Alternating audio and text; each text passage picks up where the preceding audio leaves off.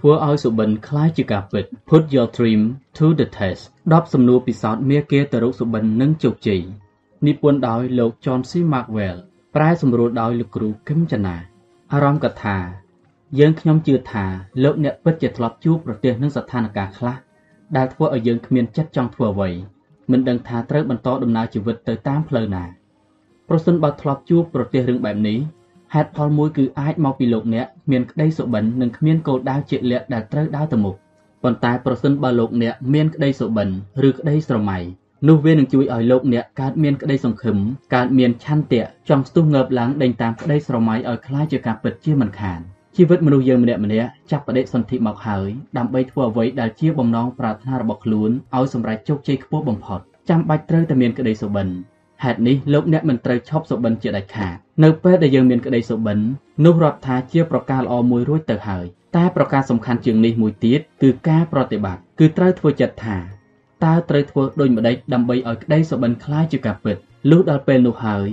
លោកអ្នកនឹងមានសំណួរមួយទៀតដែលត្រូវចោទសួរគឺតើក្តីសុបិននោះអាចคล้ายជាការពិតបានដែរឬទេត្រង់ចំណុចនេះហើយដែលសិភៅធ្វើឲ្យសុបិនคล้ายជាការពិតនេះអាចជួយលោកអ្នកបានសៀវភៅធ្វើឲ្យសុបិនคล้ายជាការពិត នឹងជួយឲ្យលោកអ្នកមើលឃើញពីគុណតម្លៃនៃសារៈសំខាន់នៃសុបិននេះ John C. Maxwell ជាអ្នកនិពន្ធសៀវភៅមួយក្បាលនេះនឹងជួយឲ្យលោកអ្នកអាចឆ្លើយបានថាតើក្តីសុបិនរបស់លោកអ្នកអាចคล้ายជាការពិតដែរឬទេអ្នកនិពន្ធបានលើកជាសំណួរ10សំណួរដូចជាតើសុបិននោះពិតជាសុបិនរបស់អ្នកមែនឬតើយើងឈានទៅចិត្តដល់សុបិនប៉ុណ្ណាហើយតើសុបិនរបស់យើងមានប្រយោជន៍ដល់អ្នកដទៃដែរឬទេនិងថាតើយើងមានផែនការឆ្ពោះទៅរកសុបិននោះហើយឬនៅជាដើម Maxwell បានបញ្ជាក់ថា បើលោកអ្នកឆ្លើយនឹងសំណួរទាំង10នោះបានហើយលោកអ្នកនឹងមានឱកាសច្រើនក្នុងការធ្វើឲ្យសុបិននោះคล้ายជាការពិតបានសម្រាប់លោកអ្នកដែលធ្លាប់អានស្នាដៃ John C. Maxwell រួចមកហើយមុខជាអាចកាត់ស្មានបានអំពីវិធីអធិប្បាយរបស់គាត់បានយ៉ាងច្បាស់មិនថាជាការលើកយកពាក្យសម្ដីឬបទពិសោធន៍របស់បុគ្គលសំខាន់លើលោកមកអធិប្បាយឬលើកយករឿងរ៉ាវបុគ្គលល្បីៗធ្វើជាគំរូសាងកម្លាំងចិត្តដល់លោកអ្នកជាដើមក្នុងសៀវភៅនេះគាត់បានលើកយករឿងរ៉ាវរបស់ Arnold Schwarzenegger, Steven Spielberg, Bob Taylor និងបុគ្គលល្បីល្បាញដទៃជាច្រើនទៀតចំណែកលោកអ្នកដែលមិនធ្លាប់អានស្នាដៃរបស់ John C. Maxwell យើងខ្ញុំសូមសំណូមពរថាមិនគួររំលងស្នាដៃរបស់គាត់ទេព្រោះគាត់គឺជាអ្នកនិពន្ធសៀវភៅបែបផ្នត់គំនិតអ្នកដឹកនាំដ៏ល្បីល្បាញម្នាក់នៅលើលោកសរសេរស្នាដៃបានជាង60ចំណងជើងនិងលក់បានរហូតដល់ជិត20លានក្បាលមកហើយយើងខ្ញុំសូមរំលឹកសារជាថ្មីថាបើលោកអ្នកមានសុបិន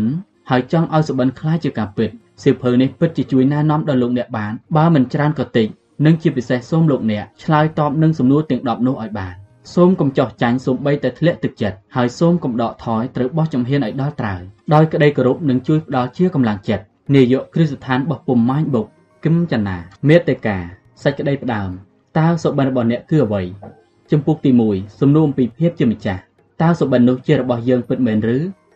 ចំពុកទី2សំណួរអំពីភាពជាក់លាក់តើយើងឃើញរូបភាពនៃសុបិនជាក់លាក់ដែរឬទេ ចំពុកទី3សំណួរអំពីសភាពពិតជាក់ស្ដែងតើយើងអាចគ្រប់គ្រងបច្ច័យផ្សេងផ្សេងដែលធ្វើឲ្យសុបិននោះសម្រេចដល់គោលដៅបានដែរឬទេជំពូកទី4សំណួរអំពីបំណងប្រាថ្នាតើសុបិននោះជំរុញឲ្យយើងខំស្វះស្វែងរកដែរឬទេជំពូកទី5សំណួរអំពីមាគាដែលត្រូវដើរតើយើងមានយុទ្ធសាស្ត្រឆ្ពោះទៅរកសុបិនហើយឬនៅជំពូកទី6សំណួរអំពីមនុស្សតើមានមនុស្សចាំបាច់សម្រាប់សុបិននោះហើយឬនៅជំពូកទី7សំណួរអំពីការចុះទុន តើយើងពេញចិត្តចុះទុនដើម្បីសុបិនដែរឬទេជំពូកទី8សំណួរអំពីការខំប្រឹងប្រែងតើយើងខិតទៅចិត្តសុបិនដល់កម្រិតណាហើយជំពូកទី9សំណួរអំពីការបំពេញក្តីសុខឲ្យជីវិតតើការធ្វើដំណើរទៅរកសុបិនធ្វើឲ្យយើងមានក្តីសុខដែរឬទេជំពូកទី10សំណួរអំពីភាពសំខាន់តើសុបិនរបស់យើងមានប្រយោជន៍ចំពោះអ្នកដទៃដែរឬទេសរុបសេចក្តីងាកក្រោយដើម្បីសម្លឹងទៅមុខសេចក្តីផ្ដើមតើសុបិនរបស់អ្នកគឺអ្វី ក្នុងមួយឆាកជីវិតនេះតើអ្នកអាចនឹងឈោងចាប់សុបិនរបស់ខ្លួនបានដែរឬទេខ្ញុំដឹងច្បាស់ថាអ្នកពិតជាចង់ទៅឲ្យដល់ហើយខ្ញុំក៏ជឿថាអ្នកសង្ឃឹមថា ខ្លួនឯងនឹងទៅដល់តែសួរថាអ្នកប្រកាសជាទៅដល់មែនឬតើអ្នកមានការជឿជាក់កម្រិតណា1ភាគ5ឬ1ភាគ100ឬ1ភាគ1លានតើអ្នកអាចនិយាយដូចម្ដេចថា វាមានឱកាសទទួលជោគជ័យឬវាបានត្រឹមតែជាសុបិនរហូតទៅតើអ្វីជាសុបិនរបស់អ្នកចង់សាកល្បងមើលដែរឬទេ មនុស្សភាគច្រើនដែលខ្ញុំស្គាល់សុទ្ធតែមានសុបិនរៀងរៀងខ្លួនតាមពិតខ្ញុំបានសាកសួរពីសុបិនរបស់មនុស្សរាប់រយរាប់ពាន់នាក់រួចមកហើយមានមនុស្សជាច្រើនពេញចិត្តនឹងឆ្លើយយ៉ាងល្អិតល្អន់លះលះស្វាហាប់តែក៏មានពួកគេមួយចំនួនធំដែរដែលស្ទាក់ស្ទើរនិយាយមិនសូវចេញហាក់ដូចជាខ្មាស់មិនហ៊ាននិយាយឲ្យលះលះច្បាស់ច្បាស់តល់តែសោះអ្នកទាំងនោះមិនហ៊ានពិសោធន៍ពីក្តីសុបិនរបស់ខ្លួនមិនដឹងថាតើអ្នកដតីសើចំអកពីសុបិននោះដែរឬទេ មិនដឹងថាខ្លួនឯងសុបិនអណ្ដែតអណ្ដូងខ្ពស់ហួសឬទៀបហួសយ៉ាងណាមិនដឹងថាតើសុបិននោះនឹងអាចទទួលជោគជ័យពិតមែនឬបានត្រឹមតែជាសុបិនដែលព្រមលិខិតកំណត់ឲ្យបរាជ័យតាំងពីដំបូងទីឬយ៉ាងណានោះទេមនុស្សភាគច្រើនមិនដឹងថាតើគួរធ្វើឲ្យសុបិនរបស់ខ្លួនទទួលជោគជ័យដោយវិធីណានោះទេឯសុបិនភាគច្រើនរបស់ពួកគេគឺការគិតបែបទូទៅថាគង់មានថ្ងៃណាមួយខ្ញុំនឹងធ្វើរឿងនេះរឿងនោះ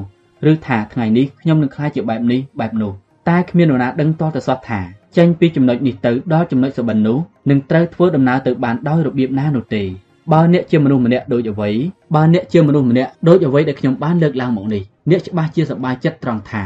នៅមានសង្ឃឹមដែរហើយខ្ញុំក៏ជឿជាក់យ៉ាងមុតមមថាសៀវភៅមួយនេះអាចជួយលោកអ្នកបានត្រូវដឹងចម្លើយមុនចាំសាឡបងតើអ្នកចាំទេ កាលនៅក្មេងមុនពេលមានការប្រឡងគ្រូតែងរំលឹកមេរៀនហើយដាស់តឿនថាត្រូវយកចិត្តទុកដាក់បន្តិចព្រោះកន្លែងនេះ នឹងចេញពេលប្រឡងគ្រូល្អៗចង់ឲ្យសិស្សសម្រេចជោគជ័យទើបគាត់តែងរំលឹកបែបនេះគាត់ចង់ឲ្យយើងត្រៀមខ្លួនដើម្បីបានពិន្ទុល្អអ្វីត្បិតតែគាត់សាកពិសោធន៍យើងតែគាត់ក៏បានត្រៀមជោគជ័យសម្រាប់យើងផងដែរសេចក្តីប្រាថ្នារបស់ខ្ញុំគឺធ្វើជាគ្រូល្អៗបែបនេះសម្រាប់អ្នកខ្ញុំចង់ឲ្យអ្នកមានគុណសម្បត្តិគ្រប់គ្រាន់ដើម្បីពិសោធន៍ពីសុបិនរបស់ខ្លួនថាតើវាអាចនឹងក្លាយជាការពិតបានដែរឬទេសួរថាតើយើងនឹងអាចបានដឹងដោយវិធីណាខ្ញុំជឿថា បើយើងដឹងថាគួរដាក់សំណួរខ្លួនឯងដូចម្ដេចយើងអាចឆ្លើយតបនឹងសំណួរបានយ៉ាងច្បាស់លាស់នោះយើងក៏អាចមានឱកាសទទួលជោគជ័យបានយ៉ាងច្រើនបើយើងអាចឆ្លើយនឹងសំណួរដោយមានទំនោរទៅរកផ្លូវវិជ្ជមានបានច្រើនប៉ុណ្ណាឱកាសក៏មានច្រើនប៉ុណ្ណោះដែរនេះគឺជាហេតុផលដែលខ្ញុំសរសេរសៀវភៅនេះឡើងគូរូបភាពសុបិនឲ្យត្រូវខ្ញុំបានសិក្សាស្រាវជ្រាវជាមួយអ្នកដែលបានទទួលជោគជ័យជាង40ឆ្នាំហើយបានស្គាល់កម្ពូលមនុស្សក៏មិនតិចដែរពួកគេទាំងអស់សុទ្ធតែធ្វើឲ្យសុបិនខ្លួនឯងបានសម្រេចគួរស្ញប់ស្ញែង ចំណែករូបខ្ញុំផ្ទាល់ក៏ធ្លាប់ជោគជ័យរឿងជាច្រើនដែរអ្វីដែលខ្ញុំបានរកឃើញគឺមនុស្សភាគច្រើនពុំសូវយល់ច្បាស់ពីសុបិនរបស់ខ្លួនយើងសាកពិនិត្យមើលពីអ្វីដែលពួកគេហៅថាសុបិននៃជីវិតហើយខំប្រឹងដេញតាម មានដូចជាសុបិនកណ្ដាលថ្ងៃចិត្តរវើរវាយក្នុងពេលកំពុងធ្វើការសុបិនខ្យល់គំនិតដែលគិតមិនឈលលើការពិតឬគ្មានមធ្យោបាយអាចសម្រេចដល់គោលដៅ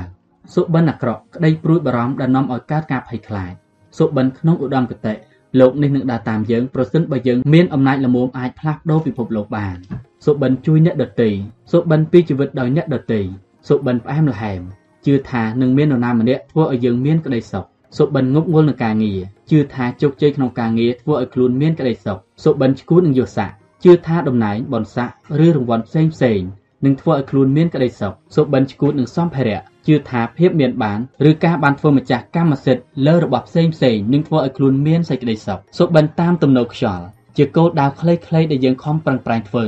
បើសុបិនដែលកើតឡើងមកនេះសុទ្ធតែមិនល្អហើយគ្មានប្រយោជន៍ចំពោះជីវិតតើសុបិនបែបណាអាចចាត់ទុកថាត្រឹមត្រូវខ្ញុំនឹងឲ្យនិយមន័យពាក្យថាសុបិនដែលនឹងត្រូវនាំយកមកសាឡបងត្រូវឆ្លងកាត់ថា សុបិនជារូបភាពអនាគតដែលជាកម្លាំងជំរុញនិងផ្ដល់មហិទ្ធិឫទ្ធិដល់គំនិតស្មារតីការតាំងចិត្តនិងអារម្មណ៍ជាចលករជំរុញឲ្យយើងធ្វើអ្វីគ្រប់យ៉ាងដើម្បីទទួលជោគជ័យសុបិនពិតប្រកបជាផែនការលំអិតនៃគោលដៅនិងសមត្ថភាពពិតរបស់យើងឬអាចមានសេចក្តីដូចឆារ៉នហាល់មិត្តភ័ក្តិរបស់ខ្ញុំនិយាយថាសុបិនគឺក្របពូជសាព្រោះក្នុងចិត្តមនុស្សដែលទាមទារឲ្យបុគ្គលម្នាក់នោះតាំងចិត្តមោះមុតនិងដើរតាមវិថីដែលធ្វើឲ្យគេបានជួបនឹងគោលដៅពិតនៃជីវិតបាន តើមានអ្វីនៅក្នុងចិត្តរបស់យើងសុបិនជារូបអារម្មណ៍ដ៏មានតម្លៃបំផុតវាជួយជំរុញទឹកចិត្តយើងឲ្យបន្តដំណើរទៅមុខទៀតបានហើយជាអ្នកផ្ដល់ធម៌ពលដ៏វិសេសធ្វើឲ្យយើងចេះខំប្រឹងប្រែងខ្នះខ្នែងនរណាក៏មានសុបិនដែរតែវានឹងទៅជាយ៉ាងណាបើសំបីតែខ្លួនឯងក៏មិនដឹងច្បាស់ថាមានសុបិនដែលនាំឲ្យទទួលជោគជ័យដែរឬទេនោះចូលប្រជុំមុខនឹងការពិតនេះព្រោះមានមនុស្សជាច្រើនដែលគ្មានសំណាងធ្វើឲ្យសុបិនរបស់ខ្លួនកើតឡើងបានហើយទន្ទឹមគ្នានេះក៏មានមនុស្សមិនតិចដែរ ដែលបានត្រឹមតែសុបិនតែគ្មានក្តីសង្ឃឹមហើយក៏សុខចិត្តបោះបង់សុបិននោះចោលទៅទទេទទេតែខ្ញុំចង់ឲ្យអ្នកទទួលដំណឹងល្អថាយើងអាចស្វែងរកឬកោះកកាយរកសុបិនពីអតីតកាលបានស្មានមិនត្រូវសុបិននោះអាចក្លាយជារឿងដ៏អស្ចារ្យបំផុតក៏ថាបានតែក៏មិនមែនមានន័យថាវាត្រូវតែធំធេងអស្ចារ្យខ្លាំងណាស់ទើបយើងតាមរកនោះទេឲ្យតែសុបិននោះវាធំជាងខ្លួនយើងក៏ជាការសមល្មមហើយដោយសម្ដីរបស់ Josie Bissett កំពូលតារាសម្ដែងពោលថា សុបិនត្រូវធំជាងយើង ហើយយើងនឹងរីកធំទៅតាមទំហំរបស់វាសុបិនត្រូវតែធំជាងខ្លួនយើង ហើយយើងនឹងរីកធំតាមវា Josie Bissett បើអ្នកជាមនុស្សបោះបង់ក្តីសង្ឃឹមបោះបង់ជំនឿលើខ្លួនឯងឃ្លាតឆ្ងាយពីសុបិនឬមិនធ្លាប់គិតថាមានសុបិនស័ក្តិសមគួរឲ្យស្វែងរកខាងក្រោមនេះជាការស្វែងយល់ពីហេតុផលងាយងាយ5ប្រការដែលធ្វើឲ្យយើងមិនអាចស្វះស្វែងរកសុបិនរបស់ខ្លួនបានតែវាអាចមានប្រយោជន៍សម្រាប់អ្នកខ្លះដែរ1 ឧបសគ្គរារាំងមិនឲ្យមានសុបិនមនុស្សជាច្រើនមានសុបិនតែត្រូវរាំងខ្ទប់ទៅវិញលោកនេះពោពេញដោយចំពោះមនុស្សដែលចូលចិត្តបំផ្លាញការគិតនិងសុបិនរបស់អ្នកដទៃពួកគេនេះគ្មានសុបិនសម្រាប់ខ្លួនឯងឲ្យតាមស្វះស្វែងរកហើយមិនពេញចិត្តនៅពេលឃើញអ្នកដទៃស្វះស្វែងដេញតាមសុបិនរបស់គេជោគជ័យរបស់អ្នកដទៃធ្វើឲ្យមនុស្សចំពោះនេះទទួលអារម្មណ៍ថាខ្លួនអន់ជាងគេគ្មានតម្លៃអ្វី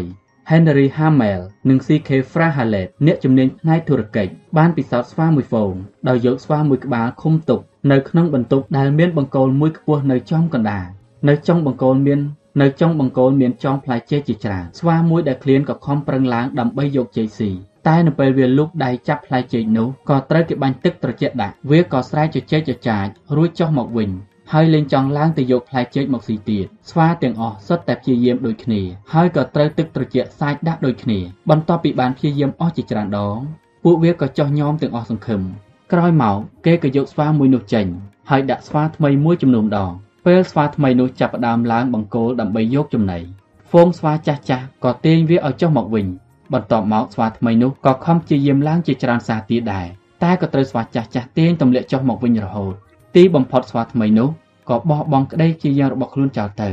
អ្នកពិសោធន៍ក៏បន្តយកស្វាចាស់ចេញហើយដាក់ស្វាថ្មីចូលជំនួសជាបន្តបន្តតែគ្រប់ពេលស្វាថ្មីឡើងទៅវាក៏ត្រូវស្វាចាស់ផ្សេងទៀតចាប់ទាញទម្លាក់មកវិញជានិច្ចទីបំផុតបន្ទប់នោះនៅសល់តែស្វាដែលមិនធ្លាប់ត្រូវគេបាញ់ទឹកត្រជាក់ដាក់ម្ដងសោះតែបែរជាគ្មានស្វាណាមួយខំប្រឹងបន្តការព្យាយាមរបស់ខ្លួនឡើយស្វាចាស់ចាស់នាំគ្នាជួយទាញស្វាថ្មីមិនឲ្យឡើងតែក៏គ្មានស្វាណាមួយដឹងហេតុផលថា ហេតុអ្វីបានជាស្វាចាស់ចាស់ទាំងនោះមិនឲ្យវាឡើងយកចេកលើបង្គោលដូចនេះទេពេលខ្លះក្នុងឆាកជីវិតរមែងមានមនុស្សចូលចិត្តទាញទម្លាក់យើងចុះមកវិញដោយឧទាហរណ៍ខាងលើពួកគេធ្វើឲ្យយើងមិនហ៊ានសុបិនឬស្រមើស្រមៃខ្ពស់ឡើយព្រោះពេលខ្លះមនុស្សក្រុមនេះមានការច្រណែននៅពេលឃើញយើងកំពុងរីកចម្រើនលេចធ្លោជាងនិងកំពុងឈោងចាប់ជោគជ័យដ៏សំខាន់បំផុតក្នុងជីវិតប៉ុន្តែពេលខ្លះអ្នកទាំងនោះមានបំណងល្អចង់ការពារបញ្ជាយើងពីអន្តរាយការឈឺចាប់ឬការខកបំណង មិនសមតាមប្រាថ្នាណាមួយផងក៏ថាបានប៉ុន្តែមិនថាដោយសារហេតុផលណាមួយនោះទេក៏ចាត់ទុកថាជាការរារាំងយើងមិនឲ្យមានសុបិនដែរកុំចុះចាញ់ឲ្យសោះព្រោះគ្មានពាក្យថាយឺតពេលនោះទេប្រសិនបើយើងចាប់ផ្ដើមសុបិនជាថ្មីហើយខំប្រឹងស្វះស្វែងដេញតាមសុបិនមិនបោះបង់វាចោលនោះពីស្ទាក់ស្ទើរព្រោះក្តីខកបំណងនឹងការឈឺចាប់ពីអតីតកាលភាពអស់សង្ឃឹមជារឿងមួយស្ថិតនៅក្នុងចន្លោះការរំពឹងទុកនិងការពិតម្នាក់ម្នាក់សុទ្ធតែធ្លាប់ប្រឈមនឹងចន្លោះនេះដូចគ្នា សុទ្ធតែជួបបទពិសោធន៍មិនល្អដែលនឹកស្មានមិនដល់យើងម្នាក់ម្នាក់ត្រូវរស់ប្រកបដោយក្តីប្រាថ្នាដែលទទួលបានការឆ្លើយតបនឹងក្តីសង្ឃឹមដែលហាក់ដូចជាស្ថិតនៅឆ្ងាយសន្លឹម ភាពអស់សង្ឃឹមទាំងនោះអាចក្លាយជាមេរោគមួយដ៏សាហាវពឹសពុលមកបំផ្លិចបំផ្លាញខ្លួនយើងបានយ៉ាងងាយបំផុត Mark Twain ជាអ្នកនិពន្ធល្បីឈ្មោះម្នាក់និយាយថាយើងគួរតែទាញយកតែចំណេះដឹងដែលស្ដែងចេញមកពីបទពិសោធន៍ហើយបញ្ឈប់ត្រឹមតែប៉ុណ្្នឹងចុះបើមិនដូច្នេះទេយើងនឹងប្រៀបដូចជាសត្វឆ្មាដែលអង្គុយលើសាឡុងនៅលើឡដ៏សែនក្តៅហើយមិនហ៊ានអង្គុយជាលើកទី2ទៀតយ៉ាងប្រកបទោះបីជាឡនោះមិនក្តៅក៏ដោយតើអ្នកចាំទេពេលបំណងមិនបានសម្រេចតាមក្តីប្រាថ្នាយើងច្រើនតែនិយាយថា ខ្ញុំនឹងមិនធ្វើបែបនេះទៀតទេនេះហើយដែលហៅថាកំហុសឆ្គងជាពិសេសពេលវាកើតឡើងចំពោះសុបិនរបស់យើងបរាជ័យគឺជាតម្លៃដែលយើងត្រូវបង់ថ្លៃដើម្បីទិញយកជោគជ័យមានមនុស្សជាច្រើនត្រូវបរាជ័យជាច្រើនលើកច្រើនសារមុននឹងទទួលបានជោគជ័យតាមសុបិនរបស់ខ្លួនលោកស្រី Margaret Thatcher អតីតនាយិកានាយករដ្ឋមន្ត្រីអង់គ្លេសធ្លាប់ពោលថាយើងអាចនឹងត្រូវប្រយុទ្ធជាច្រើនដងទម្រាំតែបានជោគជ័យម្ដង ដូច្នេះអ្វីដែលយើងត្រូវធ្វើគឺត្រូវចងចាំឃ្លាខាងលើឲ្យបានច្បាស់ហើយមិនត្រូវចោះចាញ់ជាដាច់ខាតភាពអស់សង្ឃឹមជារឿងមួយនៅចន្លោះកណ្ដាលរវាងការរំពឹងទុកនិងការពិត3ការកំណត់គោលដៅត្រឹមត្រូវល្មមល្មម Maureen Dow ជាអ្នកនិពន្ធអត្ថបទកាសែតដ៏ល្បីឈ្មោះនិយាយថា ពេលណាក៏ដោយឲ្យតែយើងកំណត់គោលដៅទៀបជាងសេចក្តីប្រាថ្នាពិតប្រាកដនោះលទ្ធផលទទួលបានប្រាកដជាទៀបជាងគោលដៅរំពឹងទុកដូច្នេះដាច់ខាតយើងត្រូវកំណត់គោលដៅឲ្យខ្ពស់ជាងក្តីសុបិនត្រឹមតែល្មមល្មមព្រោះយើងគ្មានមធ្យោបាយធ្វើឲ្យសុបិនសម្រេចជោគជ័យបានឡើយបើគ្មានការប្រថុយទៅនោះជោគជ័យនឹងការប្រថុយតែងមកជាគូនឹងគ្នាប្រសិនបើកំណត់សុបិនដែលគ្មានកម្លាំងជំរុញទឹកចិត្ត ឬសុបិនស្ទាក់ស្ទើរត្រឹមតែល្មមល្មមទីបំផុតក្រោយពីបានទទួលលទ្ធផលយើងប្រកាសជាបានត្រឹមតែទម្លាក់កំហុសនេះឲ្យអ្នកដទៃឬបានត្រឹមតែបន្ទោសមេឃបន្ទោសដីប៉ុណ្ណោះប៉ុន្តែតាមពិតមានមនុស្សមួយចំនួនធំនៅតែតាំងគោលដៅរបស់ខ្លួនត្រឹមតែពាក់កណ្ដាលនៃក្តីសុបិនដដែល D. Bruce Lockerbie ជាអ្នកគ្រប់គ្រងស្ថាប័ន Pedia ស្ថាប័នផ្ដល់ប្រឹក្សាពាណិជ្ជកម្មផ្ដោតលើការអភិវឌ្ឍធនធានមនុស្សនិងភាពជាអ្នកដឹកនាំនិងជាអតីតអ្នកគ្រប់គ្រងមូលនិធិ Thomas F. Stanley នៃស្ថាប័នអ្នកជំនាញការនៅមហាវិទ្យាល័យ Stony Brook នៅបូរីញូវយ៉កនិយាយថាការកំណត់គោលដៅត្រឹមតែល្មមល្មមមិនមែនជាបញ្ហាលំដាប់ថ្នាក់ជាតិបញ្ហាសង្គមបញ្ហាក្នុងស្ថាប័នឬបញ្ហាកម្រិតផ្នែកអ្វីទេតែវាជាបញ្ហាបុគ្គលប៉ុណ្ណោះការអប់រំរបស់សហរដ្ឋអាមេរិកមិនបានឯកភាពតែមួយគត់នោះទេយើងមានសិស្សរាប់លាននាក់ដែលសិក្សាមកពីបណ្ដាគ្រូរាប់លានខុសៗគ្នាទទួលសេវាពីមន្ត្រីសេវាកម្មរាប់លាននាក់និងប្រើមេរៀនជាមួយសម្ភារៈបង្រៀនដែលអ្នកវិទ្យាសាស្ត្រ និងផលិតកររាប់លានបានរចនាម៉ូដទុកឲ្យហើយយើងត្រូវចំណាយទៅលើសម្ភារៈទាំងនោះរាប់ពាន់លានដុល្លារការសិក្សារបស់អាមេរិកប្រកបដោយបច្ចេកទេសដូច្នេះការសិក្សាមិនមែនរឿងត្រឹមតែល្មមល្មមដោយខ្លួនវានោះទេ តែវាអាស្រ័យលើការសម្រេចចិត្តរបស់មនុស្សថាវិការក៏ចេះតែធ្វើតាមយថាកម្មឯសាលារៀនក៏ពុំមែនជាអ្វីដែលជារឿងល្មមល្មមដែលវាអាស្រ័យលើនាយកសាលាចំណែកគ្រូបង្រៀននិងសិស្សក៏បង្រៀននឹងរៀនបានត្រឹមតែពាក្យកណ្ដាលនៃចិត្តដែរដូច្នេះយើងឃើញយ៉ាងច្បាស់ថា ភាពល្មមល្មមជារឿងមួយមានលក្ខណៈជាបុគ្គលដែលជំរុញឲ្យព្រមទទួលយកនៅអ្វីដែលមិនបានល្អបំផុតដោយថែមទាំងនិយាយបន្ទោថាបានប៉ុណ្ណេះក៏គ្រប់គ្រាន់ហើយរហូតធ្វើឲ្យភាពល្មមល្មមជ្រាបចូលទៅក្នុងប្រព័ន្ធនយោបាយប្រទេសជាតិធ្លាក់ចូលក្នុងស្ថានភាពប្រថុយប្រថានដូច្នេះត្រូវចងចាំចំណុចថា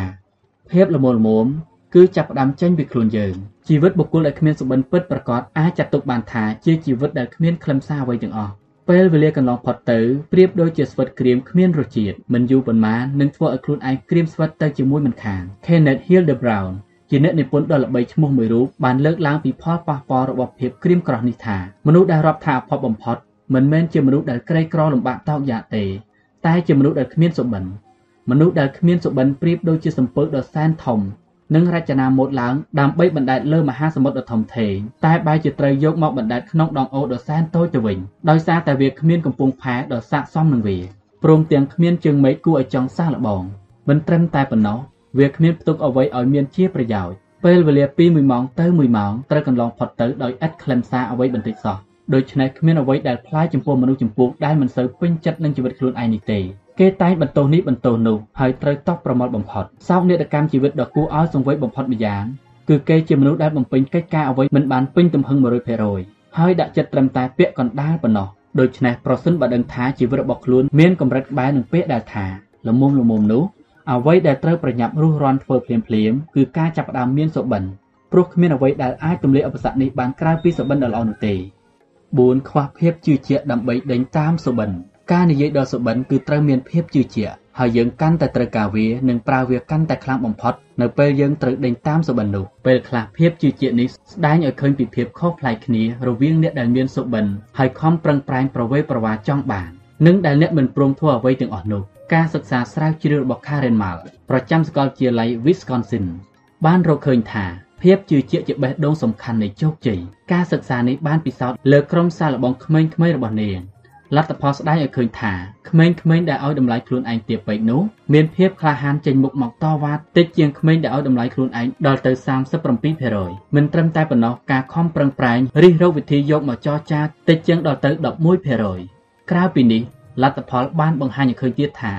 ក្មេងៗដែលមើលឃើញគុណតម្លៃរបស់ខ្លួនឯងច្រើនជាងនោះសុទ្ធតែពេញចិត្តប្រថុយក្នុងការចរចាច្រើនជាងហើយក៏មានសមត្ថភាពខ្ពស់ក្នុងការសម្របខ្លួនច្រើនជាងដែរ ឬអាចនិយាយបានម្យ៉ាងទៀតថាកាន់តែមានភាពជឿជាក់លើខ្លួនឯងប៉ុណ្ណា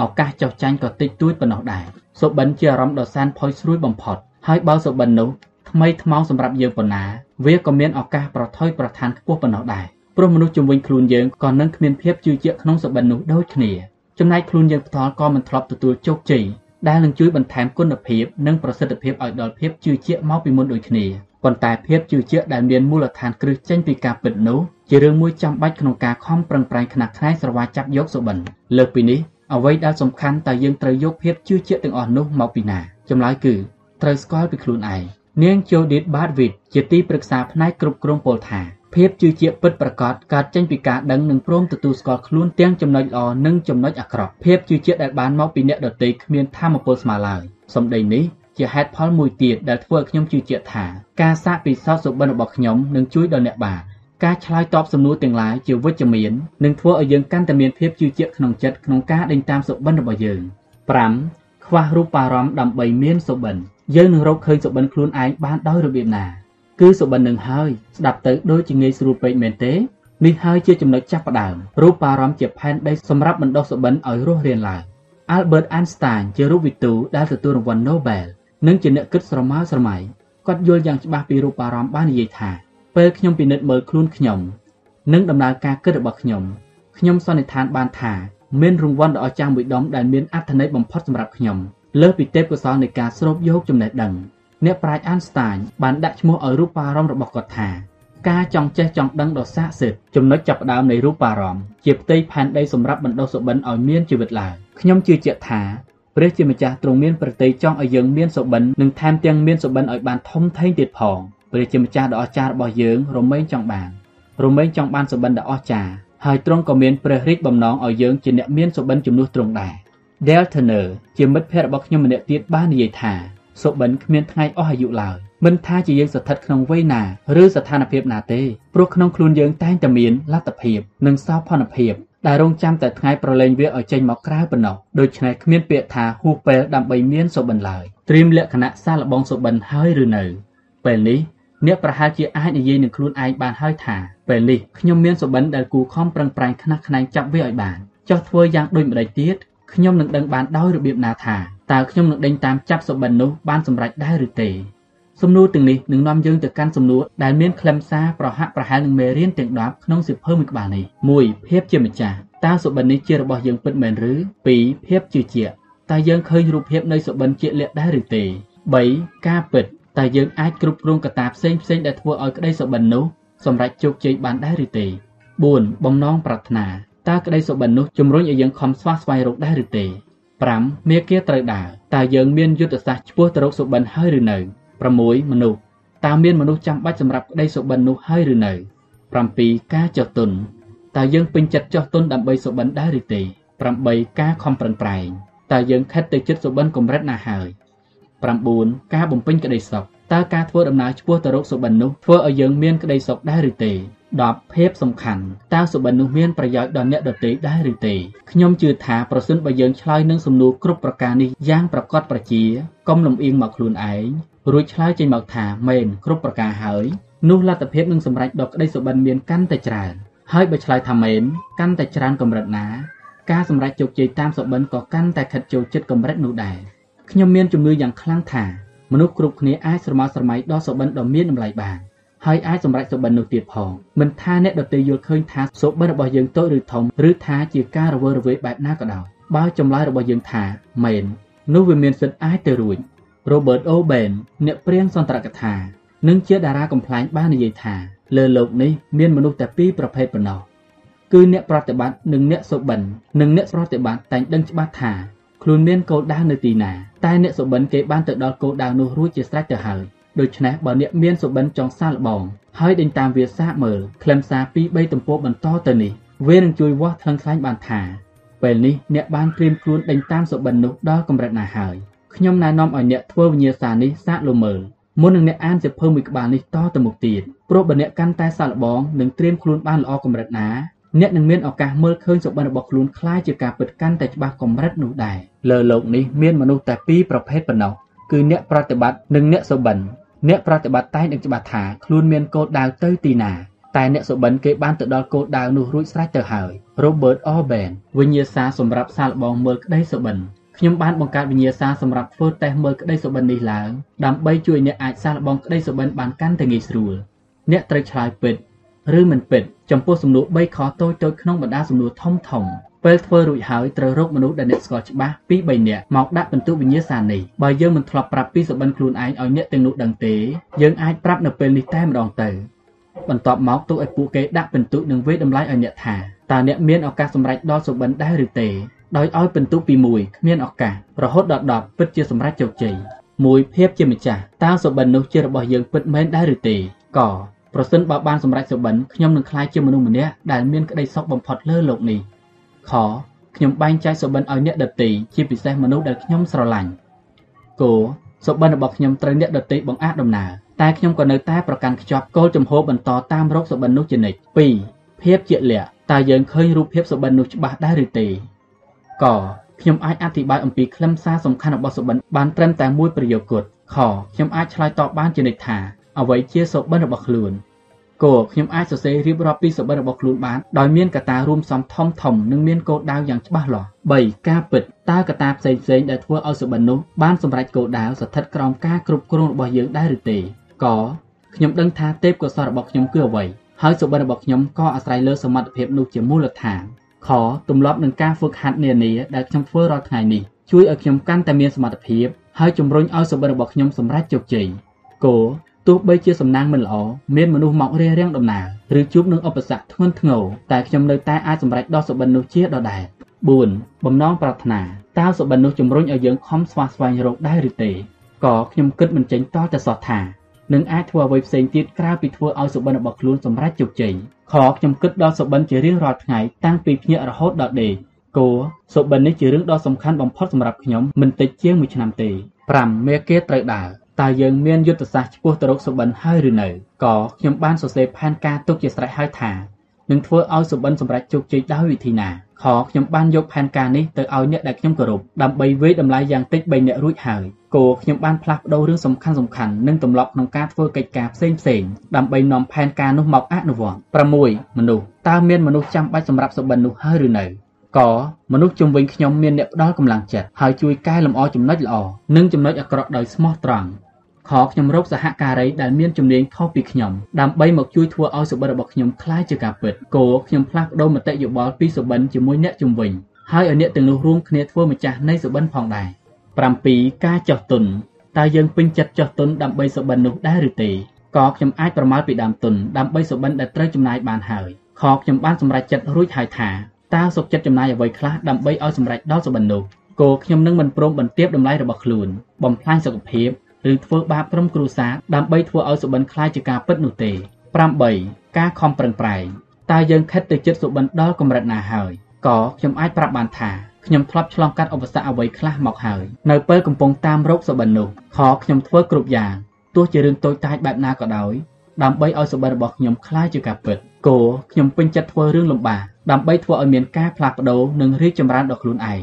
ហើយធ្វើដំណើរទៅសម្រេចដល់សុបិន9 ការបំពេញក្តីសុខតើការធ្វើអ្វីផ្សេងផ្សេងឆ្ពោះទៅរកសុបិននោះធ្វើឲ្យយើងមានក្តីសុខដែរឬទេក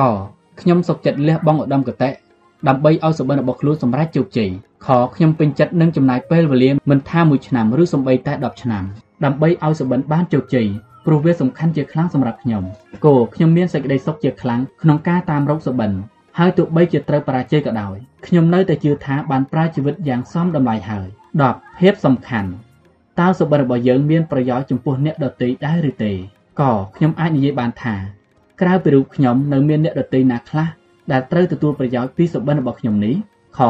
ខ្ញុំព្យាយាមបង្កើតក្រុមដែលមានចិត្តសម្រេចសុបិនជាមួយគ្នាប្រកបដោយឯកភាពគោលអ្វីដែលខ្ញុំធ្វើដើម្បីឲ្យសុបិនខ្លាយជាការពិតនោះនឹងផ្ដល់ផលបន្ត5ឆ្នាំ20ឆ្នាំឬដល់100ឆ្នាំទៅមុខទៀតបើអ្នកអាចឆ្លើយថាពិត បានគ្រប់សំណួរនោះឱកាសដែលសុបិនរបស់អ្នកនឹងបង្កើតចេញជាផ្លែផ្កាក៏នឹងមានច្រើនដូចគ្នាបើមានករណីណាមួយដែលអ្នកឆ្លើយថាមិនពិតអ្នកត្រូវវិលមកពិនិត្យខ្លួនឯងវិញថាតើខ្លួនអ្នកបានឆ្លើយនឹងសំណួរទាំងនោះដោយស្មោះត្រង់នឹងចំហពិតរបស់ខ្លួនដែរឬទេត្រូវប្រើពេលវេលាជាមួយវាឲ្យច្រើនបន្តិចហើយសាកល្បងឆ្លើយកន្ទុយសំណួរនៃចម្ពោះនីមួយៗជាបន្តបន្ទាប់យើងគួរពិគ្រោះនឹងមនុស្សទាំង3នាក់ដែលវេតម្លៃលើសំណួរនេះថាតើចម្លើយរបស់ពួកគេដូចគ្នានឹងចម្លើយអ្នកដែរឬទេបើមិនត្រូវគ្នាទេ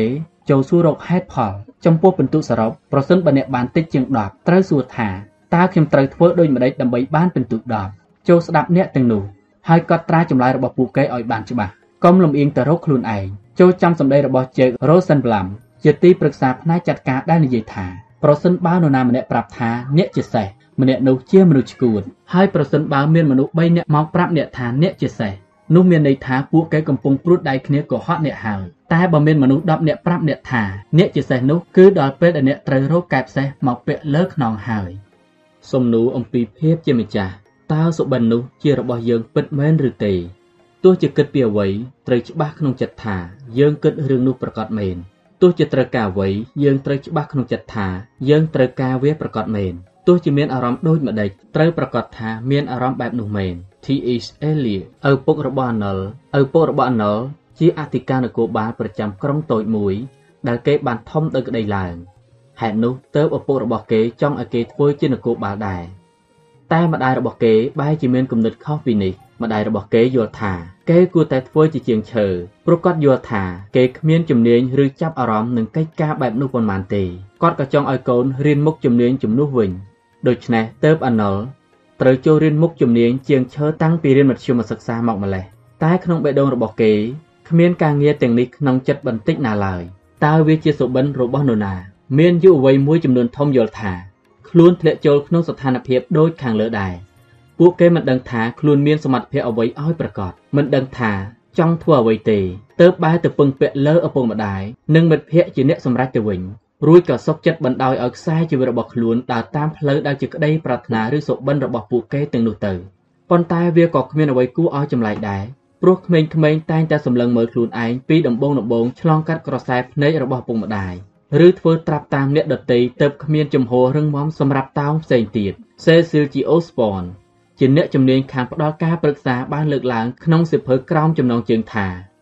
The Art of Understanding Yourself ថា ក្មេងៗនៅមិនទាន់អាចមើលឃើញខ្លួនឯងឲ្យបានច្បាស់នៅឡើយអ្វីដែលពួកគេឃើញគ្រាន់តែជាស្រមោលខ្លួនឯងដែលឆ្លុះបញ្ចាំងពីការវេតម្លៃរបស់ឪពុកម្ដាយប៉ុណ្ណោះដូច្នេះក្មេងៗដែលត្អូញត្អែដដែលដដែលថាខ្លួនមិនល្អខ្ជិលច្រអូសល្ងងខ្លៅខ្មាស់អៀនច្រើនឬមានអាកប្បកិរិយាឆ្កំឆ្គងខុសទំនង ក៏មានទំនោរនឹងคล้ายទៅជាបែបនោះតាមឪពុកម្ដាយឬបុគ្គលដែលមានឥទ្ធិពលដទៃទៀតកំណត់ឲ្យទៅជាបែបនោះមានមនុស្សមិនតិចទេដែលមិនធ្លាប់ស្គាល់ថាអ្វីទៅគឺជាម្ចាស់លើខ្លួនឯងពិតប្រាកដអ្វីខ្លះដែលខ្លួនឯងគួរធ្វើ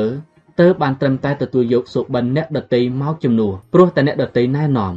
ឬមកពីខ្លួនឯងមិនដឹងធ្វើអ្វីឲ្យប្រសើរជាងនេះតើមានប៉ុន្មានអ្នកហើយដែលចូលរៀនផ្នែកនីតិសាស្ត្រទៅតាមបំណងឪពុកម្ដាយតើមានប៉ុន្មានអ្នកហើយដែលរៀបការតាមចិត្តឪពុកម្ដាយ តើមានប៉ុន្មានអ្នកហើយបែរត្រូវធ្វើការផ្សេងផ្សេងជាជាងការស្រវាចាប់សុបិនរបស់ខ្លួនដែលចង់ធ្វើការផ្នែកភាពយន្តឬតារាសម្ដែងនោះពេលយើងឃើញអ្នកដែលស្ថិតក្នុងវ័យកណ្ដាលផ្លាស់ប្ដូរការងារយើងស្ទើរតែទស្សន៍ទាយបានច្បាស់ថាបុគ្គលនោះប្រើជីវិតតាមសុបិនអ្នកដតីវង្វេងផ្លូវជ្រុលទៅហើយតែទោះបីជាការផ្លាស់ប្ដូរនោះអាចធ្វើឲ្យខ្សែជីវិតរអាក់រអួលតែអ្នកទាំងនោះក៏នៅមានសំណាងល្អជាជាងអ្នកដែលមិនធ្លាប់រកឃើញ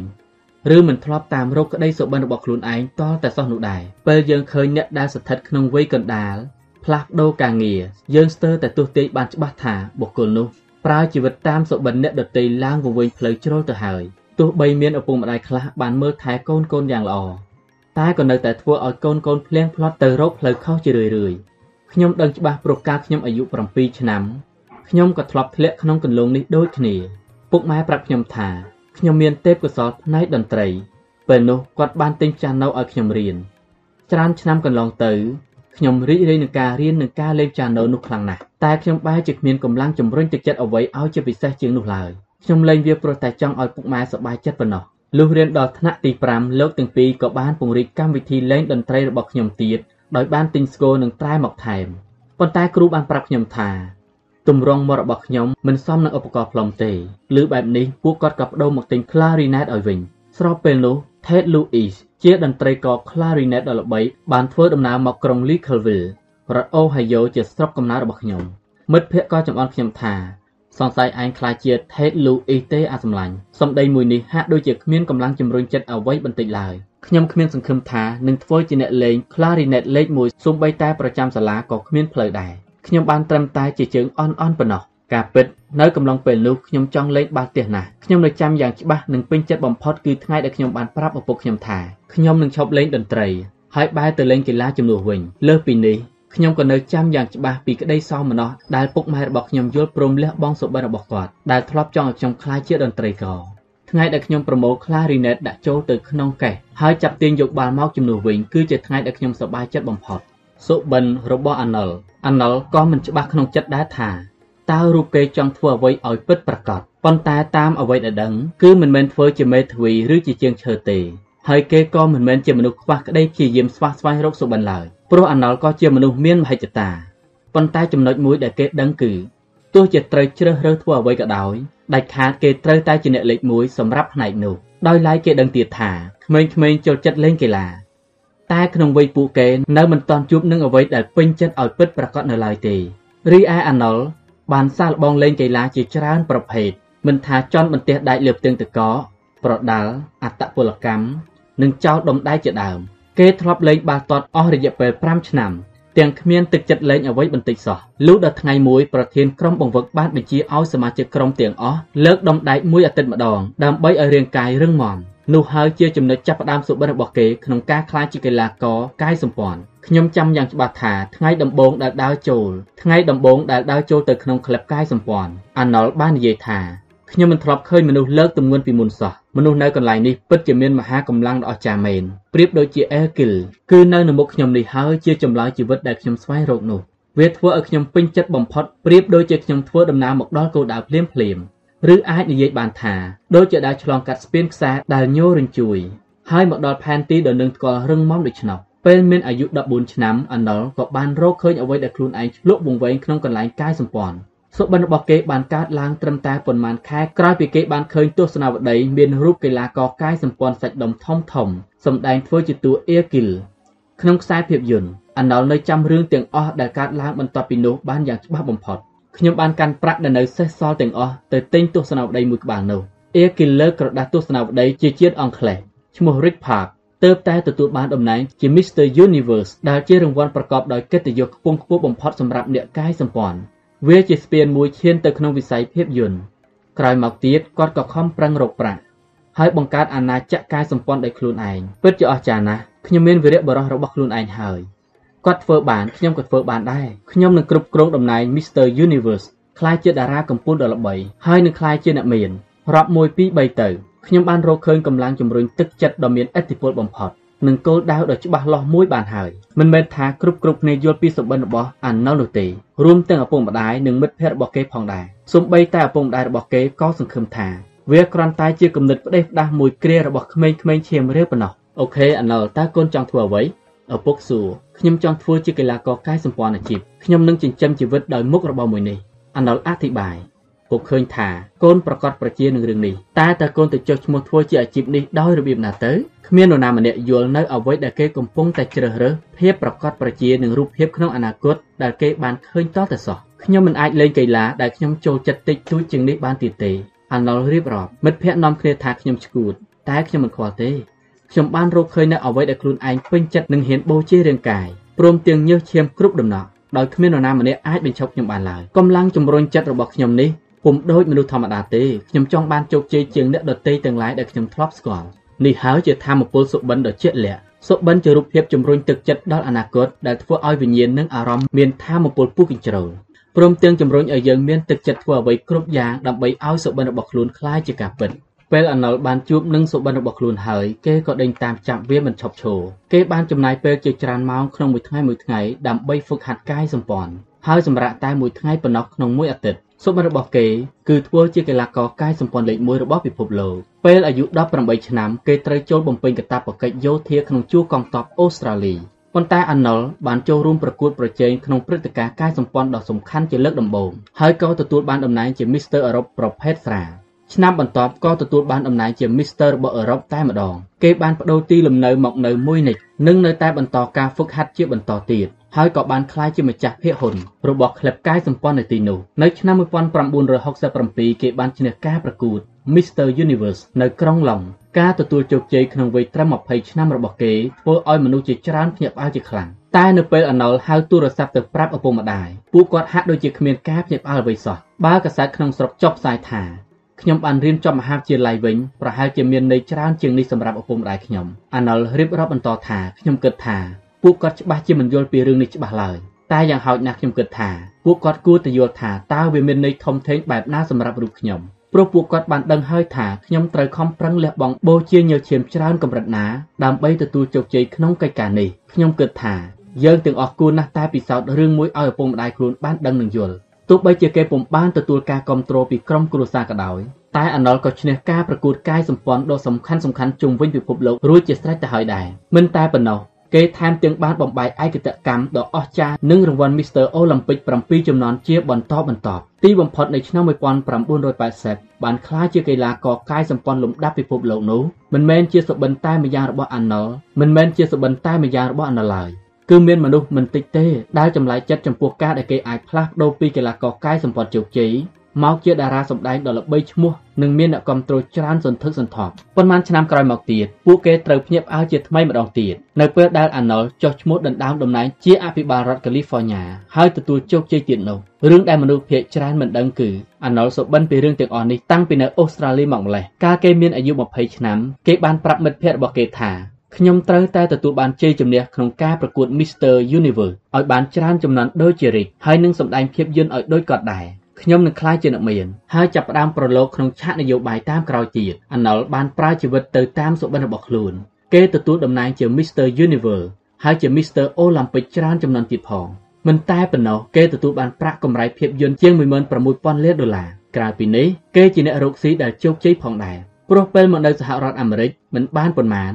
គេក៏ចាប់ផ្ដើមសន្សំប្រាក់ហើយបានវិនិយោគទុនទៅលើផ្នែកអចលនទ្រព្យលេងហ៊ុននិងពាណិជ្ជកម្មផ្សេងផ្សេងទៀតជាច្រើនដ៏ឆ្លៀសវៃបំផុតយើងអាចហៅគេបានថាជាមហាសេដ្ឋីលុយរាប់ពាន់លានដុល្លារបានយ៉ាងពេញមាត់ព្រោះទ្រព្យសម្បត្តិរបស់គេមានតម្លៃដល់ទៅ800លានដុល្លារហើយទីបំផុតគេបានក្លាយជាថ្នាក់ដឹកនាំផ្នែកនយោបាយ Arnold Schwarzenegger មានសុបិនផ្ទាល់ខ្លួន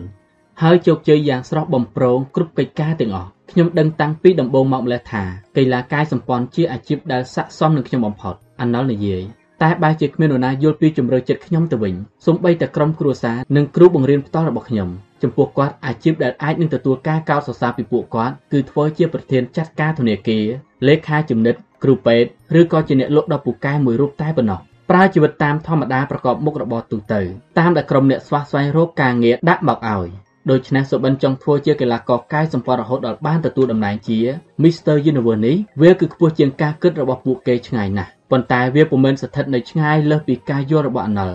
រួមទាំងសមត្ថភាពរបស់គេទេនេះដោយសារតែគេអាចឆ្លើយនឹងសំណួរភាពជាម្ចាស់ការលើខ្លួនឯងបានយ៉ាងប្រចាស់សុបិនអាចសម្រេចបានបើវាជារបស់យើងតើអ្នកអាចឆ្លើយនឹងសំណួរនៃភាពជាម្ចាស់បានដូចម្តេចសុបិននោះពិតជារបស់អ្នកមែនឬចង់សាកល្បងវាមើលទេ អ្នកខ្លះមិនខ្វល់នឹងក្តីប្រាថ្នារបស់ខ្លួនដោយនិយាយថាមនុស្សយើងត្រូវមានហេតុផល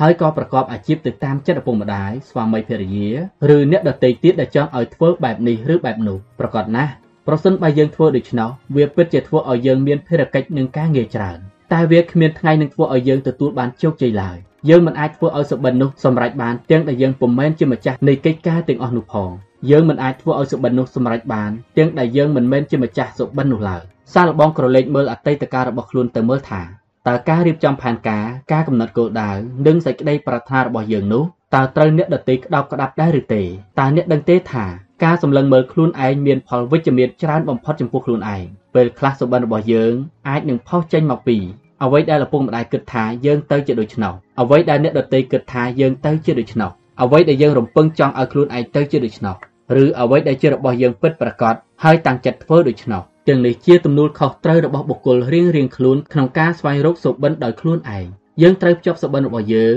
ហើយប្រើជីវិតទៅតាមអ្វីដែលព្រះជាម្ចាស់បានកំណត់ឲ្យយើង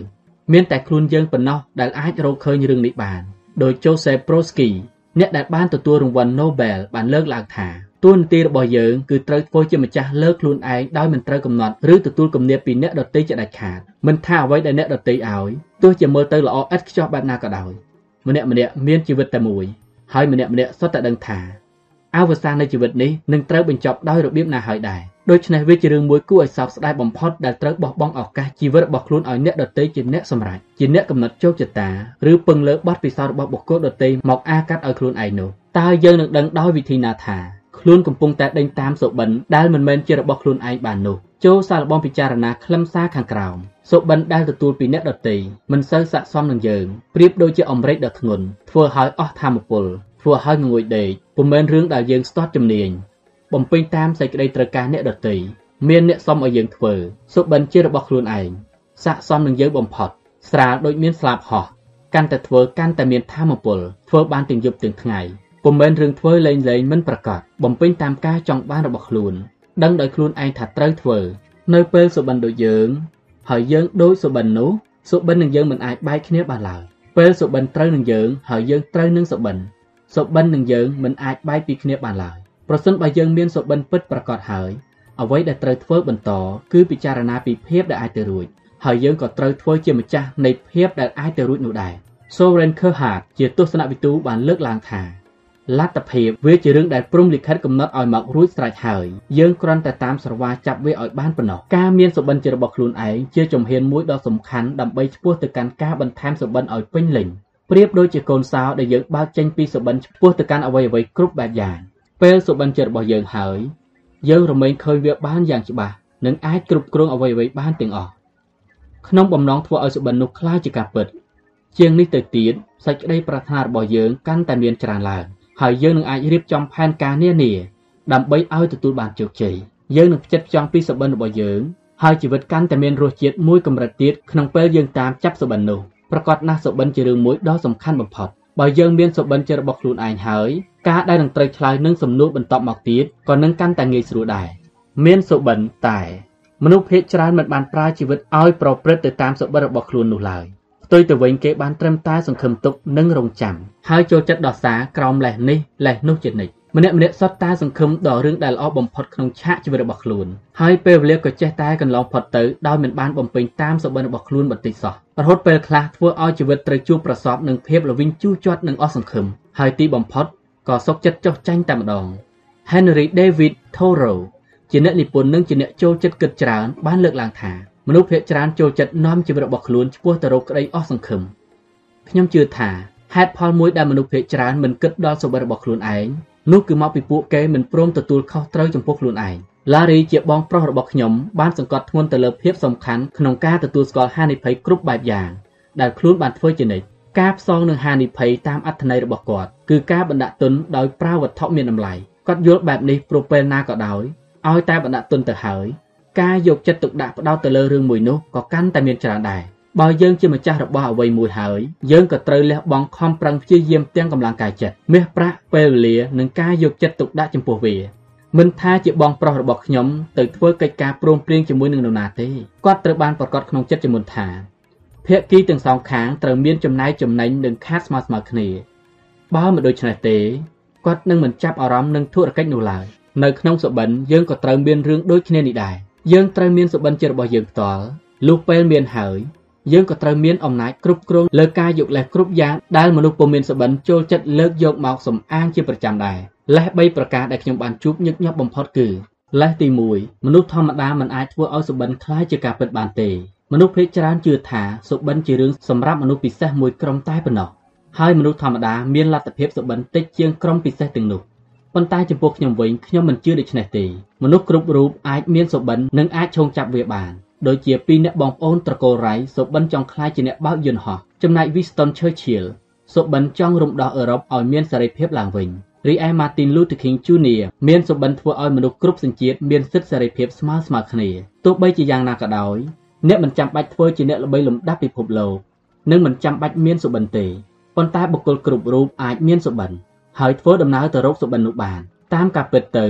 ការចេះខំប្រឹងខ្នះខ្នែងតាមចាប់សុបិននោះទៅវិញទេដែលជាអ្នកបែងចែកគម្លាតរវាងមនុស្សធម្មតានិងមនុស្សពិសេសមនុស្សធម្មតាក៏អាចប្រើជីវិតឲ្យបានពិសេសមនុស្សធម្មតាក៏អាចប្រើជីវិតឲ្យពិសេសបានដោយការដេញចាប់យកសុបិននោះមានសំណួរសួរថាហេតុអ្វីចម្លើយគឺព្រោះសុបិននោះជាគ្រឿងជំរុញទឹកចិត្តឲ្យយើងមានការផ្លាស់ប្ដូរដ៏ពេញលេញនិងមានសារៈសំខាន់បំផុតក្នុងឆាកជីវិតរបស់យើង យើងមិនចាំបាច់ត្រូវផ្លាស់ប្ដូររូបភាពខ្លួនឯងដើម្បីដេញតាមចាប់សុបិននោះទេតែការតាមស្វែងរកសុបិនត្រូវការផ្លាស់ប្ដូរម្ដងបន្តិចម្ដងបន្តិចគឺផ្លាស់ប្ដូរខ្លួនយើងនិងអ្វីដែលយើងអាចធ្វើទៅបានសុបិនមានទាំងគោលដៅនិងអ្វីដែលជួយជំរុញឲ្យកើតមានការផ្លាស់ប្ដូរលេសទី2សុបិនតូចតាចគ្មានតម្លៃល្មមឲ្យខំតាមស្វែងរកឡើយយើងមិនគួរវេតម្លៃសុបិនទៅលើទំហំរបស់វាទេព្រោះទំហំរបស់សុបិនមិនបានបង្ហាញពីតម្លៃរបស់សុបិនទេ មិនចាំបាច់ធំអស្ចារ្យពេកតែសូមឲ្យតែវាជារបស់យើងទៅបានហើយ Dan Ryan ជាមិត្តភ័ក្តិរបស់ខ្ញុំម្នាក់ទៀតបាននិយាយអំពីមនុស្សម្នាក់ដែលបានមកចូលរួមក្នុងពិធីជប់លៀងរបស់គាត់ហើយបាននិយាយជាមួយមិត្តភ័ក្តិថាអ្វីដែលខ្ញុំចង់ខ្លាចជារឿងរហូតមកគឺជាឪពុកដ៏ល្អម្នាក់ពេលនោះគ្មាននរណាម្នាក់រិះគន់គេថាមានសុបិនតូចទាបឬគ្មានខ្លឹមសារឡើយប៉ុន្តែអ្វីដែលពិសេសជាងនេះទៀតគឺអ្នកស្ដាប់បានលើហើយបែរជានាំគ្នាមានទឹកភ្នែករលីងរលោងទៅវិញ ព្រោះបរិះម្នាក់នេះនិយាយចេញមកពីក្រអៅបេះដូងពិតពិតសុបិនរបស់គាត់មិនមែនជារឿងធំដុំអ្វីទាំងអស់តែជាសុបិនដែលពោពេញដោយមហិទ្ធិឫទ្ធិអ្វីដែលធំជាងនេះមិនប្រកាសថាវាធំជារឿងរហូតនោះទេទំហំឬຂະຫນាតពុំមែនសម្រាប់វាស់ស្ទង់វត្ថុមានតម្លៃឡើយលេសទី3មិនទាន់ដល់ពេលតាមស្វែងរកសុបិនទេលេសដែលតែងជួបជាញឹកញាប់ចំពោះអ្នកដែលគ្មានសុបិនហើយមិនព្រមដេញតាមសុបិនគឺពេលវេលាអ្នកខ្លះប្រាប់ថាពេលវេលាលឿនពេក មនុស្សចម្ពោះនេះរមែងរងចាំពេលអនុញ្ញាតដើម្បីឲ្យតាមចាប់សុបិនពាក្យថាអនុញ្ញាតនេះគឺមានតែខ្លួនយើងម្នាក់ប៉ុណ្ណោះដែលចេញបញ្ជាបានបុគ្គលខ្លះដូចជាអនុជាដើមបានមើលឃើញសុបិនរបស់ខ្លួនហើយតាមចាប់វាភ្លាមមួយរំពេចជាក់ស្ដែងដោយសម្ដីរបស់ Will Ilbach ជាអ្នកនិពន្ធដ៏ល្បីឈ្មោះបាននិយាយថាយុវវ័យដែលនៅមិនទាន់ដឹងក្តីរាក់ជ្រៅគេនឹងព្យាយាមធ្វើនៅរឿងដែលមិនអាចទៅរួចរហូតទទួលជោគជ័យជាបន្តបន្ទាប់អស់ច្រើនចំនួនមកហើយ មនុស្សមួយចំនួនបែរជាភ័យខ្លាចថាយឺតពេលហើយដែលត្រូវដេញតាមសុបិនទីបំផុតគេក៏ចោះចាញ់ប៉ុន្តែចំពោះខ្ញុំខ្ញុំជឿតាមសម្ដីរបស់កវីនិពន្ធ George Eliot ដែលថាគ្មានពាក្យថាយឺតពេលសម្រាប់អ្វីដែលយើងចង់នោះទេយុវអ្វីដែលមិនទាន់ដឹងក្តីរាក់ជ្រៅគេនឹងព្យាយាមធ្វើរឿងដែលមិនអាចទៅរួចរហូតទទួលជោគជ័យពីមួយចំនួនទៅមួយចំនួន World is back Jim Carrey កំពូលតារាសម្ដែងអារម្មណ៍ល្អដែលធ្លាប់ជួបរឿងត្រូវប្រឈមនឹងឧបសគ្គតាំងពីគ្រាដំបូងក្នុងការសម្ដែងតូលលើវេទិកាគេបាននិយាយថាពេលណាក៏ដោយឲ្យតែមានអារម្មណ៍ចង់ចោះចាញ់ក្តីសុបិនចង់ធ្វើជាអ្នកសិល្បៈគេតែងតែនឹកគិតដល់ Rodney Dangerfield ដែលបានប្រើក្តីព្យាយាមរាប់សិបឆ្នាំរហូតឈានដល់ចំណុចកំពូលនៃអាជីពរបស់ខ្លួនខ្ញុំសម្ដែងតូលលើវេទិកាអស់រយៈពេល15ឆ្នាំ Carey និយាយមានរឿងមួយដែលធ្វើឲ្យខ្ញុំមានអំណត់ធន់ធ្វើបន្តទៀតគឺការគិតថា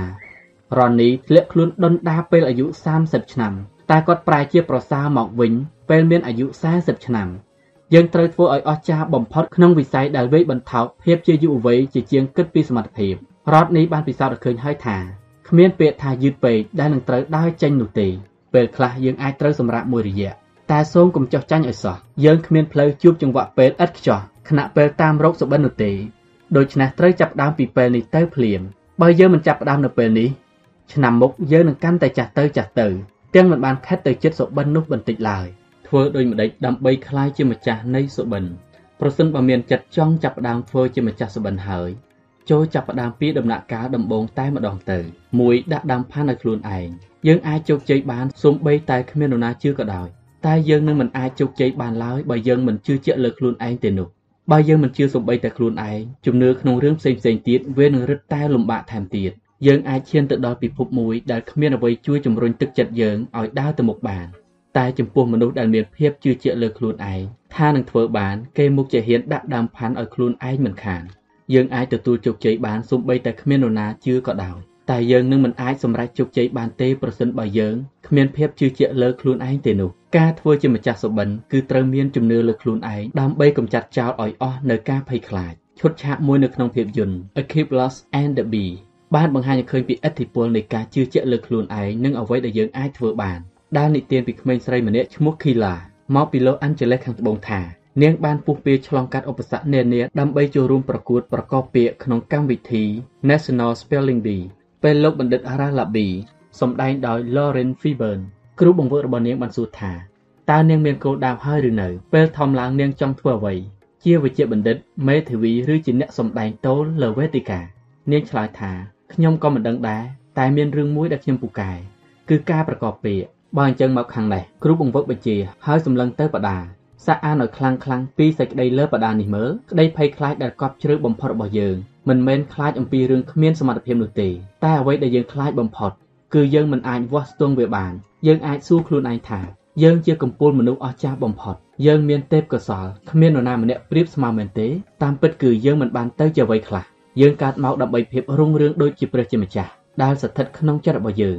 ហើយនៅពេលដែលយើងសុខចិត្តឲ្យពន្លឺរបស់យើងភ្លឺចិញ្ចាចចេញមកយើងនឹងក្លាយជាបុគ្គលគំរូឲ្យអ្នកដទៃធ្វើដំរាប់តាមទាំងខ្លួនយើងមិនដឹងខ្លួនទៀតផងតើសេចក្តីនេះមានអត្ថន័យចំពោះនាងដែរឬទេឡារ៉ាប៊ីស៊ូហើយតើមានអត្ថន័យដូចម្ដេចខ្ញុំមិនគួរខ្លាចទេក្មេងស្រីឆ្លើយខ្លាចអីទៅនាងគឺខ្លាចខ្លួនឯងយើងនឹងគ្មានថ្ងៃជឿលើសុបិនបានទេបើយើងមិនជឿលើខ្លួនឯងជាមុននោះ Jack Canfield ជាអ្នកនិពន្ធរួមក្នុងសៀវភៅ Check and Show for the Show បាននិយាយតាក់ទងនឹងរឿងនេះដែរថា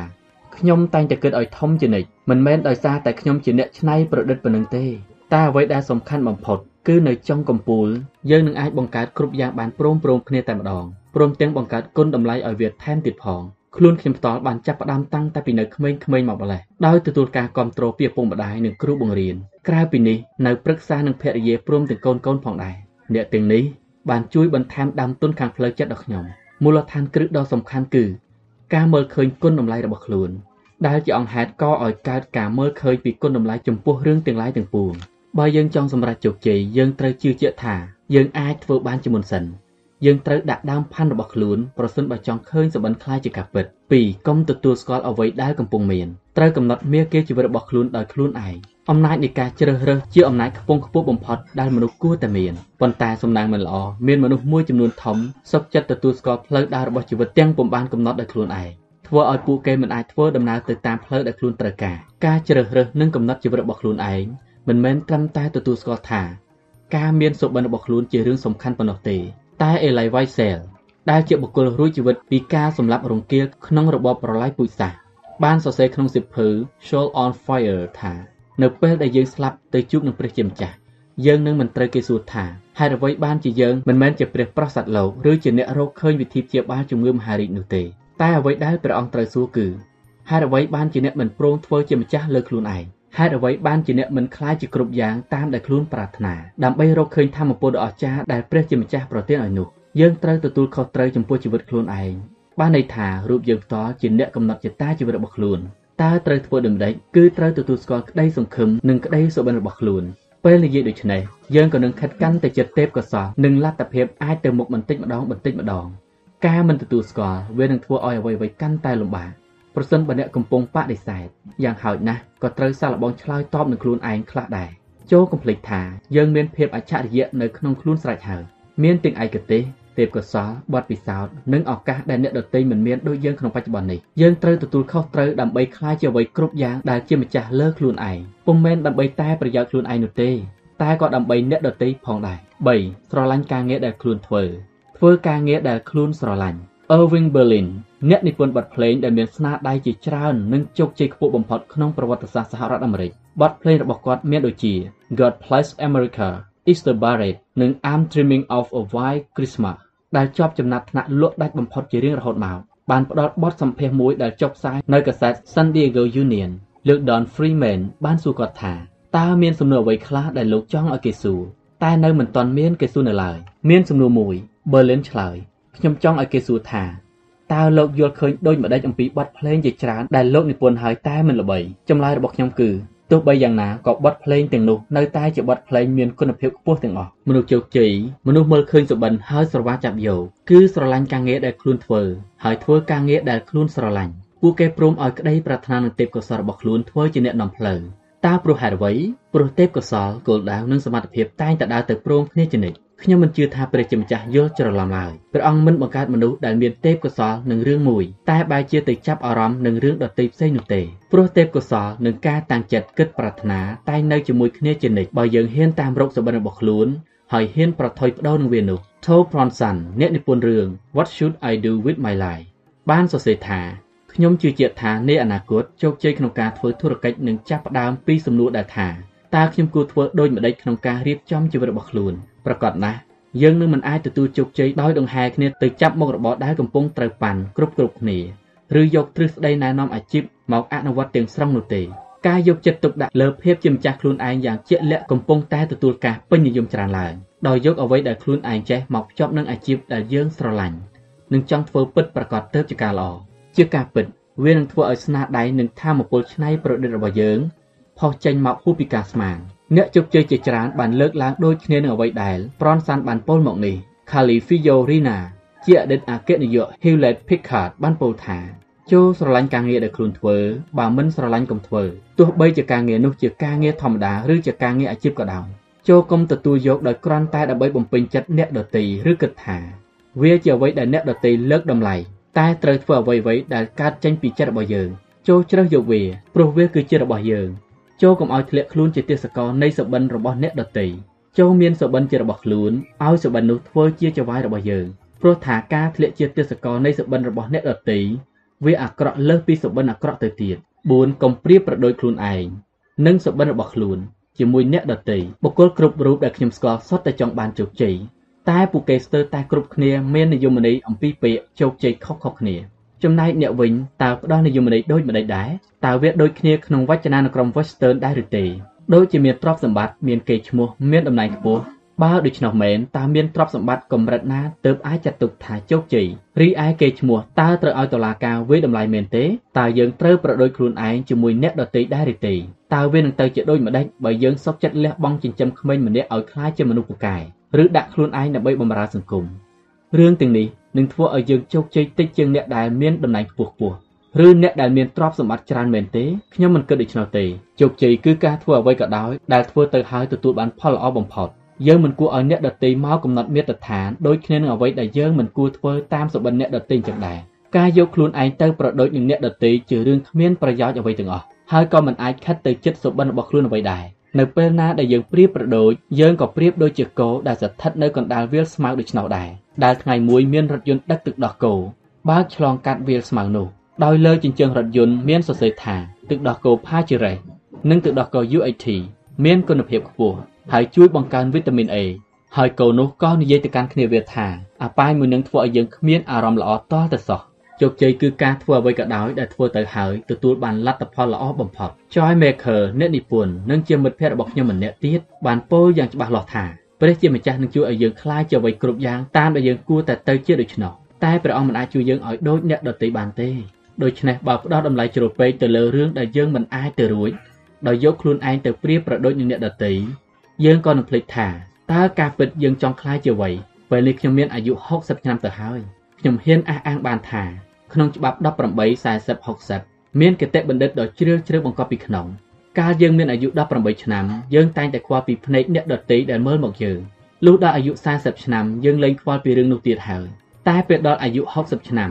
ទើបយើងដឹងច្បាស់ថាគ្មាននរណាម្នាក់ចាប់ភ្លឹកមើលយើងតាំងពីដំបូងមកម្លេះ5ចូលជឿទៅលើរូបភាពអនាគតកាលដែលយើងមើលឃើញទោះជាអ្នកដទៃមិនយល់ពីយើងក៏ដោយយើងមិនមែនកើតមកដោយចៃដន្យនោះទេ តែយើងកើតមកដោយហេតុផលមួយចំនួន Ravaldo Emerson បាននិយាយថាការជឿជាក់លើខ្លួនឯងជាគន្លឹះដំបូងសម្រាប់ជោគជ័យត្រូវជឿថាយើងកើតមកព្រោះតែមានអំណាចស័ក្តិសិទ្ធិបំផុតនៃចក្រវាឡកំណត់ឲ្យយើងមកកើតហើយមានទួនាទីពិសេសជាប់មកជាមួយផងបើយើងបំពេញទួនាទីនេះបានក៏ចាត់ទុកថាយើងទទួលជោគជ័យហើយ ទោះបីជាយើងមានសមត្ថភាពនិងក្របពូជគោលដៅក្នុងខ្លួនសពគ្រប់អស់ទៅហើយក្តីអ្នកដទៃអាចមិនយល់ពីយើងក៏មានតែយើងមានរូបភាពអនាគតនៅក្នុងចិត្តរួចស្រេចហើយដូចជាអណលជាផុសតាំងស្រាប់អ្នកដទៃអាចយល់ឃើញថាយើងជាមនុស្សមានមហិច្ឆតាជ្រុលក្អេងក្អាងតែសូមកុំឲ្យគំនិតទាំងអស់នោះคล้ายជាឧបសគ្គមិនឲ្យយើងคล้ายជាម្ចាស់សុបិនដើម្បីបោះជំហានទៅរកវាឲ្យសោះ Inna Quinlan អ្នកសារព័ត៌មានទទួលរង្វាន់ Pulitzer ឆ្នាំ1992 មានសុបិននិងមានរូបភាពអនាគតនៅក្នុងចិត្ត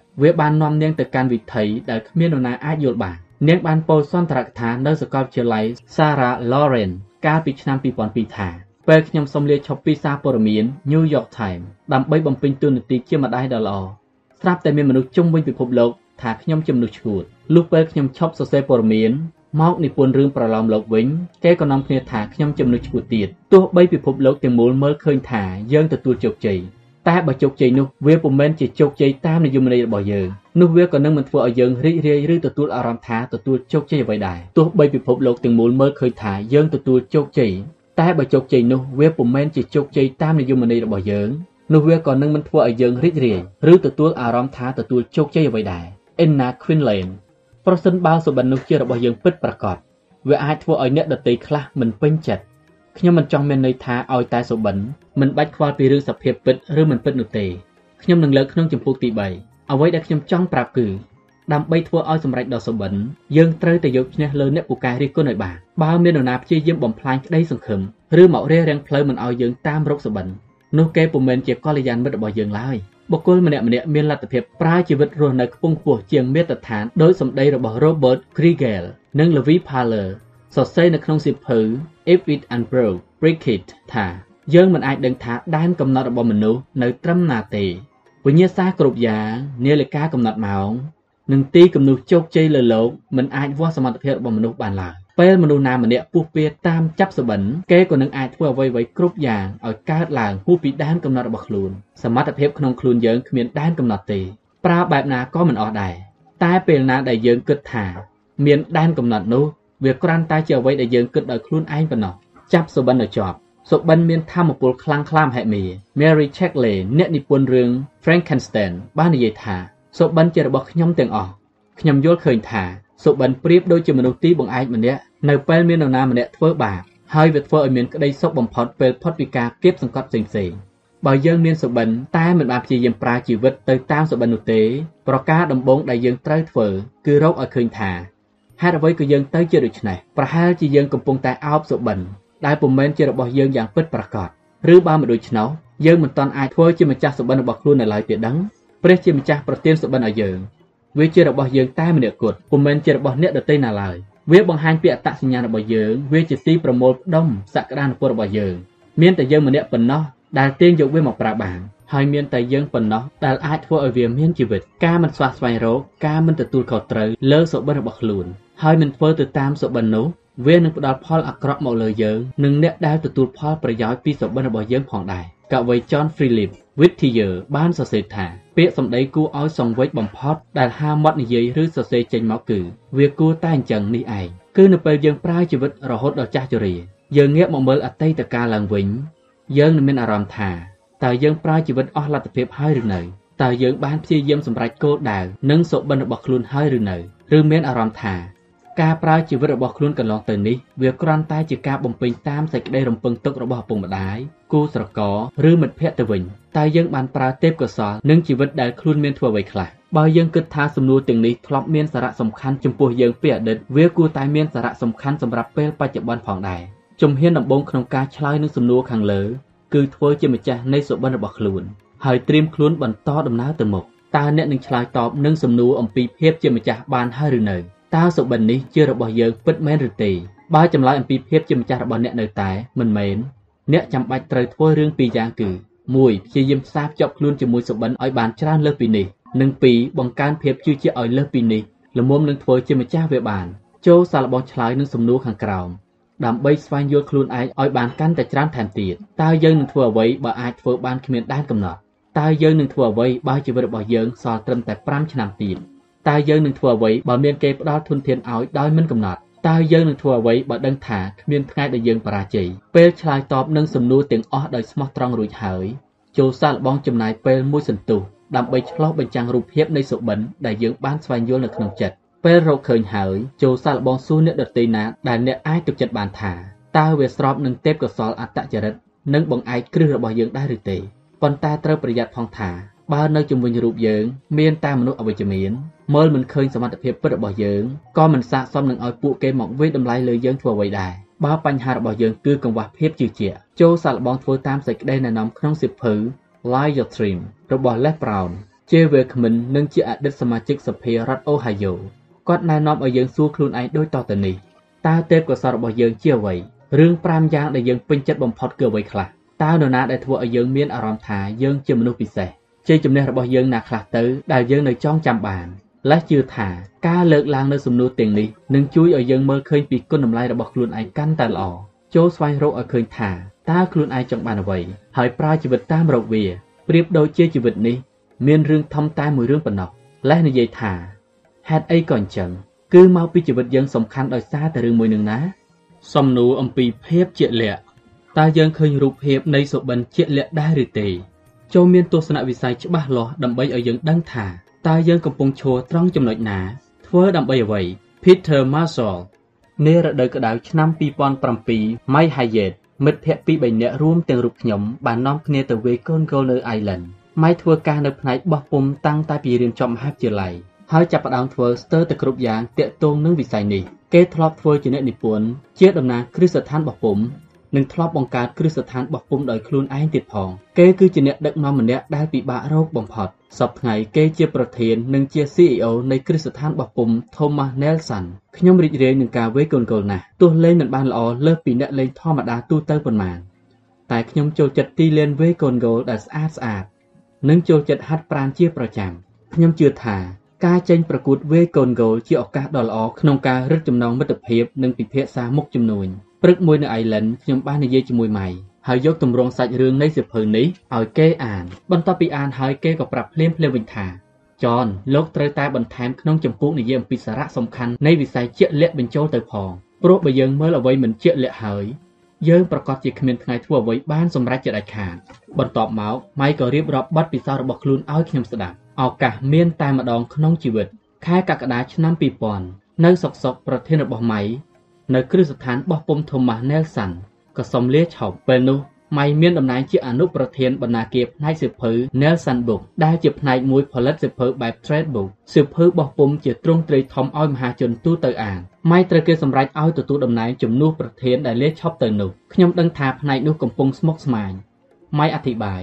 តែខ្ញុំមិនដឹងថាការពិតវាស្មុគស្មាញដល់កម្រិតណាទេតលតែតំណែងមួយនេះធ្លាក់មកលើខ្លួនទៅដឹងខ្ញុំដកដង្ហើមធំវែងវែងហើយចាប់ផ្ដើមវាយតម្លៃសភាពពិតអ្វីដែលម៉ៃបានរកឃើញគឺផ្នែកនេះទទួលកម្រិតតិចបំផុតក្នុងបណ្ដា14ផ្នែករបស់ក្រុមហ៊ុនតាមពិតឆ្នាំកន្លងមកផ្នែកនេះខាតទៀតផងមានសម្លេងរិះគន់ផ្នែកផ្សេងផ្សេងទៀតថាដោយសារតែផ្នែករបស់ម៉ៃនេះហើយដែលទាញទម្លាក់ក្រុមហ៊ុនឲ្យធ្លាក់ដុនដាអត្រាកំណើនប្រាក់ចំណូលដែលផ្នែកនេះ នៅត្រឹងអស់3ឆ្នាំម្យ៉ាងត្រូវបាត់បង់អ្នកនិពន្ធឆ្នើមម្នាក់ទៅឲ្យគូប្រជែងទៀតផងធ្វើឲ្យចំណូលនាពេលអនាគតមានទំនោរកាន់តែធ្លាក់ចុះផ្នែកមួយនេះមានប្រសិទ្ធភាពទាបបំផុតក្នុងគ្រឹះស្ថានបោះពុំលើផ្នែកទុនបង្វិលរយៈពេលខ្លីចំណែកភាគរយនៃតម្លៃឧបករណ៍និងតម្លៃទិញសិទ្ធិនិពន្ធរបស់ផ្នែកនេះត្រូវចាយខ្ពស់ជាងគេបំផុតតែបែរជាគ្មានកម្រៃជាដុំកំភួនដល់ម្ចាស់ភាគហ៊ុនឡើយគ្រប់គ្នាក្នុងផ្នែកធ្វើការធ្ងន់ផ្នែកនេះមានការរៀបចំការបោះពុំចំនួន125រឿងក្នុងមួយឆ្នាំ ដោយមានអ្នកធ្វើការត្រឹមតែ10នាក់ប៉ុណ្ណោះគុណភាពរបស់ការងារបានបង្ហាញឃើញថាទំហំការងារនោះមានកម្រិតធ្ងន់ធ្ងរហួសពេកហើយម៉ៃរៀបរាប់ថាគ្មានអ្វីពិបាកជាងនេះទៀតទេ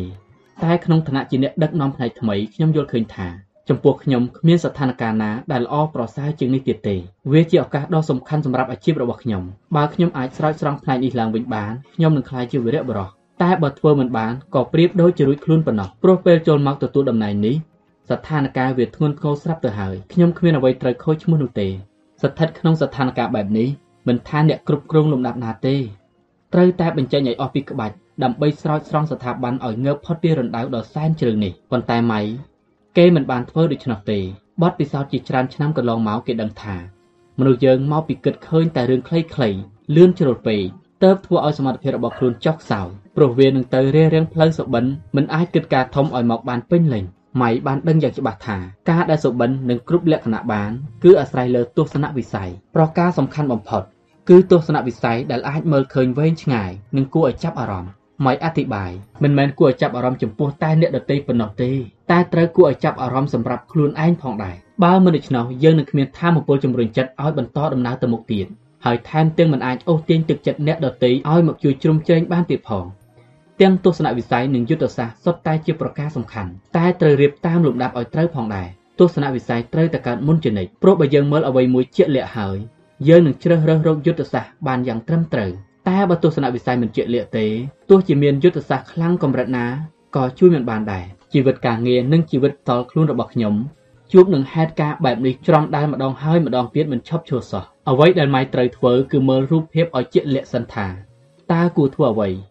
រឿងដំបងបង្អស់ដែលខ្ញុំធ្វើគឺទៅសម្រាប់លំហែលំហើយគិតអំពីរឿងទាំងឡាយស្ងាត់ស្ងាត់តែម្នាក់ឯងម៉ៃរៀបរាប់ខ្ញុំមានគោលដៅមួយក្នុងចិត្តគឺខ្ញុំត្រូវការមានទស្សនវិស័យមួយឲ្យបានច្បាស់លាស់បំផុតតើខ្ញុំចង់ឲ្យមានអ្វីខ្លះកើតឡើងតើ3ឆ្នាំទៅមុខទៀតផ្នែកនេះនឹងទៅជាយ៉ាងណា ខ្ញុំមិនខ្វល់ពីរឿងយុទ្ធសាស្ត្រអ្វីទាំងអស់អ្វីដែលខ្ញុំយកចិត្តទុកដាក់បំផុតគឺទស្សនវិស័យប្រសិនបើខ្ញុំដាក់ផែនការទាំងមិនទាន់ឃើញរូបភាពច្បាស់លាស់នៅឡើយខ្ញុំអាចនឹងនិយាយថានៅមិនទាន់ដឹងថានឹងធ្វើបានប៉ុណ្ណាទេស្ថានភាពពិតជាលំបាកណាស់ធនធានក៏មិនសូវមានច្រើនប៉ុន្មានប្រហែលជាត្រូវចាំមើលទៅឆ្នាំក្រោយទៀតហើយក្រែងលោអាចកាត់បន្ថយដើមទុនបានខ្លះដោយលក់ឧបករណ៍ចាស់ចាស់ឬអាចនឹងធ្វើកិច្ចសន្យាជាមួយអ្នកនិពន្ធថ្មីថ្មីបាន ទើបចាប់ផ្ដើមមានប្រាក់ចំណូលកើនឡើងជាងមុនខ្លះតើអ្នកគិតថាមានគេរំភើបចំពោះសម្ដីបែបនេះឬតើទស្សនវិស័យបែបនេះនឹងអាចតាក់ទាញអ្នកនិពន្ធល្បីៗមកបានដែរឬទេតើបុគ្គលិកល្អៗនឹងអាចទ្រាំតស៊ូនៅបន្តទៀតបានដែរឬទេតើវានឹងធ្វើឲ្យយើងមានធនធានបន្ថែមកាន់តែច្រើនមែនទេខ្ញុំថាអត់ទេ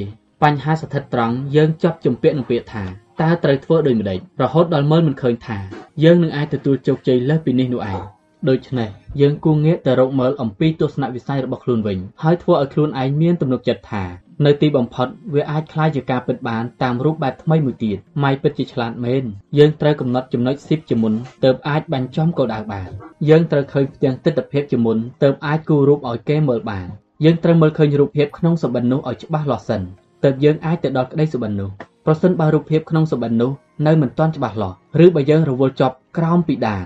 នៃសភាវៈពិតត្រូវកំណត់ព្រំដែនការស្រមោលស្រមៃគឺប្រៀបដូចជាកំណត់ព្រំដែនខ្លួនឯងដូច្នោះបើពេញចិត្តនឹងសុបិនហើយត្រូវសុបិនឲ្យធំដូចជាម៉ៃក្នុងកំឡុងពេលដែលគេទៅសម្រាកគិតស្ងាត់ស្ងាត់នោះទៅម៉ៃព្យាយាមស្វះស្វែងរកទស្សនវិស័យរបស់ខ្លួនគឺទស្សនវិស័យដែលគេចាប់អារម្មណ៍ព្រោះបើសំបីតែខ្លួនឯងមិនរំភើបជាមួយវាផង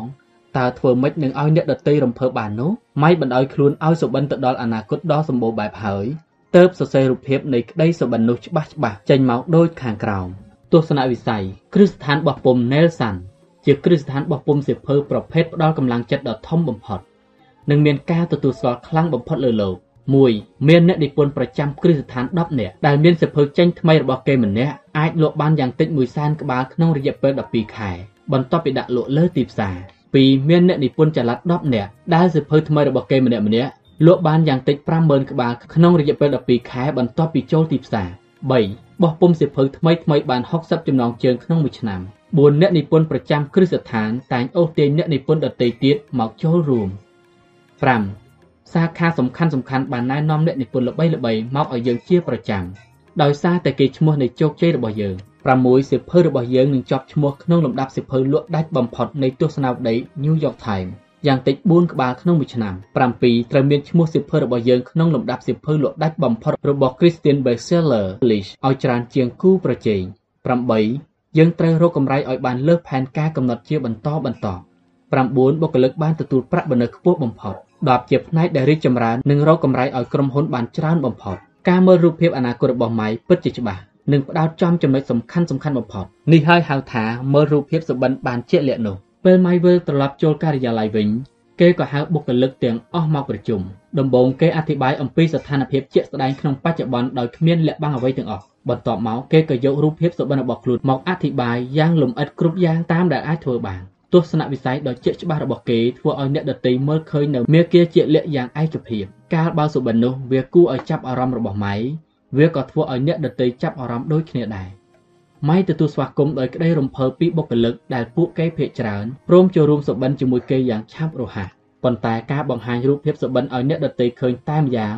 នៅមិនទាន់គ្រប់គ្រាន់ទេម៉ៃដឹងថាត្រូវធ្វើឲ្យរូបភាពនេះលេចឡើងកាន់តែច្បាស់ក្នុងចិត្តរបស់ខ្លួនជាប្រចាំទើបគេអានទស្សនវិស័យដែលសរសេរមកនោះជារៀងរាល់ថ្ងៃដោយនឹកគិតទន្ទិញនិងសុបិនដល់វាគ្រប់ពេលវេលានរណានរណាក៏លើកឡើងជាសំណួរដល់ម៉ៃដែរថាតើលោកធ្វើដូចម្ដេចដើម្បីឲ្យការងារនេះសម្រេចជោគជ័យ ពីដំបូងដំបូងគេឆ្លើយត្រឹមតែអឺនៅមិនទាន់ច្បាស់ដែរតែខ្ញុំជឿថានឹងបានសម្រេចចាំមើលសិនទៅ នៅពេលដួងវិញ្ញាណរបស់ម៉ៃដាច់រូបភាពសុបិននោះជាប់ជានិច្ចយុទ្ធសាស្ត្រក៏ផុសចេញមកតែទោះបីជាយ៉ាងនេះក៏ការគិតរបស់គេនៅតែមិនទាន់ផ្ដោតសំខាន់ទៅលើយុទ្ធសាស្ត្រជាគោលដែរវាកំពុងស្ថិតក្នុងសុបិននៅឡើយខ្ញុំចំណាយពេលវេលាយកចិត្តទុកដាក់ចំពោះគោលដៅច្រើនជាងវិធីការគឺប្រៀបដូចជា10ទល់នឹង1ដូច្នោះ ម៉ៃរៀបរាប់ប្រាប់ម៉ៃកាក់ស្មានថាការផ្លាស់ប្ដូរផ្នែកក្នុងគ្រានេះនឹងស៊ីពេលអស់3ឆ្នាំតែក្រុមការងាររបស់គេអាចធ្វើវាបានដ៏គួរឲ្យអស្ចារ្យដោយប្រើពេលវេលាត្រឹមតែ10ខែប៉ុណ្ណោះនៅពេលនោះទស្សនវិស័យដែលសរសេរមកនោះคล้ายជាការពិតស្ទើរតែគ្រប់យ៉ាងរឿងទាំងអស់នេះពុំមែនកើតឡើងដោយសារយើងមានយុទ្ធសាស្ត្រជំនួយល្អឥតខ្ចោះនោះទេម៉ៃអធិប្បាយតែវាកើតឡើងដោយសារយើងមានទស្សនវិស័យជាក់លាក់ថាតើត្រូវសម្រេចជោគជ័យក្នុងរឿងអ្វី គឺចាប់ផ្ដើមពីត្រង់នោះ ជាចំណុចដែលយើងត្រូវចាប់ផ្ដើមប្រសិនបើយើងចង់បានជោគជ័យថ្មីថ្មីដែលខុសគ្នាពីអ្វីដែលយើងមានក្នុងបច្ចុប្បន្នយើងត្រូវមើលឲ្យឃើញយ៉ាងច្បាស់ថាយើងចង់បានអ្វីតាំងពីឆ្នាំ2002មកគ្រឹះស្ថានបោះពុំ Nelson មានការរីកចម្រើនយ៉ាងលឿនជាបន្តបន្ទាប់ក្លាយជាផ្នែកដែលរកកម្រៃបានខ្ពស់បំផុតហើយជាស្ថាប័នដើមអ្នកនិពន្ធ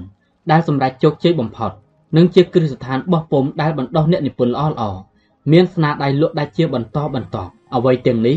ពុំមែនជារឿងចៃដន្យទេម៉ៃក៏មិនមែនត្រូវគេលើកដំកើងឲ្យធ្វើជាប្រធានផ្នែកដោយចៃដន្យនោះដែរក្រោយមកគេក៏បានធ្វើជា CEO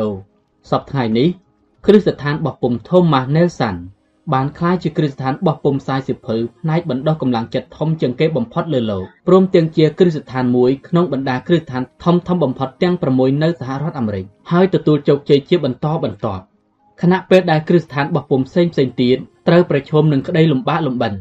តើមកពីហេតុអ្វីទៅ គឺព្រោះតែសុបិនអំពីក្រុមហ៊ុនរបស់ម៉ៃនិងបុគ្គលិកគ្រប់រូបក្នុង Thomas Nelson មានភាពជាក់លាក់នោះឯងតើសុបិនរបស់យើងជាក់លាក់ហើយឬនៅចុះអ្នកវិញឃើញសុបិនរបស់ខ្លួនច្បាស់ហើយឬនៅសុបិនដ៏ច្បាស់លាស់និងគួរឲ្យចាប់អារម្មណ៍ជួយស្រោចស្រង់អង្គភាពដែលធ្លាក់ចូលក្នុងវិបត្តិបានជាច្រើនកន្លែង មានអត្ថន័យនិងមានសារៈសំខាន់ចំពោះជីវិតជាច្រើនអ្នកអ្វីគ្រប់យ៉ាងដែលម៉ៃរៀបរាប់តាក់ទងនឹងសបិនដ៏ជាក់លាក់បានជ្រាបចូលយ៉ាងជ្រៅក្នុងចិត្តខ្ញុំគ្រប់ពេលដែលខ្ញុំសម្រេចជោគជ័យគ្រាសំខាន់សំខាន់នៃជីវិតខ្ញុំតែងតែមើលឃើញរូបភាពក្នុងក្តីស្រមៃនៃរឿងនោះយ៉ាងច្បាស់លាស់មុនជានិច្ចធ្វើឲ្យខ្ញុំដឹងថាខ្លួនខំប្រឹងដើម្បីអ្វីបើយើងចង់សម្រេចបានតាមសុបិនវិធីតែមួយគត់ដែលយើងត្រូវធ្វើគឺត្រូវឃើញវាឲ្យច្បាស់សិនកំណត់គោលដៅរួចចាំតាមចាប់វាប៉ុន្តែមនុស្សភាគច្រើនមិនធ្វើបែបនេះទេ សុបិននៅតែជាសុបិនដែលអណ្ដែតតែលតោលព្រាលព្រាលស្ទង់ស្ទង់ទីបំផុតសុបិនគ្មានថ្ងៃខ្លាយជាការពិតសោះឡើយការដេញតាមចាប់សុបិន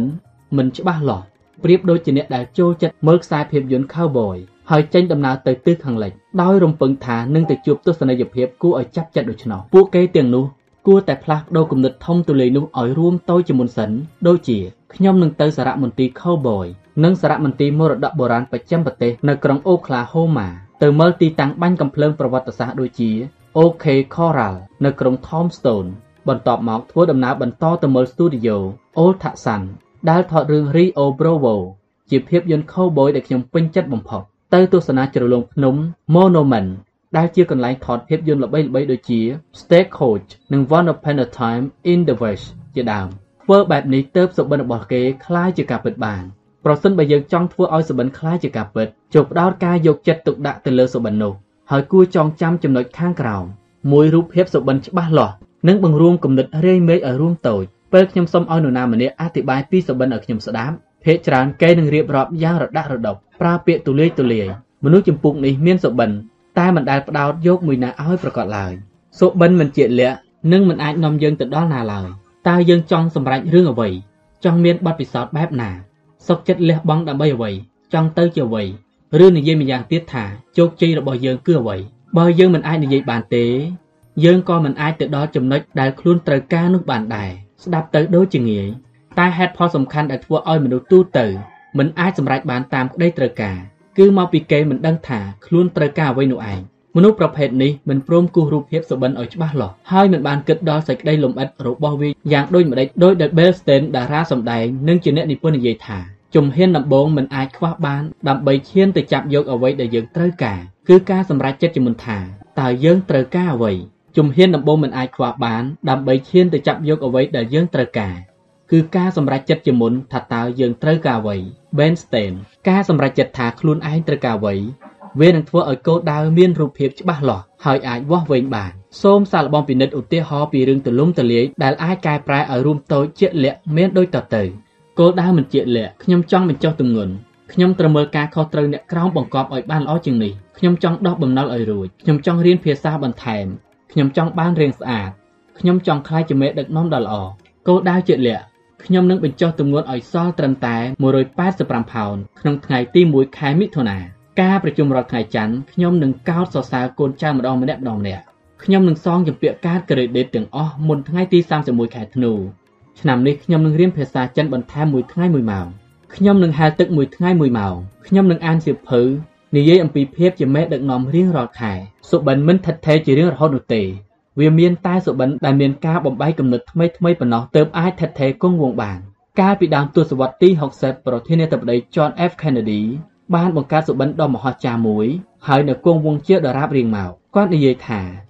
ជាតិរបស់យើងត្រូវសម្ដៅទៅរកគោលដៅនោះគឺនាំមនុស្សទៅចន់លើឋានព្រះច័ន្ទឲ្យបានមុនពេលបញ្ចប់ទសវត្សរ៍នេះចំណែក Albert Seifert អតីតអនុប្រធានផ្នែកបង្ហោះយានអវកាសប្រចាំមជ្ឈមណ្ឌលយានអវកាស Kennedy បាននិយាយថាហេតុផលដែល NASA ទទួលជោគជ័យគឺព្រោះតែ NASA មានគោលដៅច្បាស់លាស់ហើយបង្ហាញពីគោលដៅរបស់ខ្លួនចេញមកជាមុននោះឯងពេលយើងចាប់ផ្ដើមមានមន្ទិលសង្ស័យពីសមត្ថភាពរបស់ខ្លួន ឬរឿងអនាគតការគិតឲ្យធំជាមុនជារឿងល្អប៉ុន្តែពេលយើងចាប់ផ្ដើមធ្វើសុបិនឲ្យคล้ายជាការពិតយើងត្រូវរៀបរាប់ពីចំណុចលម្អិតឲ្យកាន់តែច្រើនការគិតឲ្យកាន់តែល្អិតល្អន់នេះមិនមែនមានន័យថាត្រូវតែគិតឲ្យខ្ទេចខ្ទីសពយ៉ាងមុននឹងអនុវត្តនោះទេអ្វីដែលត្រូវច្បាស់លាស់គឺគោលដៅធំរីឯរឿងលម្អិតផ្សេងផ្សេងត្រូវធ្វើបន្តិចម្ដងបន្តិចម្ដងពេលយើងអនុវត្តដំណើរការដែលក្នុងពេលប្រតិបត្តិនោះអ្វីអ្វីតែងតែមានការកែលម្អផ្លាស់ប្ដូរទៅតាមស្ថានភាពប៉ុន្តែទោះជាយ៉ាងណា យើងត្រូវគិតពីភាពលម្អិតឲ្យបានច្រើនបំផុតដើម្បីទៅឲ្យដល់ក្តីសុបិននោះអស់ពេលជាច្រើនឆ្នាំមកហើយដែលខ្ញុំជួយជ្រោមជ្រែងដល់អ្នកដឹកនាំឲ្យលើកគុណតម្លៃអ្នកក្រោមបង្គាប់របស់ខ្លួនផ្ចង់ផ្ដាំពួកគេឲ្យមានកេរ្តិ៍ឈ្មោះជំរុញពួកគេឲ្យសម្រេចជោគជ័យការលើកគុណតម្លៃអ្នកដទៃជាទេពកោសល្យពីកំណើតរបស់ខ្ញុំប៉ុន្តែសម្រាប់មនុស្សភាគច្រើនខ្ញុំយល់ឃើញថារឿងនេះពុំមែនជារឿងងាយស្រួលឡើយខ្ញុំបានផ្ដល់ការជួយជ្រោមជ្រែងអ្នកដទៃក្នុងរឿងនេះតាំងពីយូរមកហើយរហូតដល់ដឹងយ៉ាងច្បាស់ថា ត្រូវដាក់គោលដៅឲ្យបានច្បាស់រួចសរសេរវាឡើងលទ្ធផលគឺសៀវភៅមួយក្បាលដែលខ្ញុំបាននិពន្ធជាមួយ Les Parrot មានចំណងជើងថា25 Way to Win with People How to Make Other Feel Like a Million Bucks សៀវភៅមួយនេះរៀបរាប់ពីវិធីជួយផ្ដល់គុណតម្លៃដល់អ្នកដទៃនេះឯងរហូតមកដល់ពេលនេះខ្ញុំមិនត្រឹមតែជួយឲ្យអ្នកដទៃលើកគុណតម្លៃខ្លួនឯងប៉ុណ្ណោះទេតែថែមទាំងជួយធ្វើឲ្យទទួលលទ្ធផលជាក់ស្ដែងទៀតផង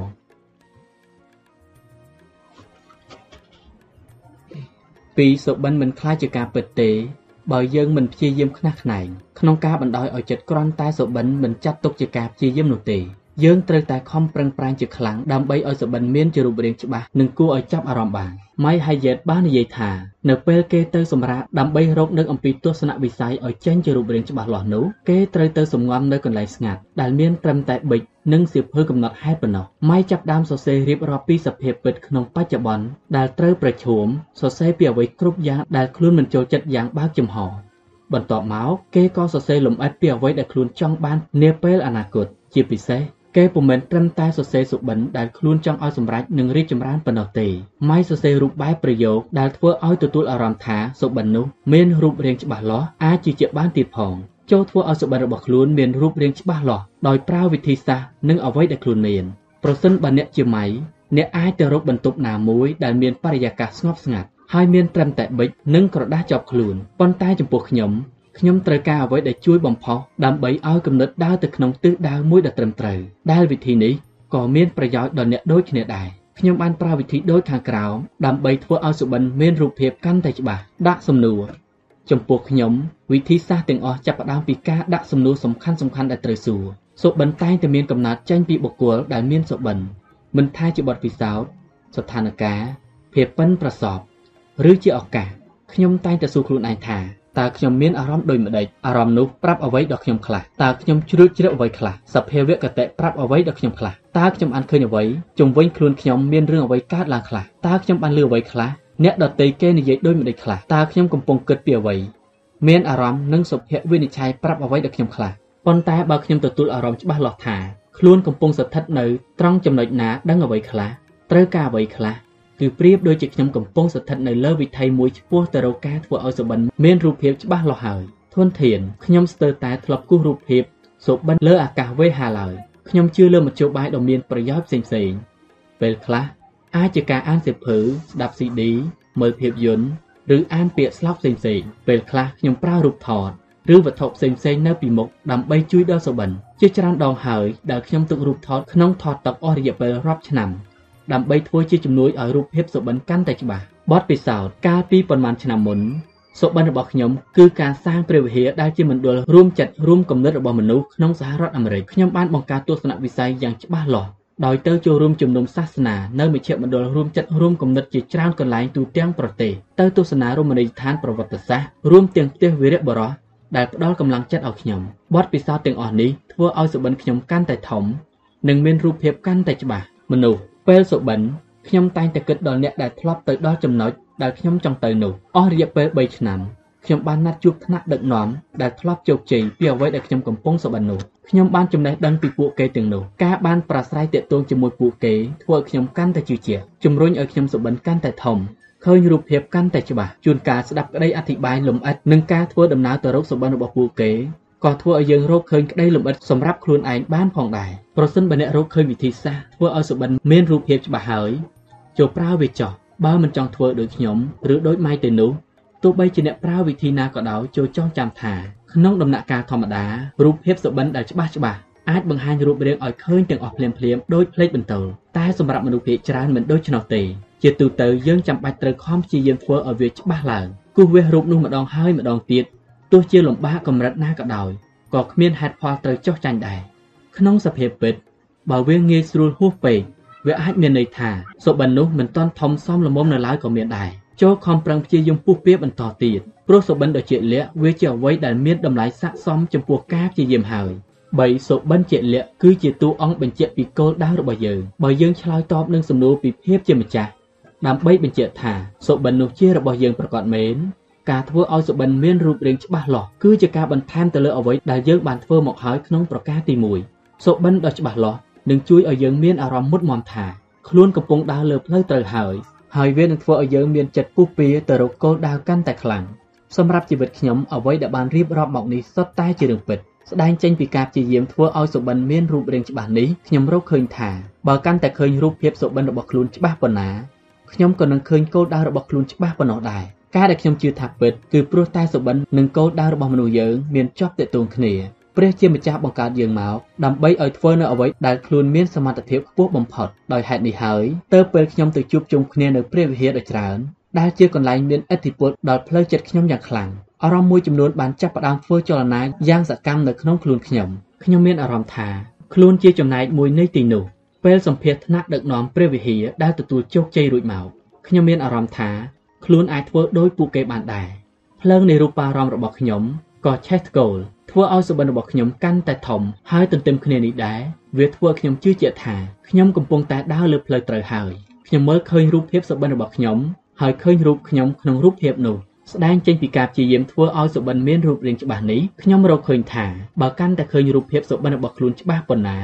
ខ្ញុំក៏នឹងឃើញគោលដៅរបស់ខ្លួនច្បាស់ប៉ុណ្ណោះដែរ នៅពេលសុបិននិងគោលដៅរបស់យើងคล้ายជាមេគាតែមួយហើយយើងនឹងដឹងបានដោយខ្លួនឯងមិនខាន Steven Spielberg អ្នកដឹកនាំភាពយន្តគឺជាឧទាហរណ៍ជាក់ស្ដែងក្នុងរឿងនេះការរៀននៅមធ្យមសិក្សាគេសុបិនថាចង់ធ្វើជាអ្នកដឹកនាំរឿងហើយយករឿងនេះទៅនិយាយប្រាប់ឪពុកថាពុកថ្ងៃក្រោយខ្ញុំចង់ធ្វើជាអ្នកដឹកនាំភាពយន្តណាស់ល្អណាស់ឪពុកនិយាយបើចង់ធ្វើជាអ្នកដឹកនាំរឿងកូនត្រូវចាប់ផ្ដើមពីកម្មករក្នុងក្រុមថតជាមុនហើយចាំឈានឡើងបន្តិចម្ដងបន្តិចម្ដង មិនចាំបាច់ទេពុក Steven Spielberg ឆ្លើយភាពយន្តដំបូងដែលខ្ញុំធ្វើបើខ្ញុំធ្វើជាអ្នកដឹកនាំដោយខ្លួនឯងតែម្ដងទៅមិនល្អទេឬទីបំផុតគេក៏ធ្វើបានដូចអ្វីដែលខ្លួននិយាយមែនវាលែងមួយក្តារឡើងបាសសោះឪពុកនិយាយកូនខ្ញុំក្លាហានមែនគាត់ពេញចិត្តនឹងមហិច្ឆតាព្រមទាំងភាពជឿជាក់របស់កូនប្រុសជាខ្លាំង រហូតសុកចិត្តចេញប្រាក់ផលិតរឿង Firelight ដែលជាប្រភេទរឿងវិទ្យាសាស្ត្របែបភ័យរន្ធត់ដំបូងគេរបស់ Steven Spielberg គេបានដាក់បញ្ចាំងនៅរោងភាពយន្តតូចមួយក្នុងក្រុង Phoenix រដ្ឋ Arizona ក្នុងអំឡុងពេលដឹកនាំរឿងនោះ Steven បានប្រាប់ដល់មិត្តរួមការងារថាខ្ញុំចង់ធ្វើដោយ Cecil B. DeMille ជាម្ចាស់រឿងវិទ្យាសាស្ត្រដែលនេះពុំមែនជាអត្តន័យខុសប៉ុន្មានពីអ្វីដែលគេធ្វើបានឡើយពេលគេផលិតភាពយន្តមួយចំនួនដូចជា Jurassic Park, Men in Black, Transformer, E.T. Minority Report, Back to the Future, Gremlin Close Counter of the Third Kind និងភាពយន្តដែលផលិតចេញពីប្រឡោមលោកជាសាសជាច្រើនទៀតសុបិនរបស់ Steven Spielberg មានលក្ខណៈច្បាស់លាស់ហើយគឺធម៌ពលនៃភាពច្បាស់លាស់នោះហើយដែលធ្វើឲ្យគេសម្រេចជោគជ័យនៅពេលយើងដកពិសោធន៍សុបិនព្រមទាំងព្យាយាមធ្វើឲ្យវាកាន់តែច្បាស់ឡើងការមានសុបិននិងគោលដៅដែលស្របទៅគ្នាវានឹងធ្វើឲ្យជីវិតយើងផ្លាស់ប្ដូរហេតុអ្វីបានជាដូច្នេះ ព្រោះវាបង្ហាញឲ្យឃើញយ៉ាងច្បាស់ថាយើងរស់នៅលើโลกនេះបើមិននឹកដល់ភាពស្របទៅគ្នានិងភាពមុតមមនៃគោលដៅរបស់ខ្លួនទេយើងគួរតែត្រឡប់ទៅឆ្លើយនឹងសំណួរអំពីភាពជាម្ចាស់សារជាថ្មីម្ដងទៀតដើម្បីឲ្យទុកចិត្តបានថាតើសុបិននោះជារបស់យើងពិតប្រាកដឬមួយយ៉ាងណា4សុបិនជាលក្ខនឹងរៀបលំដាប់ភាពសំខាន់របស់អ្នកភាពយន្តរឿង The Brick on the River Kwai ដែលបានទទួលរង្វាន់ Academy ក្នុងឆ្នាំ1957ត្រូវគេទទួលស្គាល់ថា ជាភាពយន្តដែលល្អបំផុតមិនធ្លាប់មានពីមុនមកវីរៈស្នេហ៍ឯក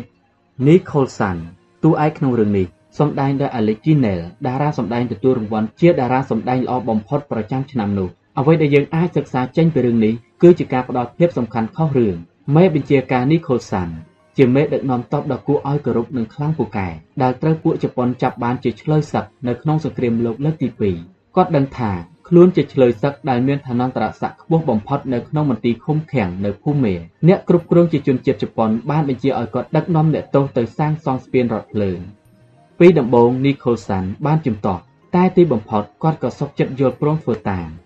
គាត់ខំប្រឹងធ្វើការអស់ពីសមត្ថភាពឯកូនក្រុមដទៃទៀតក៏ខំប្រឹងសាងសង់ស្ពានរហូតភ្លេចគោលដៅពិតប្រាកដរបស់ខ្លួនគឺការយកឈ្នះជប៉ុននិងយកឈ្នះក្នុងសង្គ្រាមលោកលើកទី2នេះអស់រលីង នៅវគ្គបញ្ចប់នៃភាពយន្តមេបញ្ជាការ Nicholson បានខំប្រឹងការពារស្ពានវាយប្រហាររបស់ទ័ពសម្ព័ន្ធមិត្តដែលបញ្ជូនឲ្យមកដាក់គ្រាប់បែកកំទេចស្ពានលុះពេលចិត្តដាច់ខ្យល់ទើបគាត់ភ្ញាក់រលឹកដឹងហើយលន់មាត់ថាតើយើងបានធ្វើអ្វីខ្លះភារកិច្ចចុងក្រោយរបស់គាត់គឺចុចក្របបែកកំទេចស្ពាននោះចោលទៅយើងអាចរវល់មមាញឹកខ្លាំងពេកជាមួយនឹងកិច្ចការប្រចាំថ្ងៃរហូតដល់ភ្លេចគិតពីកិច្ចការធំ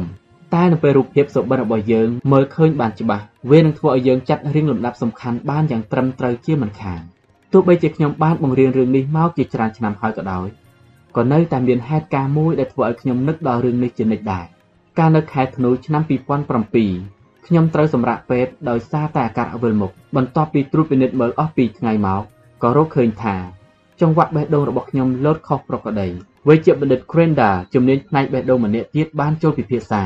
ពីអាការៈជំងឺរបស់ខ្ញុំក្នុងបន្ទប់ខ្ញុំដឹងច្បាស់ថាវេជ្ជបណ្ឌិតនឹងមកប្រាប់អ្វីដល់ខ្ញុំព្រោះខ្ញុំមិនបានយកចិត្តទុកដាក់ក្នុងរបបអាហារឲ្យបានត្រឹមត្រូវអស់រយៈពេលយូរគូសមដែរខ្ញុំជាយាមសម្ដែងឲ្យវេជ្ជបណ្ឌិតដឹងថាខ្ញុំក៏ដឹងរឿងនេះដែរហើយប្រាប់ទៅគាត់វិញថាលោកគ្រូពេទ្យខ្ញុំដឹងថាគួរគ្រប់គ្រងទម្ងន់មែនទេតែផ្ទុយទៅវិញលោកវេជ្ជបណ្ឌិតបានឆ្លើយមកវិញថាមិនមែនគ្រប់គ្រងទម្ងន់ទេសម្ដីនេះធ្វើឲ្យខ្ញុំងឿងឆ្ងល់ជាខ្លាំងហើយនាទីនោះឯងដែលធ្វើឲ្យខ្ញុំមានសង្ឃឹមបន្តិចមកវិញ គឺលោកត្រូវបញ្ចុះទម្ងន់តែម្ដងចនលោកថត់ពេកហើយលោកត្រូវបញ្ចុះទម្ងន់ឲ្យបានច្រើនបន្តិចទើបអាចកាត់បន្ថយអាការៈបែបនេះបានរយៈពេល15នាទីដែលពិភាក្សាគ្នានោះលោកវិជ្ជបណ្ឌិតប្រាប់ថាខ្ញុំថត់លើស10ដងគាត់ព្យាយាមធ្វើឲ្យខ្ញុំមើលឃើញរូបរាងខ្លួនឯងបានយ៉ាងជាក់លាក់បំផុតលុះពេលមើលឃើញបញ្ហាបានជាក់ច្បាស់ ហើយមានសុបិនថានឹងមានសុខភាពល្អដើម្បីរស់នៅយូរអង្វែងជាមួយគ្រួសារនោះលំដាប់នៃភាពសំខាន់នៃរឿងផ្សេងផ្សេងក្នុងសុបិនរបស់ខ្ញុំក៏ចាប់ផ្ដើមជាក់លាក់ឡើងដែរខ្ញុំត្រូវធ្វើយ៉ាងណាដើម្បីឲ្យទម្ងន់ស្ថិតក្នុងកម្រិតមួយដ៏សមស្របដែលមានន័យថាត្រូវផ្លាស់ប្ដូរលំដាប់ភាពសំខាន់លើរឿងផ្សេងផ្សេងសារជាថ្មីឡើងវិញនិងអភិវឌ្ឍការប្រតិបត្តិដំណើរជីវិតប្រចាំថ្ងៃសារជាថ្មីដែលកំណត់កិច្ចការដែលខ្ញុំធ្វើនាពេលអនាគតខ្ញុំត្រូវបរិភោគអាហារមិនលើសពី1600កាឡូរីក្នុងមួយថ្ងៃ រហូតតតែលោកវិជ្ជបណ្ឌិតប្រាប់ថាត្រូវបន្ថែមរបបអាហារទើបខ្ញុំហ៊ានបន្ថែមខ្ញុំត្រូវហាត់ប្រាណក្នុងមួយថ្ងៃមិនតិចជាង1ម៉ោងបើខ្ញុំចង់សម្រេចតាមសុបិនចង់ឲ្យជីវិតយឺនយូរនិងមានសុខភាពល្អខ្ញុំត្រូវតែកែលម្អផ្លាស់ប្ដូរទម្លាប់ប្រចាំថ្ងៃសារជាថ្មីឲ្យសមស្របនឹងរឿងសំខាន់ទាំងនេះគ្មាននរណាម្នាក់អាចមានអ្វីអ្វីសពគ្រប់បែបយ៉ាងនោះទេខ្លួនយើងក៏ចង់ជឿថាយើងអាចធ្វើបានតែវាមិនអាចទៅរួចបើយើងឃើញសុបិនរបស់ខ្លួនបានច្បាស់ហើយរក្សាទុករូបភាពនោះនៅចំពោះមុខយើងជានិច្ច នោះវានឹងធ្វើឲ្យយើងយល់ថាតើយើងត្រូវលះបង់និងឧទ្ទិសទៅលើកិច្ចការអ្វីដើម្បីបន្តដំណើររបស់ខ្លួនទៅមុខឲ្យសម្រេចរូបភាពជាក់លាក់ដែលបញ្ជាក់ថាយើងជានរណាហើយត្រូវធ្វើដំណើរទៅដល់ចំណុចណានោះវានឹងធ្វើឲ្យយើងរៀបចំលំដាប់ភាពសំខាន់នៃកិច្ចការទាំងពួងដែលត្រូវធ្វើឲ្យបានត្រឹមត្រូវព្រោះយើងម្នាក់ម្នាក់ត្រូវធ្វើការជ្រើសរើសសំណួរនោះគឺតើយើងជ្រើសរើសយកអ្វីដែលធ្វើឲ្យកាន់តែខិតទៅជិតសុបិនឬកាន់តែឃ្លាតឆ្ងាយពីសុបិនបើមិនដឹងថាតើសុបិននោះជាអ្វី យើងក៏មិនអាចជ្រើសរើសផ្លូវដើរបានត្រឹមត្រូវដែរការមានទស្សនវិស័យច្បាស់លាស់ធ្វើឲ្យយើងអាចចាត់លំដាប់ភាពសំខាន់បានកាន់តែច្បាស់លាស់5រូបភាពសុបិនជាក់លាក់ធ្វើឲ្យក្រុមការងារមានទឹកចិត្តធ្វើការនិងមានទិសដៅការងារជាក់លាក់សុបិនដ៏អស្ចារ្យរបស់យើងចាំបាច់ត្រូវមានអ្នកដទៃចូលរួមផងដែរបើយើងជាចំណែកមួយនៃស្ថាប័នដែលមានគោលដៅឬទស្សនវិស័យយើងក៏ត្រូវធ្វើការរួមគ្នាជាមួយអ្នកដទៃដើម្បីឲ្យសម្រេចកិច្ចការនោះបើនិយាយក្នុងន័យម្យ៉ាងទៀតគឺ យើងត្រូវមានសមត្ថភាពរួមសហការជាក្រុមនិងដើម្បីដំណើរការនោះប្រកបដោយប្រសិទ្ធភាពលុះត្រាណាតែយើង មានរូបភាពជាក់លាក់ដែរថាតើកិច្ចការដែលត្រូវធ្វើឲ្យសម្រេចនោះជាអ្វីជីមធូនីអ្នកនិពន្ធនិងជាអ្នកធ្លាប់ចូលរួមធ្វើជាអាជ្ញាកណ្ដាលឲ្យហ្វូតបលអាមេរិកបានពោលថាស្ថាប័នពាណិជ្ជកម្មមួយចំនួនមិនអាចសម្រេចដល់គោលដៅព្រោះតែរូបភាពគោលដៅនោះមិនច្បាស់លាស់បើបុគ្គលិកមិនយល់ពីគោលដៅនិងផែនការប្រតិបត្តិរបស់ក្រុមហ៊ុន គេអធិប្បាយ គោលដៅនោះក៏គ្មានថ្ងៃជោគជ័យដែរជាងបានប្រៀបធៀបដូចជាការប្រកួតរបស់ Football អាមេរិកដែលតែងតែមានគោលដៅច្បាស់លាស់ជានិច្ចគោលដៅការប្រកួតតែងតែច្បាស់លាស់ជានិច្ចជាបញ្ជាក់នៅចុងសងខាងទីលានប្រកួត គឺខ្សែហ្គោលហើយអ្វីយើងហៅថាខ្សែហ្គោលព្រោះកីឡាករ11នាក់នៃក្រុមនីមួយៗមានគោលដៅដូចគ្នាគឺនាំបាល់ឆ្លងកាត់ខ្សែគំនូសនោះដើម្បីឲ្យដល់ទីដៅ ម្នាក់ម្នាក់មានតួនាទីពិសេសរៀងៗខ្លួនមិនថាជា quarterback អ្នករត់ឬ linebacker សុទ្ធតែដឹងពីតួនាទីរបស់ខ្លួនយ៉ាងជាក់លាក់ណាស់សូម្បីតែភាគីតុបក៏ដឹងពីគោលដៅរបស់គេដែរគឺការពារមិនឲ្យគូប្រកួតវេលុកមកលើគោលដៅបានសម្រេចនោះឯង Introvel ជាបព្វជិតជាអ្នកនិពន្ធនិងជាបណ្ណាធិការមានថេរដីកាថាសុបិនជាអនាគតដ៏ល្អស្រស់លើដើមតែចាំបាច់ត្រូវមានស្ថាបនិកចាំប្រាប់ឲ្យអ្នកដទៃឃើញថាតើគួរធ្វើដូចម្តេចដើម្បីឲ្យសុបិននោះសម្រេចជោគជ័យ ប្រសិនបើយើងជាអ្នកដឹកនាំយើងត្រូវធ្វើតួនាទីដោយស្ថាបនិកខាងលើត្រូវតែមានសមត្ថភាពចង្អុលបង្ហាញឲ្យច្បាស់ពីសុបិនហហើយគូវេសរូបភាពចេញមកឲ្យបានដែលមិនមែនសម្រាប់តែខ្លួនឯងប៉ុណ្ណោះទេ តែគឺដើម្បីអ្នកដទៃផងដែរមានយប់មួយខ្ញុំទទួលទានអាហារពេលល្ងាចនៅ Dallas ជាមួយនឹង John Fleming ជាស្ថាបនិកម្នាក់គេបានប្រាប់ខ្ញុំថាបើអ្នកជាស្ថាបនិកអ្នកនឹងមិនអាចចាប់ដើមកម្រងបានទេលុះត្រាតែអ្នកធ្វើវាឲ្យរួចស្រេចជាមុនចនចង់មានន័យថា បើយើងជាអ្នកដឹកនាំយើងត្រូវនឹកឲ្យឃើញរូបភាពដ៏ពេញលេញជាមុនសិនមុននឹងចាប់ផ្ដើមប្រតិបត្តិយើងត្រូវតែឃើញចំណុចនោះជាមុនបើមិនដូច្នោះទេក្រុមការងារនឹងគ្មានថ្ងៃធ្វើតាមទស្សនវិស័យដែលយើងកំណត់ទុកនោះទេក្នុងនាមជាអ្នកដឹកនាំនិងជាទីប្រឹក្សារបស់មេដឹកនាំផ្សេងៗទៀតខ្ញុំតែងតែគិតដល់ការរួមប្រស្រ័យឲ្យអ្នកដទៃឃើញពីទស្សនវិស័យបានច្បាស់លាស់ជារៀងរហូតមកបើអ្នកដឹកនាំបង្កើតរូបភាពមិនបានច្បាស់លាស់ទេ អ្នកនៅក្រោមបង្គាប់នឹងអនុវត្តតាមដោយវិធីដែលមិនច្បាស់លាស់ដែរកង្វះភាពច្បាស់លាស់ជាឧបសគ្គនៃការចាប់ផ្ដើមការចាប់ផ្ដើមនិងការខំប្រឹងប្រែងធ្វើការអ្នកក្រោមបង្គាប់មិនអាចខំប្រឹងប្រែងទៅលើអ្វីដែលខ្លួនមិនយល់គ្មាននរណាដើរទៅរកអ្វីដែលខ្លួនមើលមិនឃើញគ្មាននរណាព្រមជឿទៅលើអ្វីដែលគ្រាន់តែជារឿងរវើរវាយនោះទេខ្ញុំពេញចិត្តរឿងមួយដែលគ្រូបង្វឹកបានផ្ដល់ដំបូន្មានពីគោលដៅដល់កីឡាកររត់ប្រណាំងស្ដាប់មុនពេលប្រកួតនិងមុនសម្លេងកំភ្លើងបាញ់ឡើងជាសញ្ញា គាត់តែងតែនិយាយជាមួយកីឡាកររត់ប្រណាំងទាំងអស់ថាត្រូវរត់អែបឆ្វេងហើយវិលមករកកន្លែងដើមឲ្យលឿនបំផុតតាមដែលអាចធ្វើបានពាក្យនេះស្ដាប់មើលទៅហាក់បីដូចជាគ្មានសញ្ញាណាដែលជាក់លាក់ជាងនេះទៀតទេមិនថាជាក្រុមការងារផ្នែកឬស្ថាប័នណាក៏ដោយឲ្យតែមិនឃើញពីរូបភាពនៃគោលដៅឲ្យបានច្បាស់លាស់រួមគ្នាទេ ការងារនោះនឹងត្រូវងាករេចេញពីខ្សែបន្ទាត់ដែលត្រូវដើរជាមិនខាន ខ្ញុំបានប្រឈមនឹងរឿងជាក់ស្ដែងនេះនៅឆ្នាំ1981ពេលខ្ញុំមានតំណែងជាសង្ឃរាជនៅវិហារនៅវិហារ Skyline Wesley កាលពីសម័យមុនព្រះវិហារមួយនេះរីកចម្រើនជាខ្លាំងតែបែរជាគៀងដំណើរអស់រយៈពេល2ទៅ3ឆ្នាំចុងក្រោយនេះខ្ញុំចាប់ផ្ដើមដឹងដោយស្វ័យប្រវត្តិថាអ្នកដឹកនាំនៅទីនេះកំពុងតែវង្វេងផ្លូវខ្ញុំសូមឲ្យគណៈគ្រប់គ្រងគ្រប់រូបទាំងអស់សរសេរគោលដៅរបស់ព្រះវិហារលើក្រដាសទំហំ3គុណនឹង5អ៊ីង សេចក្តីសន្និដ្ឋានរបស់ខ្ញុំបានបញ្ជាក់នៅពេលអានខ្លឹមសារនៅក្នុងក្រដាសទាំងនោះរួចក៏ដឹងថាសមាជិកទាំង7នាក់ផ្ដល់ចម្លើយខុសគ្នារហូតដល់ទៅ15យ៉ាងថាមពលប្រតិបត្តិដំណើរការព្រះវិហារមួយនេះមិនបានដើរតាមទិសតែមួយទេតើព្រោះហេតុអ្វីគឺព្រោះតែមេដឹកនាំអង្គភាពសុបិនរួមគ្នាជាធ្លុងមួយនេះឯងដូច្នេះគ្មានអ្វីចម្លែកទេដែលថាហើយអ្វីបានជាពួកគេមិនអាចដំណើរការទៅមុខនោះ 6ខែក្រោយមកយើងក៏អាចទម្លុះវិបត្តិអំពីតម្លៃនិយមនិងទស្សនវិស័យរួមនៅគ្រានោះបាននៅពេលមើលឃើញសុបិនរបស់ព្រះវិហារបានច្បាស់លាស់ហើយធម៌ពលរបស់ថ្នាក់ដឹកនាំក៏កើនឡើងអ្នកដឹកនាំដែលប្រកបដោយធម៌ពលនិងទិសដៅបាននាំរបស់ទាំងនោះមកចែករំលែកដល់សមាជិកក្រុមការងារដទៃទៀតក្នុងអំឡុងពេល10ឆ្នាំគណៈគ្រប់គ្រងជាន់ខ្ពស់មានចំនួនកើនឡើងដល់ទៅ3ដងផ្ដល់ផលប្រយោជន៍ដ៏ពិសេសដល់សហគមន៍នោះគឺសុបិនរបស់យើងបើឃើញនឹងភ្នែកហើយមុខជាស្រវាចាប់បាន មនុស្សជាច្រើនបានប្រើជីវិតរបស់ខ្លួនទាំងងងឹតពពីមពពើមគ្មានរូបភាពសុបិនឲ្យច្បាស់លាស់មិនដឹងថាខ្លួនត្រូវដើរទៅទីណាសូម្បីតែឱកាសមកដល់នឹងមុខហើយក៏មើលមិនឃើញមិនអាចចាប់យកសុបិននឹងឱកាសនោះបាននៅឆ្នាំ1866ធរណីវិទូជាអ្នកស្ម័គ្រចិត្តម្នាក់បានសង្កេតឃើញក្មេងជនជាតិអាហ្វ្រិកខាងត្បូងកំពុងលេងថ្មដែលមានពន្លឺផ្លេកផ្លេកគេក៏សុំទិញថ្មនោះពីម្ដាយរបស់ក្មេងដែលក្នុងគំនិតមិនល្អនាងប្រាប់គេថា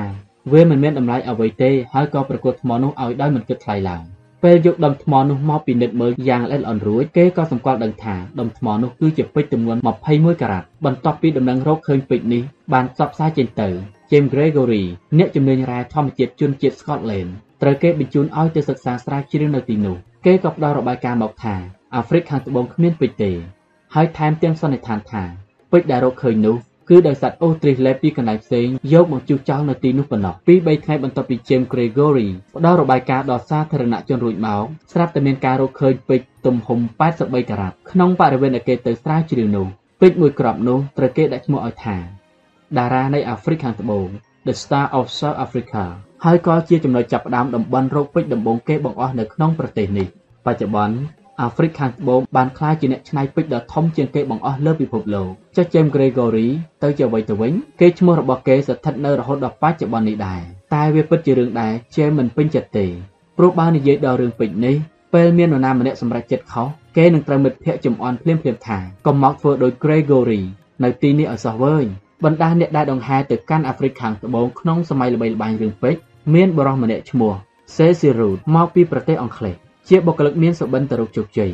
គេនិងប្អូនប្រុសមើលឃើញឱកាសក្នុងការធ្វើអាជីវកម្មជីកត្បូងពេជ្របានប្រមូលទិញដីសម្បត្តិឲ្យបានច្រើនបំផុតតាមដែលអាចធ្វើបានមិនតែប៉ុណ្ណោះគេទិញម៉ាស៊ីនធ្វើទឹកកកមកពីអង់គ្លេសផលិតទឹកកកលក់ឲ្យកម្មករដែលហត់នឿយដោយសារតែក្តៅខ្លាំងទាំងពីរនាក់បានទាញយកប្រាក់កម្រៃពីការលក់ទឹកកកមកទិញដីសម្បត្តិបានកាន់តែច្រើនជាលំដាប់នៅទសវត្សរ៍ឆ្នាំ1880 Road បានបង្កើតរោងចក្រច្នៃពេជ្រដ៏ធំបំផុតក្នុងពិភពលោកឈ្មោះ De Beer រួចជាស្ថាពរតើយើងគោះវាសទស្សនវិស័យរបស់យើងចេញមកដូចម្ដេចនៅពេលវាផុសចេញក្នុងសបិននោះតើយើងបិទភ្នែកបិទត្រចៀកយល់ព្រមទទួលស្គាល់តាមតែសភាពរបស់វាបែបនោះទៅឬឬមួយត្រូវបើកភ្នែកសម្លឹងមើលអ្វីៗសពបែបយ៉ាងដើម្បីរកមើលលទ្ធផលឲ្យបានច្រើនបំផុតដែរឬទេហើយនៅពេលមើលឃើញរូបភាពនោះហើយតើយើងមានភាពមុតស្រួយថា នឹងនាំយកមកសាកល្បងក្នុងសំណួរអំពីភាពជាក់លាក់ក្នុងកម្រិតណាតើយើងអាចអធិប្បាយសេចក្តីលំអិតរបស់វាចេញជាតួអក្សរហើយរៀបរាប់ឲ្យអ្នកដទៃស្ដាប់បានដែរឬទេមានតែមនុស្សមើលឃើញសុបិនប៉ុណ្ណោះទើបអាចស្រវាចាប់វាបានបើរកមិនឃើញទេនោះមានន័យថា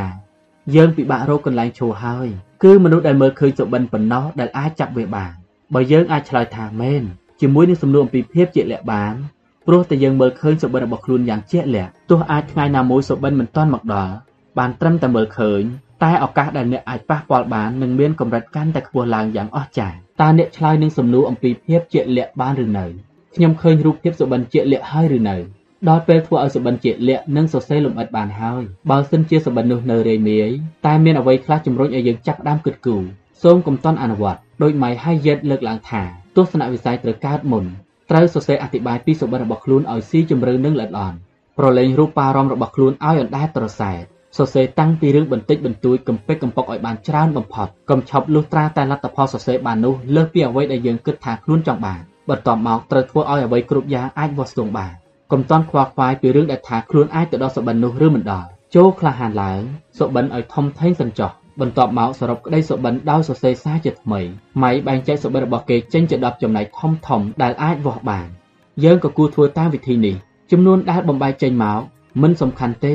ព្រោះវាអាស្រ័យលើទំហំនៃសុបិនតែគូសរសេរចេញមកឲ្យបានខ្លីៗបំផុតសូមកុំរំពឹងថានឹងធ្វើអ្វីគ្រប់យ៉ាងឲ្យសម្រេចក្នុងពេលតែមួយនោះព្រោះសម្រាប់មនុស្សភាគច្រើនវាជារឿងលំបាកបំផុតជួបផ្ដល់ពេលវេលាដល់វា យើងអាចគេចទៅសម្រាប់ស្ងាត់ស្ងាត់ដើម្បីចាប់ផ្ដើមប្រតិបត្តិរឿងនេះបើយើងអាចដកខ្លួនចេញពីបរិយាកាសនិងការងារប្រចាំថ្ងៃបានប្រហែលពី3ថ្ងៃនោះក៏ប្រៀបដូចជាកិច្ចការរបស់យើងសម្រាប់បានពាក្យកណ្ដាលទៅហើយចូលប្រើថ្ងៃខ្លះដើម្បីសុបិនប្រើសប្តាហ៍ខ្លះដើម្បីពិនិត្យពិចារណាកុំភ្លេចគោលដៅគឺធ្វើឲ្យសុបិនមានរូបភាពជាក់លាក់បំផុតតាមដែលអាចធ្វើបានបន្ទាប់មកត្រូវយកសុបិននោះមកដាក់ពីមុខនៅចំកន្លែងដែលយើងអាចមើលឃើញជារៀងរាល់ថ្ងៃសំណួរអំពីសភាពពិតជាក់ស្ដែង តើយើងអាចគ្រប់គ្រងបច្ច័យផ្សេងផ្សេងដែលធ្វើឲ្យសុបិននោះសម្រេចដល់គោលដៅបានដែរឬទេសភាពពិតជាក់ស្ដែងជាសត្រូវនៃភាពរវើរវាយតែពុំមែនជាសត្រូវនៃសុបិនទេ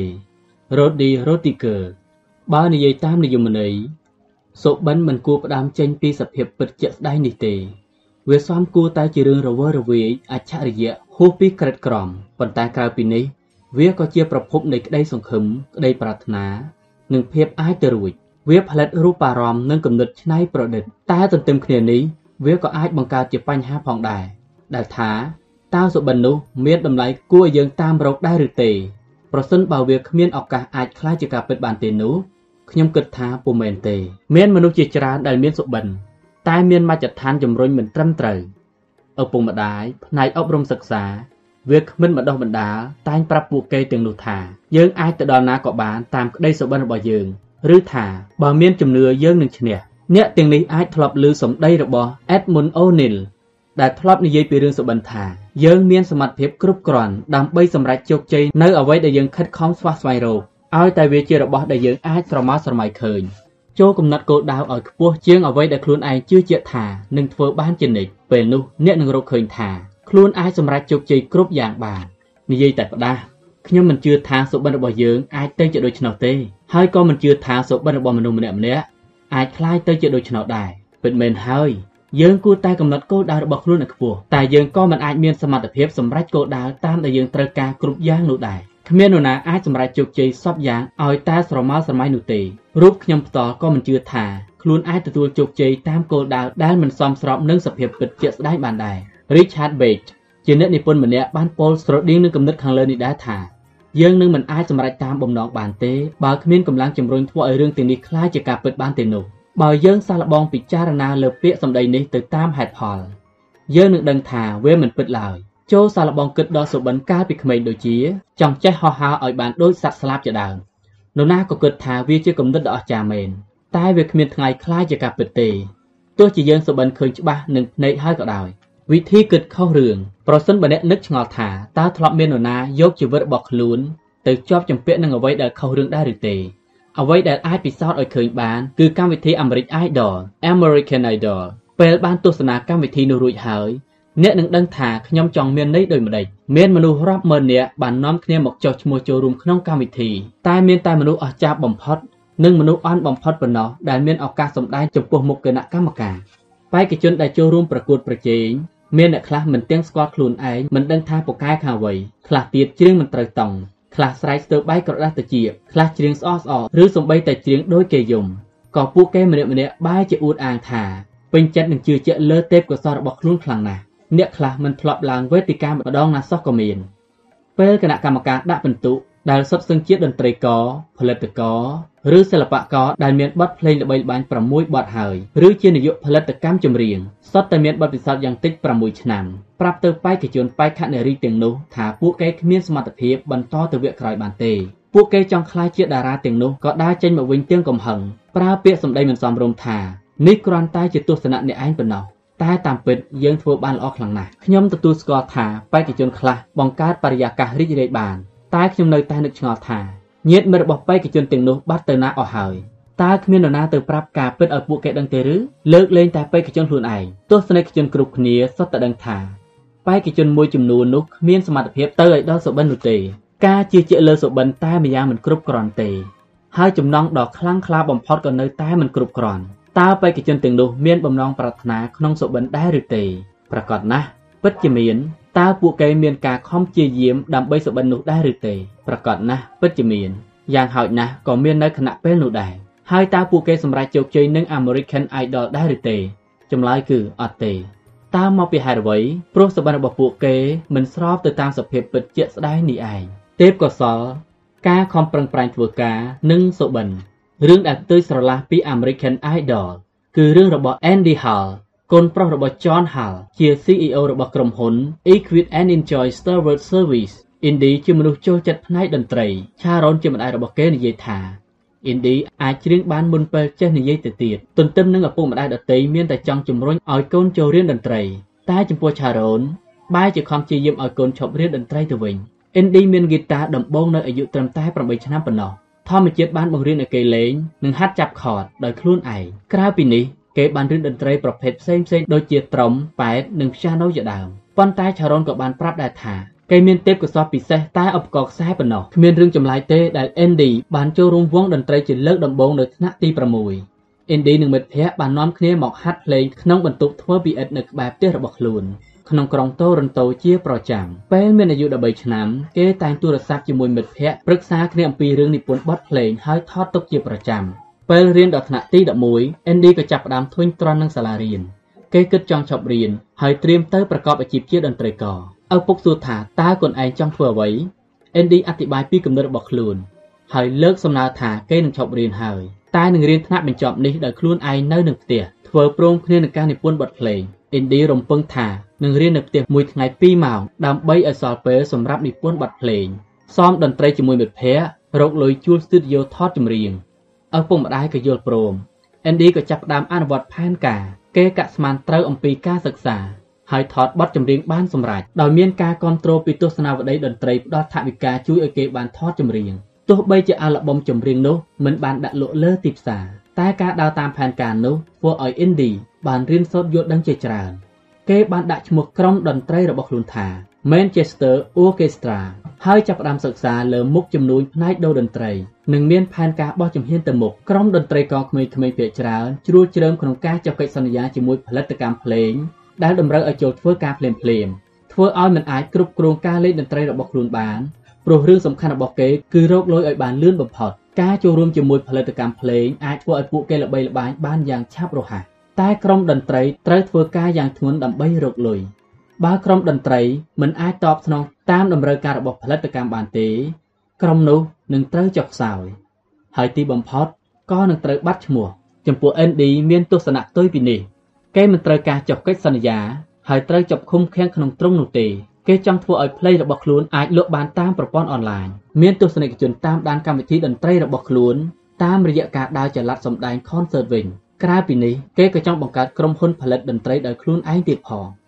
មិនយូរប៉ុន្មាន គេក៏បានដាក់ឈ្មោះឲ្យក្រុមរបស់ខ្លួនថា Favorite Gentleman ដោយយកឈ្មោះតាមឈ្មោះកីឡាករ baseball ដែលជាទីពេញចិត្តរបស់ខ្លួនពីក្រុម Atlanta Friends Andy ជាអ្នកគ្រប់គ្រង baseball friend តាំងពីបដូរទីលំនៅមកនៅ Atlanta កាលពីទសវត្សរ៍ទី90មកម្លេះគេបានបដិសេធនឹងផលិតកម្មភ្លេងជាច្រើនរហូតបានជួបនឹងអ្វីដែលគេគិតថាស័ក្តិសមពិតប្រាកដគឺអ្នករួមហ៊ុនដែលមិនត្រឹមតែធ្វើកិច្ចសន្យានឹងក្រុមភ្លេងប៉ុណ្ណោះទេ តែត្រូវដាក់ឈ្មោះ Favorite Gentleman ផងដែរគេជួបអ្នករួមហ៊ុននោះនៅឯក្រុមហ៊ុន Sony ផ្នែកមួយក្នុងកិច្ចសន្យានោះចែងថាគេសុខចិត្តទទួលប្រាក់ចំណូលតិចតួចតែត្រូវមានសិទ្ធិធំជាងក្នុងការគ្រប់គ្រងក្រុមភ្លេងគេបានទទួលប្រាក់ពី Sony ដើម្បីធ្វើកិច្ចសន្យាឲ្យក្រុមភ្លេងដទៃមកចូលរួមក្នុងក្លឹបរបស់ខ្លួនទស្សនវិស័យរបស់ Andy បានធ្វើឲ្យកើតមានសមាគមតន្ត្រីករកើតឡើងអ្នកគ្រប់គ្រងផលិតកម្មតន្ត្រីម្នាក់បានខ្សែប្រាប់ Andy ថា ឯងជាអ្នកជំនួញវ័យក្មេងដ៏អស្ចារ្យបំផុតក្នុងបណ្ដាក្មេងអាយុ19ឆ្នាំដែលយើងធ្លាប់ជួបកន្លងមកនេះខណៈពេលខ្ញុំនិពន្ធសៀវភៅនេះ Andy មានអាយុ21ឆ្នាំហើយគេជាប្រធានផលិតកម្មភ្លេងផ្ទាល់ខ្លួនព្រមទាំងមានវងភ្លេងក្រោមការគ្រប់គ្រងរបស់ខ្លួនដល់ទៅ10ក្រុមហើយបានចេញអាល់ប៊ុមរហូតដល់ទៅ15ឈុតក្រុមភ្លេង Manchester Orchestra បានចេញអាល់ប៊ុមដំបូងគេឈ្មោះ I Like a Virgin Losing a Child ហើយបានធ្វើឡើងសម្ដែងនៅក្នុងកម្មវិធី The Late Show with David Letterman និង Last Night with Conan O'Brien នៅឆ្នាំ2007ក្រុមភ្លេង Manchester Orchestra បានធ្វើឲ្យសម្រេចតាមគោលដៅរបស់ខ្លួនដោយប្រើរយៈពេលពេញមួយឆ្នាំដោយបានចេញសម្ដែងរហូតដល់ទៅ250លើកហើយបានត្រៀមសម្ដែង concert ចល័តនៅអាមេរិកជាលើកទី4ក្នុងឆ្នាំ2008ទៀតក្រៅពីនេះថែមទាំងធ្វើឲ្យអាល់ប៊ុមទី2របស់ខ្លួន បានជោគជ័យទៀតផងឆារ៉ូនជាម្ដាយរបស់ Indie និយាយថាអ្វីគ្រប់យ៉ាងដែល Indie ចង់បាន វាកន្លងផុតអស់ហើយគេក៏ត្រៀមខ្លួនបន្តសុបិនធំធំតទៅទៀតហើយក៏គ្មានអ្វីត្រូវសង្ស័យថា គេធ្វើមិនបានតាមសុបិននោះដែរបើអ្នករំពឹងលើប្រេងវាសនាអ្វីដែលខ្ញុំអាចជួយបានគឺសុំឲ្យហេងហេងទៅចុះខ្ញុំធ្លាប់អានដឹងថា Neil Bohr អ្នកស្រាវជ្រាវរូបវិទ្យាទទួលរង្វាន់ Nobel មានក្រចកជើងសេះព្យួរជាប់នឹងជញ្ជាំងក្នុងបន្ទប់ធ្វើការពេលមានភ្ញៀវចូលមកលេងសួរថា អ្នកវិទ្យាសាស្ត្រដូចជាលោកនេះប្រកាសជាមិនជឿលើរឿងអបិយជំនឿផ្ដេសផ្ដាសទេមែនទេបើឆ្លើយវិញថាច្បាស់ជាមិនជឿមែនហើយតែខ្ញុំគ្រាន់តែប្រាប់ឲ្យវានាំជោគវាសនាមកឲ្យទោះជាយើងជឿឬមិនជឿក៏ដោយបើសុបិនរបស់យើងភាកច្រើនត្រូវពឹងលើប្រេងវាសនានោះមានន័យថាយើងកំពុងមានបញ្ហានិងបើយើងត្រូវពឹងផ្អែកលើប្រេងវាសនាទាំងស្រុងនោះមានន័យថាយើងកំពុងស្ថិតក្នុងពិភពនៃភាពរវើរវាយបើសុបិនរបស់យើងភាកច្រើនត្រូវពឹងលើប្រេងវាសនា វាមានន័យថាយើងកំពុងមានបញ្ហា និងបើយើងត្រូវពឹងផ្អែកលើប្រេងវាសនាទាំងស្រុងនោះមានន័យថាយើងកំពុងស្ថិតក្នុងពិភពនៃភាពរវើរវាយ Pufli Al-Sairah អ្នកនិពន្ធទស្សនាវដ្តី Latin Mixim និយាយការមានទម្លាប់ឲ្យប្រេងវាសនាជួយជារឿងអាក្រក់ខ្លាំងណាស់ពួកដែលរវើរវាយអាក្រក់បំផុតនោះគឺប្រៀបដូចជាបេក្ខជនចូលប្រកួតក្នុងកម្មវិធី American Idol ដ៏គម្រក់គម្រក់ទាំងនោះឯង ពួកគេពឹងផ្អែកលើជោគវាសនាទាំងស្រុងដើម្បីតាមចាប់សុបិនមានភ្នត់គំនិតដោយអ្នកលេងកន្ទុយលេខដោយជឿថាបើចំកន្លែងហេងចំពេលវេលាហេងបួងសួងទៅ ចាក់ចំលេខចេញសុបិននឹងខ្លាចជាការពិតហើយប្រសិនបើវាងាយស្រួលបែបនេះមែនតើវាមិនល្អទេឬពិតជាល្អតែវាមិនងាយស្រួលដូចថានោះទេរ៉ាវ៉ាល់ដូអេមឺសានកវីទស្សនវិជ្ជាបានលើកឡើងថាបុគ្គលទុនខ្សោយខាងបញ្ញាច្រើនជឿលើប្រេងវាសនា តែបុគ្គលមានបញ្ញារឹងមាំតែងជឿលើហេតុនិងផលពេលតាមចាប់សុបិនយើងត្រូវសួរសភាពពិតជាក់ស្ដែងនឹងខ្លួនឯងថាបច្ច័យផ្សេងផ្សេងដែលអាចធ្វើឲ្យសម្រេចដល់សុបិនតើយើងអាចគ្រប់គ្រងបានដែរឬទេអ្នកដែលសុបិនដោយឈរលើការពិតគេនឹងមានវិធីដើរឆ្ពោះទៅរកសុបិនខុសពីអ្នករវើរវាយសូមពិនិត្យភាពខុសគ្នាខាងក្រោមអ្នករវើរវាយពឹងផ្អែកលើប្រេងវាសនាគិតតែពីរឿងចេតកម្មរំពឹងមេឃរំពឹងកាយមិនសំខាន់លើការប្រតិបត្តិ ចូលចិត្តរោគលេសបង្កើតភាពអសកម្មផ្ដាច់ខ្លួននៅតែឯងដំអស់មិនហ៊ានប្រថុយទម្លាក់ទំនួលខុសត្រូវឲ្យអ្នកដទៃ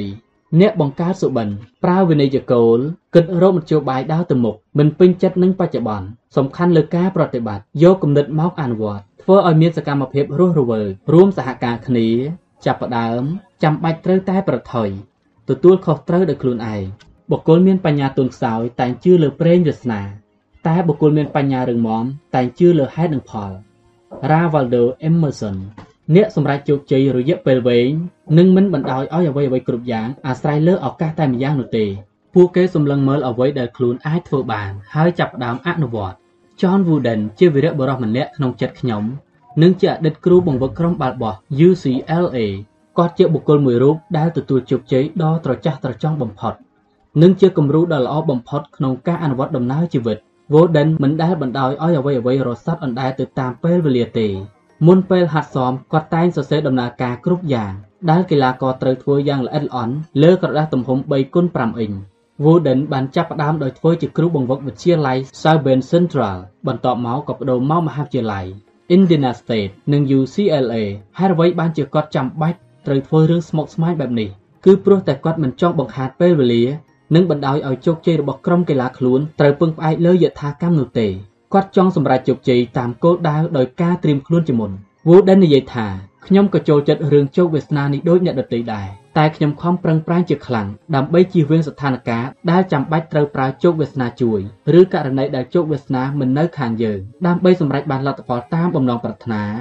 សម្រាប់ខ្ញុំអ្វីដែលនៅហួសពីការកំណត់គឺជោគវាសនាប៉ុន្តែពិតណាស់ ប្រការសំខាន់គឺអ្វីដែលយើងកំណត់ដោយខ្លួនឯងកាលពេលទទួលទានអាហារជាមួយគ្នានាពេលថ្មីៗនេះគាត់បានផ្ដល់គំនិតល្អៗដល់ខ្ញុំមួយឃ្លាទៀតថាចន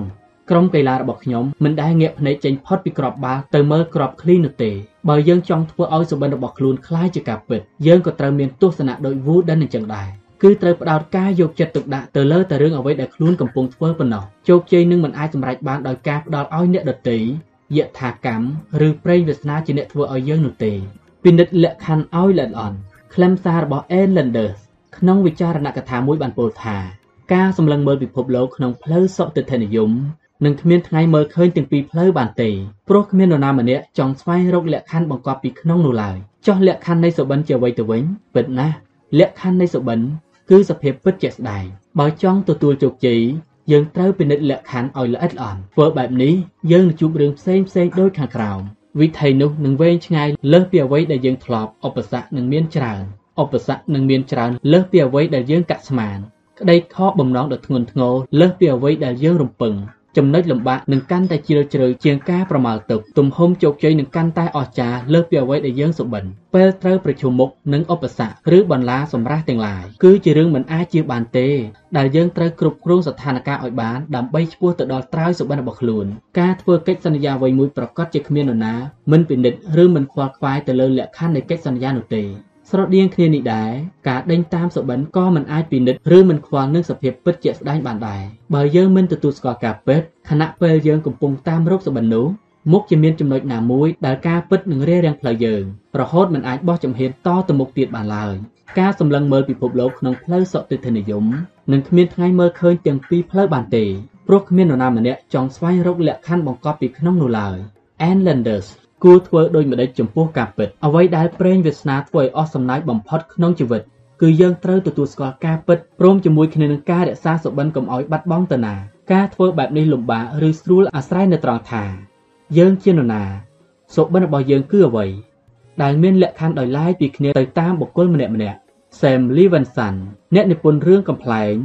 រៀបរាប់បទពិសោធន៍របស់ឪពុកម្ដាយដែលមានសុបិនចង់ភៀសខ្លួនទៅរស់នៅសហរដ្ឋអាមេរិកថា ពួកគាត់ជាជនភៀសខ្លួនដែលធ្លាក់ទៅក្រោមអំណាចនៃការជឿលភាពល្បីល្បាញអំពីប្រទេសនេះថាជាផ្លូវដែលក្រាលសុទ្ធតែមាសតែលុះពេលមកដល់គាត់ទាំងពីរនាក់បានជួបនឹងរឿង3យ៉ាងគឺ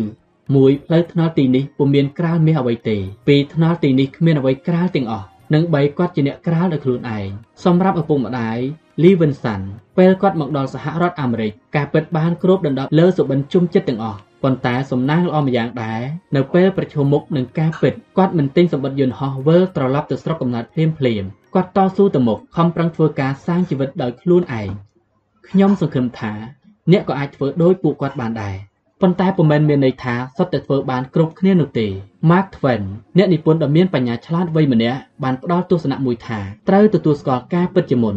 បន្ទាប់ពីនោះចង់ញាក់ទៅខាងណាក៏ស្រេចតែយើងចោះសំណាងមិនល្អដែលសុបិនបានបង្រៀនមនុស្ស តាមវិធីនេះច្រើនគ្នាមកហើយក្តីប្រាថ្នារបស់យើងមានអំណាចរហូតដល់បិទបាំងសភាពពិតអស់រលីងប្រៀបដូចជារឿងដែលកើតឡើងចំពោះបេក្ខជនដែលចូលប្រឡងក្នុងកម្មវិធី American Idol ដូច្នោះដែរទន្ទឹមនឹងផ្លាស់ប្ដូរខ្លួនឯងឬសុបិនឲ្យស្របនឹងការពិត ផ្ទុយទៅវិញគេបែរជានាំគ្នារំពឹងឲ្យការពិតផ្លាស់ប្ដូរតម្រូវការសុបិនទៅវិញកាន់តែរវើរវាយខ្លាំងប៉ុណ្ណាយើងកាន់តែត្រូវពឹងផ្អែកទៅលើអ្វីដែលខ្លួនមិនអាចបង្កប់បញ្ជាបានខ្លាំងប៉ុណ្ណោះដែរប្រការសំខាន់គឺត្រូវបន្ស៊ីគ្នារវាងភាពជាក់លាក់នៃសុបិនឲ្យស៊ីគ្នាជាមួយសភាពពិតរបស់យើងយើងត្រូវទៅឲ្យហួសពីចំណុចដែលយើងគិតថាខ្លួននឹងទៅដល់តែត្រូវទៅដល់ដោយកម្លាំងរបស់ខ្លួននិងបច្ច័យដែលយើងអាចបង្កប់បញ្ជាបានប៉ុណ្ណោះ បើយើងកាន់តែយកចិត្តទុកដាក់ចំពោះរឿងដែលមិនអាចបង្កប់បញ្ជាបានខ្លាំងប៉ុណ្ណាយើងក៏អភិវឌ្ឍនៅអ្វីដែលខ្លួនបង្កប់បញ្ជាបានកាន់តែតិចទៅតិចទៅប៉ុណ្ណោះដែរបើយើងដើរលើផ្លូវនោះមែននោះគឺមិនខុសអ្វីពីយើងកំពុងបោះចំហៀនលើពិភពនៃភាពរវើរវាយនោះឯងកាន់តែរវើរវាយខ្លាំងប៉ុណ្ណាយើងកាន់តែត្រូវពឹងផ្អែកលើរឿងដែលខ្លួនមិនអាចបង្កប់បញ្ជាបានខ្លាំងប៉ុណ្ណោះដែរសិក្សាពីខ្លួនឯងក្នុងការសម្រេចក្តីសុបិនពុំមែនគ្រាន់តែខំប្រឹងប្រែងឲ្យអស់ពីសមត្ថភាពប៉ុណ្ណោះទេ តែយើងត្រូវជាក់លាក់ក្នុងចិត្តថាខ្លួនកំពុងធ្វើអ្វីដែលជាចំណុចខ្លាំងរបស់ខ្លួន មានន័យថាត្រូវដឹងពីអ្វីដែលខ្លួនធ្វើបាននិងធ្វើមិនបាន ក្នុងសម័យ Catherine B. Allen សាស្ត្រាចារ្យផ្នែកឃោសនាការនិងព័ត៌មាននិងជាប្រធានផ្នែកទំនាក់ទំនងមហាវិទ្យាល័យ Markham Community បានកត់សម្គាល់ថាយើងប្រើពេលភាគច្រើនក្នុងវ័យខ្ទង់20ដោយការខំរិះរកមើលថា ខ្លួនអាចធ្វើនេះធ្វើនោះបានរាប់រយមកប៉ុន្តែនៅពេលឈានដល់វ័យខ្ទង់30យើងនឹងរកឃើញអ្វីអ្វីជាច្រើនដែលខ្លួនមិនអាចធ្វើបានលុះដល់វ័យខ្ទង់40លក្ខណៈពិសេសក្នុងវ័យនេះគឺយើងបានបត់ពិសោធន៍ពីក្នុងអំឡុងពេលទាំងពីរនោះមករួមបញ្ចូលគ្នាដើម្បីចម្រាញ់រកសមត្ថភាពពិតនិងដើម្បីស្វែងយល់ពីដែនកំណត់របស់ខ្លួនហើយធ្វើអ្វីដែលល្អបំផុតតាមដែលខ្លួនអាចទៅរួចខ្ញុំសង្ឃឹមថា ខ្លឹមសារក្នុងមេរៀននេះនឹងជួយឲ្យអ្នកអាចប្រឈមមុខនឹងការពិតតាក់ទងនឹងសមត្ថភាពនិងដែនកំណត់របស់ខ្លួនដែលវានឹងធ្វើឲ្យយើងដឹងថាតើយើងត្រូវព្យាយាមដល់កម្រិតណានៅពេលសាកល្បងសុបិនរបស់ខ្លួននោះបើយើងយកចិត្តទុកដាក់តែលើអ្វីដែលខ្លួនមិនអាចបង្កប់បញ្ជាបានកាន់តែខ្លាំងប៉ុណ្ណាយើងនឹងកាន់តែបាត់បង់ឱកាសអភិវឌ្ឍនៅអ្វីដែលខ្លួនឯងអាចបង្កប់បញ្ជាបានច្រើនប៉ុណ្ណោះដែរតើសុបិនសាងឡើងពីចំណុចខ្លាំងរបស់យើងមែនឬទេដំណាក់កាលដំបូងនៃការប្រឈមនឹងការពិត យើងត្រូវសិក្សាពីខ្លួនឯងតាមសភាវៈពិតជាមុនទៅតាមសភាពរបស់ខ្លួន Nathaniel Braden ជាពេទ្យចិត្តសាស្ត្រនិងជាអ្នកជំនាញខាងផ្នែកផ្ដល់តម្លៃខ្លួនឯងបានអធិប្បាយថា ការវិវត្តផ្លូវចិត្តនិងការលើកទឹកចិត្តគ្មានបច្ច័យអ្វីមានឥទ្ធិពលជាងការវេតម្លៃខ្លួនឯងនោះទេ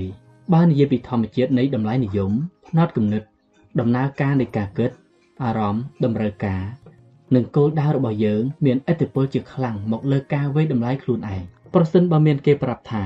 យើងអាចធ្វើអ្វីគ្រប់យ៉ាងតាមការតាំងចិត្តហើយយើងក៏ជឿសម្ដីនោះភ្លាមនោះយើងប្រកាសជាមើលមិនឃើញសភាពពិតរបស់ខ្លួនឯងទេឬប្រសិនបើមានអ្នកមកប្រាប់ថាយើងមិនអាចធ្វើអ្វីមួយឲ្យសម្រេចបានទេ បើជឿសម្ដីនោះយើងក៏នឹងមើលមិនឃើញសភាពពិតរបស់ខ្លួនឯងដូចគ្នាយើងចាំបាច់ត្រូវតែដឹងថា ខ្លួនឯងគ្មានទេពកោសល្យឬគ្មានជំនាញក្នុងផ្នែកណា សម្លឹងរកចំណុចខ្លាំងដ៏ពិតប្រាកដរបស់ខ្លួនហើយប្រមូលចំណុចខ្លាំងទាំងនោះរួមបញ្ចូលគ្នាដេញតាមសុបិនដែលបង្កើតឡើងពីចំណុចខ្លាំងរបស់ខ្លួនតើអ្នកដឹងពីចំណុចខ្លាំងរបស់ខ្លួនហើយឬនៅតើអ្នកឃើញខ្លួនឯងប្រើចំណុចខ្លាំងទាំងនោះមកសម្រេចក្តីសុបិនហើយឬនៅការដើរប្រគំតន្ត្រីទូទាំងសហរដ្ឋអាមេរិកនាគ្រាមួយក្នុងចំណោមការដើរប្រគំជាច្រើនលើករបស់ Ignacy Paderewski អ្នកលេងព្យ៉ាណូជនជាតិប៉ូឡូញបានជួបនារីម្នាក់ដែលមានមហិច្ឆតាខ្ពស់ដែលប្រាប់គាត់ថា នាងមានទេពកោសល្យអស្ចារ្យក្នុងផ្នែកតន្ត្រីបន្ទាប់ពីបានសន្ទនាគ្នាមួយសន្ទុះធំនាងក៏បបួលគាត់ឲ្យស្ដាប់ការលេងតន្ត្រីរបស់នាង Patrowski អ្នកអង្គុយស្ដាប់ថ្វីដៃដល់រដាក់រដប់គ្មានអស្ចារ្យអ្វីរបស់នាងទាំងបង្កប់ដោយក្តីធុញទ្រាន់នៅពេលលេងចប់នារីនោះក៏សួរថាយ៉ាងម៉េចដែរគាត់ដកដង្ហើមធំហើយប្រាប់ថាឈប់លេងហើយត្រូវការប្តីចោះការរិះគន់របស់គាត់ហាក់បីដូចជាមើលងាយស្ត្រីភេទតែវាបានបង្ហាញឲ្យឃើញយ៉ាងច្បាស់ថា ទោះបីនារីម្នាក់នេះខំប្រឹងបន្តហាត់បែបណាក៏ដោយនាងនៅតែគ្មានថ្ងៃខ្លាយជាអ្នកលេងព្យ៉ាណូដែលអាចសម្ដែងលើវេទិកាបានដែររឿងបែបនេះជើងខ្លាំងដូចជា Patrowski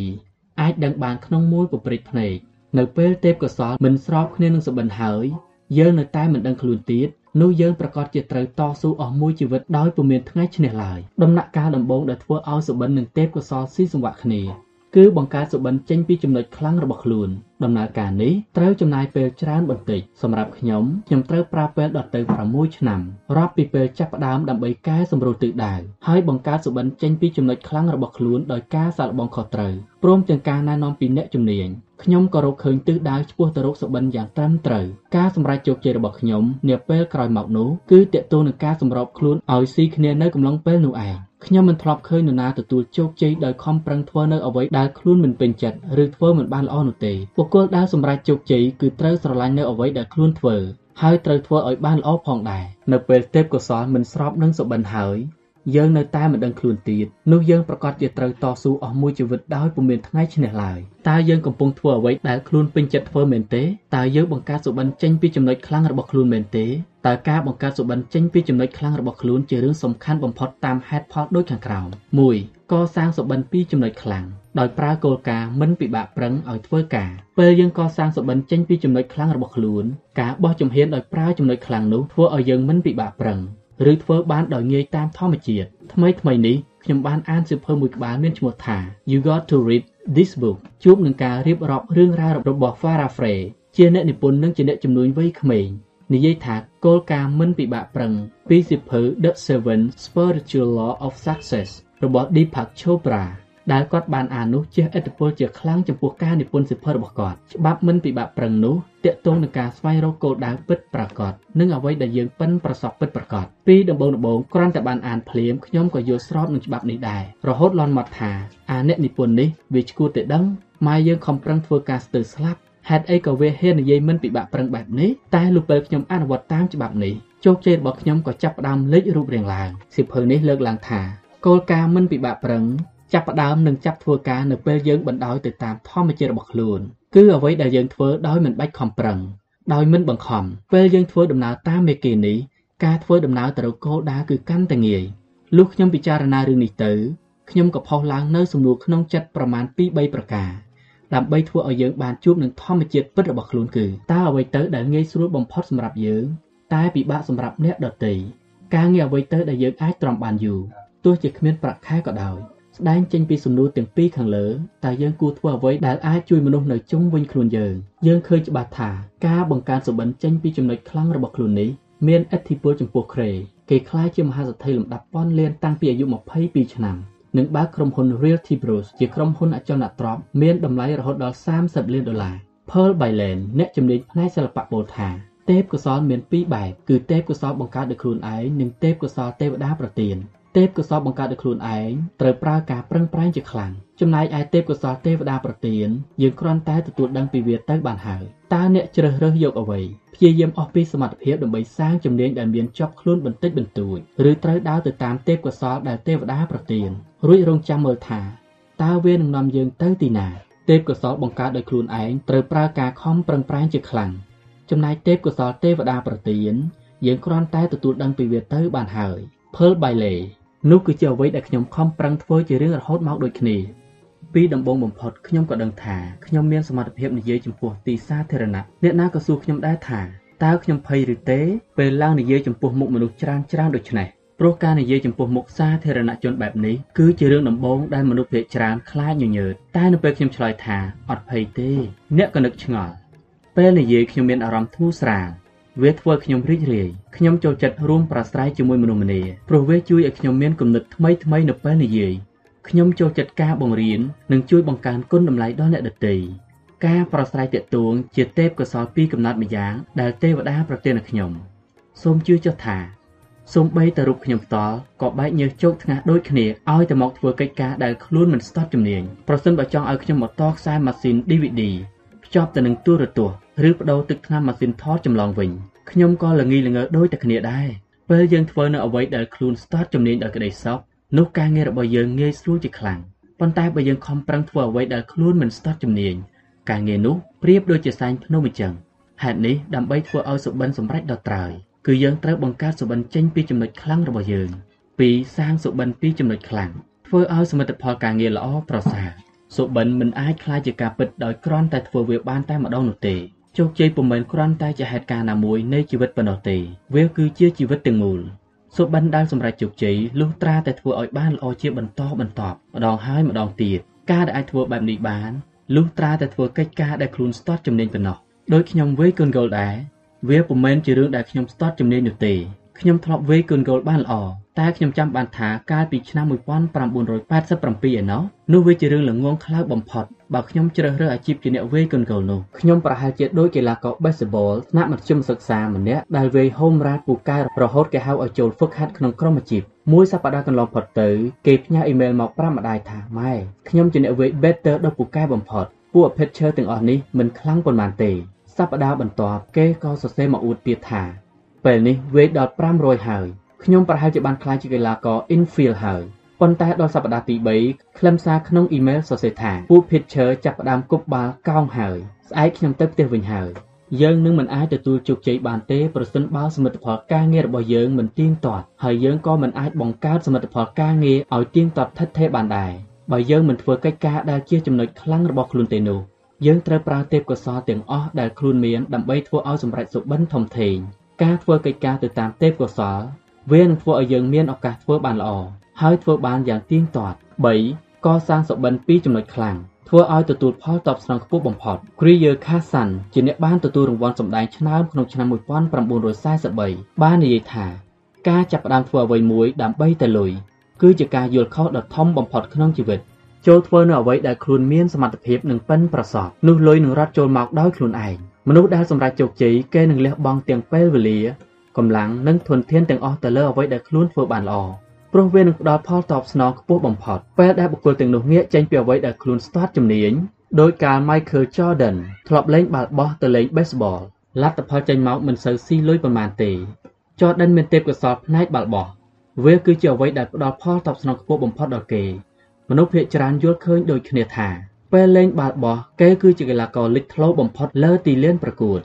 តែពេលលេង baseball ដែលគេចូលទៅលេងបានមួយឆ្នាំគេមិនធ្លាប់ធ្វើបានលើពីបាល់ AA ឡើយវាយបានត្រឹមតែ202ហើយមានកំហុសរហូតដល់ទៅ11លើកខណៈពេលធ្វើជាភាគីតុបដែលរាប់ថាជាអនុស្សាវរីយ៍ដែលគេមិនចង់ឲ្យនរណាចងចាំប៉ុន្មានឡើយការចាប់ផ្ដើមធ្វើអ្វីមួយដើម្បីទៅលុយគឺជាការយល់ខុសដ៏ធំបំផុតក្នុងជីវិតចូលធ្វើនៅអ្វីដែលខ្លួនមានសមត្ថភាពនិងប៉ិនប្រសប់នោះលុយនឹងរត់ចូលមកដោយខ្លួនឯង Kriyer Khasan មនុស្សយើងអាចបំពេញបន្ថែមទេពកោសល្យបានក្នុងកម្រិតណាមួយប៉ុណ្ណោះតាមការសង្កេតរបស់ខ្ញុំប្រសិនបើពិន្ទុពេញមានត្រឹមតែ10មនុស្សយើងមានលទ្ធភាពបង្កើនឲ្យពូកែលើសពីទេពកោសល្យដែលខ្លួនមានត្រឹមតែ2ពិន្ទុប៉ុណ្ណោះឬអាចនិយាយបានម្យ៉ាងទៀតថាប្រសិនបើខ្ញុំមានសមត្ថភាពមធ្យមក្នុងរឿងនេះគិតជាពិន្ទុប្រហែលជា5ពិន្ទុហើយបើខ្ញុំខំព្យាយាមយ៉ាងពេញទំហឹងវានឹងធ្វើខ្ញុំពូកែឡើងបានប្រហែលជា6ទៅ7ពិន្ទុ ឬជួនកាលអាចមានខ្លះបង្កើនសមត្ថភាពរបស់ខ្លួនបានរហូតដល់ទៅ3ពិន្ទុគឺអាចបាន8ពិន្ទុប៉ុន្តែទោះជាយ៉ាងណាយើងមិនអាចសម្រេចសុបិនបានទេបើសមត្ថភាពដើមក្នុងរឿងនោះមានត្រឹមតែ4ឬ5ពិន្ទុនោះបើយើងចង់សម្រេចឲ្យដល់សុបិនយើងត្រូវមានសមត្ថភាពដើមចាប់ពី7ទៅ8ពិន្ទុព្រោះបើយើងខំប្រឹងជាយើងពេញទំហឹងយើងនឹងក្លាយជាមនុស្សមានសមត្ថភាពខ្ពស់បំផុតលើផ្នែកនោះអ្វីដែលខ្ញុំដឹងគឺយើងម្នាក់ម្នាក់តែងមានចំណុចខ្លាំងពិសេសរៀងៗខ្លួន ឬរាប់ថាជាលក្ខណៈពិសេសផ្ទាល់ខ្លួនដែលអាចឲ្យគេសម្រេចដល់កម្រិតខ្ពស់បាននាពេលអនាគតយើងត្រូវស្វែងរកវាឲ្យឃើញខ្ញុំធ្លាប់ឃើញប៉ាយក្នុងហាងលក់ឧបករណ៍ប្រើប្រាស់ក្នុងផ្ទះមួយកន្លែងសរសេរថាយើងមានលក់គ្រប់មុខបើអ្នករកឃើញប៉ាយនោះក៏ប្រៀបដូចជាជីវិតរបស់យើងដែរយើងមានសមត្ថភាពពិសេសនោះហើយតែត្រូវស្វែងរកវាឲ្យឃើញតើសុបិនរបស់យើងសាងឡើងដោយទម្លាប់មែនឬ ការឆ្លើយនឹងសំណួរអំពីការពិតជាក់ស្ដែងដែលយើងធ្លាប់ចាប់ផ្ដើមសាងសុបិនចេញពីចំណុចខ្លាំងរបស់ខ្លួននេះគឺគ្រាន់តែជាចំណុចចាប់ផ្ដើមប៉ុណ្ណោះ Chapel Getty ស្ថាបនិកក្រុមហ៊ុន Getty Oil ជាបុគ្គលចិត្តធម៌បានពោលថាអ្នកដែលចង់សម្រេចជោគជ័យខ្ពស់បំផុតផ្នែកជំនួញចាំបាច់ត្រូវទទួលស្គាល់អំណាចនៃទម្លាប់ឬនិស្ស័យយើងត្រូវលាងជម្រះទម្លាប់មិនល្អចេញកុំឲ្យវាមកបំផ្លាញយើងតាន់ការឆាប់ភ្ញាក់រលឹកប្រតិបត្តិបែបនេះនឹងជួយឲ្យយើងសាងចរិតនិងនិស្ស័យថ្មីឡើង ហើយនាំយើងឲ្យសម្រេចជោគជ័យតាមក្តីប្រាថ្នាសម្ដីដែលលើកឡើងមកនេះពុំមែនត្រឹមតែពិតចំពោះការរកស៊ីប៉ុណ្ណោះទេតែជាសច្ចភាពសម្រាប់រឿងដទៃទៀតផងដែរសុបិនអាចคล้ายជាការពិតបានសុបិនអាចคล้ายជាការពិតបានដោយការប្រព្រឹត្តរបស់យើងឯការប្រព្រឹត្តភាកច្រើនរបស់យើងកើតចេញពីទម្លាប់ផ្ទាល់ខ្លួនដែលចាំបង្កប់បញ្ជានោះឯងខ្ញុំធ្លាប់បានអានលទ្ធផលវេតម្លៃរបស់ចិត្តវិទូថា90%នៃអំពើរបស់មនុស្សម្នាក់ៗកើតចេញមកពីទម្លាប់ គឺ90%ទង្វើភាគច្រើនដែលយើងធ្វើសុទ្ធសឹងកើតចេញពីទម្លាប់ចូលអ្នកសាឡបងគិតបន្តិចមើលថាអាទិត្យនេះយើងចាប់ផ្ដើមប្រតិបត្តិជីវិតប្រចាំថ្ងៃដោយវិធីណា ដូចជាងូតទឹកតុបតែងខ្លួនទទួលទានអាហារធ្វើដំណើរទៅធ្វើការដោយវិធីដដែលដដែលរៀងរាល់ថ្ងៃបើយើងមានលក្ខណៈប្រក្រតីដូចអ្នកដទៃយើងនឹងមិនចាំបាច់ប្រើធម៌ពលមកគិតរិះរកវិធីធ្វើរឿងទាំងនេះឡើយយើងធ្វើដោយមិនពិបាកគិតអ្វីទាំងអស់យើងទៅធ្វើការសម្អាតផ្ទះ ទិញទំនិញមកដាក់ផ្ទះឬអានកសាតាមវិធីដដែលដដែលយើងមានវត្តកិច្ចដែលបង្កើតជាទម្លាប់ទម្លាប់មានផលប៉ះពាល់មកលើគ្រប់ផ្នែកនៃជីវិតតាំងពីរឿងសុខភាពលុយកាក់និងសម្ព័ន្ធភាពប្រការល្អម្យ៉ាងគឺអ្វីដែលជាទម្លាប់នឹងធ្វើឲ្យយើងធ្វើបានលឿននិងឆាប់រហ័សគ្មានអ្វីត្រូវស្មុគស្មាញធ្វើឲ្យយើងអាចយកខួរក្បាលទៅគិតរឿងសំខាន់សំខាន់ដទៃទៀតបានប៉ុន្តែប្រការអាក្រក់របស់វាគឺវានឹងធ្វើឲ្យសុខភាពរបស់យើងទ្រុឌទ្រោមហើយនាំយើងទៅកាន់ទិសដៅដែលផ្ទុយពីសុបិន ឧទាហរណ៍ដូចអ្នកដែលចង់ឈ្នះការប្រកួតរត់ប្រណាំងតែបែរជាជក់បារីក្នុងមួយថ្ងៃពីរកញ្ចក់អ្នកដែលចង់ក្លាយជានារីបង្ហាញម៉ូដតែបរិភោគអាហារក្នុងមួយថ្ងៃអស់ដល់ទៅ6000កាឡូរីដោយមិនហាត់ប្រាណអ្នកចំនួនដែលមានសុបិនចង់ក្លាយជាមេដឹកនាំដ៏ជោគជ័យតែមានទម្លាប់ចូលចិត្តមើលងាយនិងមានចិត្តចង្អៀតចង្អល់ជាមួយសហសេវកជាដើមអារីស្តូតអ្នកប្រាជ្ញជនជាតិក្រិកបានកត់សម្គាល់ថា យើងនឹងคล้ายទៅជាអ្វីដែលយើងធ្វើច្រំដែលច្រំដែលអ្វីដែលប្រសើរបំផុតពុំមែនទង្វើទេគឺជាទម្លាប់ទម្លាប់ក្នុងការប្រតិបត្តិជីវិតប្រចាំថ្ងៃរបស់យើងជាអ្នកសម្រេចវាសនាឲ្យជីវិតទង្វើឆ្ពោះទៅរកជោគជ័យអាចសម្រេចបានដោយការប្រតិបត្តិប្រចាំថ្ងៃរបស់យើងនេះឯងអ្នកដែលគ្មានជោគជ័យពុំមែននៅស្ងៀមស្ងៀមស្រាប់តែទទួលបានជោគជ័យនោះទេចំណែកអ្នកដែលសម្រេចបានតាមសុបិនក៏មិនមែនកើតឡើងដោយចៃដន្យនោះដែរបើយើងហ្វឹកហាត់ឲ្យមានទម្លាប់ល្អៗ មានសុទិដ្ឋិនិយម មានវិន័យនិងមានការព្យាយាមពុះពៀកាន់តែច្រើនកម្រិតណាអនាគតរបស់យើងក៏មានឱកាសបានល្អប្រសើរកម្រិតនោះតែបើយើងប្រមូលតែទម្លាប់អាក្រក់ៗផលអាក្រក់ៗក៏កាន់តែកើតមកលើយើងច្រើនកម្រិតនោះដែរយើងនឹងខ្លាយទៅជាអ្វីដែលយើងធ្វើច្រំដាលច្រំដាលអ្វីដែលប្រសើរបំផុតពុំមែនទង្វើទេគឺទម្លាប់អារីស្តូតពេលមានអាយុកាន់តែច្រើនខ្ញុំកាន់តែឃើញច្បាស់ថាទម្លាប់មានតួនាទីសំខាន់សម្រាប់ជីវិតរបស់យើង ឥទ្ធិពលរបស់ទម្លាប់គឺជាអ្វីដែលកាន់តែកើនឡើងជាបន្តបន្ទាប់តែផលប៉ះពាល់របស់វានឹងមិនបង្ហាញចេញឲ្យឃើញរហូតតតែយើងបានឆ្លងកាត់ជីវិតច្រើនបន្តិចបើជាទម្លាប់អាក្រក់ទម្រាំតែដល់ពេលវាបង្ហាញរិទ្ធឲ្យឃើញច្បាស់ពេលនោះអាចហួសពេលកែទៅហើយនេះគឺជាហេតុផលដែលថាយើងត្រូវចេះបង្កប់បញ្ជាលើទម្លាប់របស់ខ្លួនពីដំបូងទៅ Robert Ringer ជាអ្នកនិពន្ធនិងជាវាគ្មិនដ៏ល្បី បានសរសេរក្នុងសៀវភៅ Million Dollar Habit បានអធិប្បាយពីធម៌ពលនៃទម្លាប់ក្នុងផ្លូវសុតិធនិយមថាលើโลกនេះមានមនុស្សឆ្លាតមានការសិក្សាខ្ពស់មានជំនាញពិសេសតែត្រូវខកបំណងជាប្រចាំព្រោះមិនសូវទទួលជោគជ័យព្រោះមិនសូវទទួលជោគជ័យមានមនុស្សច្រើនរាប់លានអ្នកធ្វើការច្រើនម៉ោងក្នុងមួយថ្ងៃដើម្បីរងចាំក្តីស្លាប់ប៉ុណ្ណោះវិធីដោះស្រាយដែលគាត់ពោលក្នុងសៀវភៅនេះមានសេចក្តីថាមានសេចក្តីថា ជីវិតគ្មានអ្វីលើសពីការបូកសរុបលទ្ធផលជោគជ័យពីក្នុងឆ្នាំនីមួយៗជោគជ័យក្នុងឆ្នាំនីមួយៗគ្មានអ្វីហួសពីការសរុបជោគជ័យក្នុងខែនីមួយៗជោគជ័យក្នុងខែនីមួយៗក៏មិនហួសពីជោគជ័យក្នុងសប្តាហ៍នីមួយៗហើយជោគជ័យក្នុងសប្តាហ៍នីមួយៗក៏មិនលើសអ្វីពីការសម្រេចជោគជ័យក្នុងថ្ងៃនីមួយៗនោះដែរទាំងនេះហើយគឺជាហេតុផលដែលថាការសាងទម្លាប់សម្រេចជោគជ័យក្នុងថ្ងៃនីមួយៗឲ្យបានគឺជាវិធីដ៏ល្អបំផុតដើម្បីឈានទៅសម្រេចជោគជ័យក្នុងរយៈពេលវែងទម្លាប់ជារឿងសំខាន់ដើម្បីសម្រេចតាមសុបិន វានឹងនាំយើងទៅកាន់ទិសដៅដ៏ជាក់លាក់មួយ យើងត្រូវរកឲ្យឃើញពីសភាពពិតជាក់ស្ដែងរបស់ខ្លួនដើម្បីឲ្យដឹងអំពីខ្លួនឯងថាតើទម្លាប់វានាំយើងទៅកាន់ទិសណាបើទម្លាប់របស់យើងមិនធ្វើដំណើរស្របទៅតាមទិសនៃសុបិនទេ យើងអាចផ្លាស់ប្ដូរណាមួយក៏បានបើជ្រើសរើសយកផ្លូវសុបិនបើជ្រើសរើសយកផ្លូវតាមសុបិនយើងត្រូវត្រៀមខ្លួនផ្លាស់ប្ដូរទម្លាប់ព្រោះទម្លាប់មិនល្អមិនអាចរលុបបានទៅដោយឯងឯងឡើយបើទម្លាប់របស់យើងមិនធ្វើដំណើរស្របទៅតាមទិសដៅនៃសុបិនទេ យើងអាចផ្លាស់ប្ដូរណាមួយក៏បានការធ្វើអ្វីដែលខុសពីទម្លាប់វាអាចធ្វើឲ្យយើងតានតឹងឬមានអារម្មណ៍ខុសប្រក្រតីចូលមើលឧទាហរណ៍ពីការធ្វើកិច្ចការខ្លះដូចខាងក្រោមស្រាក់ម្រាមដៃទាំងសងខាងក្តោបរោគ្នាពេលធ្វើដូច្នេះម្រាមដៃមេមួយតែងតែនៅពីលើគេជានិច្ចចូលសាឡបងធ្វើម្ដងទៀតដោយយកមេដៃម្ខាងទៀតមកដាក់ពីលើវិញម្ដងតើមានអារម្មណ៍ខុសប្លែកពីធម្មតាទេអោបទ្រូងដូចឧទាហរណ៍ខាងលើដែរយើងតែងដាក់ដៃម្ខាងនៅពីលើជានិច្ចចូលដាក់ដៃម្ខាងទៀតពីលើវិញម្ដងសាកល្មើល ទះដៃ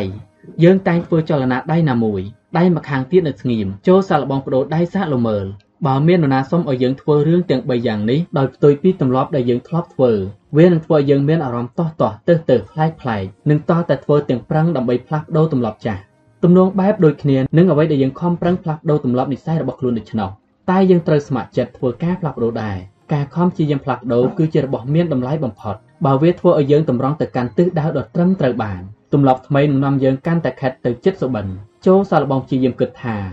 យើងកំពុងស្ថិតក្នុងគម្រោងផ្លាស់ប្ដូរការប្រែខ្លួនឯងឲ្យទៅជាមនុស្សថ្មីម្នាក់តើសុបិនសាងដោយសមត្ថភាពពិតរបស់យើងមែនឬយើងត្រូវបង្កើតចំណុចខ្លាំងចេញពីសមត្ថភាពពិតប្រាកដរបស់ខ្លួនយើងមិនអាចបដូរចំណុចផ្ដើមនៃជីវិតបានទេយើងត្រូវឈរលើដែនដីរបស់ខ្លួននោះគឺសភាពពិតជាស្ដែង ប្រការល្អប្រសើរបំផុតដែលធ្វើបានគឺយើងត្រូវព្យាយាមឲ្យអស់ពីលទ្ធភាពដើម្បីផ្លាស់ប្ដូរគោលដៅជីវិតប្រសិនបើយើងចង់ទៅឲ្យដល់ត្រើយតាមសុបិនយើងត្រូវឲ្យច្បាស់លាស់ក្នុងចិត្តថាចំណុចខ្លាំងទម្លាប់និងសមត្ថភាពរបស់យើងកំពុងដើរស្របគ្នាទៅកាន់ទិសដៅតែមួយគឺឆ្ពោះទៅរកសុបិនបើមិនដូច្នោះទេមានន័យថា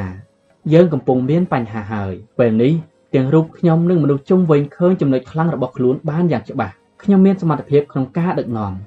ការប្រស្រ័យទាក់ទង ការច្នៃប្រឌិតនិងការបង្កើតខ្សែបណ្ដាញគឺត្រឹមតែ4ចំណុចនេះប៉ុណ្ណោះដែលខ្ញុំអាចធ្វើបានយ៉ាងល្អបំផុតចំណែករឿងផ្សេងៗទៀតខ្ញុំអាចធ្វើបានក្នុងកម្រិតមធ្យមឬអន់តែម្ដងចំណុចខ្សែរបស់ខ្ញុំមានច្រើនណាស់សូម្បីតែខ្ញុំនិងសហការីជុំវិញក៏សិតតែដឹងដូចគ្នាដើម្បីបំពេញចំណុចខ្សោយទាំងនោះខ្ញុំបានបង្កើតក្រុមការងារឡើងដើម្បីបំពេញចំណុចខ្សោយរបស់ខ្លួនក្រៅពីនេះខ្ញុំថែមទាំងសាងប្រព័ន្ធនិងទម្លាប់ឡើងដើម្បីអភិវឌ្ឍចំណុចខ្លាំងរបស់ខ្លួនទៀតផងខ្ញុំបានហ្វឹកហាត់និស័យសំខាន់សំខាន់ខាងក្រោម ដើម្បីបោះជំហានឆ្ពោះទៅរកសុបិនឲ្យបានកាន់តែជិតបន្តិចម្ដងបន្តិចម្ដងអានសៀវភៅតាក់ទងនឹងអ្នកដឹកនាំរៀងរាល់ថ្ងៃរៀបចំឯកសារតាក់ទងនឹងអ្នកដឹកនាំជារៀងរាល់ថ្ងៃសរសេររឿងតាក់ទងនឹងអ្នកដឹកនាំជារៀងរាល់ថ្ងៃជជែកពិភាក្សាតាក់ទងនឹងអ្នកដឹកនាំជារៀងរាល់ថ្ងៃសួរសំណួរតាក់ទងនឹងអ្នកដឹកនាំជារៀងរាល់ថ្ងៃអប់រំឲ្យអ្នកដទៃក្លាយជាអ្នកដឹកនាំជារៀងរាល់ថ្ងៃគិតពីរឿងដែលពាក់ព័ន្ធនឹងអ្នកដឹកនាំជារៀងរាល់ថ្ងៃ បន្ថែមគុណតម្លៃឲ្យអ្នកដទៃពីទស្សនៈភាពជាអ្នកដឹកនាំជារៀងរាល់ថ្ងៃជជែកជាមួយអ្នកដឹកនាំពីរឿងតាក់ទងនឹងការដឹកនាំរៀងរាល់ថ្ងៃបង្កើតចំណងមិត្តភាពល្អជាមួយអ្នកដឹកនាំធ្វើការរាល់ថ្ងៃដើម្បីឲ្យមានការទទួលស្គាល់ពីអ្នកដឹកនាំព្យាយាមបន្ថែមគុណតម្លៃដល់អ្នកដឹកនាំដោយមិនរំពឹងផលតបស្នងទោះបីជាខ្ញុំធ្វើបែបនេះរៀងរាល់ថ្ងៃលទ្ធផលដែលបានមកក៏ពុំមែនហុចផលឲ្យឃើញច្បាស់ក្នុងមួយថ្ងៃមួយសប្តាហ៍ឬមួយខែឡើយវាបង្ហាញឲ្យឃើញក្រោយពីនោះរាប់ឆ្នាំ ហើយប្រើពេលរាប់សិបឆ្នាំទើបអាចចងភ្ជាប់វាបានយ៉ាងពិតប្រាកដហេតុអ្វីបានជាខ្ញុំត្រូវខំប្រឹងបែបនេះព្រោះក្តីសុបិនរបស់ខ្ញុំគឺបន្ថែមគុណតម្លៃដល់អ្នកដឹកនាំដែលវាមានតម្លៃខ្ពស់ជាងអ្នកដទៃទ្វេដងនោះឯងពេលនេះចំណុចខ្លាំងទម្លាប់និងសមត្ថភាពរបស់ខ្ញុំបានធ្វើដំណើរស្របទៅតាមទិសតែមួយហើយខ្ញុំមិនអាចប្រាប់បានថាអ្នកគួរអភិវឌ្ឍទម្លាប់បែបណាដើម្បីធ្វើឲ្យសុបិនរបស់អ្នកคล้ายជាការពិតនោះទេ ព្រោះខ្ញុំមិនដឹងថាសុបិនរបស់អ្នកជាអ្វីព្រមទាំងមិនដឹងដែរថាទេពកុសលដែលទេវតាប្រទានឲ្យអ្នកគឺជាអ្វីតែអ្វីដែលខ្ញុំដឹងគឺបើអ្នកស្គាល់ចំណុចខ្លាំងរបស់ខ្លួនហើយបង្កើតសុបិនចេញពីចំណុចនេះដោយធ្វើអ្វីទៅតាមភាពចាំបាច់សម្រាប់ជាប្រយោជន៍ដល់សុបិនជាប្រចាំរហូតក្លាយជាទម្លាប់នោះឱកាសដែលអ្នកនឹងទទួលជោគជ័យក៏មានច្រើនផងដែរសម្រាប់មនុស្សទូទៅ ដែនកំណត់ដែលត្រូវប្រឈមពុំមែនចេញមកពីមជ្ឈដ្ឋានខាងក្រៅទេតែវាផុសចេញមកពីក្នុងខ្លួនយើងនោះឯងសម្រាប់មនុស្សទូទៅដែនកំណត់ដែលត្រូវប្រឈមពុំមែនចេញមកពីមជ្ឈដ្ឋានខាងក្រៅទេតែវាផុសចេញមកពីក្នុងខ្លួនយើងនោះឯងធ្វើឲ្យការពិតคล้ายជាសម្ព័ន្ធមិត្តរបស់យើងគេចង់ធ្វើជាអ្នកបញ្ជាវងតន្ត្រីតែអាកប្បកិរិយារបស់គេបែរជាចេញមកคล้ายคล้ายជានិច្ចពេលដែលវគ្គភ្លេងស្រទន់គេចំកោងបន្ទាបខ្លួន តែដល់វគ្គក្រេសិនដូជាវគ្គដែលឧបករណ៍តន្ត្រីទាំងអស់បន្លឺសំឡេងព្រមព្រំគ្នា គេបែរជាលោតហើយស្រែកខ្លាំងខ្លាំងមានពេលមួយនោះគេបានរំលងទៅវគ្គកន្ត្រាក់អារម្មណ៍តែតន្ត្រីករទាំងអស់មិនព្រមលេងតាមគេទេព្រោះគេច្រឡំវគ្គហើយដោយរំលងលឿនហួសតន្ត្រីករក្នុងក្រុមសម្លឹងទៅរកអ្នកកោតវីយូឡុងច្រើនជាងសម្លឹងមើលកាយវិការបញ្ជារបស់គេទៅវិញការចងចាំរបស់គេមិនសូវពូកែក្នុងពេលកំពុងសម្ដែងគេបែរជាបញ្ជាវងភ្លេងឲ្យលេងវគ្គដែលខ្លួនធ្លាប់ប្រាប់ឲ្យរំលង លុះពេលក្រុមភ្លេងមិនរំលង គេក៏ឈប់ហើយស្រែកថា ឈប់ឈប់ខុសវគ្គហើយ មិនកើតទេលេងសារជាថ្មី គេជាមនុស្សធ្វេសប្រហែសពេលសម្ដែង solo piano គេសរសេរ note ភ្លេងបណ្ដើរលេងបណ្ដើរធ្វើឲ្យជើងដាក់ note ភ្លេងរលំលើ piano ការប្រគំតន្ត្រីនៅគ្រាមួយគេដើរជួលក្មេងអ្នកច្រៀងបន្ទួលទាល់តែដួលតន្ត្រីក៏ទាំងអស់បានសុំអង្វរឲ្យគេឈប់ចង់មានសុបិនធ្វើជាអ្នកបញ្ជាវងភ្លេងដ៏អស្ចារ្យទៀតទៅទីបំផុតគេក៏យល់ព្រមចាប់តាំងពីពេលនោះមក Ludwig van Beethoven ឈប់ធ្វើជាអ្នកបញ្ជាវងភ្លេងហើយងាកមកខំប្រឹងនិពន្ធបទភ្លេងតែម្យ៉ាងគត់តើអ្នកត្រូវធ្វើដូចម្តេចពេលត្រូវឆ្លើយនឹងសំណួរអំពីការពិតជាក់ស្ដែងតើយើងកំពុងតែខំប្រឹងធ្វើនៅអ្វីដែលមិនស័ក្តិសមនឹងខ្លួនឯងមែនទេសមត្ថភាព ទម្លាប់ និងកម្លាំងបណ្ដាចិត្តរបស់យើងដើរតាមផ្លូវតែមួយដើម្បីឲ្យលទ្ធភាពនៃការសម្រេចជោគជ័យឈានទៅរកកម្រិតខ្ពស់ជាងនេះដែរឬទេឬមួយយើងពឹងពាក់លើប្រេងវាសនាឬអ្នកដទៃដើម្បីធ្វើឲ្យសុបិនសម្រេចមែនឬទេបើដូច្នេះមែនគួរតែដល់ពេលត្រូវកែប្រែខ្លួនហើយការពិតជាស្ដែងនេះពុំមែនជាសត្រូវរបស់សុបិនទេដរាបណាចម្លើយលើសំណួរអំពីការពិតជាក់ស្ដែងផ្ដល់មកបានល្អគឺសំណួរសួរថាដើម្បីតាមរកសុបិន តើយើងពឹងផ្អែកលើហេតុបច្ច័យដែលស្ថិតនៅក្រៅការបង្កប់បញ្ជារបស់ខ្លួនមែនទេតើអ្នកនឹងឆ្លើយសំណួរអំពីភាពជាក់លាក់បានហើយឬនៅតើយើងពឹងផ្អែកលើបច្ច័យដែលស្ថិតនៅក្រោមការបង្កប់បញ្ជារបស់ខ្លួនដើម្បីសម្រេចសុបិនមែនឬទេដើម្បីត្រួតពិនិត្យឲ្យច្បាស់លាស់ក្នុងចិត្តថាអ្វីផ្សេងៗរបស់យើងបានធ្វើដំណើរការតាមផ្លូវតែមួយដើម្បីសម្រេចដល់គោលដៅនៃសុបិនចូលឆ្លើយនឹងសំណួរដូចខាងក្រោម1សុបិនរបស់យើងគឺអ្វីបើមិនតន់សរសេរសុបិនចេញមកជាសេចក្តីនៅឡើយទេ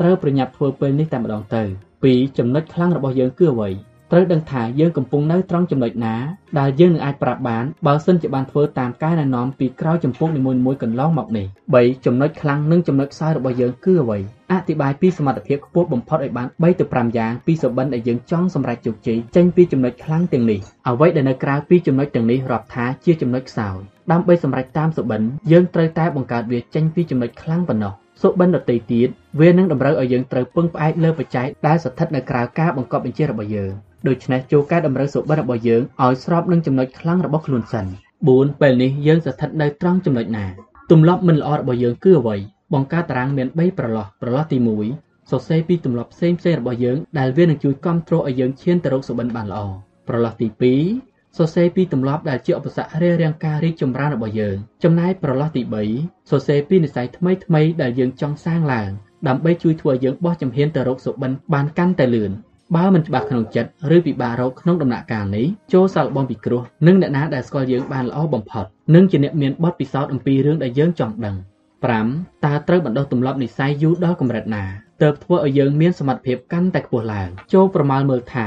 តើត្រូវព្យាយាមដល់កម្រិតណាទើបអាចអភិវឌ្ឍខ្លួនឲ្យក្លាយជាមនុស្សដែលអាចសម្រេចតាមសុបិនបានធ្វើតេស្តមើលអំពីការប្រមាលនោះជាមួយទីប្រឹក្សាដែលអ្នកមានទំនុកចិត្ត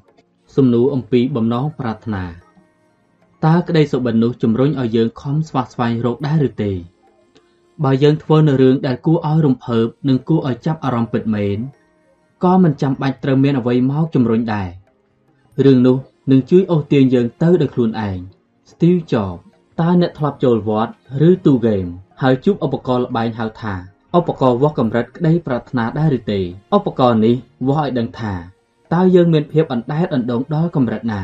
ដោយមានកញ្ចក់បង្ហាញពណ៌ផ្សេងផ្សេងមានដៃចាប់ដែលមានពន្លឺភ្លើងស្រាលស្រាលរត់មកឲ្យយើងក្តាប់បើយើងក្តាប់បានកាន់តែយូរហើយណែនប៉ុណ្ណាពិន្ទុក៏កាន់តែកើនឡើងទៅតាមនោះដែរប្រសិនបើក្តីប្រាថ្នាក្នុងសុបិនអាចវាស់បានដោយងាយស្រួលបែបនេះនោះមុខជាល្អណាស់ គ្រាន់តែសូកកាក់ចូលហើយក្តាប់ដៃឲ្យណែនឱកាសនៃជោគជ័យនឹងប្រកាសលទ្ធផលឲ្យយើងដឹងភ្លាមប៉ុន្តែសម្រាប់ជីវិតពិត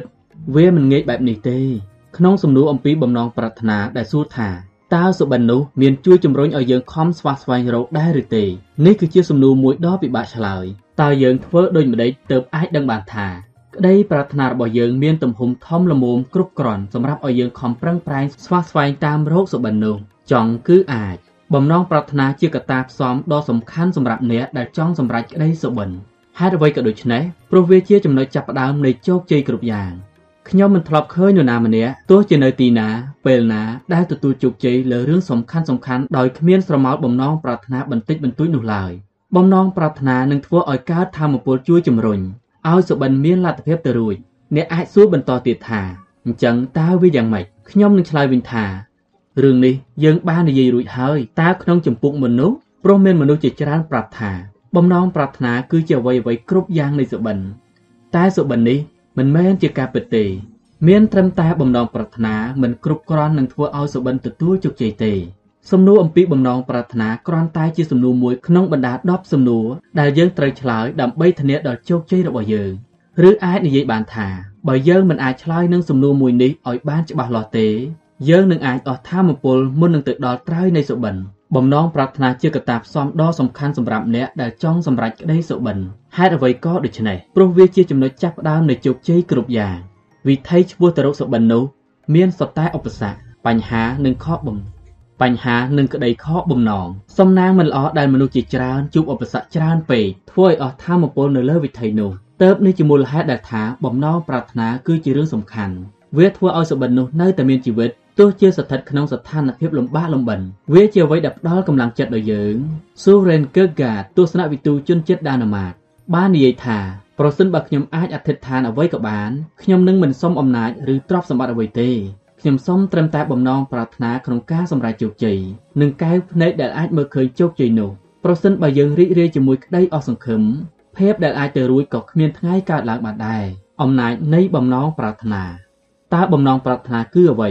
វាជាមហិច្ឆតាម្យ៉ាងដែលមិនត្រឹមតែផ្ដល់ឲ្យនូវធម៌ពលនិងការខំប្រឹងប្រែងក្នុងបច្ចុប្បន្នប៉ុណ្ណោះទេតែវាផ្ដល់ធម៌ពលដែលយើងត្រូវការសម្រាប់អនាគតផងដែរ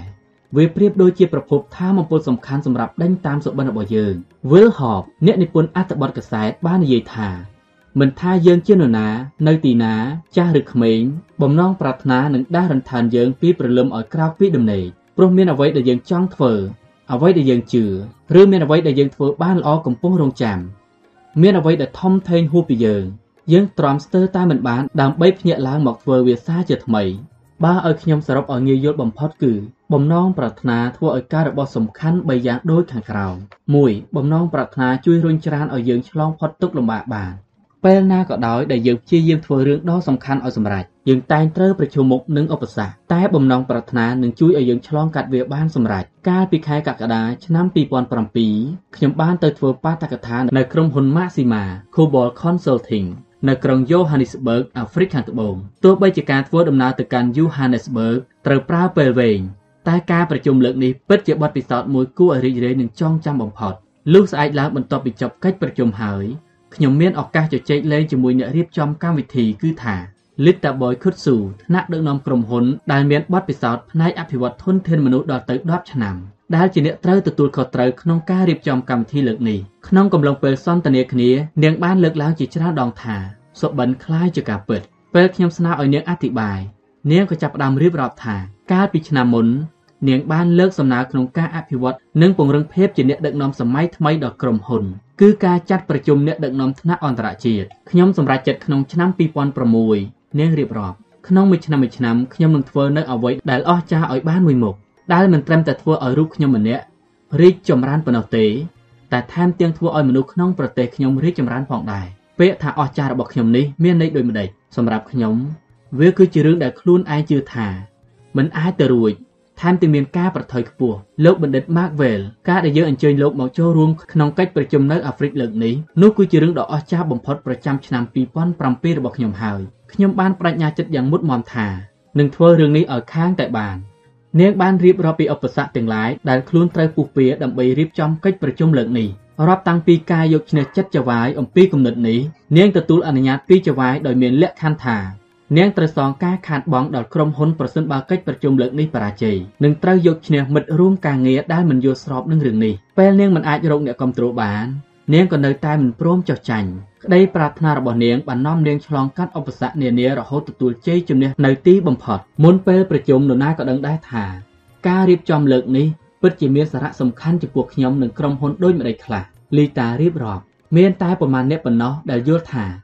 ការប្រជុំលើកនេះគ្មានសារៈសំខាន់ចំពោះខ្លួននិងក្រុមហ៊ុន តែនៅពេលចប់កិច្ចប្រជុំមានមនុស្សជាច្រើនចង់បបួលមិត្តភ័ក្តិក្រុមគ្រួសារនិងអ្នកដទៃទៀតក្នុងក្រុមហ៊ុនឲ្យមកចូលរួមមានមនុស្សជាច្រើនចង់ឲ្យកិច្ចការប្រជុំនេះបន្តបានមួយថ្ងៃទៀតហើយក៏មានច្រើនអ្នកទៀតចង់ឲ្យមានការរៀបចំកិច្ចប្រជុំបែបនេះនៅពេលខាងមុខដ៏ខ្លីទៀតផងមនុស្សជាច្រើនវេតម្លៃបទពិសោធន៍ដែលទទួលបានពីកិច្ចប្រជុំលើកនេះយ៉ាងខ្លីៗថាអស្ចារ្យណាស់ការធ្វើដំណើររបស់ខ្ញុំពិតជាវែងឆ្ងាយខ្លាំងណាស់ តែអ្វីដែលទទួលបាននៅទីបញ្ចប់ពិតជាមិនអាចវាយតម្លៃបានទេគឺសុបិនដែលខ្លាជាការពិតរបស់ខ្ញុំកត្តាជំរុញទឹកចិត្តដ៏ខ្លាំងក្លាបំផុតសម្រាប់សុបិននីមួយៗគឺចំណុចចាប់ផ្ដើមរបស់វាយើងម្នាក់ម្នាក់សុទ្ធតែមានបទពិសោធន៍គួរឲ្យរំភើបនៅពេលសុបិននោះកើតឡើងយើងមើលឃើញពីលទ្ធភាពដែលអាចទៅរួចយើងរំជើបរំជួលថាតើវានឹងចេញលទ្ធផលដូចម្ដេចយើងមើលឃើញអនាគតដ៏ភ្លឺត្រចះត្រចង់យើងមានក្តីសុខពីកម្លាំងចិត្តរបស់មិត្តភ័ក្តិដែលចង់ឃើញយើងទទួលជោគជ័យ យើងចាប់ផ្ដើមសុបិនហើយយើងក៏ដឹងបានយ៉ាងឆាប់រហ័សថាដើម្បីធ្វើដំណើរដោយកម្លាំងចិត្តឆ្ពោះទៅរកសុបិនដែលនៅខ្លាយជាការពិតនេះយើងត្រូវចោះទុនចោះកម្លាំងកាយចិត្តច្រើនមហាសាលខ្លាំងណាស់ប្រៀបដោយឪពុកម្ដាយដែលទៅនឹងមានកូនថ្មីថ្មោងរកឃើញថាការចិញ្ចឹមកូនពិតជាលំបាកជាងការមានកូនឆ្ងាយណាស់ដើម្បីធ្វើដំណើរដោយកម្លាំងចិត្តឆ្ពោះទៅរកសុបិនដែលនឹងខ្លាយជាការពិតនេះយើងត្រូវចោះទុនចោះកម្លាំងកាយចិត្តច្រើនមហាសាលខ្លាំងណាស់ តើអ្វីទៅដែលនាំយើងឆ្លងកាត់អំឡុងពេលដ៏សែនលំបាកនោះបានតើអ្វីទៅដែលផ្ដល់ធម៌ពលដល់យើងក្នុងការពុះពារឧបសគ្គនោះប្រកបណាស់ពិតជាអនុភាពនៃបំណងប្រាថ្នា Wislim Arthurward បានណែនាំថាគន្លឹះសំខាន់សម្រាប់ឈានទៅរកជោគជ័យគឺចូលជឿជាក់ពេលអ្នកដតីនៅស្រពេចស្រពិលចូលគិតរកផែនការពេលអ្នកដតីជក់នឹងការសបាយចូលសិក្សារៀនសូត្រពេលអ្នកដតីនៅមិនទាន់ភ្ញាក់ខ្លួន ចូលសម្រេចចិត្តពេលអ្នកដតីនៅស្ទាក់ស្ទើរ ចូលត្រៀមខ្លួនឲ្យបានល្អពេលអ្នកដតីកំពុងរវើរវាយទាំងកណ្ដាលថ្ងៃចូលចាប់ផ្ដើមពេលអ្នកដតីនៅដំអកចូលធ្វើការពេលអ្នកដតីនៅចាំប្រេងសំណាងចូលសន្សំសំចៃពេលអ្នកដតីនៅតែខ្ជិះខ្ជាយចូលស្ដាប់ពេលអ្នកដតីនៅតែនិយាយចូលញញឹមពេលអ្នកដតីនៅតែស្រែកយំចូលសរសើរពេលអ្នកដតីនៅតែតិទារិគុណចូលរក្សាចំហឲ្យរឹងប៉ឹងពេលអ្នកដតីបោះបង់តើអ្វីទៅដែលផ្ដល់ធម៌ពលដើម្បីឲ្យជឿជាក់ គិតផែនការសិក្សារៀនសូត្រត្រៀមខ្លួនចាប់ផ្ដើមខំប្រឹងប្រែង ការពារស្ដាប់ញញឹមសរសើរនិងរក្សាជំហរចម្លើយគឺបំណងប្រាថ្នានេះឯងពីរបំណងប្រាថ្នាជួយជំរុញឲ្យយើងចាប់ផ្ដើមដើម្បីទទួលជោគជ័យក្នុងជីវិតយើងត្រូវរស់នៅជាមួយនឹងអ្វីដែលជាចំណុចខ្លាំងរបស់ខ្លួន តែក៏ត្រូវសុខចិត្តទទួលយកការលំបាកផងដែរ សូមសាកល្បងគិតមើលថាតើយើងធ្លាប់សម្រេចជោគជ័យធំធេងដោយមិនចាំបាច់ខំប្រឹងឲ្យអស់ពីសមត្ថភាពដែរឬទេគ្មានទេ ដើម្បីទទួលជោគជ័យក្នុងជីវិតយើងត្រូវរស់នៅជាមួយនឹងអ្វីដែលជាចំណុចខ្លាំងរបស់ខ្លួន តែក៏ត្រូវសុខចិត្តទទួលយកការលំបាកផងដែរមនុស្សភាគច្រើនមិនសូវចូលចិត្តលំបាកឡើយយើងតែងជំទាស់នឹងការលំបាកយើងចង់បានស្ថិរភាពនិងសុវត្ថិភាព យើងមិនចង់អាម៉ាស់មុខ ឬធ្វើជាមនុស្សអន់នៅចំពោះមុខអ្នកដទៃពេលមានអាយុកាន់តែច្រើនយើងកាន់តែមានទំនោរពេញចិត្តត្រឹមតែអ្វីដែលខ្លួនមាននោះហើយគឺជាបញ្ហាព្រោះអារម្មណ៍ពេញចិត្តតែត្រឹមនឹងគឺជាអ្វីដែលបំផ្លាញបំណងប្រាថ្នាវានាំឲ្យយើងធ្វើអ្វីៗមិនអស់ពីសមត្ថភាពវាកាច់បំបាក់ស្លាប់សុបិនដែលនឹងត្រូវនាំយើងទៅរកទីខ្ពស់បំផុតមិនថាយើងចង់ទៅឲ្យដល់ទីនោះខ្លាំងបែបណាវានឹងធ្វើឲ្យសុបិនរបស់យើងនៅឆ្ងាយហួសពីអ្វីដែលយើងអាចឈោងដល់ការចាប់ផ្ដើមជាចំណុចសំខាន់បំផុតសម្រាប់ជោគជ័យ និងការសម្រេចឲ្យដល់ក្តីសុបិន យើងត្រូវតែហ៊ានប្រថុយ George Bernard Shaw អ្នកនិពន្ធរឿងល្ខោនលើវេទិកាបាននិយាយថាខ្ញុំធុញទ្រាន់នឹងអ្នកពូកែរោគហេតុផលព្រោះមនុស្សចម្ពោះនេះចូលចិត្តរកហេតុផលធ្វើជាលេសដើម្បីមិនបាច់ធ្វើអ្វីនោះឯងបំណងប្រាថ្នានឹងធ្វើឲ្យយើងមិនចាំបាច់រកហេតុផលវាធ្វើឲ្យយើងសុខចិត្តលំបាកលំបិននិងទម្លុះរនាំងនៃភាពស្ទាក់ស្ទើរវានឹងធ្វើឲ្យយើងទៅដល់ច្រកទ្វារបើកចេញទៅដល់វិថីឆ្ពោះទៅរកសុបិនរបស់យើង 3 បំណងប្រាថ្នាធ្វើឲ្យយើងទាមទារអត្រាជោគជ័យកាន់តែខ្ពស់ Albert Schweitzer ជាវិជ្ជបណ្ឌិតនិងជាអ្នកផ្សព្វផ្សាយសាសនា បានកត់សម្គាល់ឃើញថាការសម្រេចជោគជ័យពុំមែនជាកូនសោចាក់ទៅរកសេចក្តីសុខនោះទេតែគឺក្តីសុខឯណោះទេទើបជាកូនសោចាក់ទៅរកជោគជ័យបើយើងមានក្តីសុខចំពោះរឿងដែលខ្លួនកំពុងធ្វើយើងក៏នឹងទទួលជោគជ័យពេលយើងមានបំណងប្រាថ្នាហើយបណ្ដោយឲ្យខ្លួនធ្វើតាមបំណងប្រាថ្នានោះ វានឹងធ្វើឲ្យជីវិតរបស់យើងបោះជំហានទៅមុខបានដោយរលូននិងអាចឆ្ពោះទៅរកជោគជ័យបាន បើយើងមិនដើរឲ្យស្របតាមបំណងប្រាថ្នាទេយើងមុខជាលំបាករកផ្លូវដើរដែលនេះពុំមែនជាផលល្អសម្រាប់ខ្លួនឯងប៉ុន្មានទេដោយដែល Richard Elder បានណែនាំថា ការប្រើជីវិតបែបយកសុវត្ថិភាពជាធំនឹងធ្វើឲ្យយើងស្ដាយក្រោយយើងម្នាក់ម្នាក់សុទ្ធតែទទួលទេពកោសលនិងសុបិនតាមជាប់មកជាមួយដែលពេលខ្លះ វាអាចមិនស្របគ្នា តែដោយភាកច្រើនយើងអាចសម្របឲ្យស្របគ្នាមុនពេលដឹងខ្លួនទៅទៀតក្រោយមកពេលយើងទទួលជោគជ័យតាមអ្វីដែលយើងអាចធ្វើបានហើយនោះយើងនឹងស្គាល់ខ្លួនឯងយើងនឹងងាកមកសោកស្ដាយកំឡុងពេលវេលាដែលយើងគួរតែតាមរោគសុបិនដ៏ពិតប្រាកដតាមទេពកោសលរបស់ខ្លួនចូលគុំបណ្ដោយឲ្យខ្លួនឯងគិតថាសុបិននិងទេពកោសលរបស់ខ្លួនគឺជារឿងប្រថុយសុបិននិងទេពកោសលពុំមែនជាអ្វីដែលយើងត្រូវមកគិតឲ្យខ្ទេចខ្ទីនោះទេ ព្រោះវានឹងនាំមកនូវភាពរីករាយនិងបំពេញកង្វះខាតនៃជីវិតឲ្យយើងភាពជោគជ័យពុំមែនជាកូនសោចាក់បើកទៅរកក្តីសុខនោះទេតែគឺក្តីសុខឯនោះទេទៅជាកូនសោចាក់បើកទៅរកជោគជ័យ Albert Schweitzer មនុស្សភាគច្រើនមិនព្រមប្រឡែងខ្លួនឲ្យដើរស្របតាមអំណាចនៃបំណងប្រាថ្នាទីបញ្ចប់គេមិនអាចរកឃើញសេចក្តីសុខដែលយើងអាចមើលដឹងតាមវិធីប្រើជីវិតប្រចាំថ្ងៃរបស់ពួកគេ Malcolm Forbes ជាអ្នកបោះពុំនិងជាអ្នកចែកចាយសិភៅបានអះអាងថា កំហុសដ៏ធំបំផុតក្នុងជីវិតរបស់យើងគឺមិនចេះរស់នៅឲ្យខ្លួនឯងបានសប្បាយរីករាយលទ្ធផលគឺយើងត្រូវតស៊ូត្រង់ធ្វើការទម្រាំនឹងត្រូវបានប្រយោជន៍ពីការងារនោះច្រើនបំផុតតែយើងបែរជាស៊ូទ្រាំចាំឲ្យដល់ថ្ងៃឈប់សម្រាកចាំឲ្យដល់ថ្ងៃចូលនិវត្តន៍ដែលរាប់ថាជារឿងគួរឲ្យសោកស្ដាយបំផុតព្រោះជោគជ័យរបស់មនុស្សប្រែប្រួលទៅតាមកម្រិតនៃសេចក្តីសុខលើកិច្ចការដែលខ្លួនធ្វើបើយើងបង្កើតដែនកំណត់ឲ្យខ្លួនឯងយើងមុខជាគ្មានទីតាំងឈរជើងទេការដើរតាមបំណងប្រាថ្នា វានឹងនាំយើងទៅរកទីតាំងល្អៗឲ្យជីវិត Tommy Lahda អតីតអ្នកគ្រប់គ្រងក្រុម Los Angeles Dodgers បានបង្ហាញឲ្យឃើញអានុភាពនៃបំណងប្រាថ្នាដែលគាត់មានចំពោះក្រុម baseball ពេលផ្ដល់បទសម្ភាសន៍តាមវិទ្យុបន្ទាប់ពីក្រុមរបស់ខ្លួនបរាជ័យក្នុងវគ្គជម្រុះដ៏គួរឲ្យសោកស្ដាយដែលទោះជាក្រុមទទួលបរាជ័យហើយក៏ដោយ ក៏គេនៅនឹកដល់ការប្រកួតដ៏គួរឲ្យល្អមើលជានិច្ចអ្នកសម្ភាសន៍នឹកឆ្ងល់ក៏សួរថាហេតុអ្វីបានជាគេនៅតែរំភើបដល់ថ្នាក់នឹងបើចាញ់ក្នុងការប្រកួតសំខាន់ទៅហើយនោះថ្ងៃដ៏អស្ចារ្យបំផុតក្នុងជីវិតខ្ញុំគឺថ្ងៃដែលខ្ញុំបានដឹកនាំក្រុមឈ្នះឡាស់ដាឆ្លើយចំណែកថ្ងៃដ៏វិសេសលំដាប់ទី2គឺថ្ងៃដែលខ្ញុំជាអ្នកដឹកនាំក្រុមចាញ់បំណងប្រាថ្នារបស់អ្នកដឹកនាំកីឡាជើងចាស់ម្នាក់នេះគឺ baseball រៀងរាល់ថ្ងៃដែលគេចប់តាក់ទងនឹងការប្រកួតគឺថ្ងៃដែលគេប្រើជីវិតទៅតាមសុបិន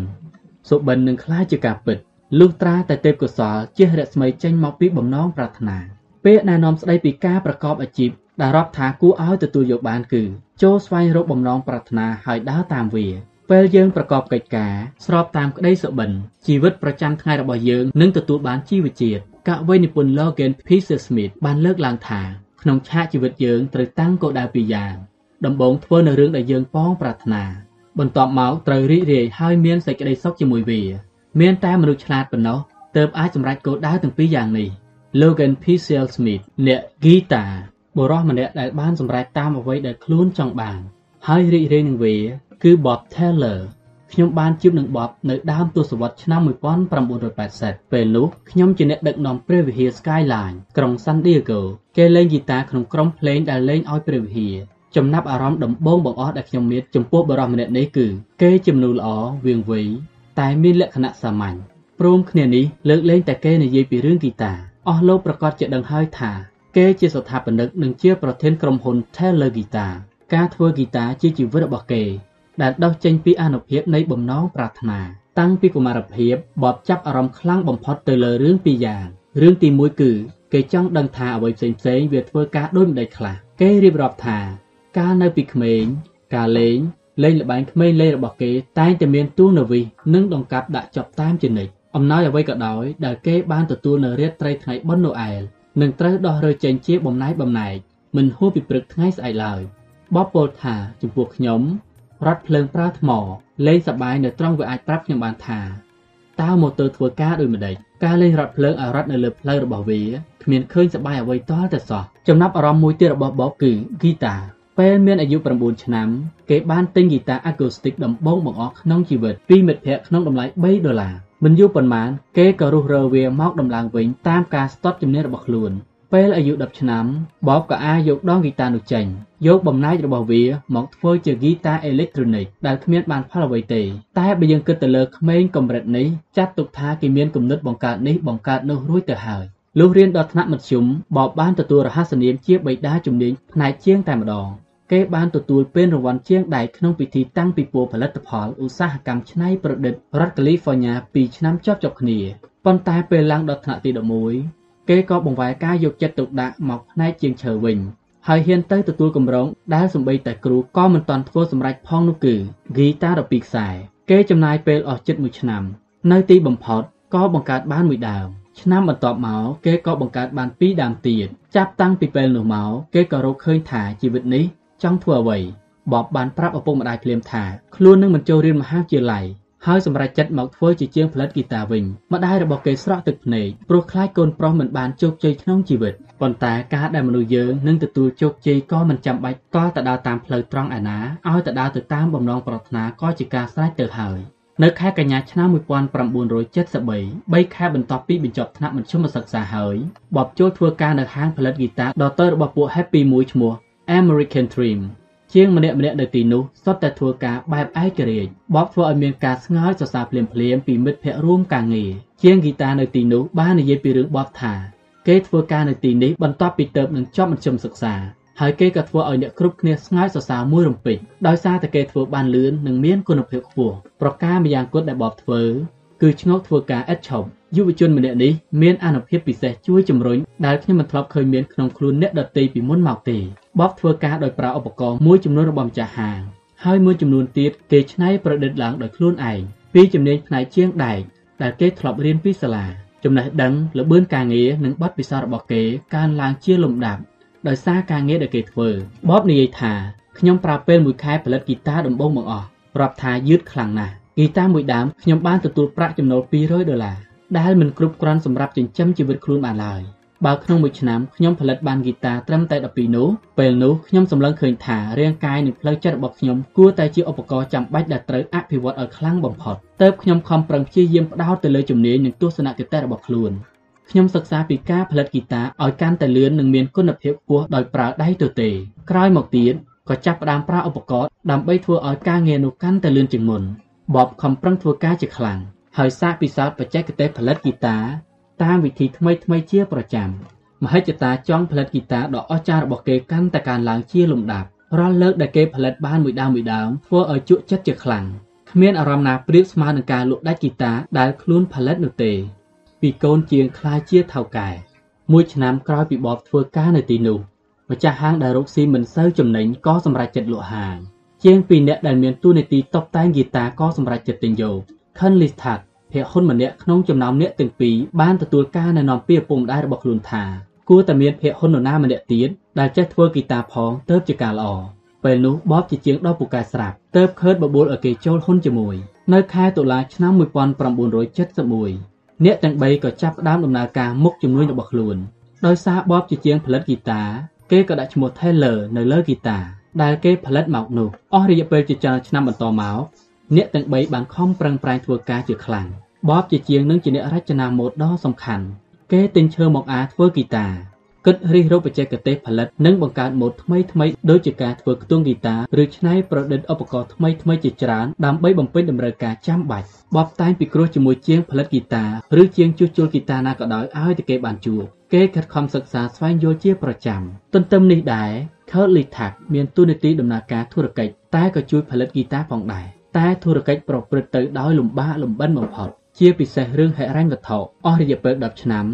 ដែលអ្នកទាំង3ទប់ជ្រែងធុរកិច្ចពេលខ្លះត្រូវខ្ចីលុយពីមិត្តភ័ក្តិដើម្បីបន្តធុរកិច្ចឲ្យរស់រានតទៅមុខឆ្នាំដំបូងៗពួកគេមិនទាំងបានទទួលកម្រៃសម្រាប់ខ្លួនឯងអ្វីឡើយនៅឆ្នាំ1977គឺជាឆ្នាំដ៏មានវិបត្តិធំបំផុតសម្រាប់បបដែលភាគហ៊ុនទាំងអស់សម្រេចចិត្តថានឹងផ្ដល់កម្រៃដល់ខ្លួនឯងម្នាក់ម្នាក់15ដុល្លារក្នុងមួយសប្តាហ៍តែសំណាងមិនល្អសោះព្រោះតែសាច់ដែលពួកគេចេញឲ្យខ្លួនឯងមិនដែលមានលុយសល់ក្នុងធនាគារឲ្យបាក់សោះនៅឆ្នាំ1983 បបនិងខឺតបានសម្រេចចិត្តទិញផ្ដាច់យកភាគហ៊ុនពីសមាជិករបស់សមាជិកភាគហ៊ុនទី3ដែលមិនសូវខំប្រឹងប្រែងដោយពួកគេទាំងពីរទោះបីជាត្រូវប្រឈមមុខនឹងវិបត្តិហិរញ្ញវត្ថុធ្ងន់ធ្ងរយ៉ាងណាបបនៅតែស្រឡាញ់ការងារនេះពេលនៅក្នុងរោងចក្រសិប្បកម្មគេផលិតហ្គីតាលុះចេញមកក្រៅរោងសិប្បកម្មក៏គេនៅតែគិតពីរឿងហ្គីតាខ្ញុំពិតជាស្មុគស្មាញណាស់គឺរឿងលុយនេះឯងបបអធិប្បាយតែខ្ញុំនៅតែមានសេចក្តីសុខរៀងរាល់ថ្ងៃព្រោះខ្ញុំបានធ្វើហ្គីតាហើយបានប្រើជីវិតសមតាមសុបិនរបស់ខ្ញុំ ហេតុផលពិតប្រាកដដែលខ្ញុំត្រូវបន្តអាជីពលក់ហ្គីតានេះវាធ្វើឲ្យខ្ញុំអាចផលិតហ្គីតាជាបន្តដោយសារតែខ្ញុំបារម្ភថាបើខ្ញុំឈប់ប្រកបអាជីពនេះខ្ញុំអាចនឹងត្រូវទៅធ្វើការដែលខ្លួនឯងមិនពេញចិត្តទីបំផុតកម្លាំងចិត្តក៏បង្កើតបានជាផ្លែផ្កានៅពាក់កណ្ដាលទសវត្សរ៍ឆ្នាំ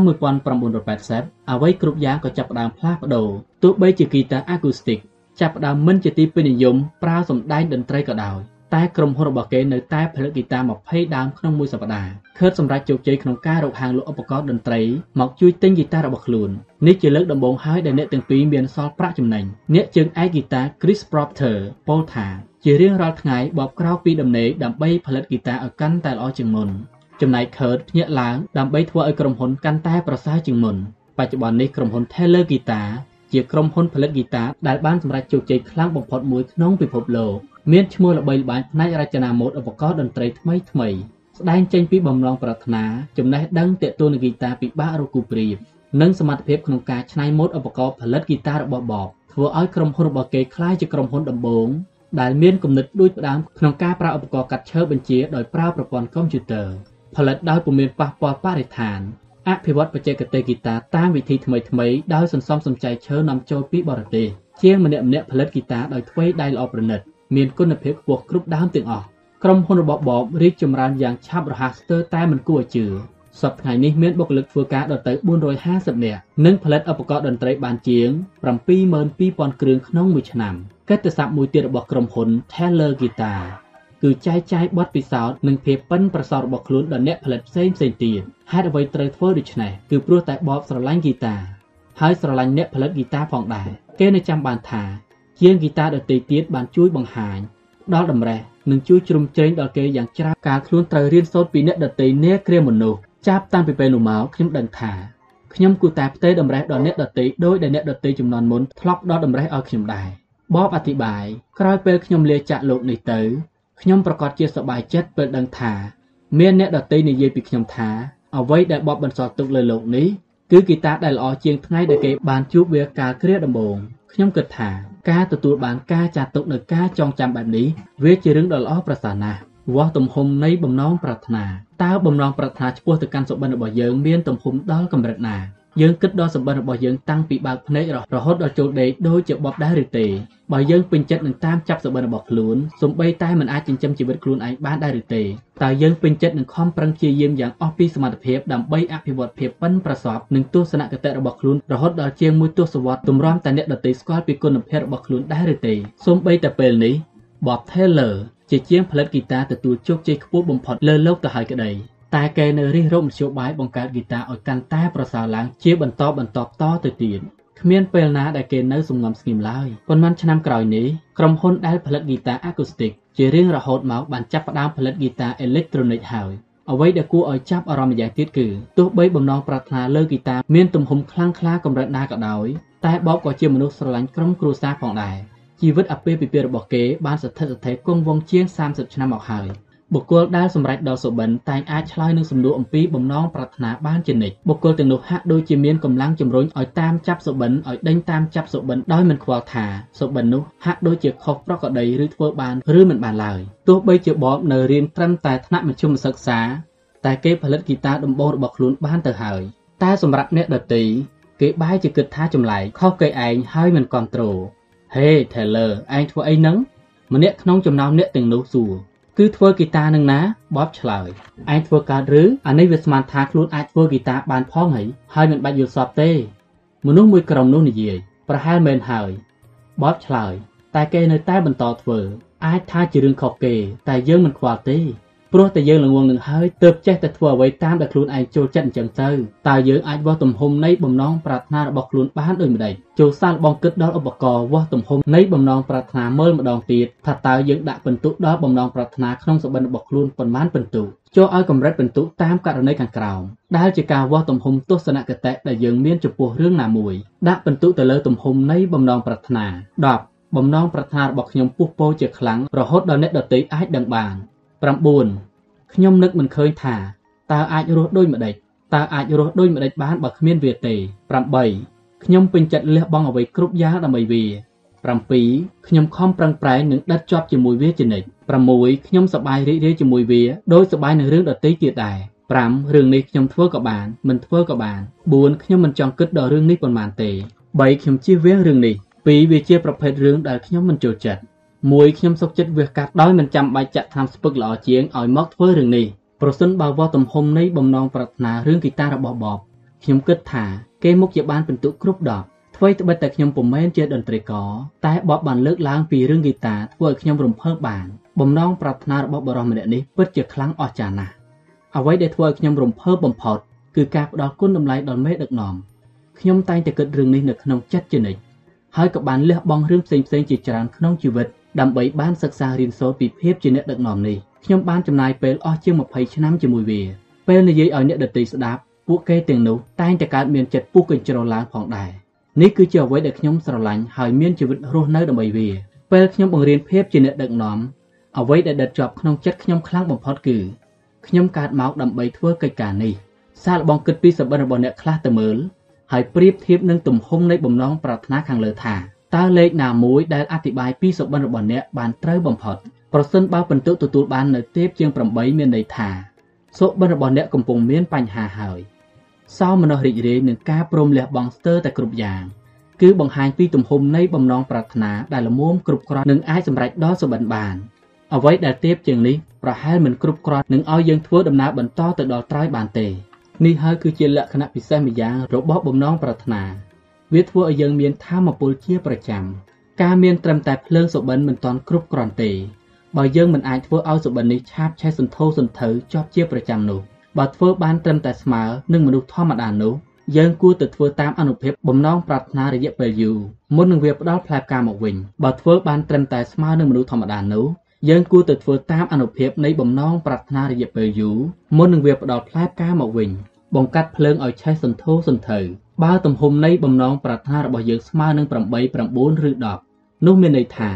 យើងកំពុងស្ថិតលើទីតាំងដ៏ល្អហើយចោះបើមិនមែនដូច្នេះវិញតើមានន័យថាយើងកំពុងស្ថិតនៅក្នុងគ្រោះវិបត្តិមែនទេបើយើងមានអារម្មណ៍ថាពុំមានធម៌ពលជំរុញទឹកចិត្តគ្រប់គ្រាន់ឲ្យទៅធ្វើតាមសុបិនព្រោះតែយើងមើលមិនឃើញថា វានឹងផ្ដល់ផ្លែផ្កាឲ្យដូចនេះឬវាពុំមែនបែបនេះជានិច្ចទេ មានន័យថាយើងកំពុងតែដេញតាមសុបិនខ្លាញ់ខ្លាយហើយដូច្នេះត្រូវវិលត្រឡប់ទៅពិនិត្យសំណួរអំពីភាពជាម្ចាស់និងសំណួរអំពីសភាពពិតជាក់ស្ដែងម្ដងទៀតតែវាក៏អាចទៅរួចដែរដែលថាយើងដើរលើមេគាត្រឹមត្រូវហើយគ្រាន់តែមិនទាន់មានធម៌ពលគ្រប់គ្រាន់ដើម្បីធ្វើដំណើរឲ្យដល់បំណងប្រាថ្នានោះបើវាជាសុបិនរបស់យើងហើយ យើងក៏មុខជាអាចបន្ថែមធម៌ពលដល់បំណងប្រាថ្នានោះបានដូច្នេះសូមសាកល្បងអនុវត្តតាមវិធីខាងក្រោមដើម្បីឲ្យយើងមានធម៌ពលគ្រប់គ្រាន់ដើម្បីបន្តដំណើរទៅមុខទៀត1ពិចារណាលើចរិតនិស័យសំខាន់សំខាន់របស់ខ្លួននៅលើលោកនេះគ្មាននរណាដូចគ្នានោះទេបុគ្គលិកលក្ខណៈរបស់យើងអាចចូលចិត្តភាពត្រឹមត្រូវស្រឡាញ់ភាពស្ងប់សុខ អាចថាមិនមែនជាអ្នកមានមហិច្ឆតាឬចូលចិត្តបង្អួតបង្ហាញតែជានិស្ស័យពីធម្មជាតិរបស់យើងតែរឿងនេះមិនមែនជាការខុសទោសអ្វីទេតែយើងត្រូវពិចារណាដល់រឿងទាំងនេះផងដែរ Charlie Wetzel ជាអ្នកនិពន្ធរួមជាមួយខ្ញុំគេជាមនុស្សមាននិស្ស័យទាំងពីរបែបនេះគឺមិនចូលចិត្តសម្ដែងអារម្មណ៍ឬរំជើបរំជួនទៅលើអ្វីដែលគេចាប់អារម្មណ៍នោះទេតែគេខំប្រឹងធ្វើរឿងទាំងនេះដោយក្តីអត់ធ្មត់និងជាយាមបំផុត។ ក្នុងរយៈពេល14ឆ្នាំកន្លងមកនេះគេបាននិពន្ធសៀវភៅមួយរួមជាមួយខ្ញុំបានចំនួន40ចំណងជើងដែលខ្ញុំគិតថាពិតជាធ្វើមិនបានឡើយបើសិនជាគេគ្មានធម៌ពលកាត់ឡើងជាបន្តបន្ទាប់ទេនោះបើអ្នកជាមនុស្សដូចគ្នានឹង Charlie អ្នកក៏អាចប្រើក្តីជាយាមជាបន្តបន្ទាប់ដែលកើតមកពីនិស្ស័យបែបនេះដូចគ្នាផ្ទុយទៅវិញបើយើងមានចរិតនិស្ស័យចូលចិត្តការសប្បាយរីករាយឬចូលចិត្តធ្វើអ្វីតាមវិធីរបស់ខ្លួន យើងក៏នឹងមានទំនោរថានឹងមានធម៌ពលនៃបំណងប្រាថ្នាទៅលើរឿងដែលយើងចាប់អារម្មណ៍នោះខ្លាំងហើយទន្ទឹមគ្នានេះអ្នកក៏អាចអស់ការចាប់អារម្មណ៍ទៅវិញយ៉ាងឆាប់រហ័សដែរបំណងប្រាថ្នារបស់យើងដែលពុះកញ្ជ្រោលខ្លាំងអាចមិនថិតថេរបានយូរទេខ្ញុំជាមនុស្សប្រភេទនេះគឺឆាប់រំជើបរំជួលចំពោះរឿងផ្សេងផ្សេងខ្លាំងណាស់តែមិនយូរប៉ុន្មានខ្ញុំក៏បង្វែរចំណាប់អារម្មណ៍ទៅកាន់រឿងផ្សេងវិញភ្លាមៗដែរប្រសិនបើយើងមានចរិតនិស្ស័យបែបនេះយើងក៏ត្រូវតែយកវាមកពិចារណាផងដែរ ប្រការសំខាន់បំផុតត្រូវចងចាំថា បំណងប្រាថ្នារបស់យើងប្រៀបដូចជាការចម្អិនអាហារដូច្នោះដែរសាច់ប្រភេទខ្លះដូចជាសាច់គ្មានជាតិខ្លាញ់វានឹងឆ្ងាញ់បំផុតនៅពេលចម្អិនដោយកម្ដៅខ្លាំងនិងប្រើពេលខ្លីបំផុតប៉ុន្តែបើសាច់មានខ្លាញ់ច្រើនការចម្អិនត្រូវប្រើពេលយូរនិងឲ្យក្តៅល្មមតែទោះវាជាសាច់ប្រភេទណាក៏យើងនៅតែអាចធ្វើវាឲ្យឆ្ងាញ់បានដែរឲ្យតែយើងដឹងថាតើកំពុងតែចម្អិនសាច់ប្រភេទណាប៉ុណ្ណោះ2រកឲ្យឃើញថា តើរបស់អ្វីដែលមានសារៈសំខាន់សម្រាប់យើងក្នុងសៀវភៅតាក់ទងនឹងអ្នកដឹកនាំល្អបំផុតមួយក្បាលដែលខ្ញុំធ្លាប់ជួបគឺ Leadership Challenge អ្នកនិពន្ធគឺ James Kose និង Barry Posner ដែលសួរទៅ John H. Stanford ជាឧត្តមសេនីយ៍ត្រីកងទ័ពសហរដ្ឋអាមេរិកថាតើគាត់អភិវឌ្ឍភាពជាអ្នកដឹកនាំដោយវិធីណា John H. Stanford ឆ្លើយថាពេលមានអ្នកសួរខ្ញុំពីរឿងនេះខ្ញុំនឹងឆ្លើយថាខ្ញុំមានគន្លឹះដែលធ្វើឲ្យបានសម្រេចជោគជ័យក្នុងជីវិតគន្លឹះនោះគឺ ចុំមានក្តីស្រឡាញ់ជានិច្ចការដែលយើងមានក្តីស្រឡាញ់វាធ្វើឲ្យយើងមានអណ្ដាតភ្លើងដុតបញ្ឆេះឲ្យអ្នកដទៃមានបំណងប្រាថ្នាធ្វើអ្វីផ្សេងផ្សេងឲ្យសម្រេចជោគជ័យលើសពីធម្មតាបុគ្គលដែលគ្មានក្តីស្រឡាញ់នឹងគ្មានថ្ងៃបានយល់ពីអារម្មណ៍ពុះពោបែបនេះឡើយខ្ញុំរកមិនឃើញថា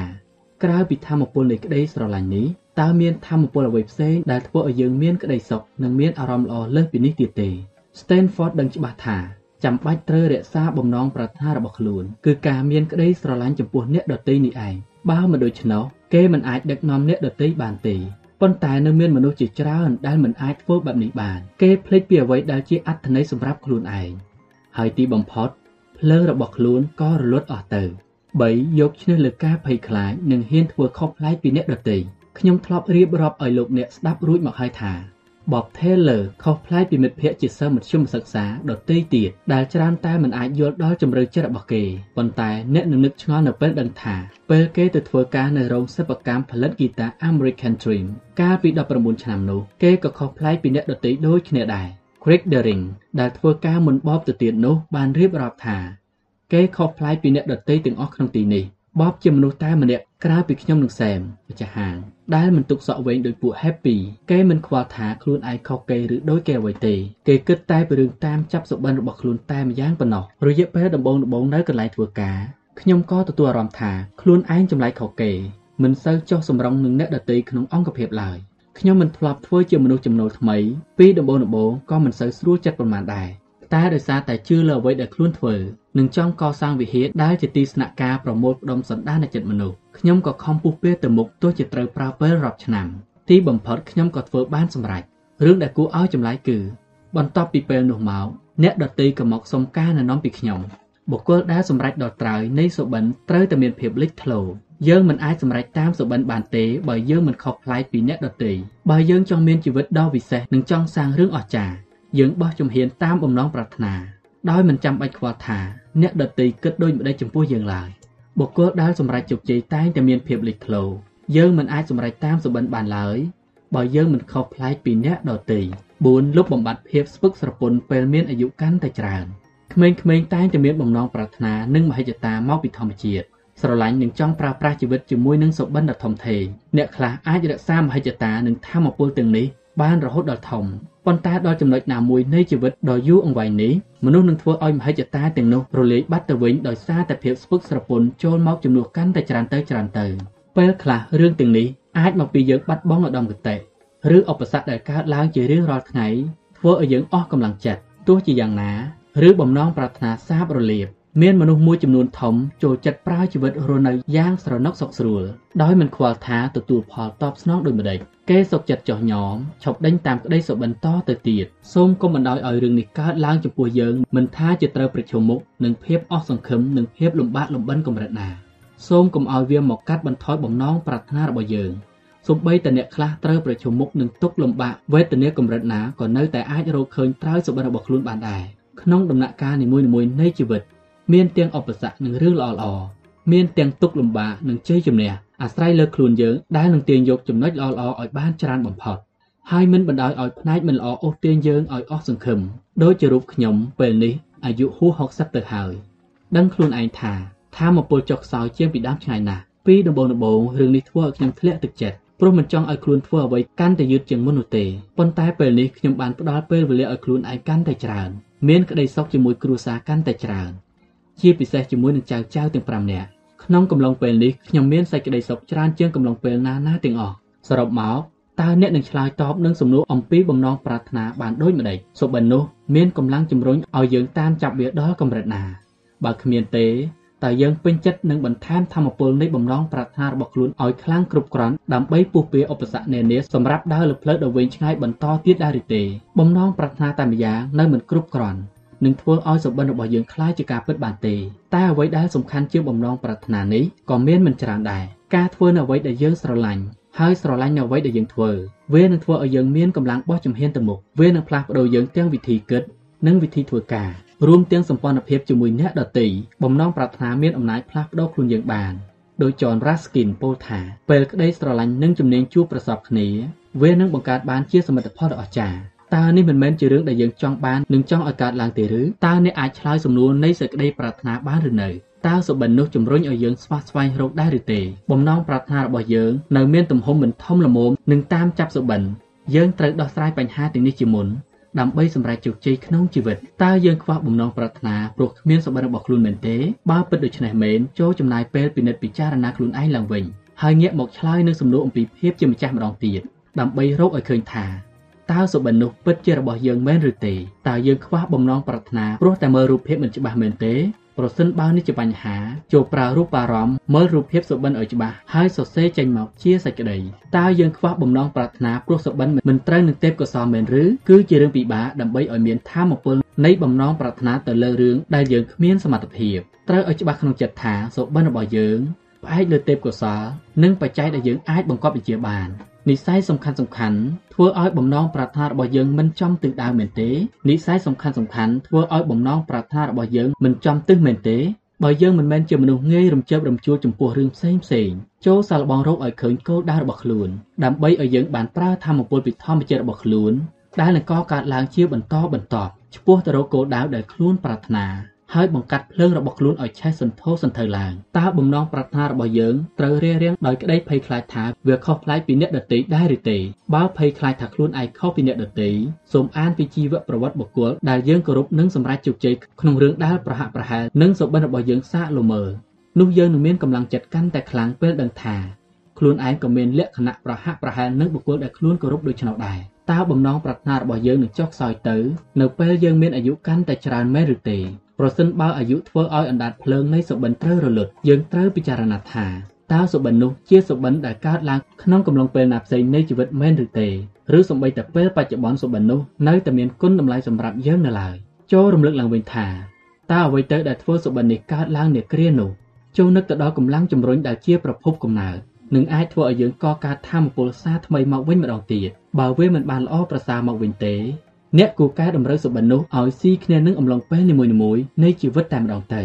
ម្នាក់ម្នាក់សុទ្ធតែមានលទ្ធភាពរកឃើញសក្តានុពលដែលកើតឡើងដោយអនុភាពនៃបំណងប្រាថ្នា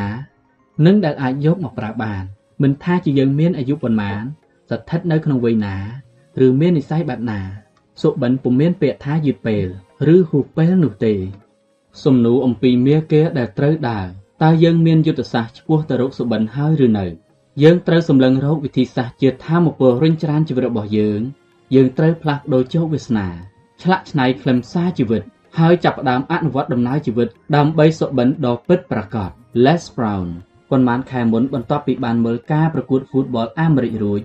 ខ្ញុំក៏ទៅទទួលទានអាហារពេលល្ងាចជាមួយនឹងមិត្តភ័ក្តិបន្តទៀតមនុស្សភាគច្រើនក្នុងចំណោមទាំងនោះសុទ្ធតែមានវ័យ30ឆ្នាំធ្វើឲ្យមនុស្សវ័យ60ឆ្នាំដូចខ្ញុំនេះខ្លាចជាចាស់ទុំដោយស្វ័យប្រវត្តិ ខ្ញុំចាប់ផ្ដើមសួរពីទស្សនៈរបស់មិត្តភ័ក្តិទាំងនោះពីរឿងហ្វូតបលអាមេរិក American Football នយោបាយនិងសុបិន មានប្រការមួយខ្ញុំសួរថាបើយើងអាចធ្វើអ្វីដើម្បីផ្លាស់ប្ដូរពិភពលោកឲ្យបានមួយមុខតើយើងនឹងធ្វើអ្វីមានអ្នកខ្លះមិនដែលគិតដល់រឿងនេះតទៅសោះទើបគេមិនអាចឆ្លើយបាន តែទន្ទឹមគ្នានេះអ្នកដទៃទៀតបានផ្ដល់ចម្លើយប្រកបដោយគោលដៅធំធេងណាស់ចន ចំណែកលោកវិញតើលោកគិតធ្វើអ្វីមិត្តម្នាក់បានសួរត្រឡប់មកវិញបន្ទាប់ពីពួកគេបានផ្លាស់ប្ដូរយោបល់គ្នារួចចម្លើយសម្រាប់សំណួរមួយនេះខ្ញុំបានត្រៀមទុកជាស្រេចទៅហើយគឺខ្ញុំចង់បង្រៀនក្មេងគ្រប់គ្នាលើពិភពលោកឲ្យចេះអានអក្សរព្រោះការអានសៀវភៅជាមធ្យោបាយនាំទៅរកការចេះដឹងនិងការរីកចម្រើនគ្រប់វិស័យទាំងអស់សូបិនទៅដល់សក្តានុពលកាលពីពេលថ្មីថ្មីនេះខ្ញុំបានអានអត្ថបទទាក់ទងនឹងអ្នកដែលគិតចង់ផ្លាស់ប្ដូរពិភពលោកយើងនេះ ដោយការផ្ដល់ជំនួយផ្នែកវិស័យសិក្សាអប់រំដល់កុមារបុរសនោះបានធ្វើហួសពីការត្រឹមតែសុបិនគឺគេព្យាយាមយ៉ាងខ្លាំងដើម្បីឲ្យសុបិនคล้ายជាការពិតបុរសម្នាក់នោះឈ្មោះ Nicolas Negroponte គេបានចាប់ផ្ដើមរៀនផ្នែកស្ថាបត្យកម្មពី MIT ជាសាខាថ្មីបំផុតនៅសម័យនោះគឺការរចនាដោយកុំព្យូទ័របន្ទាប់ពីទទួលបរិញ្ញាបត្រនិងបរិញ្ញាបត្រជាន់ខ្ពស់ លើមុខវិជ្ជានោះហើយគេក៏ធ្វើជាគ្រូបង្រៀននៅសាលា MIT នៅឆ្នាំ1966ចាប់ពីពេលនោះនីកូឡាតែងរួមចំណែកក្នុងគម្រោងការថ្មីៗដែលមានប្រើកុំព្យូទ័រជារៀងរហូតមកខ្ញុំទទួលស្គាល់ថាខ្ញុំមិនចូលចិត្តបច្ចេកវិទ្យាទេពេលសរសេរអក្សរខ្ញុំប្រើត្រឹមតែប៊ិចនិងក្រដាស់ប៉ុណ្ណោះប៉ុន្តែពេលជួបអ្វីអ្វីតាក់ទងនឹងកុំព្យូទ័រធ្វើឲ្យខ្ញុំភ្ញាក់ផ្អើលជាខ្លាំងឈុតកុំព្យូទ័រតម្លៃ150ដុល្លារហៅថា HO ដែលអាចជួយឲ្យកុមារក្នុងប្រទេសកំពុងអភិវឌ្ឍបានសិក្សាចំណេះវិជ្ជាផ្សេងផ្សេងជាច្រើនកុំព្យូទ័រដោយនិយាយមកនេះជាសមិទ្ធផលចេញពីគំនិត Nicolas Negroponte ឆ្នាំ1982រដ្ឋាភិបាលបារាំងបានអញ្ជើញនីកូឡាសណេក្រូផនថេឲ្យចូលរួមគម្រោងការសាកពិសោធន៍កុំព្យូទ័រក្នុងប្រទេសកំពុងអភិវឌ្ឍន៍ណេក្រូផនថេនិងក្រុមការងារបានរួមសហការធ្វើការជាមួយកុមារក្នុងប្រទេសនេសេហ្គាល់ ដោយកុំព្យូទ័រដែលបរិច្ចាគដោយ Steve Jobs គម្រោងនេះមិនសូវទទួលបានជោគជ័យប៉ុន្មានទេ តែវាជួយបណ្ដុះថ្នាលពូជថ្មីរបស់គម្រោង One Laptop Peter Child ដែលជាចំណុចចាប់ផ្ដើមផលិតកុំព្យូទ័រចុះទុនតិចដើម្បីកុមារទូទាំងពិភពលោកក្នុងប្រទេសកំពុងអភិវឌ្ឍទាំងនៅក្នុងតំបន់ដែលគ្មានប្រព័ន្ធអគ្គិសនីគ្មានប្រព័ន្ធទឹកស្អាតឬគ្មានប្រព័ន្ធទូរស័ព្ទ Microponte សុបិនទៅដល់ការបង្កើតឧបករណ៍ទាន់សម័យធន់បានយូរតែងាយស្រួលប្រើ មានគ្រឿងបន្លាស់តិចធន់នឹងបរិស្ថានមិនល្អព្រមទាំងមានបណ្ដាញស្វ័យប្រវត្តិភ្ជាប់នឹងកុំព្យូទ័រប្រភេទដូចគ្នានិងប្រើភ្លើងតិចអាចជាធម្មពលពន្លឺព្រះអាទិត្យឬក៏ប្រើដៃវាយឌីណាម៉ូអគ្គិសនីក៏បានកម្មវិធីដែលប្រើនោះត្រូវតែមានលក្ខណៈបើកទូលាយមិនបាច់មានកម្មសិទ្ធិបញ្ញាហើយមនុស្សគ្រប់រូបមានសិទ្ធិប្រើប្រាស់ចេះប្រើនិងផ្លាស់ប្ដូរកែលម្អបានតាមចិត្តគោលគំនិតនេះបានក្លាយជាអ្វីដែលស្គាល់ក្នុងសង្គម laptop 100ដុល្លារ ជាមួយនឹងបទពិសោធន៍40ឆ្នាំក្នុងការច្នៃប្រឌិតស្រាវជ្រាវរបស់ថ្មីថ្មី Necroponte មានទាំងសមត្ថភាពនិងបណ្ដាញដែលជាអំណោយផលល្អដល់ការផលិតកុំព្យូទ័រនោះតែបច្ចេកវិទ្យាពុំមែនជាអ្វីដែលធ្វើឲ្យគេទទួលបានជោគជ័យទេរឿងដែលមានចំណាយជួយខ្លាំងជាងគេគឺមនុស្សទៅវិញតាមទស្សនៈរបស់ Necroponte ដែលមានក្នុងពេកអធិប្បាយពីភារកិច្ចរបស់ OLPC ដែលសំដៅថា OLPC ជាគម្រោងដើម្បីសិក្សារៀនសូត្រពុំមែនជាគម្រោងកុំព្យូទ័រនោះទេធនធានដ៏សំខាន់បំផុតសម្រាប់ប្រទេសនីមួយៗគឺកុមារយើងជឿថាគ្រប់ប្រទេសលើពិភពលោកអាចបង្កើនគុណតម្លៃធនធាននេះបានដោយការលើកកម្ពស់សមត្ថភាពកុមារតាមរយៈការសិក្សាការផ្លាស់ប្តូរបទពិសោធន៍និងការអភិវឌ្ឍពុទ្ធិរបស់ខ្លួនចម្លើយអំពីគំនិតច្នៃប្រឌិតដែលបានពោលមកនេះគឺកុំព្យូទ័រ HO ជាកុំព្យូទ័រសម្រាប់កុមារដែលរចនាមកដើម្បីឲ្យកើតការសិក្សានិងដើម្បីសិក្សា ក្នុងឆ្នាំ2006 Necroponte បានលាលែងពីតំណែងប្រធានមន្ទីរពិសោធន៍ផ្នែកប្រព័ន្ធផ្សព្វផ្សាយ MIT ដើម្បីប្រើជីវិតដែលនៅសល់បំពេញតាមក្តីសុបិនដែលខ្លួនចង់ឃើញកុមារចម្រើនធំធាត់មកជាមួយនឹងសក្តានុពលរបស់ខ្លួនស្វែងរកមាគេឆ្ពោះទៅរកជោគជ័យមនុស្សមួយចំនួនមិនរំលងការរិះគន់ទៅលើសុបិនរបស់ Necroponte នោះទេ Craig Barrett អ្នកគ្រប់គ្រងរបស់ Intel ពោលថាខ្ញុំគិតថាអ្វីដែល Necroponte ហៅថា laptop 100ដុល្លារនោះគួរណាស់តែហៅឲ្យត្រូវតាមសភាវៈពិតវិញថាសម្រាម100ដុល្លារទៅវាត្រឹមត្រូវជាងព្រោះបញ្ហាស្ថិតនៅត្រង់ថាសម្រាមទាំងអស់នេះគ្មានថ្ងៃសម្រេចជោគជ័យទេលើសពីនេះនៅមានមនុស្សជាច្រើនក៏គិតដែរថានេក្រូផនថេកំពុងតែមមើលទាំងកណ្ដាលថ្ងៃប៉ុណ្ណឹងហើយនៅតែខំដើរទៅមុខទៀត ដើម្បីសម្រេចតាមសុបិនគេត្រូវប្រើយុទ្ធសាស្ត្រ3យ៉ាងគឺទី1រចនាម៉ូដកុំព្យូទ័រទី2ផលិតដោយប្រើដាំទុនតិចនិងទី3បញ្ជូនឲ្យដល់ដៃកុមារទូទាំងពិភពលោកដោយលក់ឲ្យប្រទេសដែលកំពុងអភិវឌ្ឍតាមតម្លៃកំណត់ ប្រការទី1គេធ្វើបានយ៉ាងងាយស្រួលបំផុតដោយសារសមាជិកក្នុងក្រុមនឹងត្រូវទទួលផលប៉ះពាល់ដូចគ្នាប្រសិនបើមានការយឺតយ៉ាវធ្វើឲ្យល្បឿនការងារប្រព្រឹត្តទៅបានយ៉ាងលឿនចំពោះឧបសគ្គក្នុងប្រការទី2ក៏ត្រូវដោះស្រាយចេញដែរ នៅពេលអាចរកអ្នកផលិតបាន មកដល់ចំណុចនោះ Necroponte គិតអ្វីអ្វីគ្រប់យ៉ាងទៅដោយរលូននិងលឿនរហ័សបំផុតគេប្រមាលភាពលំបាករបស់ភារកិច្ចទី3ទេពេកគេបានធ្វើផែនការតាក់ទងនឹងរដ្ឋមន្ត្រីក្រសួងអប់រំរបស់ប្រទេសទាំង7មានចិនឥណ្ឌាថៃអេស៊ីបនីសេរីយ៉ាប្រេស៊ីលនិងអាសង់ទីននេក្រូផនថេបានខំប្រឹងអូសទាញរដ្ឋមន្ត្រីទាំងនោះ ឲ្យទិញកុំព្យូទ័ររហូតដល់ទៅ7ទៅ10លានគ្រឿងក្នុងឆ្នាំដំបូងដោយមិនចាំបាច់ប្រើក្រុមការងារផ្នែកលក់ឬផ្នែកទីផ្សារឡើយគេមានជំនឿថាបើដំណាក់កាលដំបូងចេញរួចហើយទូទាំងពិភពលោកក៏នឹងនាំគ្នាធ្វើតាមដូច្នេះឆ្នាំបន្តទៅទៀតមុខជាលក់ដាច់បាន100ទៅ200លានគ្រឿងមិនខានផ្ទុយទៅវិញអ្វីៗមិនដូចការគិតរបស់ Necropon ទេទេគ្មានការបញ្ជាទិញដូចតាមការគិតគម្រោង OLPC ត្រូវផ្លាស់ប្ដូរពីត្រឹមតែសុបិន ឲ្យទៅជាអ្នកអនុវត្តយុទ្ធសាស្ត្រឲ្យខាងតែបាន គេសុំជំនួយពីក្រុមហ៊ុន Prystar ជាក្រុមហ៊ុនផលិតគ្រឿងបន្លាស់ទូរស័ព្ទដៃនិងជាអ្នកចាយចាយក្នុងរដ្ឋ Miami ដែលបានសហការជាមួយគម្រោងផ្សេងៗទៀតរួចទៅហើយក្រុមហ៊ុននេះមានបទពិសោធន៍ទៅលើអ្វីដែល Necroponte និងក្រុមការងារមិនធ្លាប់ដឹង Necroponte ទទួលស្គាល់ថាក្រុមការងារភាគច្រើននៃ OLPC គ្មានបទពិសោធន៍គ្រប់គ្រាន់ក្នុងរឿងនេះទេយើងពូកែក្នុងការរិះរកគំនិតថ្មីថ្មី ច្រើនហួសពេកតតែស្មុគស្មាញនេះគឺជាហេតុផលមួយដែលត្រូវប្រគល់ការងារផ្នែកលក់និងទីផ្សារទៅឲ្យក្រុមការងារនៃ Miami ជាអ្នកធ្វើពួកគេមានបទពិសោធន៍ជាងយើងលើផ្នែកលក់និងដំណើរការដឹកជញ្ជូនទំនិញពីរោងចក្រទៅដល់សាលាដែលបញ្ជាទិញយុទ្ធសាស្ត្រទាំងនេះត្រូវដំណើរការដោយអ្នកដែលមានជំនាញជាក់លាក់ទាំងផ្នែកនយោបាយនិងពាណិជ្ជកម្ម Necroponte មិនព្រមបោះបង់សុបិនរបស់ខ្លួនចោលឡើយគេបានវិភាគទៅលើយុទ្ធសាស្ត្ររបស់ខ្លួនសារជាថ្មី ហើយពេញចិត្តនឹងធ្វើដំណើរបន្ត Robert Bouderi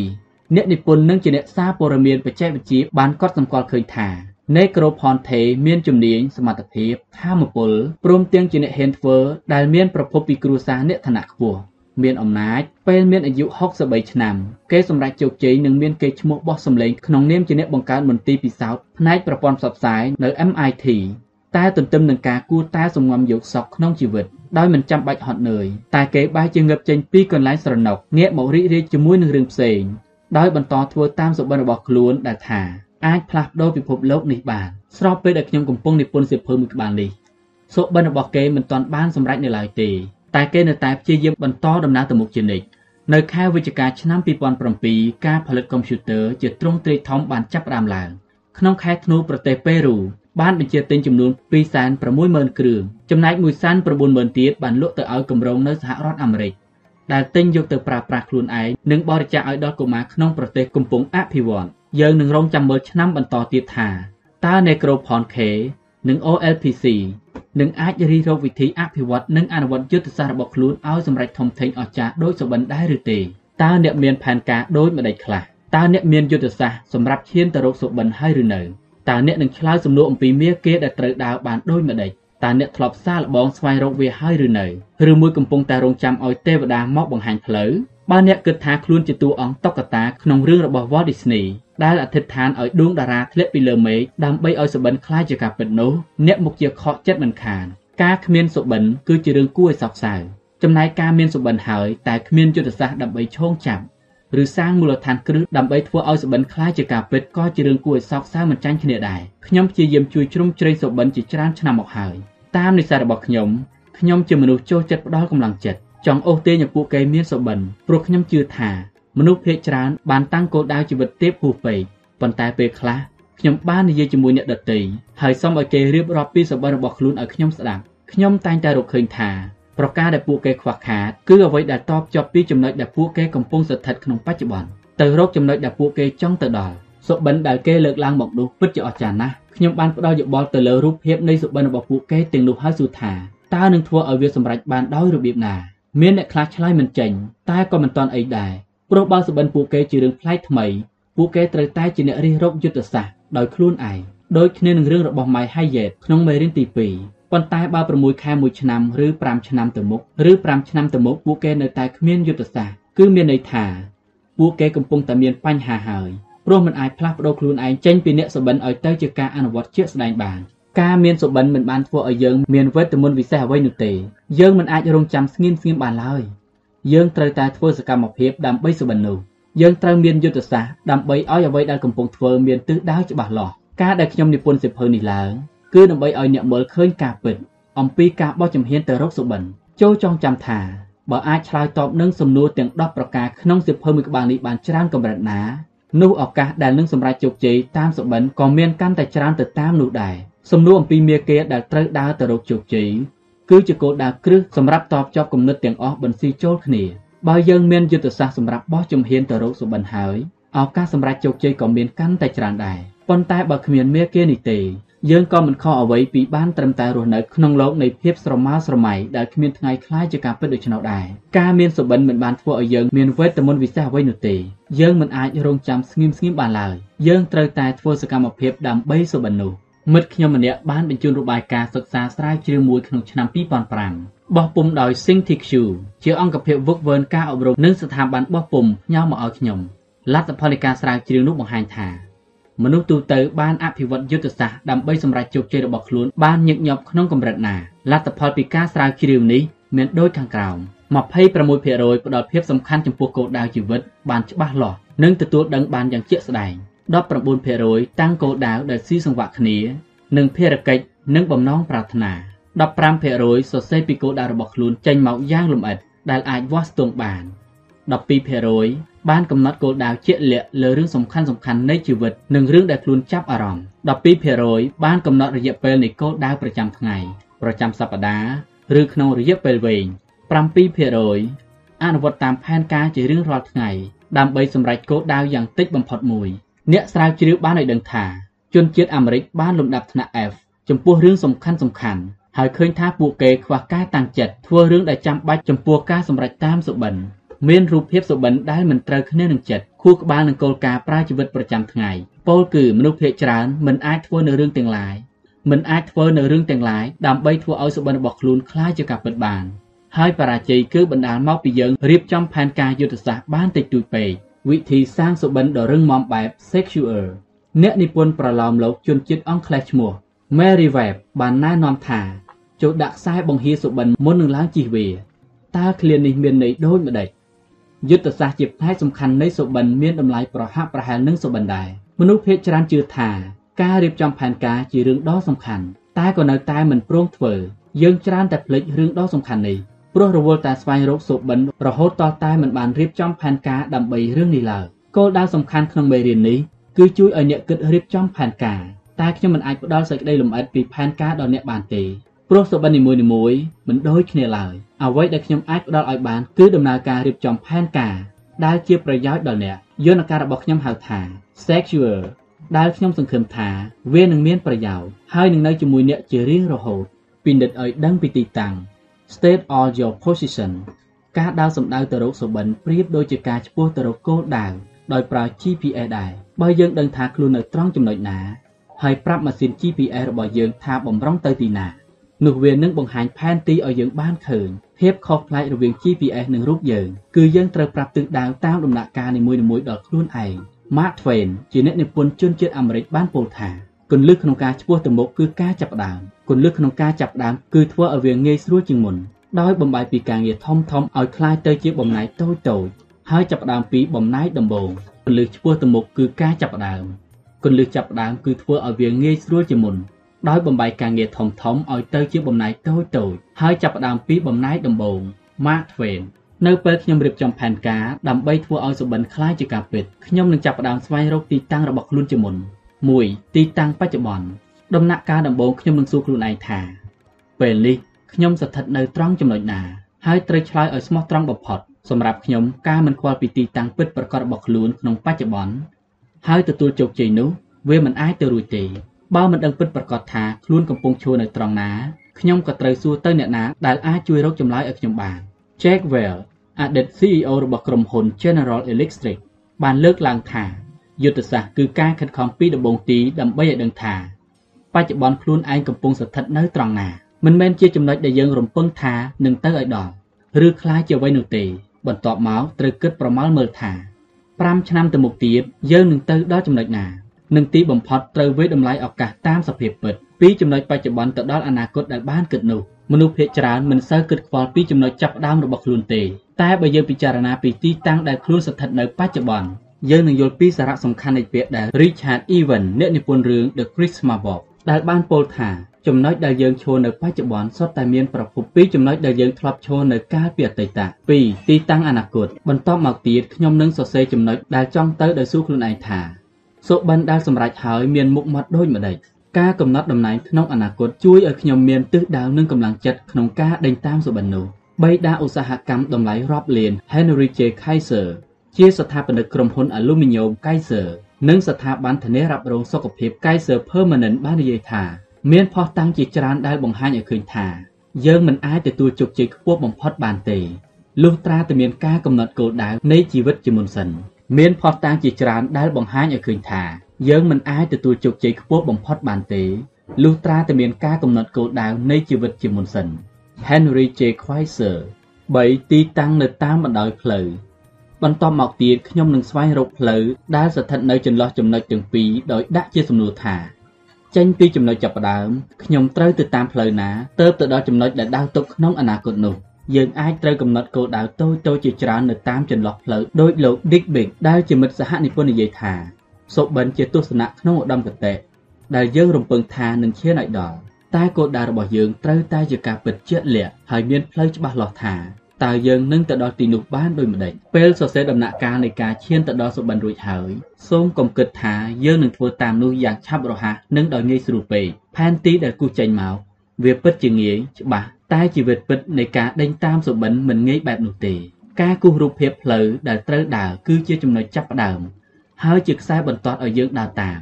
តែវាពុំមែនជារូបមន្តឆ្អិនស្រាប់ឬជាទ្រឹស្ដីត្រង់ភ្លើងដោយរូបមន្តវិទ្យាសាស្ត្រឡើយ George Colas ផលិតករភាពយន្តដ៏ល្បីល្បាញបានផ្ដល់យោបល់ថាការកំណត់គោលដៅដែលនឹងคล้ายជាការពិតគឺជារឿងលំបាកបំផុតព្រោះយើងមិនដឹងថាខ្លួនឯងនឹងដើរទៅផ្លូវណា ចំពោះខ្ញុំវិញត្រឹមតែកំណត់គោលដៅទុកថាចង់រៀនបានពិន្ទុល្អៗហើយបានរៀនវិជ្ជាដែលខ្លួនចូលចិត្តក៏ចាត់ទុកថាជាគោលដៅធំទៅហើយបន្ទាប់មកខ្ញុំក៏ពុះពេយកចិត្តទុកដាក់ជាមួយរឿងនោះមនុស្សភាគច្រើនយល់ខុសថាពេលដឹងថាខ្លួនឯងនៅត្រង់ចំណុចណាត្រូវការនឹងទៅទីណាហើយផ្លូវត្រូវដើរក្នុងមួយជំហានមួយជំហាននោះជាអ្វីក៏គិតថាស្មើនឹងឆ្លើយសំណួរអំពីមាគេដែលត្រូវដើរនេះបានហើយបើដូច្នោះមែនច្បាស់ជាមានមនុស្សជាច្រើនសម្រេចតាមសម្បត្តិរបស់ខ្លួនជាមិនខាន ដូច្នេះក្រៅពីដើរឆ្ពោះទៅតាមផ្លូវនោះហើយយើងត្រូវមានយុទ្ធសាស្ត្រផ្សេងផ្សេងទៀត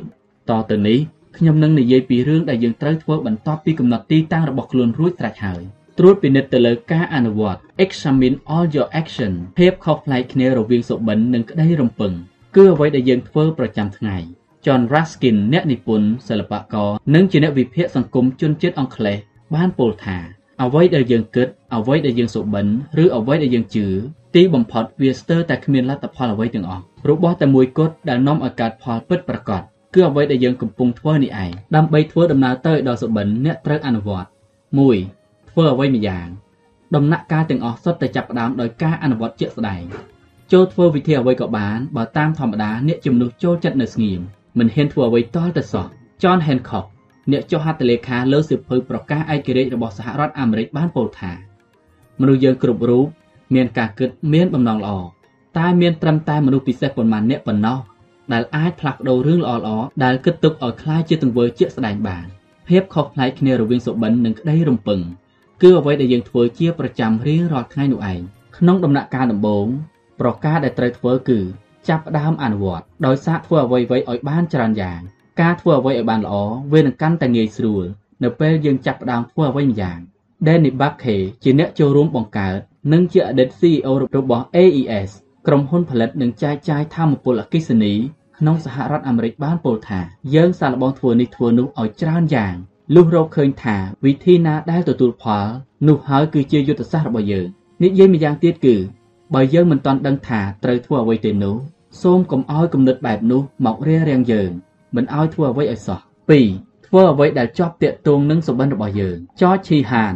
កីឡាកររត់ប្រណាំងអ្នកនិពន្ធ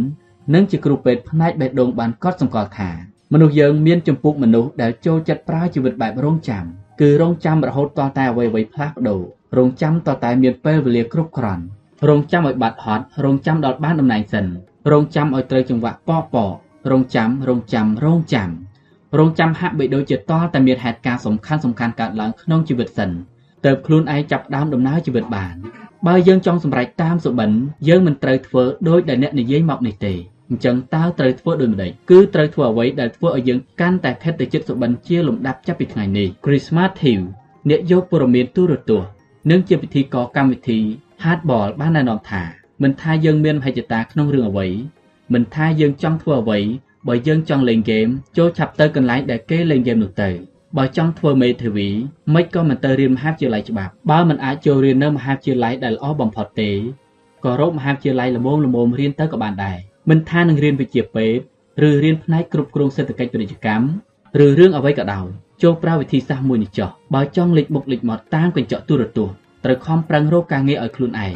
ការងារអ្វីក៏បានឲ្យតែជាប់ទាក់ទងនឹងវិស័យនោះ ប្រការសំខាន់បំផុតគឺធ្វើឲ្យខ្លួនឯងមានផ្លូវដើរក្នុងរឿងដែលខ្លួនត្រូវការជាមុនសិនគេដឹងរឿងនេះនៅពេលដែលគេចង់ចូលប្រឡូកលើឆាកនយោបាយគេធ្វើដំណើរទៅកាន់ Washington DC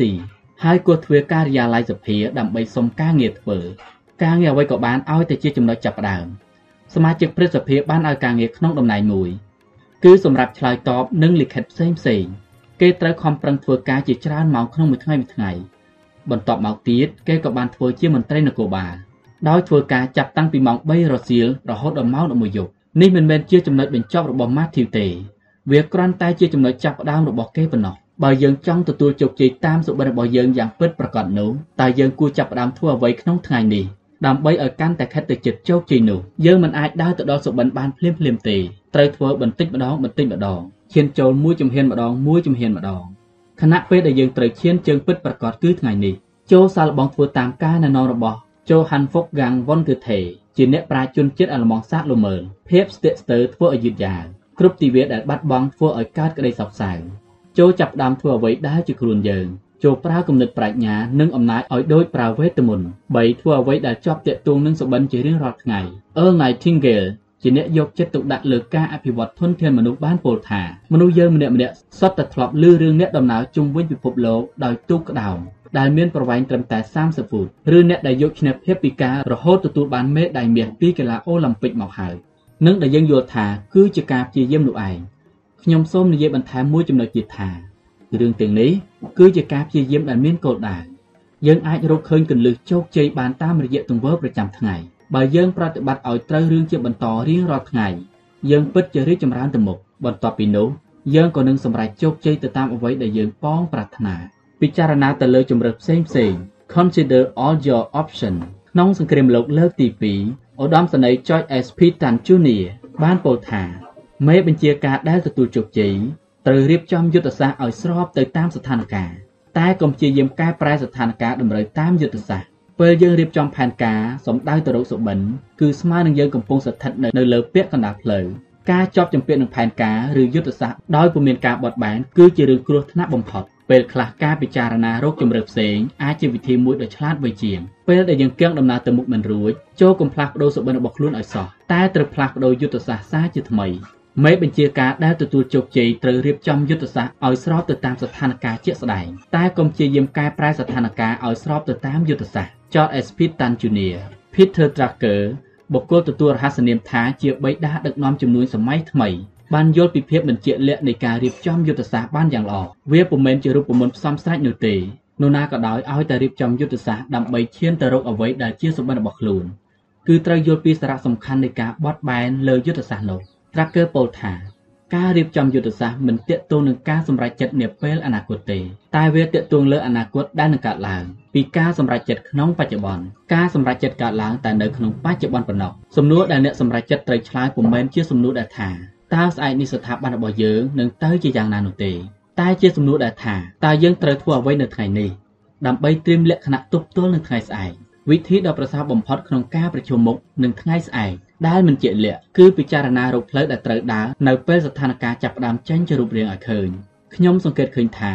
ស្ថានភាពជាតួអង្គសម្រាប់លើយុទ្ធសាស្ត្រដ៏ល្អបំផុតជានិច្ចយើងត្រូវត្រៀមលក្ខណៈបត់បែនដើម្បីទទួលជោគជ័យតាមគោលដៅដូចគ្នានឹង quarterback ដែលគ្រូបង្វឹកបញ្ជាឲ្យជ្រើសរើសក្បួនខុសៗគ្នាដើម្បីទប់ទល់នឹងក្រុមខុសៗគ្នាវិធីគិតបែបងាប់ក្រឡាគ្មានការបត់បែនមិនស័ក្តិសមនឹងយកមកប្រើដើម្បីឈ្មោះទៅរកជោគជ័យតាមសបិនឡើយ Sam Walton ស្ថាបនិក Walmart បានទទួលការគោរពក្នុងនាមជាអ្នកដឹកនាំដែលមានទស្សនវិស័យជានិច្ចសុបិនរបស់គេគឺលើកកម្ពស់គុណភាពជីវិតដល់អតិថិជន តែគេចូលចិត្តបត់បែនផ្លាស់ប្ដូរផែនការជាញឹកញាប់ហើយឈប់ប្រើយុទ្ធសាស្ត្រណាដែលគ្មានប្រសិទ្ធភាពកូនប្រុសរបស់គាត់បានទទួលស្គាល់ថាពួកខ្ញុំនឹកអស់សំណើចចំពោះអ្នកដែលសរសេរលិខិតទៅសរសើរពួកខ្ញុំថាជាកំពូលអ្នកប្រើយុទ្ធសាស្ត្រដែលរៀបចំផែនការដ៏សែនស្មុគស្មាញហើយយកមកប្រើបានផលគ្រប់ពេលវេលា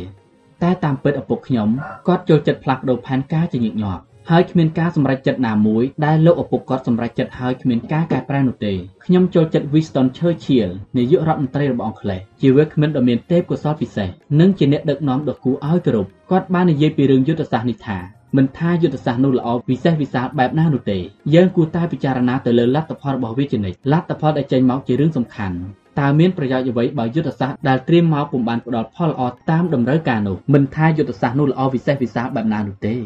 យើងគួរតែពិចារណាទៅលើលទ្ធផលរបស់វាជានិច្ច Winston Churchill ប្រើឲ្យអស់សក្តានុពលដែលមានខ្ញុំគិតថាអ្នកនិពន្ធគ្រប់រូបប្រកាសជាមានសុបិនរបស់ខ្លួនថានឹងមានសៀវភៅដ៏ល្អមួយក្បាលសម្រាប់លោកខ្ញុំក៏ដូចគ្នាដែរក្នុងឆ្នាំ1997ខ្ញុំបានសរសេរសៀវភៅបានជាង10ចំណងជើងហើយមានអារម្មណ៍ថាសៀវភៅរបស់ខ្ញុំជួយមនុស្សបានតែប្រមាណអ្នកប៉ុណ្ណោះវាពុំបានលទ្ធផលល្អដូចអ្វីដែលខ្ញុំរំពឹងទុកនោះសោះខ្ញុំជឿថាអ្នកនិពន្ធមួយចំនួនធំ និពន្ធសៀវភៅហើយបញ្ជូនទៅកាន់គ្រឹះស្ថានរបស់ពុំហើយបានត្រឹមតែរំពឹងប៉ុណ្ណោះបញ្ហាតែមួយគឺក្តីរំពឹងពុំមែនជាយុទ្ធសាស្ត្រទេខ្ញុំគិតថាដើម្បីឲ្យសៀវភៅឡើងទៅដល់កម្រិតលក់ដាច់ខ្ញុំត្រូវតែមានយុទ្ធសាស្ត្រក្នុងនាមជាអ្នកដឹកនាំខ្ញុំគិតពីរឿងសក្តានុពលធនធានជានិច្ចខ្ញុំដឹងច្បាស់ថាបើបញ្ចេញសក្តានុពលធនធានដែលមានមកប្រើប្រាស់កាន់តែច្រើនកម្រិតណាឱកាសសម្រាប់ជោគជ័យតាមគោលដៅកំណត់ក៏កាន់តែខ្ពស់កម្រិតនោះដែរទើបខ្ញុំសន្សំធនធានផ្សេងផ្សេងទុកឲ្យបានច្រើន ហើយបន្ទាប់ពីធ្វើការវេតម្លៃហើយខ្ញុំមានធនធានដូចខាងក្រោមនេះគំនិតល្អៗដែលត្រូវយកមកនិពន្ធសិភើវាពិតប្រាកដណាស់ដែលថាអ្វីអ្វីគ្រប់យ៉ាងកើតចេញពីគំនិតល្អៗយើងក៏បីសាងគុណតម្លៃជាអ្នកនិពន្ធដែលសម្រេចជោគជ័យយើងមិនអាចដើរសាកសួរនរណាម្នាក់ថាតើខ្ញុំត្រូវធ្វើដូចម្តេចដើម្បីឲ្យលក់សិភើបានច្រើនជាប់ឈ្មោះជាសិភើលក់ដាច់បំផុតនោះទេប៉ុន្តែអ្វីដែលយើងត្រូវសួរគឺ តើខ្ញុំត្រូវសរសេរសិភើបែបណាដែលអាចជួយមនុស្សបានច្រើនរហូតក្លាយជាសិភើលក់ដាច់បំផុតចម្លើយរបស់ខ្ញុំគឺសៀវភៅឈ្មោះ The 21 Irrefutable Law of Leadership ជាសិភើដែលខ្ញុំជឿជាក់ថាអាចបង្កើនគុណសម្បត្តិឲ្យដល់អ្នកដែលត្រូវការរៀនសូត្រពីភាពជាអ្នកដឹកនាំបានសហការីល្អល្អបច្ចុប្បន្នរូបខ្ញុំឡោមព័ទ្ធដោយកំពូលមនុស្សជំនាញមានអ្នកនិពន្ធពូកែពូកែមានគ្រឹះស្ថានបោះពុំដ៏ល្អ Thomas Nelson ដែលសុទ្ធសឹងតែចង់ឃើញខ្ញុំសម្រេចជោគជ័យ ខ្ញុំមានក្រុមហ៊ុនជារបស់ខ្លួនឯងដែលមានបទពិសោធន៍គ្រប់គ្រងកម្រិតខ្ពស់ Pat Riley គ្រូបង្វឹកកីឡាបាល់បោះ NBA មានទស្សនៈចំពោះការធ្វើការជាក្រុមថាការធ្វើការជាក្រុមចាំបាច់ត្រូវធ្វើឲ្យក្តីព្យាយាមនៃសមាជិកម្នាក់ៗដើរឆ្ពោះទៅតាមទិសដៅតែមួយអារម្មណ៍ដ៏ពិសេសនេះនឹងអាចកើតឡើងបានលុះត្រាតែធម៌ពលរបស់ក្រុមមានជីវិតដ៏រស់រវើកឡើងសហការីទាំងអស់ក្នុងក្រុមខ្ញុំមានលក្ខណៈសម្បត្តិគ្រប់គ្រាន់ព្រមទាំងពេញចិត្តនឹងបំពេញការងាររួមគ្នាដើម្បីសម្រេចគោលដៅតែមួយ គឺធ្វើឲ្យសិភើរបស់ខ្ញុំคล้ายជាសិភើលក់ដាច់បំផុតកំណត់ពេលវេលា ការធ្វើនៅរឿងដ៏អស្ចារ្យនិងសំខាន់បំផុតនេះមានពីរប្រការសំខាន់ពីរយ៉ាងគឺយុទ្ធសាស្ត្រនិងការកំណត់ពេលការដាក់កំណត់ពេលធ្វើឲ្យយើងត្រូវសម្រេចការងារតាមពេលកំណត់យើងនឹងយល់ពីរឿងនេះច្បាស់លុះត្រាតែយើងបានប្រឡូកក្នុងអាជីពជាអ្នកបោះពុំការប្រកបមុខរបរនេះមានពេលវេលាកំណត់ចាំបាច់ក្នុងការផ្ដល់សិភើអានបានទាន់ពេលដល់មិត្តអ្នកអានរបស់យើងគំនិតច្នៃប្រឌិត ពេលក្រុមការងារពីរក្រុមមកគុំគំនិតយោបល់គ្នាដើម្បីស្វែងរកវិធីលក់សិភើឲ្យដាច់ក្នុងរយៈពេលដ៏ឆាប់គំនិតអស្ចារ្យក៏ផុសចេញមកទីបំផុតពួកយើងក៏សម្រេចចិត្តរៀបចំដំណើរកម្សាន្តលក់សិភើទៅកាន់ទីក្រុងចំនួន15ក្នុងរយៈពេល5ថ្ងៃយើងបានជួលយន្តហោះសេតដើម្បីបញ្ជូនទំនិញទៅកាន់កន្លែងរៀបចំពិធីនៅក្រុងនីមួយៗក្រៅពីនោះយើងបានអញ្ជើញហាងលក់សៀវភៅតាមតំបន់នីមួយៗឲ្យចូលរួមក្នុងពិធីនិងធ្វើការផ្សព្វផ្សាយជាទ្រង់ទ្រាយធំ អ្វីគ្រប់យ៉ាងប្រព្រឹត្តទៅដោយរលូនហើយ យើងក៏ធ្វើដំណើរទៅកាន់ក្រុង Tampa, Atlanta, Charlotte, Washington DC, Pittsburgh, Columbia, Indianapolis, Grand Rapids, St. Louis, Dallas, Denver, Oklahoma, San Jose, Los Angeles និង San Diego ឱកាសអ្វីគ្រប់យ៉ាងកន្លងមកជាការខំប្រឹងប្រែងដ៏ខ្លាំងក្លាមួយ តែវាក៏បានតបស្នងមកវិញដោយធ្វើឲ្យយើងមានឱកាសបានជួបមុខអតិថិជនដែលសម្រេចចិត្តទិញសៀវភៅយើងខ្ញុំបានរៀបចំផែនការទុកថាក្នុងក្រុងនីមួយៗខ្ញុំនឹងទៅបង្រៀនពន្យល់ពីខ្លឹមសារនានាដែលមានក្នុងសៀវភៅ The 21 Irrefutable Irrefutable of Leadership ហើយអ្នកដែលចូលមករៀននឹងបានទិញសៀវភៅពីហាងជាភ្នាក់ងារចាយចាយរបស់យើងថែមទៀតជាសំណាងល្អណាស់ដែលអតិថិជនចូលចិត្តវិធីសាស្ត្ររបស់ខ្ញុំ មានម្ចាស់ជំនួយជាច្រើនបានទិញសៀវភៅនេះដើម្បីយកទៅបង្រៀនពីភាពជាអ្នកដឹកនាំដល់បុគ្គលិករបស់ខ្លួន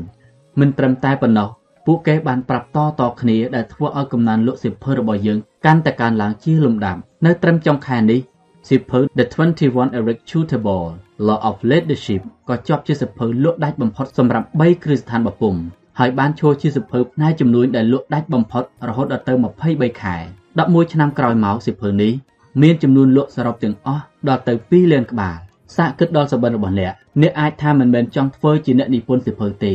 តែអ្នកអាចចង់បានពានរង្វាន់ពីកីឡាអូឡ িম্প ពិកស្ថាបនាក្រុមហ៊ុនដ៏ធំមួយចង់ចិញ្ចឹមកូនឲ្យមានសមត្ថភាពខ្ពស់ឬមិនថាជាអ្នកសុបិនចង់ធ្វើអ្វីធនធានគឺជាផ្នែកដ៏សំខាន់និងចាំបាច់តើយើងមានអ្វីដែលអាចប្រើបានខ្លះតើទ្រព្យធនរបស់យើងមានអ្វីខ្លះមាននរណាដែលអាចជួយយើងបានចូលធ្វើបញ្ជីកត់ត្រាអ្វីទាំងនោះចេញមកឲ្យអស់ មានយុទ្ធសាស្ត្រតែម្យ៉ាងនៅមិនទាន់គ្រប់គ្រាន់ទេ យើងត្រូវប្រើឲ្យអស់សក្តានុពលដែលមានដើម្បីធ្វើឲ្យសុបិនខ្លាយជាការពិតជំរុះចោលរឿងមិនចាំបាច់ remove all your non essential សាកល្បងគិតដល់សុបិនរបស់ខ្លួនមួយស្របក់គិតដល់លទ្ធផលគ្រប់យ៉ាងដែលនឹងកើតចេញពីសុបិននោះប្រសិនបើគិតជារូបភាពធម្មតាទូទៅរូបភាពដែលកើតឡើងពីក្នុងចិត្តមានដូចជា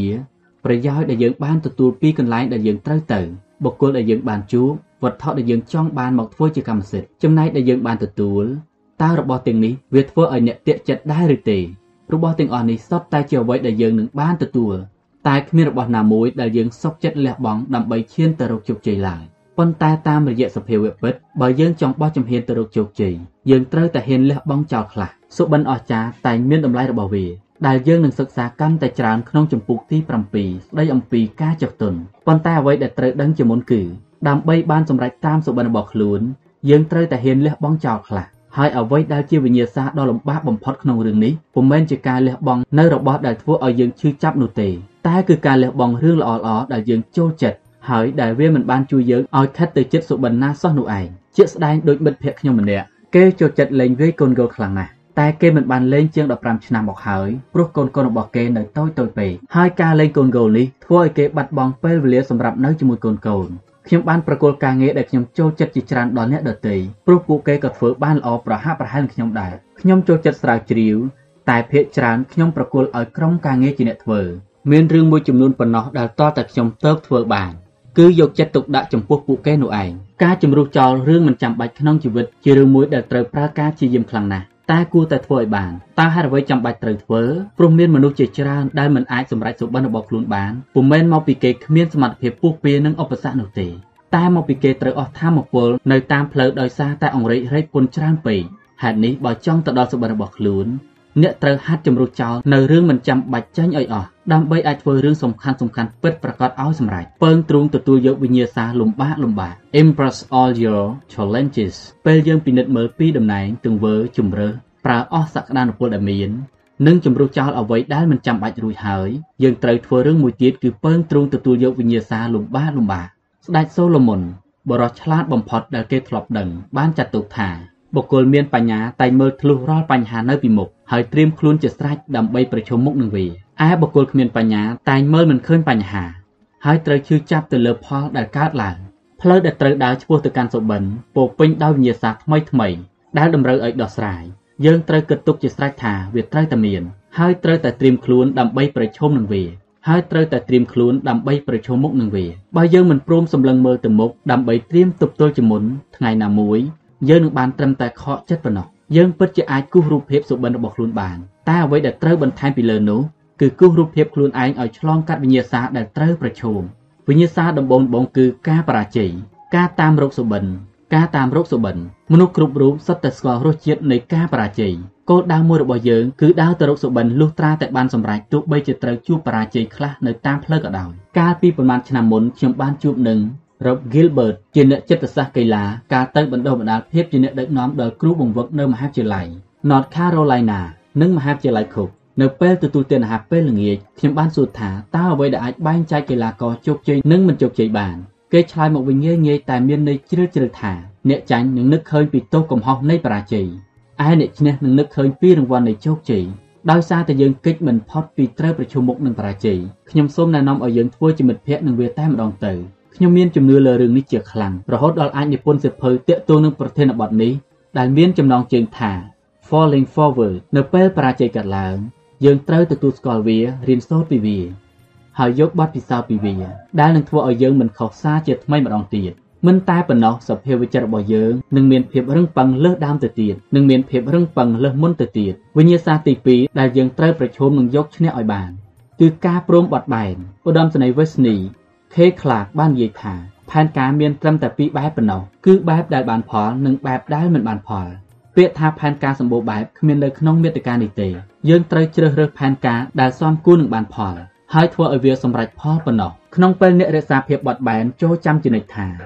សុបិនគឺស្ថិតនៅដដែលតែអ្វីផ្សេងផ្សេងទៀតនឹងមានការផ្លាស់ប្ដូរជានិច្ចមិនថារឿងកំណត់ពេលវេលាធនធានសមត្ថកម្មយុទ្ធសាស្ត្រនិងសមាជិកក្នុងក្រុម Bill Cosby តារាកំ pl ែងធ្លាប់និយាយបញ្ឆិតបញ្ឈៀនថាគ្មានអ្វីអាចទៅនៅក្នុងសម្បុកសត្វព្រាបបានទេក្រៅពីសត្វព្រាបខ្លួនឯងស្ដាប់ទៅគួរឲ្យចង់សើចតែវាជារឿងពិតត្រូវចេះបត់បែននិងត្រៀមការដើម្បីផ្លាស់ប្ដូរជានិច្ចត្រៀមហ្វឹកហាត់ជំនាញចាំបាច់ទាំងពីរយ៉ាងគឺការគិតបែបវិភាគដែលនឹងធ្វើឲ្យយើងដាក់សំណួរថាតើយើងត្រូវផ្លាស់ប្ដូរអ្វីខ្លះនិងការគិតបែបច្នៃប្រឌិតដែលធ្វើឲ្យយើងដាក់សំណួរថា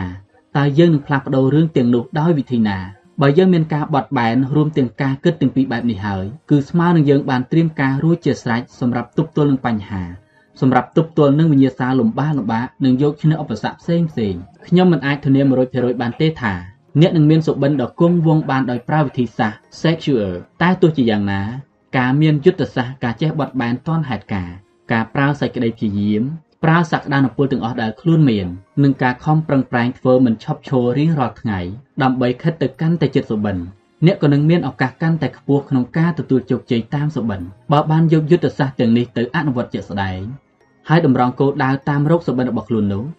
ចូលចងចាំសុភាសិតអ៊ីតាលីមួយឃ្លាថាការធ្វើដំណើរចេញពីការនិយាយឆ្ពោះទៅដល់ការអនុវត្តជាក់ស្ដែងវាមុខជាធ្វើឲ្យស្បែកជើងរបស់យើងដាច់អស់ច្រើនគូមិនខាន សុបិនមិនមែនបានមកដោយងាយងាយនិងឆាប់រហ័សនោះទេចំណែករង្វាន់នៃសុបិនក៏មិនអាចតបស្នងមកយើងបានឆាប់រហ័សដែរចូលព្យាយាមបន្តដំណើរទៅទៀតការសម្រេចឲ្យដល់ត្រើយសុបិនយើងត្រូវចាប់ផ្ដើមឲ្យបានល្អហើយក៏ត្រូវឲ្យវាបញ្ចប់ទៅយ៉ាងស្រស់បំព្រងផងដែរតើអ្នកអាចឆ្លើយសំណួរអំពីមាគាត្រូវដើរបានហើយឬនៅតើយើងមានយុទ្ធសាស្ត្រឆ្ពោះទៅកាន់សុបិនហើយឬនៅពេលពិចារណាយុទ្ធសាស្ត្រដែលនឹងនាំយើងទៅកាន់សុបិនចូលប្រើយន្តការ sexual ដើម្បីរៀបចំផែនការសាងសុបិនដ៏រឹងមាំមួយ ត្រួតពិនិត្យទីតាំង Stell all your position ចំណុចចាប់ផ្ដើមរបស់យើងស្ថិតនៅត្រង់ណាចំណុចដែលយើងចង់ទៅស្ថិតនៅត្រង់ណាចន្លោះពីចំណុចមួយទៅចំណុចមួយទៀតតើយើងត្រូវបោះជំហានទៅតាមចំណុចណាខ្លះត្រួតពិនិត្យសកម្មភាព examine all your action តើយើងត្រូវធ្វើអ្វីរៀងរាល់ថ្ងៃដើម្បីខិតកាន់តែចិត្តសុបិនជ្រើសរើសផ្លូវដើរ consider all your option ផ្នែកណាខ្លះនៃយុទ្ធសាស្ត្រដែលយើងត្រូវផ្លាស់ប្ដូរដើម្បីឲ្យការដំណើរការរបស់យើងបន្តទៅមុខទៀតបាន ប្រើសក្តានុពលទាំងអស់ដែលខ្លួនមាន utilize all your resource តើមានធនធានអ្វីខ្លះសម្រាប់ប្រើសរសេរលម្អិតគ្រប់យ៉ាងដែលអាចនឹកឃើញជំរុះចោលអ្វីដែលមិនចាំបាច់ remove all your non essential ពេលនេះតើយើងមានកិច្ចការអ្វីខ្លះដែលធ្វើឲ្យគ្មានអ្វីចាំបាច់ដល់ការសម្រេចទិសដៅសុបិនរបស់យើងពើងទ្រង់ទទួលយកវិញ្ញាសាលំបាកលំបាក embrace all your challenges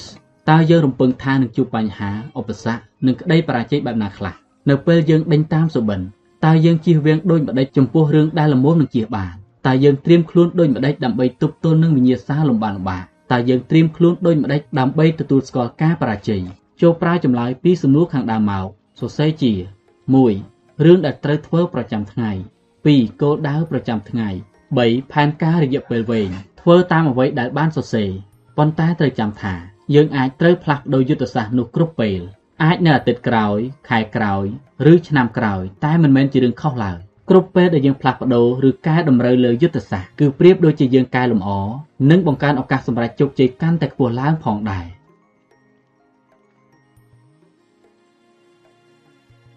សំណួរអំពីមនុស្សតើមានមនុស្សចាំបាច់សម្រាប់សុបិននោះហើយឬនៅ ការអភិវឌ្ឍជំហានដ៏ធំរបស់យើងនឹងកើតឡើងនៅពេលយើងដឹងថា អ្នកដទៃអាចជួយឲ្យយើងធ្វើអ្វីៗបានល្អជាងធ្វើតែម្នាក់ឯង Andrew Carnegie មិនថាសុបិនរបស់យើងជាអ្វីមិនថាយើងជាសិល្បករម្ចាស់ជំនួញធំធំ អ្នកនយោបាយឬជាអ្នកបានទទួលរង្វាន់ Nobel យើងត្រូវតែមានសម្ព័ន្ធភាពជាមួយអ្នកដទៃ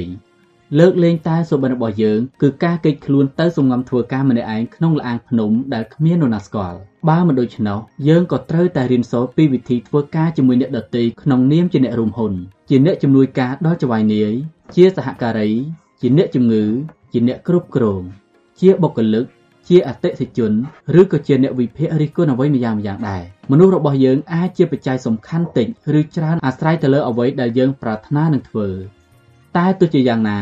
យើងត្រូវតែគិតដល់មនុស្សចាំបាច់ចំពោះសុបិនរបស់យើង ការស្វែងយល់ពីរឿងនេះមិនចាំបាច់ប្រើពេលវេលាច្រើនទេខ្ញុំទទួលតួនាទីជាអ្នកដឹកនាំដំបូងក្នុងឆ្នាំ1969បន្ទាប់ពីចប់ការសិក្សាពីមហាវិទ្យាល័យហើយរៀបការជាមួយ Margaret ភរិយារបស់ខ្ញុំខ្ញុំធ្លាប់មានសុបិនដ៏ធំធេងមួយគឺនឹងសាងសង់ព្រះវិហារដែលជាមជ្ឈមណ្ឌលរួមចិត្តគំនិតការងារជាដំបូងរបស់ខ្ញុំបានត្រឹមតែជាវិហារតូចៗនៅជនបទក្នុងរដ្ឋ Indiana ដែលមានមូលនិធិដ៏ស្ដួយស្ដាងប៉ុណ្ណោះពេលខ្ញុំនិង Margaret ចូលជួបចៅអធិការគាត់បានឲ្យប្រាក់ខ្ញុំមួយសប្តាហ៍80ដុល្លារហើយប្រាប់ខ្ញុំថាខ្ញុំអាចធ្វើការក្រៅម៉ោងតាមតែចិត្តចង់ទៅចោះអត់ទេចាស់ Margaret ឆ្លើយទោះជាប្រាក់ដែលឲ្យនោះស្មើនឹងតម្លៃធ្វើការក្រៅម៉ោងតែចននឹងធ្វើការឲ្យព្រះវិហារនេះយ៉ាងពេញទំហឹងព្រោះគាត់នឹងក្លាយជាអ្នកដឹកនាំដ៏អស្ចារ្យបំផុត Margaret ត្រូវខំប្រឹងធ្វើការរហូតដល់ទៅ3កន្លែងដើម្បីទប់សេដ្ឋកិច្ចគ្រួសារឲ្យមានលំនឹង នាងបង្រៀនក្មេងនៅសាលាមត្តេយ្យធ្វើការក្រៅម៉ោងនៅហាងលក់គ្រឿងអលង្ការហើយក៏ទទួលធ្វើការតាមផ្ទះទៀតផងខ្ញុំមានអារម្មណ៍ស្ងើចសរសើរនិងដឹងគុណយ៉ាងជ្រាលជ្រៅចំពោះទង្វើរបស់នាងដែលធ្វើដល់ខ្ញុំនេះ Margaret ជាបេះដូងសំខាន់ក្នុងការដើរទៅរកសុបិនរបស់ខ្ញុំខ្ញុំមិនដែលភ្លេចកម្លាំងចិត្តដែលបានទទួលពីនាងឡើយព្រោះនាងរក្សាជំហរដើម្បីខ្ញុំនិងសុបិនរបស់ខ្ញុំតាំងពីយើងមិនទាន់រៀបការម្លេះប្រសិនបើគ្មាន Margaret សុបិនរបស់ខ្ញុំមុខជាមិនអាចក្លាយជាការពិតបានឡើយ ការជួយជ្រោមជ្រែងគ្នាជាប់រហូតតាមផ្លូវ Chris Hort ជាបព្វជិតនិងជាមិត្តរបស់ខ្ញុំបានពោលថាសុបិនគឺជារូបភាពបណ្ដាលឡើងនៅក្នុងចិត្តដែលយើងអាចមើលឃើញក្នុងចិត្តរបស់ខ្លួនវាធំធេងអស្ចារ្យហួសពីអ្វីដែលយើងតែម្នាក់ឯងអាចធ្វើឲ្យសម្រេចពំណុលនេះជាការពិតសម្រាប់ខ្ញុំដូចគ្នាដែរខ្ញុំមិនអាចសម្រេចជោគជ័យបានដោយគ្មានការជួយជ្រោមជ្រែងពីអ្នកដទៃនោះទេ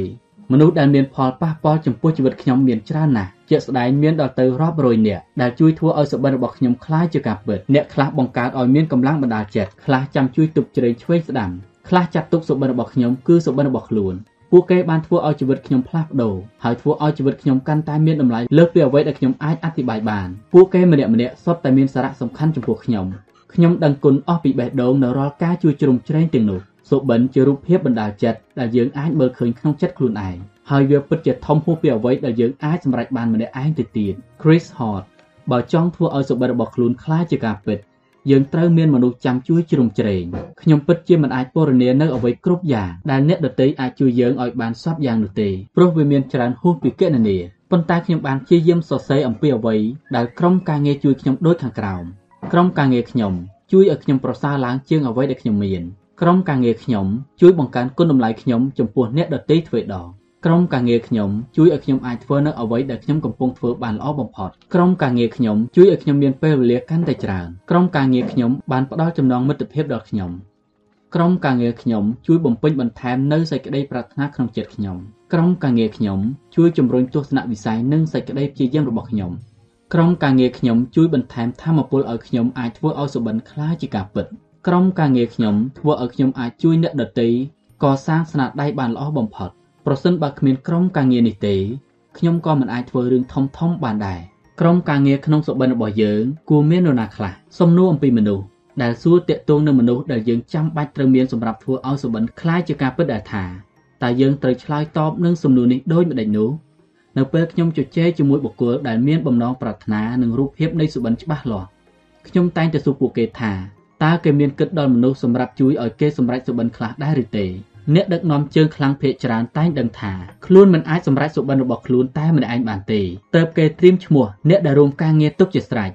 ប៉ុន្តែមានអ្នកខ្លះក៏មិនអាចឆ្លើយនឹងសំណួរនេះបានដែរមនុស្សចំពោះនេះមិនដែលគិតតទៅសោះថាខ្លួនត្រូវការកិច្ចជួយជ្រោមជ្រែងពីអ្នកដទៃដើម្បីធ្វើឲ្យសុបិនរបស់ខ្លួនសម្រេចបានជោគជ័យនោះឡើយរូបបាយការខាងក្រោមនេះគឺអ្វីដែលខ្ញុំបានរកឃើញថាវាជាការពិតអ្នកមានសុបិនតែគ្មានក្រុមការងារសុបិនគ្មានថ្ងៃខ្លាចជាការពិត អ្នកមានសុបិនតែក្រុមការងារមិនល្អសុបិនคล้ายជាសុបិនអាក្រក់អ្នកមានសុបិនបង្កើតក្រុមការងារសុបិននឹងអាចទៅរួចអ្នកមានសុបិនមានក្រុមការងារដ៏អស្ចារ្យសុបិនមិនចេះបរាជ័យមានសុបិនតែម្យ៉ាងមិនគ្រប់គ្រាន់ទេយើងត្រូវមានក្រុមការងារក្នុងសុបិនផងដែរបើនិយាយពីផ្នែកកីឡាវិញនរណាក៏ដឹងថាក្រុមជារឿងចាំបាច់ដែរម្នាក់ម្នាក់ដឹងច្បាស់ថា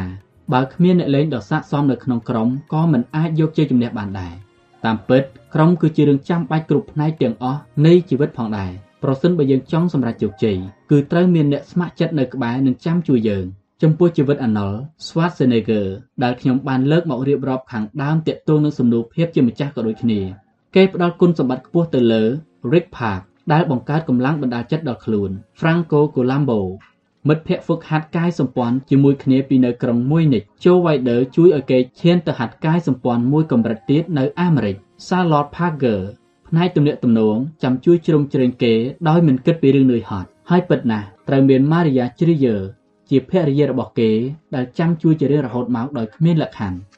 ចំពោះ My Hayat ដែលខ្ញុំសរសេរក្នុងសំណួរអំពីភាពជាក់លាក់ក៏មិនខុសគ្នាដែរបើគ្មានក្រុមការងារគេក៏មិនអាចផ្លាស់ប្ដូរផ្នែករបស់ខ្លួនឲ្យคล้ายជាផ្នែកដែលរកកម្រៃបានច្រើនបំផុតក្នុងក្រុមហ៊ុនឡើយហើយក៏ប្រកាសជាមិនអាចឡើងទៅដល់តំណែង CEO នៃគ្រឹះស្ថានបោះពុម្ព Thomas Nelson បានដែរ Indie Hall តន្ត្រីករវ័យក្មេងដែលខ្ញុំបានលើកឡើងក្នុងមេរៀនស្ដីអំពីសភាពពិតជាក់ស្ដែងក៏រស់នៅជាមួយមិត្តភ័ក្តិរួមក្រុមលេងតន្ត្រីជាមួយគ្នារៀងរាល់ថ្ងៃ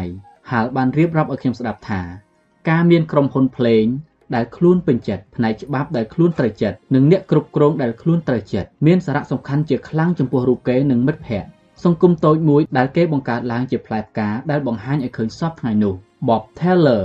នឹងគ្មានថ្ងៃទទួលជោគជ័យឡើយបើគ្មានដៃគូសេពគប់អស់ពេលដ៏យូរដូចជា Curly Park និងសមាជិកសំខាន់សំខាន់ក្នុងក្រុមរបស់គេ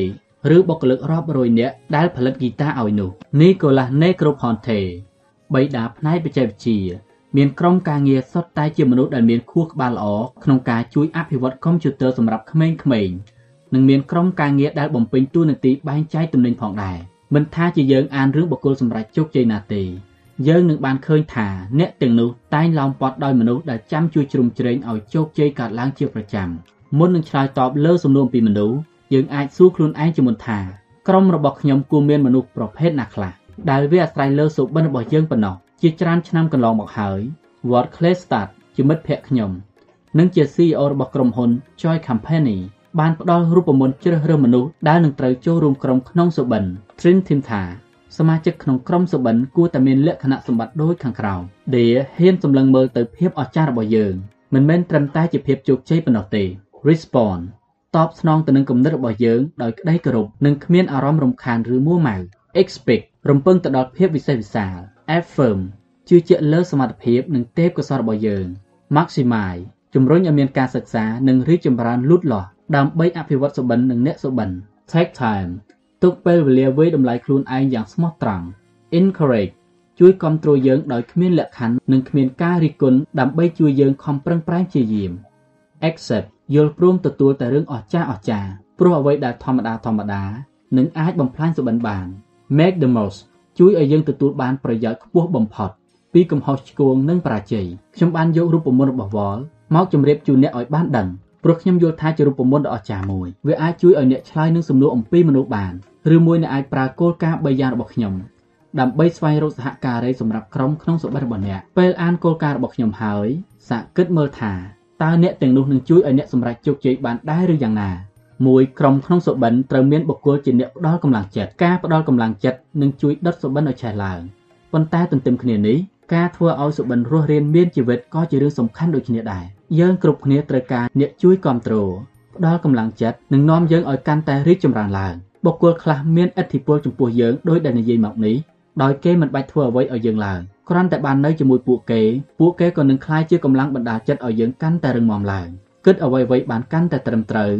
មានការខំប្រឹងប្រែងកាន់តែខ្លាំងហើយហ៊ានប្រថុយកាន់តែខ្លាំងបុគ្គលទាំងនេះជួយជំរុញឲ្យយើងមានកម្លាំងចិត្តបោះជំហានបន្តទៅមុខទៀត Robert Schuller ជាបុគ្គលផ្ដល់កម្លាំងចិត្តដល់សម្បត្តិរបស់មនុស្សរាប់លានអ្នករួមទាំងខ្ញុំផងដែរពេលសៀវភៅ Falling Forward របស់ខ្ញុំដាក់លក់ខ្ញុំបានផ្ញើមួយក្បាលដំបូងទៅឲ្យគាត់ពេលទទួលទានអាហារពេលល្ងាចខ្ញុំបានអរគុណចំពោះការលើកកម្លាំងចិត្តរបស់គាត់ដោយសារសៀវភៅនិងពាក្យពេចន៍ល្អៗបុគ្គលម្នាក់នេះផ្ដល់កម្លាំងចិត្តដល់ខ្ញុំ ឲ្យយកឈ្នះលើក្តីអស់សង្ឃឹមនិងក្តីបរាជ័យបានជានិច្ចរឿងមួយដែលកើតឡើងជានិច្ចទៅតាមផ្លូវដែលយើងបានដេញតាមសុបិនគឺយើងតែងតែងាកខុសពីគន្លងផ្លូវឬត្រូវដើរផ្លូវវាងទាំងដែលយើងមិនចង់ដើរទើបយើងចាំបាច់ត្រូវមានមនុស្សនៅក្បែរជាប្រចាំមានមនុស្សជាច្រើនដកជាប់ក្នុងចិត្តខ្ញុំព្រោះពួកគេជឿជាក់ចំពោះខ្ញុំសូម្បីតែពេលខ្លះខ្ញុំមិនជឿចំពោះខ្លួនឯងក៏ដោយពួកគេនៅតែពេញចិត្តស្ដាប់ខ្ញុំដោយគ្មានរអ៊ូរទាំស្រឡាញ់ខ្ញុំគ្មានលក្ខខណ្ឌ សូម្បីតែពេលខ្លះខ្ញុំមានអកប្បកិរិយាមិនក៏បីក៏ដោយប្រសិនបើគ្មានមនុស្សប្រភេទនេះខ្ញុំប្រកាសជាគ្មានក្តីសង្ឃឹមជាកត្តាចាំបាច់ដល់ការដេញតាមសុបិនរបស់ខ្លួនដែរពីក្រុមក្នុងសុបិនត្រូវមានមនុស្សសុទ្ធចិត្តជាមួយយើងមនុស្សមួយប្រភេទទៀតដែលចាំបាច់ត្រូវមានក្នុងក្រុមគឺមនុស្សដែលនិយាយការពិតជាមួយខ្ញុំដំបូងដំបូងស្ដាប់ទៅហាក់ដូចជាផ្ទុយគ្នានឹងការដែលត្រូវមានអ្នកចាំផ្ដល់កម្លាំងចិត្តតែវាជារឿងខុសគ្នាដាច់ស្រឡះខ្ញុំមិនបានសំដៅទៅលើមនុស្សដែលមកធ្វើឲ្យខ្ញុំបាក់កម្លាំងចិត្តនោះទេ តែខ្ញុំចង់រកមើលអ្នកដែលអាចរិះគន់ខ្ញុំក្នុងផ្លូវស្ថាបនាសម្រាប់ក្តីសុបិនរឿងនេះមានសារៈសំខាន់បំផុតដោយលោក Demotinus វាគ្មិនជនជាតិក្រិកបានពោលថាគ្មានអ្វីងាយស្រួលជាងការបោកប្រាស់ខ្លួនឯងនោះទេព្រោះយើងតែងតែលំអៀងទៅរកអ្វីដែលខ្លួនឯងប៉ងប្រាថ្នាមានមនុស្សជាច្រើនមិនធ្លាប់សុំឲ្យអ្នកដទៃមករិះគន់ខ្លួនដោយត្រង់ត្រង់ទេខ្ញុំគិតថា អ្នកទាំងនោះមុខជាខ្លាចការពិតហើយបារម្ភថាពេលមាននរណាមកប្រាប់ការពិត វានឹងធ្វើឲ្យខ្លួនអស់កម្លាំងចិត្តហើយបោះបង់សុបិនចោលប៉ុន្តែចំពោះសុបិនដែលគ្មានការរិះគន់ដោយសត្យចិត្តវាក៏នឹងមិនខុសអ្វីពីជំនឿដែលគិតចេញពីខ្លួនឯងជឿតែខ្លួនឯងនោះទេសុបិនដែលពុំបានឆ្លងកាត់ការវិភាគរិះគន់ដោយសត្យចិត្តវានឹងជាសុបិនដែលគ្មានថ្ងៃខ្លាយជាការពិតឡើយកាលពេលចេញធ្វើការដំបូងដំបូងខ្ញុំនឹកខុសខ្លួនជាខ្លាំងដែលមិនធ្លាប់សុំឲ្យអ្នកដទៃមកបញ្ចេញមតិយោបល់ដោយសត្យចិត្តចំពោះខ្លួនឯងខ្ញុំក៏មិនខុសអ្វីពីមនុស្សវ័យ20ឆ្នាំទូទៅដែរតែងគិតថាខ្លួនចេះសម្បើមណាស់អញ្ចឹងដែរ ប៉ុន្តែលទ្ធផលចេញមកពេលនោះគឺខ្ញុំស្ទើរតែមិនអាចសម្រេចតាមអ្វីដែលខ្លួនសុបិនឡើយតែនៅពេលខ្ញុំខំប្រឹងប្រែងធ្វើជាអ្នកដឹកនាំដ៏ល្អប្រសើរព្រមទាំងមានមហិច្ឆតាចង់សម្រេចតាមសុបិនខ្ញុំក៏កាន់តែមានភាពជឿជាក់នៅពេលសុំឲ្យអ្នកដទៃផ្ដល់មតិយោបល់លទ្ធផលដែលចេញមកពិតជាអស្ចារ្យណាស់ខ្ញុំកាន់តែរីកចម្រើននិងអភិវឌ្ឍជាលំដាប់ពេលមិនដឹងពីចំណុចខ្សោយរបស់ខ្លួនយើងក៏មិនអាចកែលម្អបានដូចជាការនិយាយទៅកាន់សាធារណជនជាលើកដំបូង ខ្ញុំធ្វើមិនបានល្អប៉ុន្មានទេ បន្ទាប់មកខ្ញុំត្រៀមខ្លួនបានល្អជាងមុនហើយព្យាយាមកាន់តែខ្លាំងឡើង តែក៏នៅតែមិនទទួលផលល្អប៉ុន្មាន បន្ទាប់ពីតានតឹងក្នុងចិត្តអស់មួយរយៈធំខ្ញុំក៏កាត់បន្ថយទិដ្ឋិមានះរបស់ខ្លួនហើយសូមការណែនាំពីកម្ពុជាវាគ្មិនពួកគេនិយាយនៅអ្វីដែលខ្ញុំមិនចង់ស្ដាប់តែខ្ញុំត្រូវបង្ខំចិត្តស្ដាប់និងរៀនសូត្រពីអ្វីដែលពួកគេនិយាយទាំងនោះខ្ញុំចាប់ផ្ដើមសិក្សាហើយផ្ដោតការយកចិត្តទុកដាក់ទៅលើគុណវិបត្តិមួយចំនួនដែលធ្វើឲ្យខ្ញុំនិយាយមិនបានល្អហើយវាគឺជាសញ្ញាមួយប្រាប់បានជានិច្ចថាខ្ញុំត្រូវកែលម្អចំណុចខ្វះខាតនោះគឺប្រការដែលខ្ញុំមិនចង់ឬដែលខ្ញុំប្រឆាំងបំផុតនោះឯង ដែលខ្ញុំត្រូវកែលម្អឲ្យច្រើនបំផុតលុះពេលខ្ញុំពិចារណាពីអ្វីដែលពួកគេប្រាប់ឲ្យកែខ្ញុំក៏កាន់តែរីកចម្រើនយ៉ាងឆាប់រហ័សយើងត្រូវកាត់បន្ថយអត្តាចោលខ្លះដើម្បីទទួលពេលរិះគន់ហើយប្រើសតិបញ្ញាវិភាគស្វែងយល់ឬតបស្នងយ៉ាងសមរម្យ Stephen R. Covey អ្នកនិពន្ធដ៏ល្បីល្បាញបានកត់សម្គាល់ថាយើងត្រូវកាត់បន្ថយអត្តាចោលខ្លះដើម្បីទទួលយកពាក្យរិះគន់ហើយប្រើសតិបញ្ញាវិភាគស្វែងយល់ឬតបស្នងយ៉ាងសមរម្យ ការអោលំទោនជាការសម្ដែងឲ្យឃើញពីការថ្លែងអំណរគុណចំពោះបុគ្គលក្លាហានផ្ដល់មតិយោបល់ដោយសុទ្ធចិត្តដល់យើងរឿងសំខាន់បំផុតគឺពេលយើងសំពាកណែនាំនឹងការសម្ដែងការដឹងគុណគឺស្មើនឹងប្រាប់ភាគីម្ខាងទៀតថាយើងចង់រីកចម្រើនជាជាងការមានអត្តាហើយយើងរីករាយទទួលយកការរិះគន់ដែលនឹងជួយឲ្យយើងបានអភិវឌ្ឍជាលំដាប់ បើយើងចង់បានប្រយោជន៍ពីគុណតម្លៃនៃការមានមនុស្សរួមដំណើរឆ្ពោះទៅកាន់សុបិនចូលសុំមតិយោបល់ពីបុគ្គលទាំងនោះការសាកសួរនិងស្ដាប់ចម្លើយរបស់ពួកគេនឹងធ្វើឲ្យកើតមានភាពខុសគ្នាតែមួយប្រព្រឹត្តភ្នែក3ក្រុមក្នុងសុបិនត្រូវមានអ្នកចេះជំនាញណាដែលយើងខ្វះយើងម្នាក់ម្នាក់មិនអាចធ្វើអ្វីគ្រប់យ៉ាងបានទេបុគ្គលជោគជ័យតែងតែស្វែងរកជំនួយពីមនុស្សមានជំនាញលើអ្វីដែលយើងគ្មានមនុស្សភាគច្រើននៅក្នុងក្រុមការងាររបស់ខ្លួនមានទេពកោសល្យផ្សេងផ្សេងគ្នាហើយខុសពីខ្ញុំ ក្រុមអាចមានគុណតម្លៃទស្សនវិស័យនិងរបស់សំខាន់ដូចដូចគ្នា តែសមាជិកម្នាក់ម្នាក់ត្រូវមានជំនាញនិងសមត្ថភាពដោយឡែកពីគ្នាលទ្ធផលគឺយើងអាចជួយគ្នាធ្វើឲ្យសម្រេចជោគជ័យបានច្រើនជាងការធ្វើតែម្នាក់ឯងពួកយើងតែងផ្ដល់និងបំពេញកង្វះខាតឲ្យគ្នាទៅវិញទៅមកជានិច្ចប្រភេទមនុស្សដែលចាំបាច់ចំពោះក្រុមមានលក្ខណៈដោយឡែកពីគ្នាទៅលើសមត្ថភាពបទពិសោធន៍មុខជំនាញរៀងៗខ្លួនសូមគិតដល់ផែនការដែលនឹងធ្វើឲ្យយើងសម្រេចសុបិនសាកលោមើលថាតើក្នុងផែនការនោះ យើងត្រូវធ្វើអ្វីខ្លះតើយើងអាចធ្វើរឿងទាំងនេះបានដែរឬទេតើយើងត្រូវការជំនួយពីអ្នកដែលមានជំនាញផ្សេងពីយើងដែរឬទេយើងត្រូវការមនុស្សមានបទពិសោធន៍ដែរឬទេការងារណាខ្លះដែលត្រូវការមនុស្សមានជំនាញខុសពីយើងការពិតគឺគ្មានអ្វីអាចធ្វើបានតែម្នាក់ឯងឡើយមនុស្សជោគជ័យតែងត្រូវការជំនួយពីអ្នកដទៃជានិច្ចមិនថាអ្នកនោះដឹងឬមិនដឹងពីជំនួយនោះទេការដឹងច្បាស់ពីរឿងនេះ ធ្វើឲ្យយើងអាចទទួលស្គាល់បានថាយើងចាំបាច់ត្រូវបានទទួលជំនួយនិងត្រូវស្វែងរកជំនួយនោះផងដែរដែលរាប់ថាជាជំហានដ៏សំខាន់នៃយន្តការដើម្បីបោះជំហានទៅរកជោគជ័យរបស់យើងដំណាក់កាលជាបន្តគឺនាំអ្នកទាំងនោះឲ្យមករួមដំណើរជាមួយយើងដោយស្ម័គ្រចិត្តនិងឆ្ពោះទៅរកសុបិនរួមគ្នាជាមួយយើងរកមនុស្សចូលក្នុងក្រុមដោយលើកបង្ហាញឲ្យឃើញពីទស្សនវិស័យខ្ញុំបានជួបមនុស្សជាច្រើនដែលមានសុបិនធំធេងអស្ចារ្យតែមិនដែលបានសម្រេច ព្រោះតែគេមិនអាចធ្វើឲ្យអ្នកដទៃអាចមើលឃើញនិងទទួលស្គាល់ទស្សនវិស័យរបស់ខ្លួនបានមនុស្សទាំងនេះជឿថាបើសុបិននោះមានតម្លៃហើយអ្នកផ្សេងក៏នឹងមកតម្រង់ជួរសុំចូលរួមចំណែកក្នុងសុបិននោះដោយខ្លួនឯងការគិតបែបនេះមិនអាចរកមនុស្សមកចូលរួមក្នុងសុបិនរបស់យើងបានឡើយមនុស្សដែលសម្លឹងមើលសុបិនមនុស្សដែលសម្លឹងមើលសុបិនតាមវិធីនេះអាចនឹងធ្លាក់ចូលទៅក្នុងរូបភាពបន្លំភ្នែកគេអាចខំប្រឹងធ្វើការខ្លាំងឬមានការតាំងចិត្តឧត្តមឧត្តម តែគ្មានផ្លូវទទួលជោគជ័យទេបើមិនបានយល់ដឹងពីវិធីបង្ហាញឲ្យអ្នកដទៃបានមើលឃើញនោះមនុស្សបែបនេះអាចកំពុងតែរងពាក្យបណ្ដាសាតាមព័ត៌មានថាធ្លាប់ប្រើនៅប្រទេសរ៉ូម៉ានីដែលដាក់បណ្ដាសាថាចូលឯងមានគំនិតអស្ចារ្យដែលឯងដឹងថាអាចคล้ายជាការពិតបាន តែมันអាចធ្វើឲ្យអ្នកដទៃជឿបាន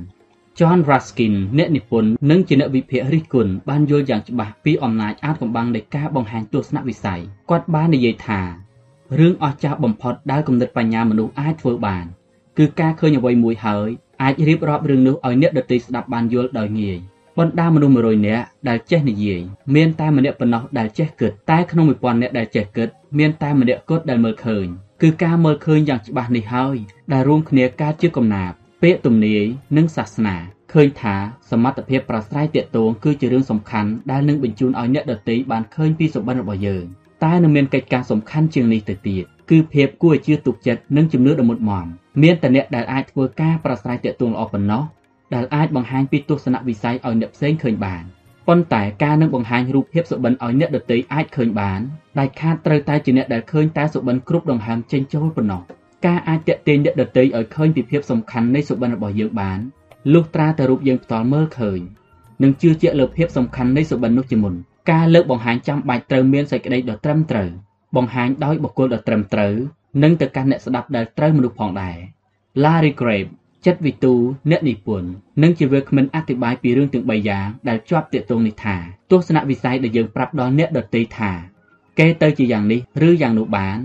នឹងមានអធិពលលុះត្រាតែវាស៊ីសង្វាក់គ្នាជាមួយនឹងគំនិតបញ្ញាខាងក្នុងរបស់បុគ្គលទាំងនោះនិយាយចេញមក គឺធម៌ពលនេះហើយដែលអាចអូសទាញចិត្តអ្នកដទៃឲ្យមកចូលរួមក្នុងសុបិនរបស់យើងហើយជួយឲ្យយើងមានឱកាសទទួលជោគជ័យកាន់តែច្រើនតើយើងបង្ហាញសុបិនរបស់យើងនិងប្រើធម៌ពលនោះបានដូចម្ដេចមានសុភាសិតចិនបុរាណមួយពោលថាបំណងប្រាថ្នាប្រៀបដូចរទេះដែលអូសដោយសេះពីរក្បាលគំនិតនិងអារម្មណ៍សេះទាំងពីរក្បាលនេះដាច់ខាតត្រូវរត់ទៅតាមគន្លងតែមួយទើបអាចអូសទេសរទេះនោះទៅមុខបានខ្ញុំក៏យល់ស្របតាមសុភាសិតនេះដែរហើយថែមទាំងជឿជាក់ទៀតថា សេះទី3នឹងចូលមកជាប់តាក់ទងផងដែរនោះគឺការបង្កើតរូបអារម្មណ៍ការលើកបង្ហាញនឹងការអូសទាញអ្នកដទៃឲ្យមកចូលរួមសហការនិងសុបិនរបស់យើងយ៉ាងមានប្រសិទ្ធភាពយើងចាំបាច់ត្រូវតែចេះប្រាស្រ័យទាក់ទងប្រកបដោយហេតុផលធ្វើឲ្យមានការចាប់អារម្មណ៍និងធ្វើឲ្យអាចមើលឃើញរូបភាពនោះផងដើម្បីលើកបង្ហាញនិងអូសទាញអ្នកដទៃឲ្យមករួមសហការនឹងសុបិនរបស់យើងយ៉ាងមានប្រសិទ្ធភាពយើងចាំបាច់ត្រូវតែចេះប្រាស្រ័យទាក់ទងប្រកបដោយហេតុផល ធ្វើឲ្យមានការចាប់អារម្មណ៍និងធ្វើឲ្យអាចមើលឃើញរូបភាពនោះផងមួយលើកបង្ហាញសុបិនដែលប្រកបដោយហេតុផលពេលអ្នកដទៃមិនជឿគេនឹងមិនចូលរួមសហការជាមួយយើងឡើយសមត្ថភាពក្នុងការលើកបង្ហាញពីសុបិនប្រកបដោយហេតុផលគឺដំណាក់កាលដំបូងបង្អស់ដែលធ្វើឲ្យគេជឿទុកចិត្តមកលើយើងបើយើងមិនអាចឆ្លងកាត់ដំណាក់កាលដំបូងដែលជាប្រការហេតុនិងផលបានទេ យើងក៏មិនអាចឈានទៅមុខបានឆ្ងាយជាងនេះដែរហេតុនេះតើយើងត្រូវធ្វើដូចម្តេចទៅវិញ ដំណាក់កាលដំបូងគឺចង្អុលបង្ហាញឲ្យគេយល់ពីការពិតក្នុងបច្ចុប្បន្នជាមុនគ្រប់ពេលដែលយើងបង្ហាញទស្សនវិស័យឲ្យអ្នកដទៃឃើញ តែងតែមានអ្នកឆ្ងល់ថាចោះរឿងចុចចុចនេះវិញសំណួរមួយនេះអ្វីត្បិតតែមិនបានចេញពីមាត់តែវានឹងកើតឡើងក្នុងចិត្តអ្នកស្ដាប់មិនខានសំណួរនេះនឹងដកចប់ក្នុងចិត្តរបស់ពួកគេរហូតទាល់តែយើងអាចលាតត្រដាងឲ្យពួកគេបានអស់ចម្ងល់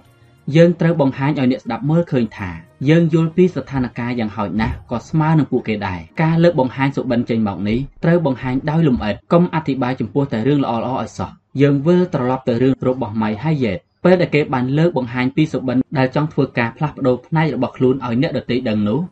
គេបានបើកសន្លឹកបៀទាំងអស់ក្នុងដៃដើម្បីឲ្យគេគ្រប់គ្នាបានដឹងដូចជាខ្លួនបានដឹងដែរថាតើស្ថានភាពពេលនេះវាអាក្រក់ប៉ុណ្ណាហើយ ដំណាក់កាលទី2ដែលយើងត្រូវធ្វើដើម្បីបង្ហាញទស្សនវិស័យឲ្យឃើញថា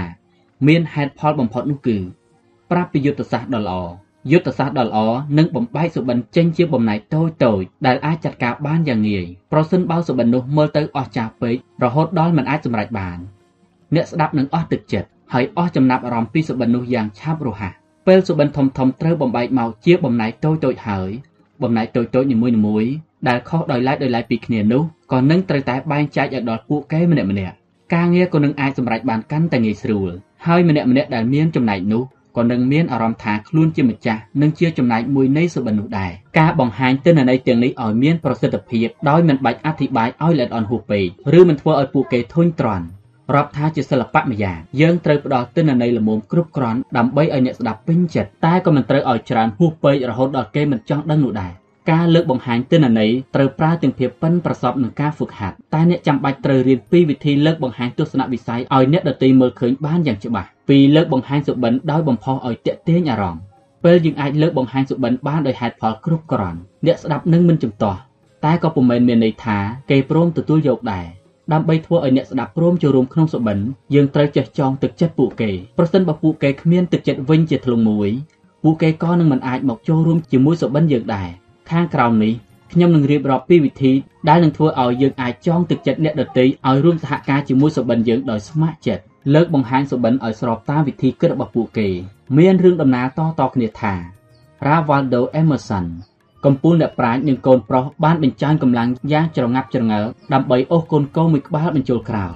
ឪពុកនិងកូនបានខំប្រឹងទាញខ្សែគោឡើងបែកញើសសស្រាក់ទីបំផុតអ្នកទាំងពីរក៏សុខចិត្តចុះចាញ់ខណៈនោះនារីបំរើជនជាតិអៃរ៉ឺ ក៏ចូលមកដល់នាងចូលទៅក្បែរកូនកូននោះហើយយកម្រាមដៃឲ្យវាជញ្ជក់កូនកូនជញ្ជក់ម្រាមដៃទំនងដូចជាបានជញ្ជក់ទឹកដោះមេវាវាក៏ដើរតាមនាងចូលទៅក្នុងក្រោលដោយស្រួលបំផុតមនុស្សយើងក៏មិនខុសពីសត្វគោដែរយើងអាចបង្កប់បញ្ជាបង្ខិតបង្ខំតែគេនឹងមិនព្រមធ្វើតាមទេប៉ុន្តែបើយើងអាចធ្វើឲ្យគេមើលឃើញប្រយោជន៍គេប្រកាសជាសុខចិត្តមកចូលរួមដំណើរជាមួយយើងមិនខានមនុស្សតែងតែធ្វើអ្វីទៅតាមហេតុផលរបស់ខ្លួនពុំមែនតាមហេតុផលអ្នកដទៃទេ ហើយហេតុផលទាំងនោះត្រូវតែកើតចេញពីទឹកចិត្តរបស់ខ្លួនខ្ញុំចូលចិត្តរឿង Michael Faraday ជាខ្លាំងគេជាអ្នកស្រាវជ្រាវម៉ូទ័រដើរដោយអគ្គិសនី មានការដំណើរតតគ្នាថាពេលគេយកម៉ូទ័រទៅស្នើដល់ William Gladstone នាយករដ្ឋមន្ត្រីអង់គ្លេសនាសម័យនោះដើម្បីសុំការគ្រប់គ្រងពីរដ្ឋាភិបាល Faraday បានយកគំរូបែបសាមញ្ញធម្មតាធម្មតាទៅបង្ហាញដែលមានត្រឹមតែជាខ្សែភ្លើងរុំនិងមេដែកទៅឲ្យនាយករដ្ឋមន្ត្រីមើលប៉ុណ្ណោះ ពេលនោះលោក Clayton បានបង្ហាញការចាប់អារម្មណ៍ត្រឹមតែបន្តិចបន្តួចប៉ុណ្ណោះតើអាគ្រឿងនឹងវាមានប្រយោជន៍ស្អីទៅនាយករដ្ឋមន្ត្រីសួរពេលអនាគតលោកអាចប្រមូលពន្ធពីវាបាន Faraday ឆ្លើយគេអាចអធិប្បាយតាមគោលការណ៍រូបវិទ្យានិងវិធីនាំវត្ថុច្នៃប្រឌិតរបស់ខ្លួនទៅប្រើជាប្រយោជន៍បានយ៉ាងងាយយល់បំផុតតែគេមិនប្រើវិធីនេះទេគេជ្រើសរើសយកផ្លូវដែលទាក់ទាញអារម្មណ៍អ្នកនយោបាយខ្ញុំខ្លួនឯងក៏មិនដឹងថារឿងនេះជាការពិតឬមួយយ៉ាងណាដែរ តែទោះជាយ៉ាងណាវាបានបង្រៀនពីសច្ចធម៌ឲ្យខ្ញុំបានដឹងថាបើចង់ឲ្យអ្នកផ្សេងមកចូលរួមសុបិនជាមួយយើងត្រូវនិយាយពីអ្វីដែលពួកគេចាប់អារម្មណ៍លាតត្រដាងឲ្យអ្នកដទៃឃើញពីទឹកចិត្តរបស់ខ្លួនការដែលអ្នកផ្សេងចាប់អារម្មណ៍នៅអ្វីដែលជាប្រយោជន៍ចំពោះខ្លួនពុំមែនមានន័យថាគេមិនចាប់អារម្មណ៍ពីអ្វីដែលមានន័យចំពោះយើងនោះទេ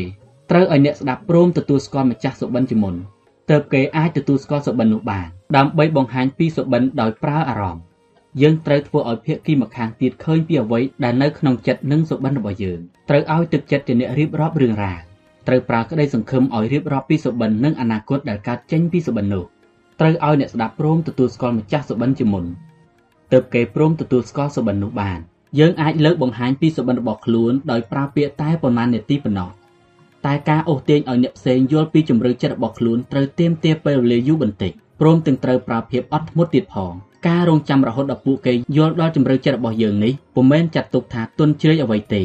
តែវាជាការបង្ហាញឲ្យឃើញពីកម្រិតនៃបញ្ញានោះឯងភាពខ្លាំងក្លាពុំមែនជាការសម្ដៅឆ្ពោះទៅមុខតែម្យ៉ាងនោះទេតែវាជាការរៀបចំជំហានរបស់យើងឲ្យស្របសង្វាក់គ្នានឹងអ្នកដទៃបើយើងដើរទៅមុខហួសឆ្ងាយពីអ្នកដទៃពេកអានុភាពអូសទាញពួកគេក៏នឹងបែរជាចុកខ្សោយទៅវិញអ្នកជំនាញទីផ្សារនៅផ្នែកលក់បានពោលថាដើម្បីយល់ស្របតាមគំនិតអ្វីមួយ មនុស្សភាគច្រើនត្រូវបានលឺរឿងនោះយ៉ាងតិច7ដងសិនបន្ទាប់មកអ្នកទទួលស្គាល់នោះនឹងប្រាប់ថា វាគំនិតរបស់ខ្លួន រយៈពេលដែលមនុស្សសុខចិត្តទទួលស្គាល់ថាគំនិតមួយជារបស់ខ្លួនឯងមានលក្ខណៈខុសៗគ្នា ដែលអាចនិយាយបានថាមនុស្សក្នុងលោកនេះគឺ10%ជាអ្នកស្វះស្វែងរកគំនិតថ្មីថ្មី70%ជាអ្នកទទួលយកគំនិតពីអ្នកដទៃ20%ជាអ្នកប្រឆាំងនឹងគំនិតអ្នកដទៃចូលកំណត់គោលដៅយកឈ្នះលើអ្នកស្វះស្វែងរកគំនិតថ្មីថ្មី និងរងចាំអ្នកដែលសុខចិត្តទទួលយកគំនិតរបស់យើងបើយើងអាចបង្ហាញទឹកចិត្តខ្លួនឯងបានល្អចូលបណ្ដោះសេចក្តីល្អរងចាំឲ្យមានឱកាសស័ក្តិសមនោះសុបិនរបស់យើងនឹងគួរឲ្យជឿទុកចិត្តសមជាគំនិតល្អស្របតាមទស្សនៈរបស់បុគ្គលដែលយើងបង្ហាញលុះពេលយើងសម្រេចត្រូវបោះជំហានទៅមុខយើងនឹងមានមនុស្សចូលរួមសហការប្រហែលជា80%ដោយមិនចាំបាច់ខ្វល់ពីពួកដែលចូលចិត្តប្រឆាំងនឹងគំនិតអ្នកដទៃ20%នោះឡើយបង្ហាញឲ្យឃើញពីផលប្រយោជន៍ Statistical អ្នកនិពន្ធនិងជាអ្នកវិភាគសង្គមបានកត់សម្គាល់ឃើញថាខ្ញុំគិតថាមនុស្សយើងភាគច្រើនរងចាំស្ដាប់សម្លេងគ្រឿងណាមួយដែលនៅក្រៅពីការងារព្រោះពួកយើងប្រៀបដូចជាមនុស្សដែលធ្វើការក្នុងផ្នែកផលិតដែលការងារស្ថិតក្នុងដៃមើលទៅដូចជាតូចតាចខ្លាំងពេកសម្រាប់ទំហំចិត្តរបស់ខ្លួនហេតុនេះទើបការងារទៅជារបស់ដែលគ្មានអ្វីអស្ចារ្យសម្រាប់មនុស្សហើយអ្វីដែលអស្ចារ្យគ្រប់គ្រាន់នោះគឺសុបិននេះឯងសុបិនដ៏អស្ចារ្យនឹងធ្វើឲ្យកើតជាប្រយោជន៍ដល់មនុស្សគ្រប់គ្នា តួនាទីរបស់យើងគឺធ្វើឲ្យអ្នកដទៃឃើញពីប្រយោជន៍នោះយើងត្រូវធ្វើឲ្យពួកគេមានឱកាសរីកចម្រើនបានលើកកម្ពស់គុណភាពជីវិតមើលឃើញពីតម្លៃខ្លួនឯងកាន់តែច្រើនយើងត្រូវបង្ហាញពីហេតុផលគ្រប់បែបយ៉ាងថាហេតុអ្វីទើបគេត្រូវមកចូលរួមក្នុងសុបិនរបស់យើងនេះបើយើងគ្មានអ្វីដែលសមហេតុសមផលដើម្បីបង្ហាញឲ្យគេឃើញទេអ្នកក៏មិនគួរបបួលពួកគេឲ្យមករួមសុបិនជាមួយយើងធ្វើអ្វីដែរ3លើកបង្ហាញសុបិនឲ្យស្ដែងចេញជារូបភាព បន្ទាប់ពីយើងអាចធ្វើឲ្យអ្នកដទៃយល់ដឹងពីសុបិនរបស់យើងដោយមានហេតុផល និងតេទៀងទឹកចិត្តរបស់គេបានហើយដំណាក់កាលចុងក្រោយក្នុងការលើកបង្ហាញសុបិនគឺបង្ហាញឲ្យពួកគេបានឃើញជារូបភាពយើងត្រូវធ្វើឲ្យសុបិននោះមានជីវិតរស់រវើកព្រោះបើអ្នកដទៃមិនឃើញពីរូបភាពពួកគេក៏នឹងគ្មានថ្ងៃទទួលស្គាល់វាដែរ Leo Tolstoy អ្នកនិពន្ធល្បីរបស់រុស្ស៊ីនិយាយថា យើងមិនគួរសម្ដែងចេញពីជីវិតតាមដែលវាប្រព្រឹត្តទៅជាធម្មតាធម្មតាប៉ុណ្ណោះទេតែយើងគួរសម្ដែងឲ្យឃើញពីអ្វីដែលយើងសុបិនផងដែរយើងអាចគូសរូបភាពឲ្យអ្នកដទៃបានឃើញជាពាក្យសម្ដី ជារូបភាពឬជាសម្លេងដូរតន្ត្រី តែរូបភាពដែលមានអូសទាញទឹកចិត្តខ្លាំងបំផុតគឺជីវិតក្នុងរូបបែបដែលយើងចង់បង្ហាញនោះយើងមិនគួរសម្ដែងពីជីវិតតាមបែបដែលវាប្រព្រឹត្តទៅជាធម្មតាប៉ុណ្ណោះទេតែយើងគួរតែសម្ដែងឲ្យឃើញពីអ្វីដែលយើងសុបិនផងដែរ Leo Tolstoy តាមពិតមនុស្សយើងតែងតែស្ទាក់ស្ទើរក្នុងការទទួលយកសុបិនដ៏អស្ចារ្យសូម្បីតែអ្នកដែលនិយាយថាប្រាថ្នាចង់មានសុបិនតែជួនកាលគេពុំមែនប្រាថ្នាសុបិនពិតប្រាកដអ្វីដែរគ្រាន់តែចង់បានផលពីសុបិនប៉ុណ្ណោះសាកល្បងមើលឧទាហរណ៍គំរូពីផលិតផលបញ្ចុះទម្ងន់ផ្សេងផ្សេងយើងនឹងឃើញគេបង្ហាញរូបភាពឃោសនាជារូបមនុស្សមុនប្រើផលិតផលនិងក្រោយពេលប្រើហើយយើងក៏ចង់មានរូបរាងដូចរូបក្រោយពេលប្រើតែមិនបានយកចិត្តទុកដាក់ពីយន្តការដែលនឹងធ្វើឲ្យទៅជាដូច្នោះឡើយ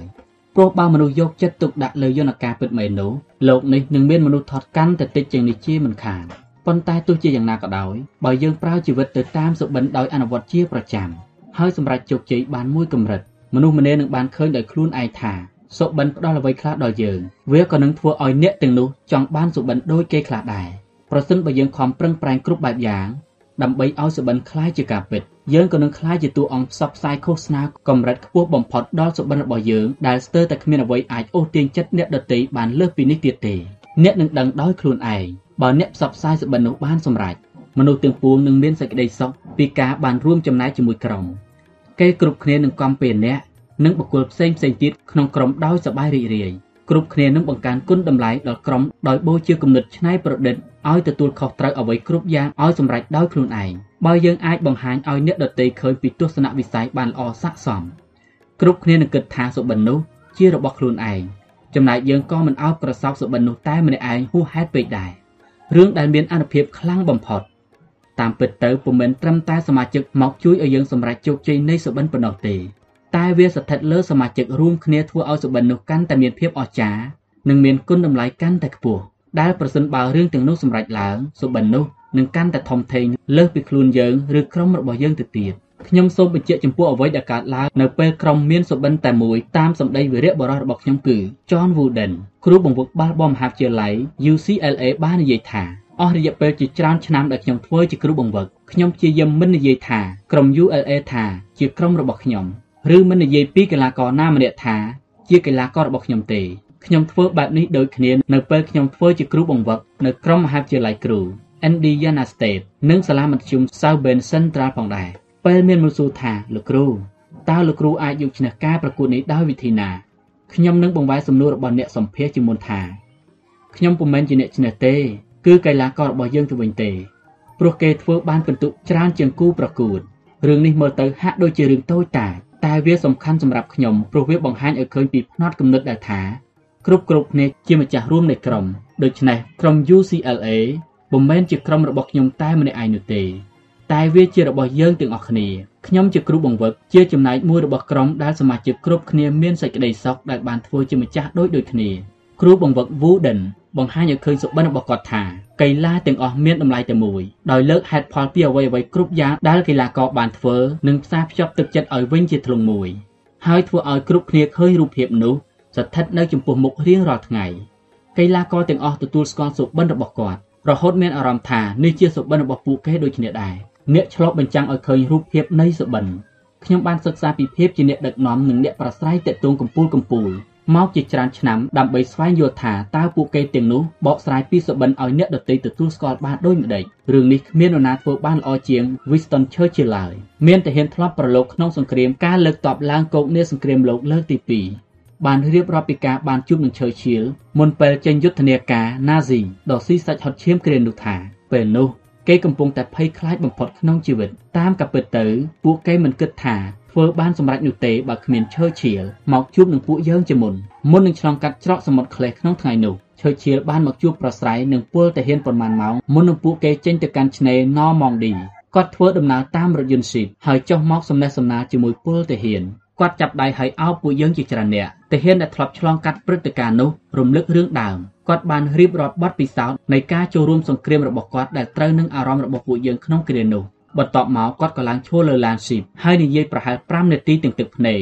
តើឈើឈៀលបាននិយាយអ្វីខណៈពេលគាត់ដឹងថាទាហានក្មេងៗជាច្រើននៅចំពោះមុខនឹងត្រូវចេញទៅធ្វើសឹកហើយត្រូវប្រឈមមុខនឹងសេចក្តីស្លាប់បែបនេះអស់លោកទាំងឡាយខ្ញុំដឹងថាអស់លោកភ័យខ្លាច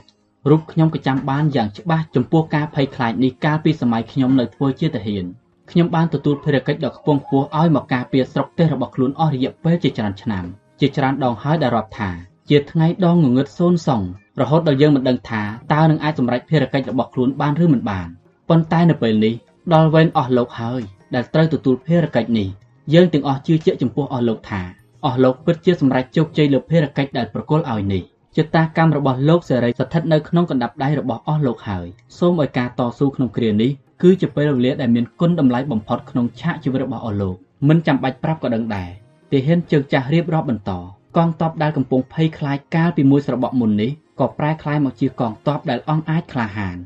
ត្រៀមប្រឈមនឹងនរណាក៏បានគ្រប់ពេលដែលគាត់និយាយឈើឈៀលតែងតែបង្កើតកម្លាំងចិត្តឲ្យអ្នកស្ដាប់ជានិច្ចគាត់បានលើកឡើងពីសច្ចភាពដ៏មានអានុភាពបង្ហាញដល់អ្នកស្ដាប់ឲ្យមើលឃើញទាំងហេតុផលនិងអារម្មណ៍ដោយភាពប៉ិនប្រសពក្នុងការប្រើភាសាដែលធ្វើឲ្យភាសាឆ្លុះចេញជារូបភាពបានយ៉ាងច្បាស់ដោយពាក្យថាវៀងនួនដែកដែលគាត់គិតចេញមកបើយើងអាចរៀនពីវិធីបកស្រាយអธิบายដោយឈើឈៀលយកគាត់ធ្វើជាគំរូ អ្នកស្ដាប់ក៏នឹងយល់ពីទស្សនវិស័យនិងទឹកចិត្តតែមួយជាមួយយើងហើយបើអាចធ្វើបានតាមសម្ដីនិយាយរហូតយើងឈ្នះចិត្តអ្នកដទៃហើយអាចធ្វើឲ្យគេចូលមករួមសុបិនរបស់យើងបានសុបិនคล้ายជាការពិតបានដោយសារក្រុមតើអ្នកអាចឆ្លើយតបនឹងសំណួរអំពីមនុស្សថាដូចម្ដេចតើយើងមានមនុស្សចាំបាច់សម្រាប់សុបិនហើយឬនៅយើងមិនអាចសម្រេចសុបិនបានតែម្នាក់ឯងហើយជាប់ចម្ពាក់គុណបនអ្នកដែលជ្រើសរើសផ្លូវរួមដំណើរជាមួយយើងឡើយដើម្បីឲ្យសុបិនคล้ายជាការពិតយើងត្រូវពឹងពាក់គ្នាទៅវិញទៅមក ដោយចនអាដាមតន្ត្រីកសាលម្នាក់ពោលថារូបយើងជាផ្លែផ្កាកើតចេញពីអ្នកដតីរាប់ពាន់នាក់គ្រប់គ្នាដែលធ្វើល្អចំពោះយើងនិយាយលើកម្លាំងចិត្តយើងសុទ្ធតែជាចំណែកមួយដែលឆ្លាក់ឆ្នៃបុគ្គលិកភាពនិងបង្កឲ្យកើតជាគំនិតដល់យើងរួមទាំងជោគជ័យផងដែរទំហំនៃសុបិនជាអ្វីដែលសម្រេចថាត្រូវមានមនុស្សចូលមករួមសុបិនតិចឬច្រើនប៉ុណ្ណាខ្ញុំមិនដឹងថាសុបិនរបស់អ្នកជាអ្វីមិនដឹងថាអ្នកកំពុងមានបំណងប្រាថ្នាចង់សម្រេចជោគជ័យក្នុងរឿងអ្វីហើយក៏មិនដឹងដែរថា អ្នកត្រូវការនរណាខ្លះដែលនឹងធ្វើឲ្យសុបិនរបស់យើងចេញជាផ្លែផ្កានោះទេពេលខ្លះអ្នកត្រូវការត្រឹមតែការជួយគ្រប់គ្រងឬការយកចិត្តទុកដាក់ពីនរណាម្នាក់ដើម្បីជួយឲ្យអ្នកអាចដើរទៅមុខបានដើម្បីជួយឲ្យអ្នកអាចដើរទៅមុខទៀតបានឬពេលខ្លះអ្នកអាចត្រូវការជំនួយពីមនុស្សមួយកងពលក៏ថាបានប៉ុន្តែទោះជាយ៉ាងណាអ្វីដែលខ្ញុំអាចប្រាប់អ្នកបានគឺ អ្នកត្រូវតែមានមនុស្សជួយសុបិន បើសុបិនកាន់តែធំប៉ុណ្ណាអ្នកក៏កាន់តែត្រូវការមនុស្សមកជួយច្រើនប៉ុណ្ណោះដែរទំហំនៃសុបិនគឺជាអ្វីដែលសម្រេចថាតើត្រូវមានមនុស្សចូលមករួមសុបិនតិចឬច្រើនប៉ុណ្ណាតើសុបិនរបស់យើងធំធេងខ្លាំងយើងនឹងអាចទាញមនុស្សល្អៗឲ្យមកជួយកាន់តែច្រើនអ្វីដែលត្រូវធ្វើគឺតាកតងអញ្ជើញបង្ហាញឲ្យឃើញទស្សនវិស័យហើយបបួលគេឲ្យមកចូលរួមសុបិនជាមួយយើងតើអ្នកឆ្លើយតបនឹងសំណួរអំពីមនុស្សបានហើយឬនៅតើមានមនុស្សចាំបាច់សម្រាប់សុបិនហើយឬនៅ យន្តការស្វែងរកមនុស្សមកចូលរួមមកចូលរួមសម្រេចសេចក្តីសុបិនឲ្យคล้ายជាការពិតគ្មានថ្ងៃណាដែលត្រូវឡើយសូម្បីតែអ្នកដែលព្យាយាមធ្វើរឿងនេះយ៉ាងពេញទំហឹងហើយក៏នៅតែត្រូវព្យាយាមជាបន្តតើមកពីហេតុអ្វីគឺព្រោះតែសុបិននោះជាគោលដៅដែលពុំមែននៅស្ងៀមមួយកន្លែងទេដូច្នេះលក្ខខណ្ឌផ្សេងផ្សេងតែងតែមានការផ្លាស់ប្ដូរបត់បែនឥតឈប់ឈរទើបវាធ្វើឲ្យគោលដៅតូចតូចនៅតាមផ្លូវត្រូវធ្វើការបត់បែនទៅតាមនោះដែរ នៅពេលយើងធំដឹងក្តីឡើងតម្រូវការផ្ទាល់ខ្លួនតែងតែមានការផ្លាស់ប្ដូរសច្ចធម៌ដែលថាអ្នកដតីចូលមកពាក់ព័ន្ធក្នុងជីវិតរួចហើយក៏ចេញផុតទៅអ្នកដែលរួមដំណើរជាមួយយើងពីដំបូងក៏ស្ទើរតែគ្មាននរណាម្នាក់នៅជាមួយយើងដល់ទីបញ្ចប់ដែរយើងត្រូវសួរខ្លួនឯងថាពេលនេះក្រុមរបស់ខ្ញុំមាននរណាខ្លះចូលធ្វើកំណត់ត្រាមកមិនថាមិត្តរួមការងារទីប្រឹក្សាមនុស្សចំណិតបុគ្គលសំខាន់គ្រួសារនិងមិត្តភ័ក្តិជិតស្និទ្ធបន្ទាប់មកបែងចែកមនុស្សទាំងនោះ ជា3ក្រុមដោយតាមដែលខ្ញុំបានលើកឡើងនៅដើមមេរៀននេះដោយបែងចែកជា4ក្រុមជាមុនមនុស្សដែលជាកម្លាំងជំរុញចិត្តមនុស្សដែលនិយាយការពិតប្រាប់យើងមនុស្សដែលមានជំនាញខុសពីយើងមនុស្សដែលមិនចាត់ចូលក្នុងក្រុមទាំង3ខាងលើបន្ទាប់មកវាស់កម្រិតការលះបង់របស់មនុស្សទាំងនោះថាតើពួកគេមានផលប៉ះពាល់ចំពោះយើងកម្រិតណា ជាដំបូងតើមានផលវិជ្ជមានឬអវិជ្ជមានចូលដាក់សញ្ញាបូកឬដកខាងមុខឈ្មោះមនុស្សទាំងនោះហើយឲ្យពិន្ទុពីដក10ដល់បូក10 ពិន្ទុដែលទទួលបានអត្ថន័យដូចខាងក្រោមបូក6ដល់បូក10អ្នកដែលជួយឲ្យយើងទទួលជោគជ័យតាមសុបិនត្រូវយកមករួមបញ្ចូលក្នុងក្រុម0ដល់បូក5អ្នកមិនសូវលះបង់ចំពោះសុបិនរបស់យើងដក10ដល់ដក1អ្នកដែលរារាំងដំណើរសុបិនរបស់យើងត្រូវកម្ចាត់ចេញពីក្រុមពេលត្រួតពិនិត្យបញ្ជីរេនាមរួចហើយយើងនឹងដឹងថាតើយើងមានមនុស្សក្នុងក្រុមដំបូងតិចហួសពេកមែនឬទេដែលរាប់ថាមិនតាន់ខូចខាតអ្វីទេ តែក៏ដល់ពេលត្រូវផ្លាស់ប្ដូរហើយ ចូលចាប់ផ្ដើមស្វែងរកមនុស្សដែលនឹងមកចូលរួមសហការក្នុងសុបិនរបស់យើង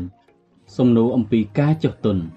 តើយើងពេញចិត្តចុះទុនដើម្បីសុបិនដែរឬទេភាពឧស្សាហ៍និងព្យាយាមតែងតែមកមុនជោគជ័យជានិច្ច Sarah Ben Prenick សុបិនជារឿងពិសេសដោយឡែកដែលយើងត្រូវលះបង់រឿងមួយចំនួនដើម្បីបដូរយកវាមនុស្សភាគច្រើនមិនពេញចិត្តនឹងឆ្លើយសំណួរដើមទុននឹងខ្លួនឯងថាតើយើងពេញចិត្តដាក់ទុនដើម្បីសុបិនដែរឬទេ មនុស្សជាច្រើនកិច្ចវេះពីសំណួរមួយនេះជៀសវាងមិនព្រមចាយដើមទុនដែលត្រូវចំណាយដែលស្មើនឹងកិច្ចវេះពីសុបិនរបស់ខ្លួនដូច្នោះដែរក្នុងលោកនេះគ្មាននរណាអាចសម្រេចសុបិនរបស់ខ្លួនដោយមិនមានអ្វីសោះមកដោះដូរនោះទេអ្នកខ្លះព្រមចំណាយដើម្បីសុបិនដោយជីវិតនិងសេរីភាពអ្នកខ្លះទៀតសុខចិត្តបដូរដោយប្រាក់របស់របរឬសម្ព័ន្ធភាពខ្ញុំមានមិត្តម្នាក់ដែលសិក្សាឆ្វេងយល់ពីរឿងសុបិនដែលត្រូវបដូរនឹងម៉ូតូ តម្លៃនៃសុបិនមិត្តភ័ក្តិដែលខ្ញុំលើកមកនិយាយនេះឈ្មោះ Kevin Mayer សពថ្ងៃគេជាចាស់ព្រឹទ្ធាចារ្យនៅព្រះវិហារ Twelve Stone នៅក្រុង Lawrenceville រដ្ឋ Georgia Kevin បានឧទ្ទិសខ្លួនដើម្បីបម្រើព្រះជាម្ចាស់តាំងពីអាយុ16ឆ្នាំដោយសារគេនៅស្ទៀវនៅឡើយទើបគេឆ្លុះវង្វេងនឹងម៉ូតូជាខ្លាំងលុះអាយុ18 19ឆ្នាំគេក៏ទិញម៉ូតូជំនុំមួយគ្រឿងដំបូងលុះដល់អាយុ20ឆ្នាំគេក៏ទិញម៉ូតូថ្មីមួយគ្រឿងទៀត ទោះបីជាគេចូលចិត្តជិះម៉ូតូជាខ្លាំងតែគេមិនដែលបានធ្វើជាម្ចាស់ម៉ូតូទំនើបដែលជាម៉ូតូក្នុងសុបិនរបស់ខ្លួនដែរ Kevin បានលះបង់ជីវិតដើម្បីសាសនាចង់សម្រេចជោគជ័យធំធេងគេមានសុបិនតាំងពីជំទង់ថានឹងចាប់ផ្ដើមមកសាងវិហារពីចំណុចសូន្យឲ្យទៅជាវិហារដែលជាមជ្ឈមណ្ឌលប្រមូលផ្ដុំទឹកចិត្តសហគមន៍ហើយមានមនុស្សចូលវិហាររាប់ពាន់នាក់ក្នុងឆ្នាំ1987 ពេលមានអាយុ26ឆ្នាំ គេក៏ចាប់ផ្ដើមសុបិនដោយបដូរពី Michigan ទៅ Georgia ដើម្បីគ្រប់គ្រងវិហារមួយនៅទីនោះវិហារនោះសាងសង់ឡើងដើម្បីមើលថែមនុស្សដែល Kevin ដាក់និយមន័យឲ្យថាអ្នកដែលមិនទាន់បានទទួលពន្លឺនៃបញ្ញាស្មារតីគេចាប់ដើមលះបង់ដើម្បីសុបិនដោយចាកចោលពីមិត្តភ័ក្តិនិងក្រុមគ្រួសារលះបង់ការងារល្អៗក្នុងវិហារចាស់ហើយចូលទៅរកទីកន្លែងដែលមានស្ថានភាពហិរញ្ញវត្ថុមិនទៀងទាត់ Kevin ពេញចិត្តនឹងចុះទុនដើម្បីសុបិនរបស់ខ្លួន តែអ្វីដែលគេត្រូវចំណាយនោះគឺវាច្រើនហួសពីអ្វីដែលគេរំពឹងទុកទៅទៀត Kevin សង្ឃឹមថានឹងទទួលបានជោគជ័យយ៉ាងឆាប់រហ័សដោយរំពឹងថានឹងចាប់ផ្ដើមពីសមាជិក250នាក់ដែលជាចំនួនមួយសមរម្យនឹងធ្វើវិហារហើយមានថវិកាគ្រប់គ្រាន់និងពឹងពាក់លើខ្លួនឯងបានប៉ុន្តែគេបែរជាត្រូវប្រឹងប្រែងយ៉ាងខ្លាំងដោយមានសមាជិកចាប់ផ្ដើមដំបូងមិនបាន100នាក់ផងហើយមានត្រឹមតែប៉ុណ្ណោះឯងរហូតដល់6ឆ្នាំលុះចាប់ផ្ដើមមិនបានប៉ុន្មានវិហារក៏ប្រើថវិកាដែលមាននោះអស់ទៅ បន្ទាប់មកគេក៏ប្រើលុយផ្ទាល់ខ្លួននិងលុយរបស់ម៉ាស៊ីយ៉ាជាភរិយាតតែអស់ទៀតរហូតដល់ត្រូវឈប់ទិញផ្ទះដែលខ្លួនបំរុងទិញប្រាក់សន្សំទាំងអស់ក៏អស់រួមទាំងប្រាក់ធានារ៉ាប់រងជំងឺផងដែរពេលកូនម្នាក់ឈឺក៏ត្រូវជំពាក់ថ្លៃព្យាបាលរហូតដល់ Kevin បង្ខំចិត្តទៅធ្វើការងារផ្លាយផ្លាយបន្ថែមរួមទាំងធ្វើកម្មករសំណង់ផងដែរដើម្បីរកប្រាក់ចិញ្ចឹមគ្រួសារការនោះមើលទៅហាក់ដូចជាសុបិនរបស់គេរលាយសាបសូន្យអស់រលីងហើយអ្វីអ្វីគ្រប់យ៉ាងធ្ងន់ធ្ងរហួសនឹងទ្រាំបាន Kevin បានត្រឡប់ទៅសុំធ្វើការនៅកន្លែងដើមជាមួយចៅហ្វាយចាស់នៅ Michigan វិញតែចៅហ្វាយចាស់បានលើកទឹកចិត្តឲ្យគេតស៊ូដើម្បីសុបិនរបស់ខ្លួនបន្តិចទៀតខណៈនោះគេស្ទើរតែទ្រាំលេងបានទៅហើយមកដល់ចំណុចរបត់នៅឆ្នាំទី7អ្វីអ្វីក៏ចាប់ផ្ដើមផ្លាស់ប្ដូរទីបំផុតវិហារដ៏តូចរបស់គេក៏ចាប់ផ្ដើមរីកចម្រើនដែលពីមុនមកវិហារនោះជួលគេនៅឡើយ Kevin សម្លឹងឃើញការរីកចម្រើនរបស់វិហារនោះថាជាឱកាសដែលគួរតែសាកល្បងម្ដងទៀតគឺទិញដីកសាងវិហារថ្មីតែម្ដង នេះមិនមែនជារឿងងាយស្រួលទេតែពួកគេជឿនៅអ្វីដែលខ្លួនកំពុងធ្វើដោយសុខចិត្តលះបង់ទីបំផុតបន្ទាប់ពីបើកទ្វារវិហារថ្មីក៏រីកចម្រើនជាលំដាប់ក្នុងពេលទន្ទឹមគ្នានោះ Kevin ក៏មានឱកាសធ្វើឲ្យសុបិនរបស់ខ្លួនមួយទៀតคล้ายជាការពិតកាលម្ដាយគេស្លាប់គាត់បានបន្សល់ទុកនៅប្រាក់បន្តិចបន្តួចឲ្យ Kevin ក៏យកមកទិញម៉ូតូស្ពូមួយគ្រឿងដំបូងនេះជារបស់ដែល Kevin ចង់បានអស់រយៈពេល20ឆ្នាំមកហើយនេះជាតំណាងនៃឥស្សរភាពសម្រាប់ខ្លួនដែល Kevin ដាក់ឈ្មោះវាថាឆ្នាំហេតុស្របច្បាប់ ព្រោះនៅពេលណាដែលមានភាពតានតឹងក្នុងការដឹកនាំគេតែងតែជិះម៉ូតូទៅលំហែចិត្តរៀងរាល់រដូវក្តៅគេតែងតែជិះម៉ូតូទៅទីឆ្ងាយឆ្ងាយដូចជាដងវិថី Lewitt Parkway ជាដើមការជិះម៉ូតូដើរលេងបែបនេះធ្វើឲ្យគេបានធូរស្រាលចិត្តច្រើនក្រៅពីនេះពេលចាប់ផ្ដើមបញ្ឆេះម៉ាស៊ីនគេតែងតែនឹកឃើញម្ដាយជាប្រចាំម៉ូតូមួយគ្រឿងនេះជាតំណាងអនុស្សាវរីយ៍នៃក្តីស្រឡាញ់របស់ម្ដាយចំពោះរូបគេបន្ទាប់ពីដូរទៅវិហារថ្មីមិនបានប្រមាណវិហារថ្មីនោះ មានការរីកចម្រើនលូតលាស់ធំជាងទំហំដីដែលកំពុងនៅនោះទៅទៀត Kevin បានស្វះស្វែងរកដីធំជាងនេះដើម្បីសាងវិហារថ្មីដែលធំជាងនេះទៀតកាដូលើកទី1គឺជាការប្រថុយណាស់ទៅហើយដូច្នេះពេលនេះគឺកាន់តែប្រថុយជាងមុនទៅទៀតការកសាងលើកនេះត្រូវការថវិកា4លានដុល្លារ Kevin ដឹងថាការរកប្រាក់លើកនេះត្រូវប្រើការខំប្រឹងប្រែងខ្លាំងណាស់និងត្រូវលះបង់របស់មួយចំនួនដែលជារបស់ខ្លួនឯងផងដែរ Kevin រៀបរាប់ថាបន្ទាប់ពីវេតម្លៃដោយស្មោះត្រង់ក្នុងឋានៈជាអ្នកដឹកនាំ ខ្ញុំដឹងយ៉ាងច្បាស់ថាសុបិននេះមិនអាចคล้ายជាការពិតទេបើគ្មានការលះបង់ច្រើនជាងនេះ3ខែដែលខ្ញុំតស៊ូនឹងទស្សនៈដែលថាសុបិនលើកនេះត្រូវលះបង់វត្ថុដែលជារបស់ខ្លួនឯងខ្ញុំមានទ្រព្យសម្បត្តិមិនច្រើនទេដើម្បីលះបង់ចំពោះសុបិននេះរបស់តែម្យ៉ាងគត់ដែលខ្ញុំមានគឺម៉ូតូជនជាទូទៅអាចនឹងគិតថា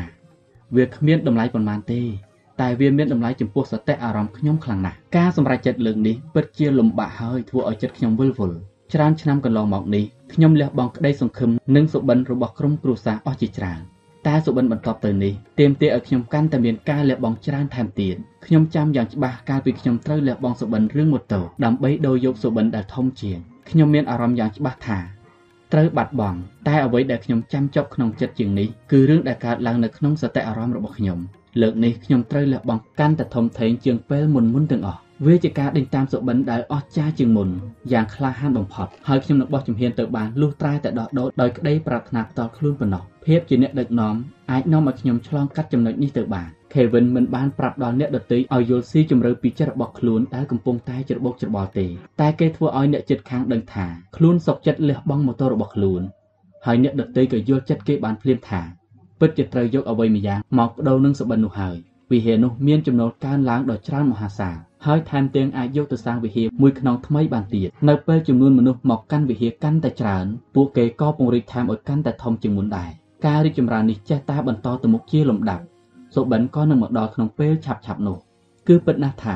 ត្រូវតែមានការលះបង់ជាថ្មីម្ដងទៀតសុបិនបន្តបន្តលះបង់ក្នុងខែមករាឆ្នាំ2008វិហាររបស់ Kevin មានផ្ទៃប្រមាណជា1ហិកតាមានកន្លែងអង្គុយ2600កន្លែងសង់លើផ្ទៃដីទំហំ27ហិកតា បច្ចុប្បន្នអ្នកដែលមកចូលវិហារនៅចុងសប្តាហ៍មានលើសពី6000នាក់វិហារមួយនេះមិនត្រឹមតែជាកន្លែងប្រមូលផ្ដុំគំនិតស្មារតីរបស់សហគមន៍ប៉ុណ្ណោះទេតែថែមទាំងជាទីកន្លែងយកចិត្តទុកដាក់លើមនុស្សមកពីជុំវិញពិភពលោកផងដែរ Kevin និង Chris សាសនិកនៅតែកំពុងចំណាយដើមទុនដើម្បីសុបិនដដែលគ្រប់ពេលដែលសុបិនចិត្តឡើងមួយកម្រិតពួកគេក៏ត្រូវដាក់ទុនបន្ថែមទៀតតែមេរៀនអំពីម៉ូតូក៏នៅតែដកក្នុងចិត្ត Kevin ជានិច្ច Kevin សង្កេតឃើញថាវាជាអំឡុងពេលដែលខ្ញុំបានស្គាល់ពីភាពខុសគ្នារវាងសុបិននិងក្តីប្រាថ្នា កាលពីជំទង់រហូតដល់អាយុ20ឆ្នាំ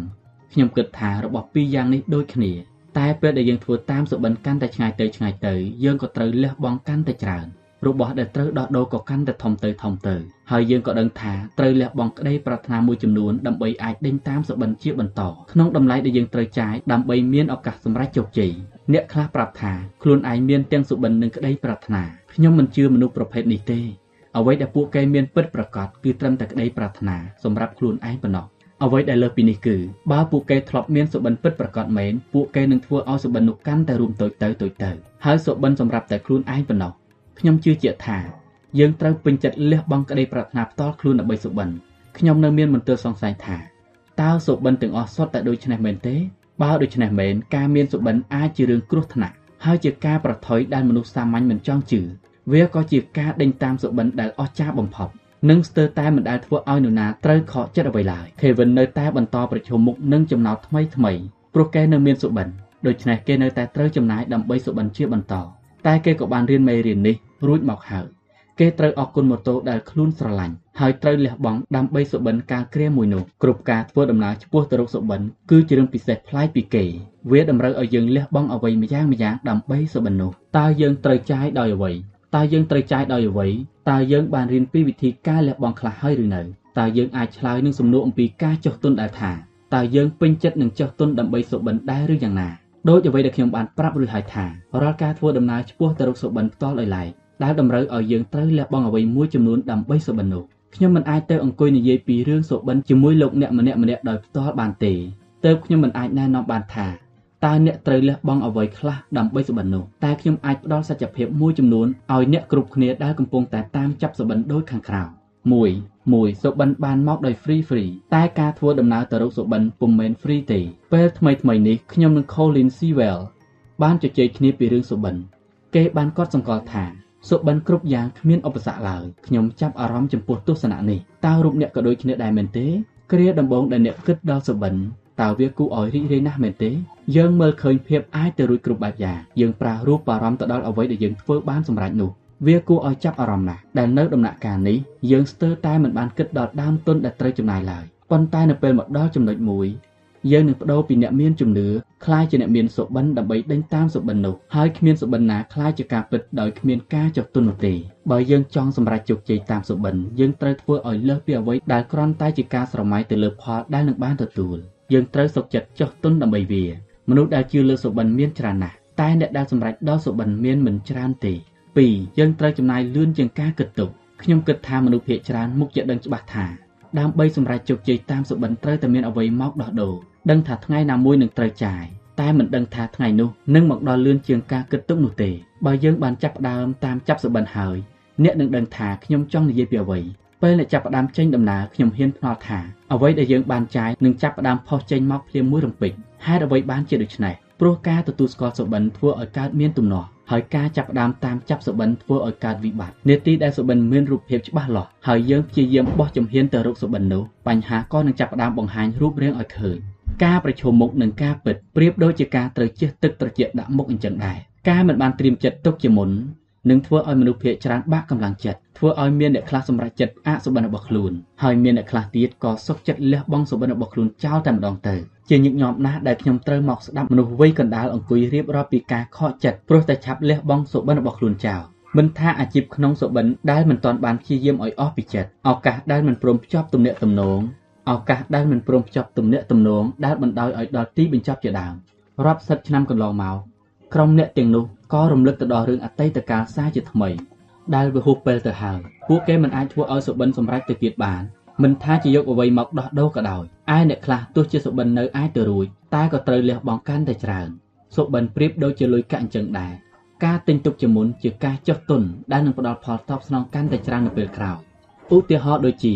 យើងដាក់ទុនមួយឆ្នាំ1000ដុល្លារអស់រយៈពេល10ឆ្នាំដោយចាប់ផ្ដើមតាំងពីអាយុ25ឆ្នាំ ប្រាក់បណ្ដាក់ទុនទាំងអស់នឹងស្មើ10000ដុល្លារលុះដល់អាយុ60ឆ្នាំយើងនឹងបានប្រាក់ប្រហែល12537ដុល្លារបើយើងដាក់ទុនស្មើគ្នាតែបើយើងចាប់ផ្ដើមនៅពេលអាយុ35ឆ្នាំហើយដាក់ទុនក្នុងរយៈពេល30ឆ្នាំរួមមាន30000ដុល្លារលុះដល់អាយុ65ឆ្នាំយើងក៏នឹងបានប្រាក់ប្រហែល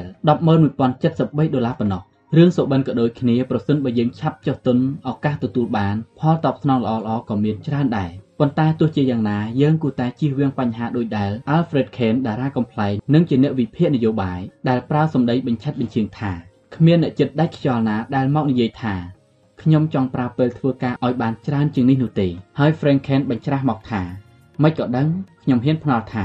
ត្រូវតែមានមនុស្សដែលចិត្តដាច់ខ្យល់ធ្លាប់និយាយថាកាលពីអាយុ20ទៅ30ឆ្នាំខ្ញុំគួរណាស់តែខំប្រឹងធ្វើការឲ្យបានច្រើនជាងនេះដើម្បីឲ្យជីវិតបានប្រសើរជាងនេះ ហើយគេក៏ដកដង្ហើមអឿស្លាប់ទៅ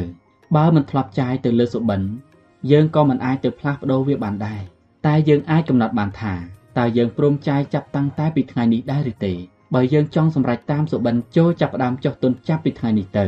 ឬមួយមិនហ៊ានព្រោះតែខ្លាចបានផលតិចតួចព្រោះតែចាប់ផ្ដើមយឺតមែនទេ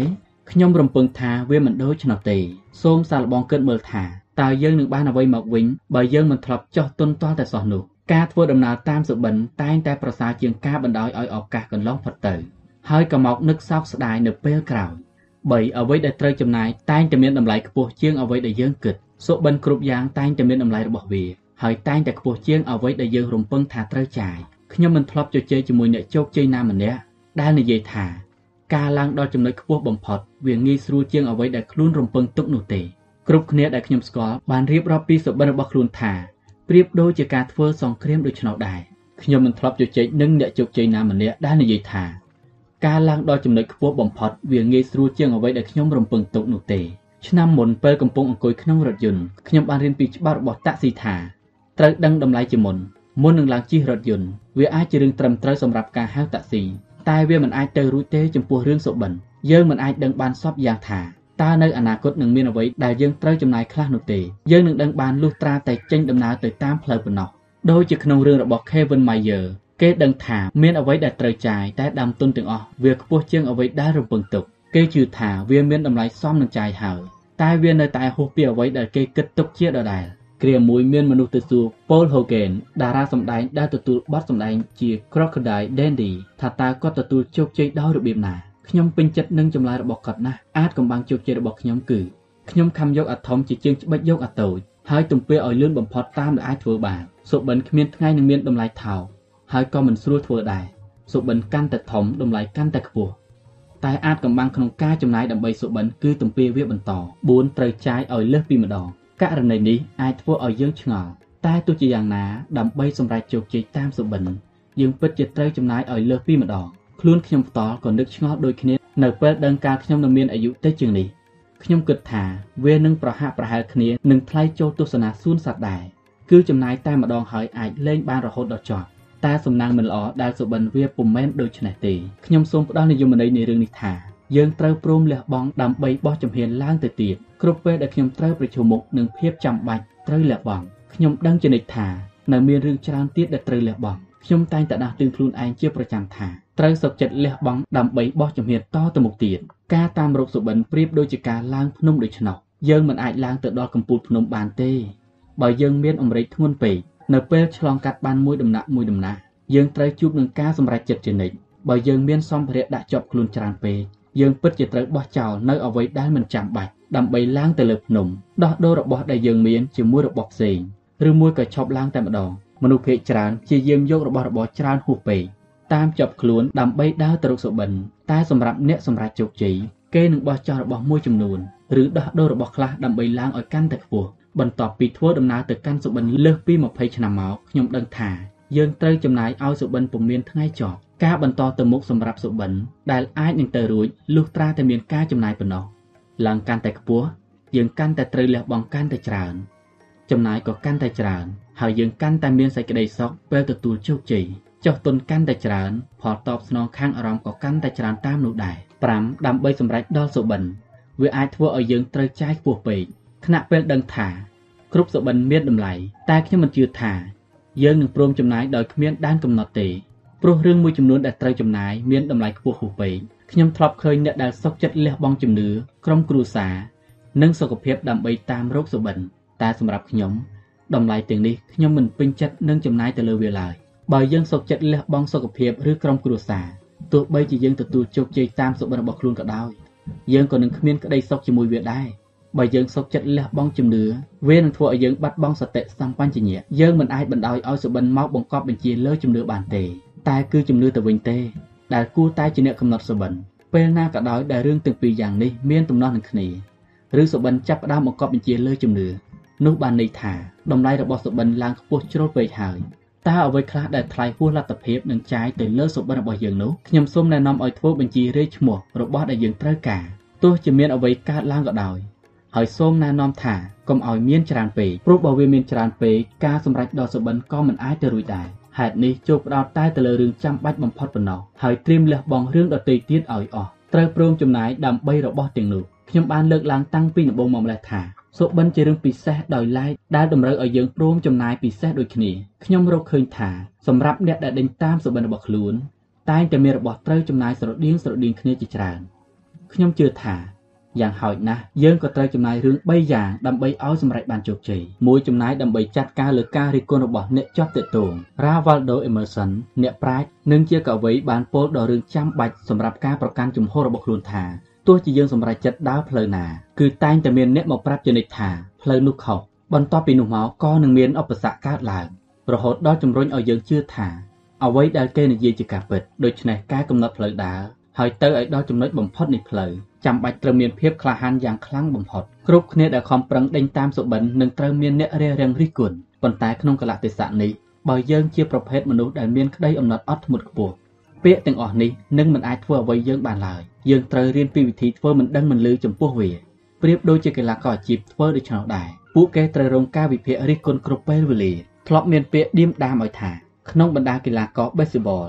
មានម្នាក់ដែលអាចលេងបានគ្រប់តំណែងមិនដែលវាយបាល់ខុស3ដងរហូតដល់ត្រូវឲ្យចេញក្រៅមិនធ្លាប់ធ្វើអ្វីខុសតតែសោះតែបញ្ហាម្យ៉ាងស្ថិតនៅត្រង់ថាមិនដឹងត្រូវធ្វើយ៉ាងណាឲ្យកីឡាករនោះចោលចំណីអាហារ ហើយចុះពីកន្លែងអង្គុយមកបានសោះខ្ញុំគិតថាការវិភាគរិះគន់អ្នកដទៃគឺជាធម្មជាតិរបស់មនុស្សโจណាសាល់ជាអ្នករកឃើញវ៉ាក់សាំងការពារជំងឺប៉ូលីយ៉ូបាននិយាយថាពីដំបូងនរណាក៏ប្រាប់ថាយើងខុសលុះក្រោយមកគេក៏ប្រាប់ថាយើងត្រូវតែអ្វីដែលយើងធ្វើនេះគ្មានសារៈសំខាន់ទេក្រោយមកទៀតគេក៏សុខចិត្តទទួលស្គាល់ថា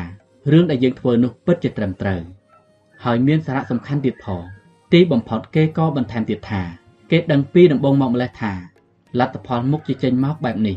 អ្វីដែលធ្វើឲ្យឈឺចាប់បំផុតគឺជាពាក្យរិះគន់ចេញពីមាត់មនុស្សសំខាន់របស់យើងការដែលមនុស្សត្រូវបុគ្គលដែលយើងកោតសរសើរនិងគោរពមកវិភាគរិះគន់គឺជារឿងដ៏ធ្ងន់ធ្ងរមែនតែបើចង់សម្រេចជោគជ័យតាមសុបិនយើងត្រូវរៀនពីវិធីចាយវាយជាមួយរឿងទាំងនេះ Stacy Allison ស្ត្រីជនជាតិអាមេរិកដំបូងបង្អស់ដែលឡើងដល់កំពូលភ្នំ Everest បានពោលថាយើងត្រូវសម្រេចចិត្តថាពេលខ្លះយើងក៏មិនត្រូវយកចិត្តទុកដាក់នឹងពាក្យសម្ដីរបស់អ្នកដទៃហួសពេកដែរព្រោះបើស្ដាប់គេ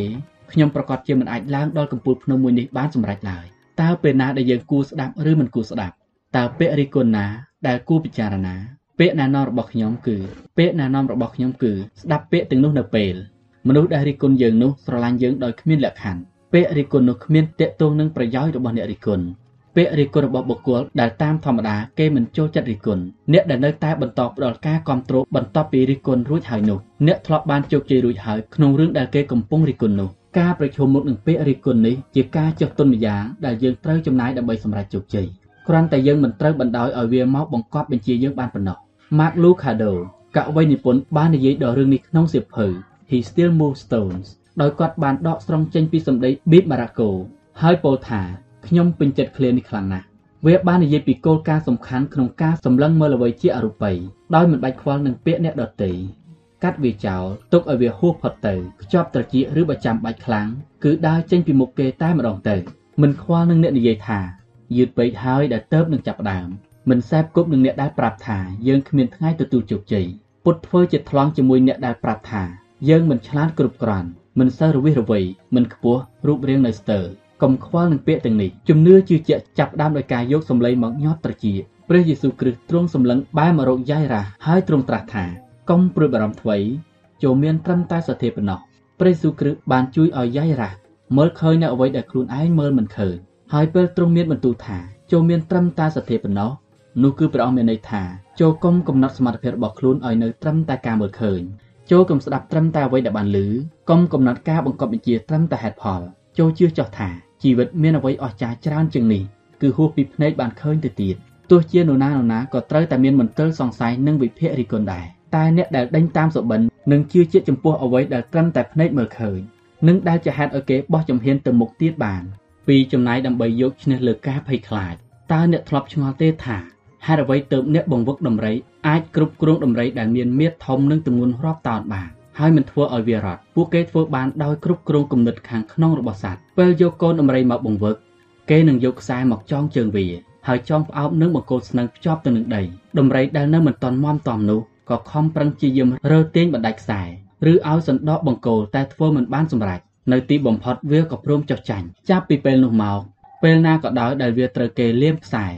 វាក៏ជឿថាខ្លួនមិនអាចរើរួចឡើយសូម្បីតែក្រោយមកវាមានកម្លាំងគ្រប់គ្រាន់ដើម្បីបណ្ដាច់ខ្សែរត់រួចក៏ដោយគឺវានៅចងចាំពីការខំប្រឹងមិនបានសម្រេចកាលពីពេលមុន រហូតដល់មានពាក្យស្លោកមួយឃ្លាថាដំរីពុំមានថ្ងៃភ្លេចនេះឯងមនុស្សក៏ដូចគ្នាផ្នត់គំនិតជារឿងកំណត់ព្រំដែនឲ្យយើងដូចដំរីដែរជាទូទៅយើងត្រូវកំណត់ព្រំដែនដោយការភ័យខ្លាចការភ័យខ្លាចអាចដណ្ដើមយកសុបិនរបស់យើងទៅយើងអាចខ្លាចបរាជ័យខ្លាចគេមិនទទួលស្គាល់មិនចង់ធ្វើឲ្យគេយល់ថាខ្លួនជាមនុស្សល្ងងខ្លៅ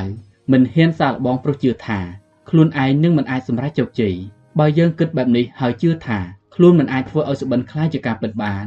នោះវាជារឿងត្រឹមត្រូវហើយព្រោះយើងពិតជាមិនអាចធ្វើបានមែនតែនៅមានដំណឹងល្អមួយគឺមនុស្សគ្រប់រូបសុទ្ធតែមានការភ័យខ្លាចដូចគ្នាហើយយើងអាចយកឈ្នះលើវាបានប្រកាសណាស់ថាការភ័យខ្លាចពុំមែនសុទ្ធតែអាក្រក់ទាំងអស់នោះទេការភ័យខ្លាចបានដាស់តឿនសតិយើងនៅពេលមានគ្រោះថ្នាក់ការភ័យខ្លាចដែលមានមូលដ្ឋានចេញពីការពិតនឹងមានប្រយោជន៍ចំពោះយើងតែបើការភ័យខ្លាចនោះកើតឡើងដោយគ្មានហេតុផលឬហួសហេតុពេកវាជាគ្រោះថ្នាក់ធ្វើឲ្យយើងមិនអាចធ្វើរឿងអ្វីៗបានសម្រេច មិនអាចคล้ายទៅជាអ្វីដែលធ្វើឲ្យយើងសម្រេចសុបិនរបស់ខ្លួនអតីតឧត្តមសេនីយ៍សលពេទ្យកងទ័ពជើងគោក CEO Redcoat បាននិយាយថាមនុស្សតែងតែចាប់អារម្មណ៍ចំពោះអ្វីដែលជាគ្រោះថ្នាក់ដ៏មិនទំនងអ្វីដែលយើងខ្លាចច្រើនតែគ្មានប្រភពចេញពីការពិតទេដូចជាអ្នកខ្លះខ្លាចអំពីរឿងជិះយន្តហោះជាដើមតែតាមពិតគ្រោះថ្នាក់ដែលកើតឡើងដោយសារអ្នកស្លាប់និងស្លាកចំណីអាហារមានអត្រាច្រើនជាងស្លាប់និងធ្លាក់យន្តហោះទៅទៀតអ្នកខ្លះខ្លាចមនុស្សចម្លែកមកចាក់សម្លាប់ ទន្ទឹមនឹងការលេងកីឡាធ្វើឲ្យមនុស្សស្លាប់ច្រើនជាងនឹងដល់ទៅ2ដងឯណោះអ្នកខ្លះខ្លាចត្រីឆ្លាមខំស្លាប់តែចំនួនអ្នកត្រូវជ្រូកក្នុងទ្រុងបុកស្លាប់មានច្រើនជាងទៅទៀតឯអ្នកខ្លះទៀតខ្លាចបាត់បង់ជីវិតដោយសារការព្យាបាលរបស់ពេទ្យទន្ទឹមនឹងការស្លាប់ដោយគ្រោះថ្នាក់ចរាចរណ៍មានច្រើនជាងរហូតដល់ទៅ16ដងឯណោះសុបិនតែស្ថិតនៅហួសពីបន្ទាត់ដែលយើងគិតថាមានសុវត្ថិភាព ការសុខចិត្តដើរឆ្លងឲ្យផុតពីបន្ទាត់នោះគឺអ្វីដែលយើងត្រូវចាយដើម្បីសម្រេចដល់ក្តីសុបិនសុបិនតែស្ថិតនៅហួសពីបន្ទាត់ដែលយើងគិតថាមានសុវត្ថិភាពការសុខចិត្តដើរឆ្លងឲ្យផុតពីបន្ទាត់នោះគឺអ្វីដែលយើងត្រូវចាយដើម្បីសម្រេចដល់ក្តីសុបិននៅក្នុងសៀវភៅ The Success Principle How to Get From Where You Are to Where You Want to Be របស់លោក Jack Canfield ពោលថាសាកគិតមើលថាបន្ទាត់ព្រំដែនដែលយើងគិតថាមានសុវត្ថិភាពនោះគឺគុកដែលឃុំឃាំងយើង ជាគុកដែលយើងបង្កើតដោយខ្លួនឯងវាដាក់បញ្ចូលទៅដោយអ្វីដែលយើងធ្វើមិនបានអ្វីដែលត្រូវធ្វើអ្វីដែលមិនត្រូវធ្វើនិងជំនឿផ្សេងផ្សេងដែលកើតចេញពីផ្នត់គំនិតអវិជ្ជមានទាំងឡាយហើយជាផ្នត់គំនិតដែលបានបណ្ដុះមកអស់មួយជីវិតការភ័យខ្លាចទាំងអស់ប្រៀបដូចជាទ្រង់តែវាគ្រាន់តែជាអារម្មណ៍ប៉ុណ្ណោះបុគ្គលដែលនៅបាតទ្រង់នោះអាចហែករំដោះខ្លួនចេញមកដើម្បីឲ្យមានសេរីភាពបានតែការហែកចេញមកនោះតែងតែមានតម្លៃត្រូវបង់ចំណាយសាកគិតមើលថា បន្ទាត់ព្រំដែនដែលយើងគិតថាមានសុវត្ថិភាពនោះគឺគុកដែលឃុំឃាំងយើងជាគុកដែលយើងបង្កើតដោយខ្លួនឯងវាដាក់បញ្ចូលទៅដោយអ្វីដែលយើងធ្វើមិនបានរឿងដែលត្រូវធ្វើរឿងដែលមិនត្រូវធ្វើនិងជំនឿផ្សេងផ្សេងដែលកើតចេញពីផ្នត់គំនិតអវិជ្ជមានទាំងឡាយហើយជាផ្នត់គំនិតដែលបានបណ្ដោះមកអស់មួយជីវិតជា Canfield ប្រកាសណាស់ពេលខ្លះការភ័យខ្លាចកើតចេញពីការពិតតែយើងត្រូវចាត់ការជាមួយវាដដែលកវីនិពន្ធបទល្ខោន David Mamet បានសរសេរថា ថ្ងៃទី5ខែមិថុនាឆ្នាំ1944កំឡុងពេលសង្គ្រាមលោកលើកទី2ទាហានអាមេរិករាប់ពាន់នាក់លោតឆាត់យោងចុះទៅឆ្នេរណម៉ង់ឌីមានទាហាន4នាក់មិនព្រមលោតចុះតើអ្នកនឹកឃើញរូបភាពនេះដែរឬទេតើមាននរណានឹកឃើញរូបភាពជីវិតក្រោយពីនេះរបស់ទេហ៊ានទាំង4នាក់នេះបានទេតើលេសឬហេតុផលសំខាន់អ្វីខ្លះដែលទេហ៊ានទាំងនេះយកមកប្រើជីវិតរបស់គេត្រូវបញ្ចប់នៅពេលមិនព្រមលោតចុះនោះឯង វាដូចគ្នានឹងជីវិតរបស់ជនជាតិជ្វីបដែលបដិសេធមិនព្រមលោតចូលសមុទ្រនោះដែរទាហានទាំងនោះទាំងអ្នកទាំងខ្ញុំសុទ្ធតែបដិសេធនឹងឱកាសដែលនឹងធ្វើការផ្លាស់ប្ដូរយើងធ្វើមិនដឹងហើយរកលេសនិងបោកប្រាស់ខ្លួនឯងក្នុងគ្រាដ៏សំខាន់ដើម្បីរកពាក្យមកអធិប្បាយការពារខ្លួនឯងថាហេតុអ្វីបានជាយើងមិនហ៊ានចូលទៅក្នុងពិភពដ៏អស្ចារ្យនៃជីវិតទីបំផុតយើងក៏នឹងត្រូវស្លាប់ដូចដូចគ្នាតែគ្មានហេតុផលណាដែលយើងគួរស្លាប់មុនអាយុនោះទេអ្នកប្រកាសជាមិនចង់ស្លាប់មុនអាយុ ហើយក៏គ្មាននរណាចង់ដែរការពិតវាស្ថិតនៅត្រង់ថាមិនថាយើងជ្រើសរើសយកផ្លូវមួយណាទេ យើងក៏ត្រូវតែចំណាយជាដដែលយើងអាចទទួលស្គាល់ការភ័យខ្លាចហើយចាយទៅលើថ្លៃភ័យខ្លាចនោះដោយជីវិតឬអាចចំណាយដើម្បីយកឈ្នះលើការភ័យខ្លាចហើយប្រើជីវិតបន្តអ្វីអ្វីគ្រប់យ៉ាងស្ថិតក្នុងកណ្ដាប់ដៃយើងខ្ញុំប្រាថ្នាឲ្យអ្នកទទួលបានជួបនៅការផ្អែមល្ហែមពីសុបិននៅការផ្អែមល្ហែមពីសុបិនដើម្បីបានយល់ដល់ពាក្យដែល Kevin Mayer និយាយថា ការមានសុបិនគឺជារឿងគ្រោះថ្នាក់ហើយប្រថុយលើសពីអ្វីដែលមនុស្សភាគច្រើនមិនហ៊ានជឿតែវាជាការតាមស្វះស្វែងរកដ៏អស្ចារ្យបំផុតដើម្បីធ្វើបែបនេះបាន យើងត្រូវហ៊ានប្រឈមមុននឹងគ្រោះថ្នាក់ត្រូវរៀនរស់នៅដោយពុំមានការភ័យខ្លាចដើម្បីសុបិនរបស់យើងដែលពុំមែនជារឿងងាយស្រួលឡើយ Michel Ignatipol ថាការរស់នៅដោយពុំមានការភ័យខ្លាចនោះពុំមែនមានន័យថាយើងមិនត្រូវខ្លាចអ្វីទាំងអស់នោះទេប៉ុន្តែការភ័យខ្លាចមួយចំនួនក៏ជារឿងល្អដែរការភ័យខ្លាចជាគ្រូដ៏អស្ចារ្យបំផុត តែអ្វីដែលគ្រោះថ្នាក់គឺការរស់នៅក្នុងភាពភ័យខ្លាចបណ្ដោយឲ្យវាមកបញ្ជាលើជំរើសរបស់យើងបណ្ដោយឲ្យវាមកកំណត់នៅអ្វីដែលជាខ្លួនយើងការរស់នៅដោយពុំមានការភ័យខ្លាចនោះមានន័យថាការហ៊ានប្រឈមមុខនឹងភាពភ័យខ្លាច ប្រមាលពីវាមិនបណ្ដោយឲ្យវាមកកំណត់ជីវិតរបស់យើងការរស់នៅដោយពុំមានការភ័យខ្លាចសំដៅទៅលើការហ៊ានប្រថុយហ៊ានចុះដើមផាន់មិនខ្លាចខាតមានន័យថាមិនបដិសេធក្នុងស្ថានភាពដែលយើងប្រកាសក្នុងចិត្តថាគួរតែឆ្លើយយល់ព្រមមានន័យថាមិនប្រងើយកន្តើយចំពោះអ្វីដែលយើងគួរតែបានទទួលយើងមានសិទ្ធិទៅលើអ្វីដែលកើតឡើងពីកម្លាំងញើសឈាមរបស់យើងការរស់នៅដោយពុំមានការភ័យខ្លាចគឺអ្វីដែលជាជំរើសគឺជំរើសដែលបែងចែករវាងអ្នកព្រមចំណាយដើម្បីសុបិន ដែលខុសគ្នាដាច់ស្រឡះពីអ្នកមិនហ៊ានចំណាយហើយត្រូវទទួលបរាជ័យហេតុអ្វីបានជាដូច្នេះព្រោះយើងចាំបាច់ត្រូវហ៊ានឆ្លើយតបនឹងសំណួរអំពីការចុះទុនយើងមិនត្រូវខ្លាចទៅអាចហ៊ានបង់ចំណាយលើថ្លៃសុបិនបានបីចំណាយដោយការខំប្រឹងប្រែងធ្វើការជាទម្ងន់ថ្មីថ្មីនេះខ្ញុំបានទៅធ្វើបាតកថាឲ្យក្រុមហ៊ុនមួយ Denver មានអ្នកចូលរួមស្ដាប់ម្នាក់ឈ្មោះ Vic Melman បានបញ្ជូនសេចក្តីមួយនេះមកឲ្យខ្ញុំការដែលនឹងមានសមត្ថភាពលើសគូប្រកួត100%វាជារឿងដ៏លំបាកបំផុត តែយើងអាចមានសមត្ថភាពលើសគូប្រកួតត្រឹមតែ1%បានរហូតដល់រាប់រយបែបនេះហើយគេហៅថាទស្សនគតិបែបមនុស្សពុះពៀដែលមានសារៈសំខាន់ក្នុងការធ្វើឲ្យសុបិនคล้ายជាការពិតការមានសមត្ថភាពលើសពីគូប្រកួត100%វាជារឿងលំបាកបំផុតតែយើងអាចមានសមត្ថភាពលើសពីគូប្រកួតត្រឹមតែ1%បានរហូតដល់ទៅរាប់រយបែប Rick Melman ត្រូវហ៊ានប្រឈមមុខនឹងវាសុបិននឹងមិនខ្លាចជាការពិតបានទេលុះត្រាតែយើងចាប់ផ្ដើមប្រតិបត្តិ ជោគជ័យគ្មានចណ្ដាយយន្តឲ្យយើងឡើងទេយើងត្រូវប្រតោងឡើងដោយខ្លួនឯងនោះគឺសំដៅលើការខំប្រឹងប្រែងធ្វើការជាទម្ងន់អ្នកសរសេរបទវិចារណកថាសេដ្ឋកិច្ច Dale Dalton បានផ្ដល់ជាអនុសាសន៍យ៉ាងត្រង់ត្រង់ថាបើយើងចង់ធ្វើជាមនុស្សមានស្នាដៃក្នុងក្រុមហ៊ុនក្នុងអាជីពក្នុងជីវិតមានការងារសាមញ្ញបំផុតតែមួយប៉ុណ្ណោះដែលគួរធ្វើគឺឈានទៅមុខមួយជំហានទៀតបើយើងឃើញផែនការដែលធ្លាប់ដឹងចូលលើកជាសំណួរឡើងថា តើយើងអាចធ្វើអ្វីលើសពីនេះបានទៀតទេដើម្បីសម្រេចជោគជ័យតាមសុបិនរបស់ខ្លួនត្រូវខំប្រឹងធ្វើការជាទម្ងន់បើចង់សម្រេចជោគជ័យយើងត្រូវតែធ្វើធ្វើឲ្យច្រើនជាងអ្វីដែលយើងចង់ធ្វើច្រើនជាងគូប្រកួតច្រើនជាងអ្វីដែលយើងគិតថាខ្លួនធ្វើបានចូលចងចាំពាក្យរបស់ William Arthur Ward ដែលពោលថាខ្ញុំនឹងធ្វើឲ្យលើសពីការនៅក្បែរដោយចូលទៅប្រឡូកជាមួយខ្ញុំនឹងធ្វើឲ្យលើសពីពាក្យគិតបារម្ភដោយចូលទៅជួយ ខ្ញុំនឹងធ្វើឲ្យលើសពីជឿដោយការចាប់ផ្ដើមប្រតិបត្តិខ្ញុំនឹងធ្វើឲ្យលើសពីយុត្តិធម៌ដោយក្តីមេត្តាខ្ញុំនឹងធ្វើឲ្យលើសពីអភ័យទោសដោយបំភ្លេចវាចោលខ្ញុំនឹងធ្វើឲ្យលើសពីសុបិនដោយចាប់ផ្ដើមប្រតិបត្តិខ្ញុំនឹងធ្វើឲ្យលើសពីបង្រៀនដោយលើកកម្លាំងចិត្តខ្ញុំនឹងធ្វើឲ្យលើសពីការចិញ្ចឹមជីវិតដោយធ្វើឲ្យជីវិតប្រសើរឡើងខ្ញុំនឹងធ្វើឲ្យលើសពីឲ្យដោយសុខចិត្តបម្រើខ្ញុំនឹងធ្វើឲ្យលើសពីការប្រើជីវិតដោយការរីកចម្រើន ខ្ញុំធ្វើឲ្យលើសពីទទួលការជិះចាប់ដោយការយកឈ្នះយើងមិនអាចធ្វើឲ្យសុបិនខ្លាយជាការពិតទន្ទឹមគ្នានឹងការធ្វើការងារងាយស្រួលបំផុតនោះទេ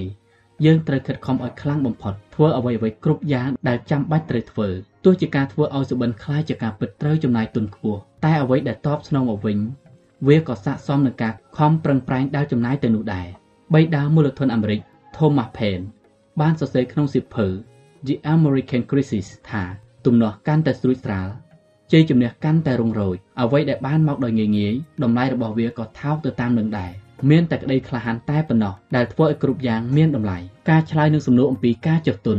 បានបែងចែកយ៉ាងដាច់ស្រឡះរវាងអ្នកដែលហ៊ានលះទៅលើសុបិននិងអ្នកមិនហ៊ានលះបង់ព្រោះការលះបង់អ្វីដែលយើងស្រឡាញ់ត្រូវប្រើការលះបង់ខ្ពស់ដោយខំប្រឹងប្រែងជាខ្លាំងដែលយើងត្រូវបង់ចំណាយទៅលើសុបិនហើយសម្បីតែយើងចំណាយលើរឿងទាំងនោះហើយក៏នៅតែគ្មានការធានាដ៏ជាក់លាក់ណាមួយដែលហ៊ានអះអាងថាយើងនឹងទទួលជោគជ័យតាមសុបិនរបស់ខ្លួនដែរប៉ុន្តែខ្ញុំហ៊ានធានាថាបើអ្នកមិនហ៊ានលះបង់អ្វីសោះនោះសុបិនរបស់អ្នកក៏នឹងគ្មានថ្ងៃខ្លាយជាការពិតដែរចង់សម្រេចជោគជ័យត្រូវហ៊ានប្រថុយ ត្រូវពុះពៀយកឈ្នះលើអ្វីដែលនៅពីមុខព្រមចាក់ចេញពីខ្សែបន្ទាត់ដែលយើងស្រណុកសុកស្រួលត្រូវចំណាយអ្វីគ្រប់យ៉ាងដែលយើងមានឬអាចច្រើនជាងនេះទៅទៀតផងក៏មានពេញចិត្តនឹងចំណាយនេះជាអ្វីដែល Terry Fox ធ្វើនៅឆ្នាំ1977ពេលគេមានអាយុ18ឆ្នាំគ្រូពេទ្យបានវិនិច្ឆ័យថាគេកើតជំងឺមហារីកឆ្អឹងហើយត្រូវកាត់ជើងចោលខណៈពេលដែលគេសម្រាកលេបថ្នាំគេបានដឹងថាមានមនុស្សជាច្រើនត្រូវរងទុក្ខវេទនាដោយសារជំងឺមហារីក ជាពិសេសកុមារកុមារដោយសារមានកម្លាំងជំរុញចិត្តពីអ្នកជំងឺមហារីកម្នាក់ដែលបានចូលរួមក្នុងការប្រកួតម៉ារ៉ាតុងនៅញូវយ៉កទើប Fox ចាប់ផ្ដើមរត់ដោយប្រើជើងសិប្បនិមិត្តបន្ទាប់ពីនោះមិនយូរប៉ុន្មានគេក៏សុបិនចំពោះអ្វីដែលមើលទៅហាក់ដូចជាគ្មានថ្ងៃនឹងខ្លាយជាការពិតបានគឺរត់ឆ្លងកាត់ប្រទេសកាណាដាដើម្បីរកប្រាក់ឧបត្ថម្ភដល់អ្នកកើតជំងឺមហារីក Fox ចាប់ផ្ដើមត្រៀមខ្លួនក្នុងកំឡុងពេលហ្វឹកហាត់18ខែគេរត់បានលើសពី1100ម៉ៃល តែដោយសារជើងសិប្បនិម្មិតសម័យនោះនៅផលិតមិនទាន់បានល្អតាមមាត្រដ្ឋានទើបរាល់ពេលដែលគេហ្វឹកសមគឺត្រូវមានអ្វីយកមកដោះដូរជានិច្ចគឺស្នាមរបួសត្រង់កន្លែងដាក់ជើងសិប្បនិម្មិតតែគេនៅតែមិនព្រមឲ្យរឿងនេះក្លាយជាឧបសគ្គសម្រាប់ខ្លួនឡើយនៅថ្ងៃទី12ខែមេសាឆ្នាំ1980 Fox ចាប់ផ្ដើមរត់ប្រណាំងក្នុងកម្មវិធីហៅថាម៉ារ៉ាតុងនៃក្តីសង្ឃឹមដែលរត់តាមឆ្នេរសមុទ្រអាត្លង់ទិកក្បែរក្រុងសាំងចននៅរដ្ឋ New Zealand ក្នុងមួយថ្ងៃគេរត់បានប្រមាណពី20ទៅ30ម៉ៃល៍ ពីដំបូងដំបូងការខំប្រឹងប្រែងរបស់គេហាក់បីដូចជាគ្មាននរណាចាប់អារម្មណ៍ទេនៅដើមខែឧសភា Fox បានចូលទៅដល់ទឹកដី Nova Scotia ដែលធ្លាប់មានអ្នកមកផ្ដល់កម្លាំងចិត្តត្រឹមតែប្រមាណអ្នកប៉ុណ្ណោះលុះចូលដល់ខែមិថុនាអ្វីៗក៏នៅតែដដែលតែគេនៅតែបន្តរត់ជាដដែលពេលមានអ្នកសួរថាហេតុអ្វីគេនៅតែរត់បន្តបានទៀតព្រោះផ្លូវដែលនៅសល់ខាងមុខមានរហូតដល់រាប់ពាន់ម៉ៃនោះ Fox ឆ្លើយមកវិញថាខ្ញុំតាំងចិត្តរត់ឲ្យទៅដល់បង្គោលអង្តែនទូរស័ព្ទមួយដើមទៀតនៅខាងមុខប៉ុណ្ណោះ រហូតដល់ចុងខែមិថុនាព័ត៌មានពីការព្យាយាមរបស់គេបានចាប់ផ្ដើមផ្សព្វផ្សាយទូទាំងពិភពលោកការបរិច្ចាគចាប់ផ្ដើមហូរចូលដោយចាក់ទឹក Fox បានជួបនឹង Gertrudo ដោយមានការនិពន្ធបទភ្លេងដើម្បីលើកសរសើរដល់រូបគេចាប់ពីពេលនោះមកមានសារព័ត៌មានជាច្រើនចាប់ផ្ដើមតាមដានសកម្មភាពគេចប់ជានិច្ច Fox ប្រើពេលរត់143ថ្ងៃមានចម្ងាយផ្លូវ3300ម៉ៃបុរសម្នាក់នេះពេញចិត្តនឹងឆ្លើយតបលើសំណួរអំពីដើមទុនហើយសុខចិត្តចំណាយ លុះដល់ថ្ងៃទី1ខែកញ្ញាឆ្នាំ1980គេក៏ត្រូវបង្ខំចិត្តឈប់រត់នៅក្រុង Thunder Bay រដ្ឋអង់តូរីយ៉ូព្រោះអាការៈដែលគេគិតថាជាជំងឺផ្ដាសាយវាបានคล้ายជាជំងឺមហារីកដែលលើកនេះវាស៊ីសួតរបស់គេនរណាក៏គិតថាខ្ញុំកំពុងតែឆ្លងកាត់ឋាននរក Ford និយាយវាអាចត្រូវខ្លះខ្លះតែខ្ញុំនៅតែបន្តការងាររបស់ខ្ញុំហើយសុបិនកំពុងคล้ายជាការពិតហើយ លើកដំបូងគេយកឈ្នះជំងឺមហារីកលើជើងបានជោគជ័យហើយលើកនេះគេគិតថានឹងយកឈ្នះវាម្ដងទៀតក្នុងពេលផ្ដល់បទសម្ភាសន៍ឲ្យអ្នកព័ត៌មានបន្ទាប់ពីគេឈប់រត់ហើយនោះហ្វកនិយាយថាតើមានមនុស្សប៉ុន្មាននាក់ដែលធ្វើរឿងដែលខ្លួនជឿជាក់ខ្ញុំគ្រាន់តែចង់ឲ្យអ្នកទាំងអស់គ្នាដឹងថាគ្រប់យ៉ាងវាអាចទៅរួចបើយើងមានការព្យាយាមគេត្រូវការរត់ម៉ារ៉ាតុងនៃក្តីសង្ឃឹមដើម្បីសម្រេចតាមសុបិនរបស់ខ្លួនហើយតាមពិតក៏មានសមាជិកក្រុមហុកគីតូរ៉ុងតូ Maple Leaf បានស្នើសុំរត់ជំនួសដើម្បីទៅដល់គោលដៅដែរតែ Fox បដិសេធនៅគ្រានោះ Fox មិនអាចយកឈ្នះជំងឺមហារីកបានទេគេទទួលមរណភាពមួយឆ្នាំបន្ទាប់ពីនោះប៉ុន្តែគំនិតស្មារតីដ៏រឹងមាំរបស់ Fox បានថិតថេរគង់វង្សនៅដដែលទោះជាគេរត់មិនបានសម្រេចតែសុបិនរបស់គេក៏បានคล้ายជាការពិតទោះបីជាគេមិនបាននៅលើโลกទៀតក៏ដោយមុនពេលគេបាត់បង់ជីវិតមានការរៀបចំកម្មវិធីរត់ប្រណាំង Terry Fox Run ជារៀងរាល់ឆ្នាំដើម្បីរំលឹកដល់ការរត់ម៉ារ៉ាតុងនៃក្តីសង្ឃឹមរបស់គេ និងជាការរីអង្គាសប្រាក់បរិច្ចាគដើម្បីស្រាវជ្រាវជាបាលជំងឺមហារីកផងដែរការរត់នេះបានរៀបចំឡើងជាលើកដំបូងក្នុងឆ្នាំ1981នៅកាណាដាដោយមានអ្នកចូលរួមដល់ទៅ3សែននាក់និងទទួលបានថវិកាបរិច្ចាគទាំងអស់ដល់ទៅ3.5លានដុល្លារបច្ចុប្បន្នការរត់នេះត្រូវបានបង្កើតឡើងក្នុងប្រទេសជាច្រើននៅទូទាំងពិភពលោក ក្នុងឆ្នាំនីមួយៗនៃការរត់34 Run រកប្រាក់បរិច្ចាគបានរហូតដល់ទៅ400លានដុល្លារដើម្បីសិក្សាស្រាវជ្រាវនិងព្យាបាលជំងឺមហារីកតើយើងពេញចិត្តចំណាយលើអ្វីខ្លះដល់សុបិនរបស់យើងតើយើងមានក្តីក្លាហានគ្រប់គ្រាន់ដើម្បីឆ្លើយសំណួរអំពីការចុះទន់ដែរឬទេតើយើងមានលក្ខណៈគ្រប់គ្រាន់ដើម្បីរស់នៅដោយពុំមានការភ័យខ្លាចដោយ Terry Fox ដែរឬទេ តើយើងពេញចិត្តនឹងចំណាយទោះបីជាយើងមិនប្រកាសក្នុងចិត្តថាវាអាចទិញសុបិនបានដែរឬយ៉ាងណាខ្ញុំសង្ឃឹមថាចម្លើយរបស់អ្នកគឺពិតជាពិតមែនហើយតើយើងនឹងឆ្លើយសំណួរអំពីការចុះទុនបានហើយឬនៅតើយើងពេញចិត្តចុះទុនដើម្បីសុបិនដែរឬទេតើសុបិនរបស់យើងមានតម្លៃដល់កម្រិតណានេះជាចម្លើយដែលយើងត្រូវស្វែងរកបើមិនទាន់ច្បាស់ក្នុងចិត្តថានឹងឆ្លើយសំណួរអំពីការចុះទុនថាដូចម្ដេចនៅឡើយទេយើងត្រូវគណនាដើមទុនមើលជាមុនសិនដំណាក់កាលដំបូង ចូលរកអ្នកដែលធ្លាប់មានបទពិសោធន៍ទៅលើអ្វីដែលយើងចាប់អារម្មណ៍សូមឲ្យគេជួយណែនាំថាតើត្រូវចុះទុនអ្វីខ្លះទើបអាចសម្រេចជោគជ័យតាមសុបិនក្នុងរឿងនេះដំណាក់កាលបន្ទាប់គឺប្រើពេលពិចារណាលើសំណួរខាងក្រោមហើយសរសេរចម្លើយចេញមកតើខ្ញុំពេញចិត្តចំណាយទៅលើសុបិនដល់កម្រិតណាតើខ្ញុំត្រូវចំណាយនៅពេលណាតើខ្ញុំត្រូវចំណាយញឹកញាប់កម្រិតណាតើខ្ញុំនឹងត្រូវទប់ទល់នឹងពាក្យរិះគន់ដូចម្ដេចតើខ្ញុំយកឈ្នះការភ័យខ្លាចបានដូចម្ដេចតើខ្ញុំពេញចិត្តនឹងខំប្រឹងប្រែងដល់កម្រិតណា តើខ្ញុំមិនពេញចិត្តចំណាយអ្វីខ្លះកុំភ្លេចថាសុបិនខ្លះក៏ថ្លៃពេកដែរសុបិនធំធេងត្រូវតែចោះដើមទុនខ្ពស់បើមិនពេញចិត្តនឹងចំណាយយើងត្រូវបដូរសុបិនចោលឬបើមិនដូច្នោះទេបដូររបស់ដែលយើងពេញចិត្តនឹងចាយ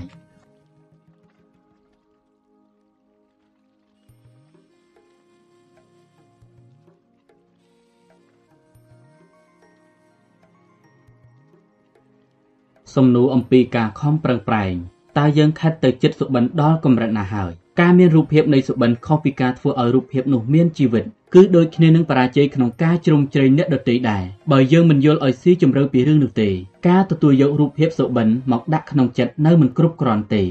យើងត្រូវធ្វើវាឲ្យមានជីវិតផង Hi Eagle X Jackson Frown ជាអ្នកនិពន្ធសៀវភៅ Life's Little Instruction Book បានពោលថា ច្បាប់នៃភាពឧស្សាហ៍ព្យាយាមមានពីរប្រការគឺ ប្រការទី1ត្រូវបោះចំហៀនទៅមុខមួយចំហៀនទៀតជានិច្ចប្រការទី2បើយើងមិនអាចដើរទៅមុខទៀតបានត្រូវវិលត្រឡប់ទៅអានប្រការទី1សារជាថ្មីម្ដងទៀតវិធីដែលជួយឲ្យយើងទទួលជោគជ័យតាមសុបិនគឺព្យាយាមឈានបន្ថែមទៅមុខមួយចំហៀនទៀតជានិច្ចទោះជាយើងជឿថាខ្លួនមិនបានធ្វើក៏ដោយអ្នកដែលមានជីវិតរស់នៅដើម្បីសុបិននឹងមិនព្រមចោះចាញ់ជាដាច់ខាតព្រោះគេដឹងថា បើពួកគេនៅតែបន្តពុះពៀឆ្លងកាត់ឧបសគ្គធ្វើឲ្យមានការរីកចម្រើនទៅមុខបន្តិចបន្តួចជារៀងរាល់ថ្ងៃ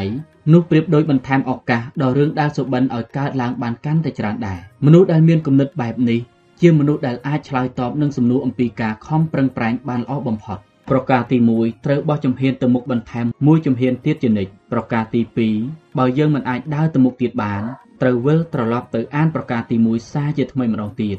H. Jackson Brown រូបភាពនៃការខំប្រឹងប្រែងតាមការសិក្សាពីជីវិតរបស់មេដឹកនាំនិងអ្នកចំនួនជាច្រើនអ្នកយើងនឹងឃើញថាអ្វីដែលពួកគេមានដូចគ្នាគឺឆន្ទៈព្រោះសូម្បីតែក្នុងស្ថានភាពអាក្រក់មានឧបសគ្គឬរងនូវភាពអយុត្តិធម៌ក៏ដោយពួកគេនៅតែតស៊ូព្យាយាមជានិច្ច ពួកគេសុខចិត្តបំរាស់ននីលខិតទៅចិត្តសុបិនជារៀងរាល់ថ្ងៃថ្មីថ្មីនេះខ្ញុំបានសិក្សាពីរឿងរបស់ Elizabeth Cackley ជាបុគ្គលគំរូដ៏ល្អអំពីការខំប្រឹងប្រែងនេះនាងកើតក្នុងឆ្នាំ1818រដ្ឋ Virginia ដែលមានឋានៈក្នុងត្រកូលទេសកលជាប់មកជាមួយមិនយូរប៉ុន្មាននាងក៏បានស្វែងយល់អំពីទរណកម្មនិងភាពលំបាកតោកយ៉ាកនៃជីវិតនាងត្រូវមើលថែទៅរកនៅពេលខ្លួនឯងទើបតែមានអាយុ4ឆ្នាំប៉ុណ្ណោះ លុះដល់5ឆ្នាំ នាងត្រូវគេវាយធ្វើបាបដោយសារធ្វើឲ្យក្រឡាប់អន្រឹងរបស់ក្មេង K. Clee ត្រូវគេបំបែកចេញពីឪពុកត្រូវទទួលរងការធ្វើបាបផ្លូវភេទចៅហ្វាយនាយតែងរំលឹកជាប្រចាំថានាងមានតម្លៃថោកជាងការងារដែលខ្លួនកំពុងធ្វើទៅទៀតនាងត្រូវរងទុក្ខវេទនាក្នុងភាពជាទេសកលតាំងពីក្មេង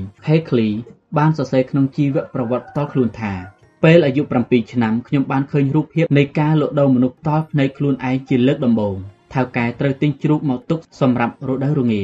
តែគាត់មានលុយមិនគ្រប់និងដើម្បីកុំឲ្យបាក់មុខគាត់ក៏លក់ទេសកលម្នាក់លើកនេះអ្នកដែលត្រូវឡើងជ្រុញគឺ Little Joe កូនប្រុសរបស់ចុងភៅចាវ៉ៃនេយបញ្ជាឲ្យចុងភៅស្លៀកសម្លៀកបំពាក់ទៅព្រះវិហារឲ្យកូនហើយឲ្យនាំយកមកឲ្យក្មេងប្រុសនោះរៀបចំខ្លួនយ៉ាងស្អាតបាតត្រូវគេយកទៅថ្លឹងដោយសត្វជ្រូកគ្រាន់តែគិតថ្លៃទៅតាមទម្ងន់និងកម្ពស់ប៉ុណ្ណោះថៅកែលាក់រឿងនេះចិត្តមិនឲ្យម្ដាយចូលដឹងរឿងលក់នេះឡើយតែគាត់ក៏មានការសង្ស័យខ្លះៗដែរ លុះដល់កូនគាត់ត្រូវបញ្ជូនឲ្យឡើងជិះរទេះទៅកាន់ទីក្រុង Petersburg ការពិតក៏ត្រូវលាតត្រដាងគាត់បានទៅសុំអង្វរយ៉ាងគួរឲ្យអាណិតអាសូរបំផុតថាសូមគុំបង្រត់កូនរបស់ខ្ញុំទៅណាប៉ុន្តែចៅហ្វាយនេះក៏ហក់គាត់ឲ្យឈប់ការទុកដោយប្រាប់ថាចូលគ្រាន់តែទៅទីក្រុងហើយគេនឹងត្រឡប់មកវិញនៅថ្ងៃស្អែកលុះដល់ព្រឹកឡើងចូលមិនបានត្រឡប់មករកម្ដាយវិញរហូតពីមួយថ្ងៃទៅមួយថ្ងៃអស់រយៈពេលដ៏យូរចុងភៅក៏បាត់ដំណឹងពីកូនសូនឈឹង លែងបានជួបទៀតថ្ងៃមួយនាងបានស្រែកយំដង្ហែរកកូនវីរៈសនីបឺវែលចៅវាយបានវាយធ្វើបាបនាងព្រោះគាត់មិនពេញចិត្តនឹងឃើញទេសកលរបស់ខ្លួនធ្វើមុខស្រពប់ស្រពោននោះទេជីវិតរបស់ខេក្លីពិតជាពិបាកណាស់នាងបានអធិប្បាយថាវាហាក់បីដូចជាចូលសាលាហ្វឹកហាត់ពុតលុតដំផ្លូវចិត្តដូច្នោះនាងត្រូវពួកស្បែកសរំលោភធ្វើបាបរហូតដល់មានផ្ទៃពោះហើយកើតកូននាងត្រូវធ្វើការជាទម្ងន់ស្មើនឹងមនុស្ស3នាក់ តែនាងនៅតែតាំងចិត្តមុះមុតក្នុងការរកឱកាសឲ្យខ្លួនឯងជានិច្ចនាងចូលរៀនរហូតអាចអាននិងសរសេរបានហើយអភិវឌ្ឍជំនាញក្នុងការកាត់ដេរសម្លៀកបំពាក់ដែលរៀនពីម្ដាយកាលមានអាយុ6ឆ្នាំនិងបានព្យាយាមអភិវឌ្ឍជំនាញផ្នែកធុរកិច្ចដែលធ្វើឲ្យជីវិតរបស់ខ្លួនផ្លាស់ប្ដូរយ៉ាងអស្ចារ្យបំផុតសុបិនចង់បានសេរីភាព ខេឃ្លីធំដឹងក្តីនៅជនបទតែពេលដែលគ្រួសារចៅហ្វាយនាយផ្លាស់ប្ដូរទៅរស់នៅក្រុង Petersburg រដ្ឋ Virginia ហេតុការណ៍សំខាន់ក៏កើតឡើងពេលខេឃ្លីមានអាយុ20ឆ្នាំនាងបានសម្លឹងឃើញឱកាសក្លាយជាម្ចាស់មុខជំនួញប្រមាណពាក់កណ្ដាលនៃប្រជាជនក្រុង Petersburg ជាជនស្បែកខ្មៅហើយ3ភាគ10នៃចំនួននោះពុំមែនជាទេសករទេពេលនាងពិនិត្យមើលទៅជុំវិញក្រុងក៏ដឹងថាជនស្បែកខ្មៅដែលមានសេរីភាពពេញលេញភាគច្រើនជាស្ត្រីនៅលីវ មានទ្រព្យសម្បត្តិនិងជាម្ចាស់មុខជំនួញពេលនោះ Kekli មើលឃើញឱកាសរបស់ខ្លួនហើយនាងក៏មានសមត្ថភាពក្នុងការកាត់ដេរសម្លៀកបំពាក់យ៉ាងស្ទាត់ជំនាញរួចមកហើយដែរសុបិនមួយនេះបានចាប់ផ្ដើមផុសឡើងក្នុងចិត្តរបស់ Kekli នាងមានការបដិញ្ញាចិត្តជារឿងរហូតមកហើយបានព្យាយាមធ្វើឲ្យជីវិតកាន់តែប្រសើរឡើងបំផុតក្នុងឋានៈជាទេសករដោយយកឈ្នះការធ្វើទរណកម្មធ្វើការងារធ្ងន់និងសមរម្យប្រកបដោយសេរីភាពនេះជាលើកដំបូងដែលនាងបានមើលឃើញលទ្ធភាព ដើម្បីមានសេរីភាពនិងធ្វើការដើម្បីខ្លួនឯងលោក Jennifer Feiner ជាសាស្ត្រាចារ្យនៅសាកលវិទ្យាល័យ Harvard បានកត់សម្គាល់ថានាងសម្លឹងឃើញរូបភាពនៃលទ្ធភាពដែលលើសពីភាពជាទេសករដោយរំដោះខ្លួនចេញពីស្ត្រីស្បែកខ្មៅឋានៈកណ្ដាលទាំងនោះសេរីភាពនេះជារសជាតិថ្មីមួយទៀតដែលនាងបានភ្លក់មុនពេលមកដល់ក្រុង Petersburg នាងមិនដែលបានទទួលសេរីភាពបែបនេះឡើយហើយធ្វើឲ្យនាងកាន់តែមានការស្រេកឃ្លានសេរីភាពកាន់តែខ្លាំងឡើងខ្លាំងឡើងពេលអាយុ29ឆ្នាំ នាងបដូរទៅរស់នៅឯក្រុង San Luis រដ្ឋ Missouri ដែលទីនោះបានធ្វើឲ្យសុបិនក្នុងចិត្តរបស់នាងកាន់តែរីកធំឡើងមួយកម្រិតទៀតគឺគ្រួសារដែលនាងចូលទៅបម្រើត្រូវធ្លាក់ក្នុងជីវភាពលំបាកទើបនាងចាប់ផ្ដើមកាត់សម្លៀកបំពាក់ដែលមិនត្រឹមតែកាត់ដេរសម្លៀកបំពាក់ឲ្យស្រីៗក្នុងគ្រួសារនេះប៉ុណ្ណោះទេ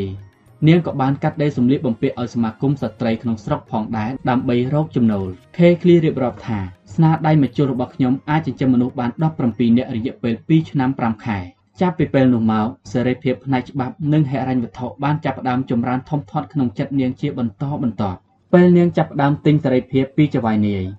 គេមិនព្រមនិយាយពីបញ្ហានេះតតែសោះហើយថែមទាំងហាមនាងមិនឲ្យលើកពីបញ្ហានេះមកនិយាយទៀតផង ប៉ុន្តែនៅពេលនោះសុបិនរបស់នាងពិតជាបញ្ហាដ៏សំខាន់បំផុតទើបធ្វើឲ្យខេឃ្លីមិនព្រមចោះចាញ់ចិត្តដាច់ខាតការបដិញ្ញាចិត្តដ៏មោះមុតដែលនាងធ្លាប់ហែលឆ្លងកាត់ភាពលំបាកលំបិនមកហើយនោះធ្វើឲ្យនាងមានឆន្ទៈកាន់តែមោះមុតទ្វេដងថែមទៀតក្នុងការរំដោះខ្លួននិងកូនឲ្យមានសេរីភាពខ្ញុំមិនព្រមចោះចាញ់ទេខេឃ្លីអធិប្បាយ ខ្ញុំសង្ឃឹមថានឹងទទួលបានសេរីភាពនិងអនាគតដ៏ស្រស់បំព្រងនៅពេលខាងមុខគ្រាមួយនាងបានលើករឿងនេះមកនិយាយទៀតចៅហ្វាយនាយបានស្នើឲ្យលុយកន្លះដុល្លារឲ្យនាងជិះទូកឆ្លងទៅរដ្ឋអ៊ីលីណយដែលជារដ្ឋសេរីភាពតែត្រូវខេឃ្លីបដិសេធដោយយោងតាមច្បាប់នៃប្រទេសនេះនាងខ្ញុំជាទេសកលរបស់លោកដែលជាម្ចាស់ទេសកល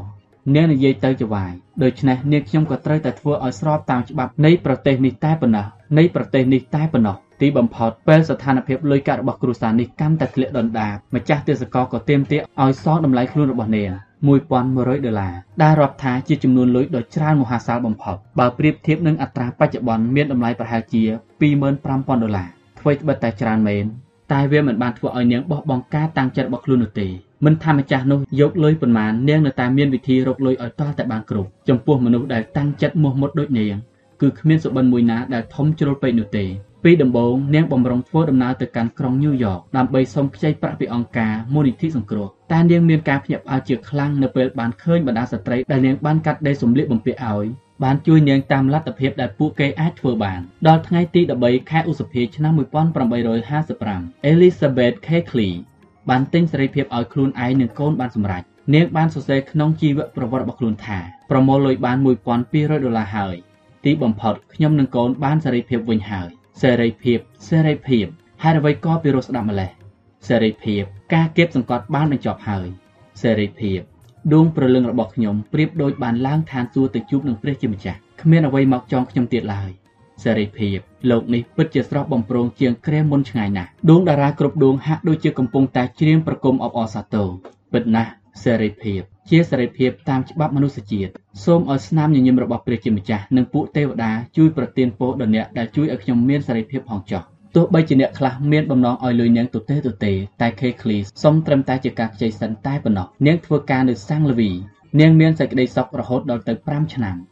ហើយសងលុយដែលខ្ចីគេទាំងអស់នោះបានសម្រេច អាចកំបាំងដែលមិនមែនជាទេសកលដូចមុនសេរីភាពមានត្រឹមតែពាក្យកណ្ដាលសុបិនរបស់នាងប៉ុណ្ណោះចំណែកពាក្យកណ្ដាលទៀតគឺការចង់ខ្លាយខ្លួនជាអ្នកជំនួញដ៏ជោគជ័យម្នាក់ដើម្បីធ្វើឲ្យសុបិនរបស់នាងដែលនៅសល់នេះបានសម្រេចនាងបានបដូរទៅរស់នៅឯ Baltimore រួចហើយក៏ទៅ Washington DC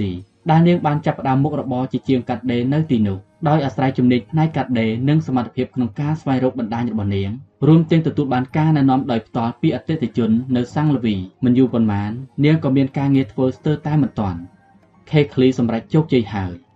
អតិថិជននិងហាងលក់ទំនិញនៅក្បែរនោះបានទទួលស្គាល់ស្នាដៃរបស់នាងយ៉ាងឆាប់រហ័សដែលធ្វើឲ្យនាងជោគជ័យយ៉ាងខ្ពស់បំផុតពេលនេះសុបិនក្នុងចិត្តដែលកាន់តែខ្ពស់បានបង្ហាញជារូបរាងយ៉ាងច្បាស់ឲ្យនាងឃើញតាំងតែពីមកនៅវ៉ាស៊ីនតោនដំបូង Kekli អធិប្បាយ ខ្ញុំមានបំណងប្រាថ្នាយ៉ាងមុះមុតក្រៃលែងថាចង់កាត់សម្លៀកបំពាក់ឲ្យស្ត្រីដែលធ្វើការក្នុងសេតវិមានដើម្បីរឿងនេះខ្ញុំសុខចិត្តឧទ្ទិសគ្រប់យ៉ាងនៅសហរដ្ឋអាមេរិកគ្មាននរណាម្នាក់ដែលថានាងកាត់សម្លៀកបំពាក់ឲ្យមិនបាននោះទេនាងខំប្រឹងធ្វើការជាបន្តបន្ទាប់កេរ្តិ៍ឈ្មោះរបស់នាងបានផ្សព្វផ្សាយពីមាត់មួយទៅមាត់មួយត្រឹមតែមួយឆ្នាំនាងក៏ធ្វើបានសម្រេចហើយនាងបានคล้ายខ្លួនជាអ្នកកាត់ដេរកម្រិតខ្ពស់คล้ายជាទីប្រឹក្សាផ្នែកម៉ូដសម្លៀកបំពាក់ពេលខ្លះធ្វើជាអ្នកតែងខ្លួនឲ្យ Mary Todd ទៀតផង បន្ទាប់ពីលោកប្រធានាធិបតី Abraham Lincoln បានធ្វើសច្ចាប្រណិធានចូលកាន់តំណែងនាងក៏បានឡើងធ្វើជាមិត្តភ័ក្តិនិងជាទីប្រឹក្សាជំនិតរបស់ប្រធានាធិបតី Lincoln ដែរលោកប្រធានាធិបតីបានលួងលោម Kekli ដោយខ្លួនឯងនៅពេល Willie ជាកូនរបស់នាងបាត់បង់ជីវិតបន្ទាប់ពីលោកប្រធានាធិបតី Lincoln ត្រូវគេលោកធ្វើឃាតស្លាប់ទៅមានអ្នកសួរភរិយាសពលោកប្រធានាធិបតីថា ឥឡូវគ្មាននរណានៅជាមួយលោកស្រីទេឬតើលោកស្រីចង់បាននរណាមកធ្វើជាមិត្តក្នុងកលៈទេសៈដ៏សោកសៅបែបនេះលោកស្រីឆ្លើយវិញថាសូមទៅតាម Elizabeth Kekli ឲ្យមកជួបខ្ញុំផងលោកស្រីបានធូរចិត្តច្រើនដោយសារតែ Kekli បន្ទាប់ពីការបាត់បង់ជីវិតលោកប្រធានាធិបតីកន្លងទៅជាច្រើនឆ្នាំហើយលោកស្រីក៏នៅតែនិយាយមិនដាច់ពីមាត់ថា Kekli នៅតែជាមិត្តដ៏ល្អបំផុតរបស់គាត់ដូចមុនអញ្ចឹងមុខរបររបស់ Kekli រីកចម្រើនជាលំដាប់នៅ Washington លុះដល់ថ្ងៃដែលមមាញឹកបំផុត នាងក៏បើកសាខាទី2ក្រោយពីនោះមកទៀតនាងក៏បានទទួលរហស្សនាមថាជាបរមគ្រូនៃផ្នែកសិល្បៈកាដេ Kekli ធ្វើបានគ្រប់យ៉ាងតាមសុបិនរបស់ខ្លួនដែលវាលើសពីអ្វីដែលខ្លួនឯងគិតថាធ្វើបានហើយនាងក៏មានមោទនភាពបំផុតដែរព្រោះបន្ទាប់ពីសង្គ្រាមស៊ីវិលបំបែករដ្ឋបានកន្លងផុតទៅស្ថានភាពហិរញ្ញវត្ថុរបស់នាងកាន់តែប្រសើរលើសពីអតីតចៅហ្វាយនាយចាស់ចាស់របស់នាងទៅទៀតប្រសិនបើមានសំណួរសួរនាងពីការដាក់ទុនថា តើនាងពេញចិត្តនឹងការដាក់ទុនដើម្បីសុបិនរបស់ខ្លួនដែរឬទេនោះមិនចាំបាច់សង្ស័យទេ នាងប្រកាសជាឆ្លើយវិញថាដោយរីករាយបំផុតដោយសម្លេងខ្លាំងខ្លាំងនិងច្បាស់ច្បាស់ទៀតផងតើសុបិនធ្វើឲ្យយើងកាន់តែខ្លាំងឬកាន់តែខ្សោយចុះអ្នកវិញតើដូចម្តេចដែរមានចម្លើយសម្រាប់សំណួរអំពីការតាំងចិត្តមោះមុតហើយឬនៅតើអ្នកខិតទៅចិត្តសុបិនរបស់ខ្លួនហើយឬនៅកំពុងតែបោះជំហានទៅមែនទេ មានឆន្ទៈគ្រប់គ្រាន់ទេឬមួយនៅពេលអ្វីអ្វីចាប់ផ្ដើមលំបាកវាត្រូវតែដូច្នេះស្រាប់ទៅហើយ អ្នកក៏សុខចិត្តចាញ់ Ravaldo Emerson ពោលថាមនុស្សភាគច្រើនសុទ្ធតែជាអ្នកផ្ដួចផ្ដើមតើយើងជាអ្នកផ្ដួចផ្ដើមសុបិនឬជាអ្នកធ្វើឲ្យសុបិនបានសម្រេចដូចខេឃ្លីពេលការខំប្រឹងប្រែងពីគំនិតថ្មីថ្មីថយចុះពេលក្តីប្រាថ្នាមិនខ្លាំងដូចមុនពេលឱកាសសម្រេចជោគជ័យមានតិចតួចរហូតដល់មើលឃើញថាស្ទើរតែមិនអាចទៅរួចតើយើងនៅតែបោះជំហានទៅមុខដែរឬទេតើយើងបានខំប្រឹងប្រែងគ្រប់គ្រាន់ដែរឬទេ ព្រោះការខំប្រឹងប្រែងជាកម្លាំងចលករដ៏សំខាន់ជួយជំរុញឲ្យសុបិនคล้ายជាការពិតបានមនុស្សភាគច្រើនសុទ្ធតែជាអ្នកផ្ដួចផ្ដើម Ravado Emerson Calvin Coolidge ប្រធានាធិបតីទី30របស់សហរដ្ឋអាមេរិកបានពោលថាគឺការខំប្រឹងប្រែងនិងការមិនព្រមរាថយប៉ុណ្ណោះដែលមានអនុភាពខ្លាំងក្លាបំផុតពាក្យស្លោកដែលពោលថាចូលខំប្រឹងប្រែងបន្តបានជួយដោះស្រាយបញ្ហាជាច្រើនរួចមកហើយហើយក៏នៅតែបន្តទូនាទីជួយដោះស្រាយបញ្ហាមនុស្សជាតិបន្តទៀតដែរ ការខំប្រឹងប្រែងជាច្រកចេញសម្រាប់អ្វីភាគច្រើនដែលយើងត្រូវជួបនៅតាមផ្លូវឆ្ពោះទៅរកសុបិនសាឡបងគិតទៅដល់រូបភាពរបស់ឧត្តមសេនីយ៍ឯក Robert Peary ដែលព្យាយាមដល់ទៅ7ដងទើបទៅដល់ពលខាងជើងបាន Oscar Hammerstein ដែលរៀបចំការសម្ដែងនៅ Broadway តែត្រូវផ្លត់ស្នៀតបរាជ័យរហូតដល់ទៅ5ដងមុននឹងទៅរៀបចំនៅអូក្លាហូម៉ាហើយបានបង្កើតឯកតកម្មថ្មីដោយមានចំនួនជុំរហូតដល់2212ជុំមានអ្នកចូលរួមទស្សនា4.5លាននាក់ Thomas Edison បានបង្កើតអំពូលភ្លើងហើយបរាជ័យរហូតដល់10000ដងមុននឹងទទួលជោគជ័យតាមសុបិនយើងត្រូវបង្កើនសមត្ថភាពដើម្បីបោះជំហានទៅមុខ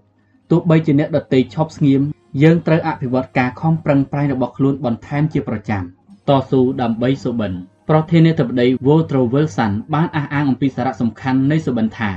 យើងគ្រប់គ្នាចម្រើនធំធាត់ឡើងដោយសុបិន គ្រប់គ្នាសុទ្ធតែអ្នកសុបិនយើងមើលឃើញវត្ថុនៅក្នុងដំណើរសន្សឹមសន្សឹមនៃថ្ងៃក្នុងរដូវស្លឹកឈើលាស់ក្នុងអណ្ដាតភ្លើងនាពេលល្ងាចក្នុងរដូវរងាដ៏វែងអន្លាយមនុស្សមួយចំនួនបានបោះបង់សុបិនរបស់ខ្លួនចោលទទេទទេ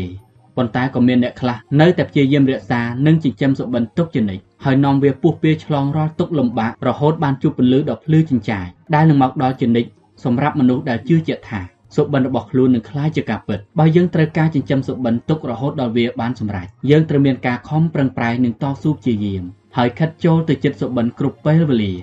ប៉ុន្តែការធ្វើបែបនេះបានលុះត្រាតែមានធាតុផ្សំដូចខាងក្រោមមួយដើម្បីខិតទៅចិត្តសុបិនចូលចងចាំថាការចោះចាញ់ជាប់តាក់ទងនឹងអ្វីដែលថាយើងជានរណាជាជាងយើងទៅដល់ណាមនុស្សគ្រប់រូបសុទ្ធតែត្រូវប្រឈមនឹងឧបសគ្គនៅពេលដើរឆ្លងទៅរកសុបិនហើយបរាជ័យក៏នឹងមានពេលអះអាងថា មកពីមានប្រការឆ្លោះឆ្លួយវាកើតឡើងដោយគិតស្មានមិនដល់ដូចម្ដេចខ្លះតើនរណាធ្វើឲ្យបរាជ័យឬមកពីស្ថានភាពមិនសូវមានអំណោយផលតែតាមការពិតបច្ច័យខាងក្រៅមិនអាចមករារាំងយើងបានទេអ្វីដែលមករារាំងយើងបានគឺស្ថិតនៅក្នុងចិត្តយើងនេះឯងមនុស្សជាច្រើនបានរារាំងខ្លួនឯងមិនឲ្យคล้ายជាអ្វីដែលខ្លួនទៅកុហកខ្លួនឯងថាមកពីអ្នកដទៃ របស់ដទៃឬស្ថានភាពខាងក្រៅជាអ្នកធ្វើឲ្យបរាជ័យប៉ុន្តែតាមពិតអ្នកដែលយើងត្រូវបន្ទោសគឺខ្លួនយើងនេះឯងមនុស្សជាច្រើនបានរៀបរៀងខ្លួនឯងមិនឲ្យខ្លាចជាអ្វីដែលគួរទៅបុគ្គលដែលសម្រេចជោគជ័យក្នុងសុបិនតែងតែពុំមានផ្លូវរលូនរាបស្មើដោយអ្នកបរាជ័យនោះទេមើលពីជីវិតរបស់ Elizabeth Keckley ក៏ដឹងដែរថាអ្វីគ្រប់យ៉ាងពុំមែនងាយស្រួលដូចចិត្តយើងចង់នោះទេតែនាងក៏នៅតែអាចសម្រេចជោគជ័យបាន ហេតុនេះយើងមិនគួររកលេសមកអះអាងឡើយយើងគួរតែមានទស្សនៈដូច Leonardo da Vinci ជាសិល្បករនិងជាអ្នកច្នៃប្រឌិតដ៏មានទេពកោសល្យពីកំណើតបាននិយាយថាឧបសគ្គមិនអាចបំផ្លាញខ្ញុំបានទេឧបសគ្គមានដើម្បីឲ្យយើងដោះស្រាយបុគ្គលដែលមានសុបិនក្នុងចិត្តហើយនឹងមិនផ្លាស់ប្ដូរចិត្តនោះទេយើងគួរតែមានការខំប្រឹងប្រែងខ្លាំងដើម្បីតាមសុបិនមានរឿងតែមួយគត់ដែលធ្វើឲ្យយើងបរាជ័យពិតប្រាកដគឺការបោះបង់ក្តីព្យាយាមនេះឯងគ្មានឧបសគ្គណាដែលយកឈ្នះមិនបាននោះទេ លើកលែងតែយើងខ្វះសេចក្តីព្យាយាមនិងការខំប្រឹងប្រែងប៉ុណ្ណោះមានរឿងដំណាលតតគ្នាអំពីទាហានម្នាក់ដែលត្រូវឡើងតុលាការយោធានៅចំពោះព្រះភ័ក្ត្រព្រះចៅអធិរាជ Alexander ទាហានម្នាក់នោះគិតថាការកាត់ក្តីនេះមិនអយុត្តិធម៌ទេទើបគេបន្តទៅប្តឹងឧទ្ធរ Alexander ដ៏មានអំណាចបានត្រាស់ទៅទាហាននោះថាគ្មានចៅក្រមធំណាជាងព្រះអង្គទៀតទេបើអញ្ចឹងទាហាននោះឆ្លើយទូបង្គំសូមប្តឹងឧទ្ធរពីព្រះអង្គចៅ Alexander អង្គតូចថ្វាយ Alexander អង្គធំ Alexander the Short to Alexander the Great រឿងនេះអាចថាគ្មានផលតាំងមកអះអាងតែវាចង្អុលបង្ហាញពីសច្ចភាពដែលយើងត្រូវប្រឈមសម្រាប់រូបយើងម្នាក់ៗមានទាំងផ្នែកដែលទន់ខ្សោយនិងផ្នែកខ្លាំងផ្នែកនីមួយៗសុទ្ធតែខំព្យាយាមយកឈ្នះទៅវិញទៅមកផ្នែកទន់ខ្សោយនឹងនាំទៅរកបរាជ័យឯផ្នែកខ្លាំងនឹងនាំទៅរកជ័យជំនះខ្ញុំចង់ប្រាប់ដល់លោកអ្នកដូចនេះផ្នែកខ្សោយរបស់យើងនិយាយថាគ្មាននរណាជឿទុកចិត្តលើយើងសោះយើងធ្វើមិនបានទេចំណែកផ្នែកខ្លាំងនិយាយថា ខ្ញុំមានជំនឿសុបលើខ្លួនឯងខ្ញុំពិតជាធ្វើបានប្រការតែមួយគត់ដែលធ្វើឲ្យយើងបរាជ័យគឺការបោះបង់ក្តីព្យាយាម Tony O'Dell អ្នកនិពន្ធសៀវភៅ Back Road ជាសៀវភៅមួយដែល Oprah Winfrey បានណែនាំនាងបានផ្ដោតសារៈសំខាន់ទៅលើភាពខ្លាំងរបស់ខ្លួនថាចូលកុំចោះចាញ់នឹងដេញតាមសុបិនរបស់ខ្លួនភាពឧស្សាហ៍ព្យាយាមជារឿងសំខាន់បំផុតបើយើងគ្មានបំណងប្រាថ្នាមិនជឿជាក់លើខ្លួនឯង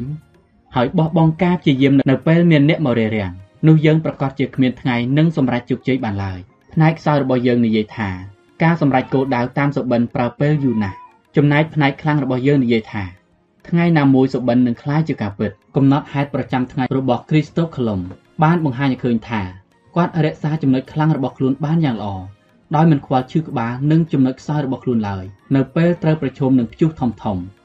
នាវាខូចខាតឬការបង្កចលាចលលើនាវា ប៉ុន្តែទោះជាថ្ងៃណាក៏កំណត់ហេតុរបស់គាត់នៅតែសរសេរក្នុងទំនងដែលថាថ្ងៃនេះយើងត្រូវចេញនាវាបន្តទៅមុខទៀតផ្នែកខ្សោយរបស់យើងនិយាយថាល្មមឆ្អែតទៅយើងខំធ្វើច្រើនពេកហើយចំណែកផ្នែកខ្លាំងរបស់យើងនិយាយថាខ្ញុំមកដល់កន្លែងដែលហួសនឹងចោះចាញ់ហើយអ្នកនិពន្ធ H.E. Jensen គួរតែស្ដាប់សម្លេងពីផ្នែកខ្លាំងរបស់ខ្លួននៅពេលគេពោលថាអ្នកឈ្នះជាច្រើនអាចនឹងត្រូវរាប់ដល់8ច្រើនដងហើយតែគេមិនបានឮសម្លេងរបស់អញ្ញាកណ្ដាលទេផ្នែកខ្សោយរបស់យើងនិយាយថា យើងគ្មានសមត្ថភាពគ្រប់គ្រាន់ដើម្បីអាចទៅដល់សុបិននោះទេចំណែកផ្នែកខ្លាំងរបស់យើងនិយាយថា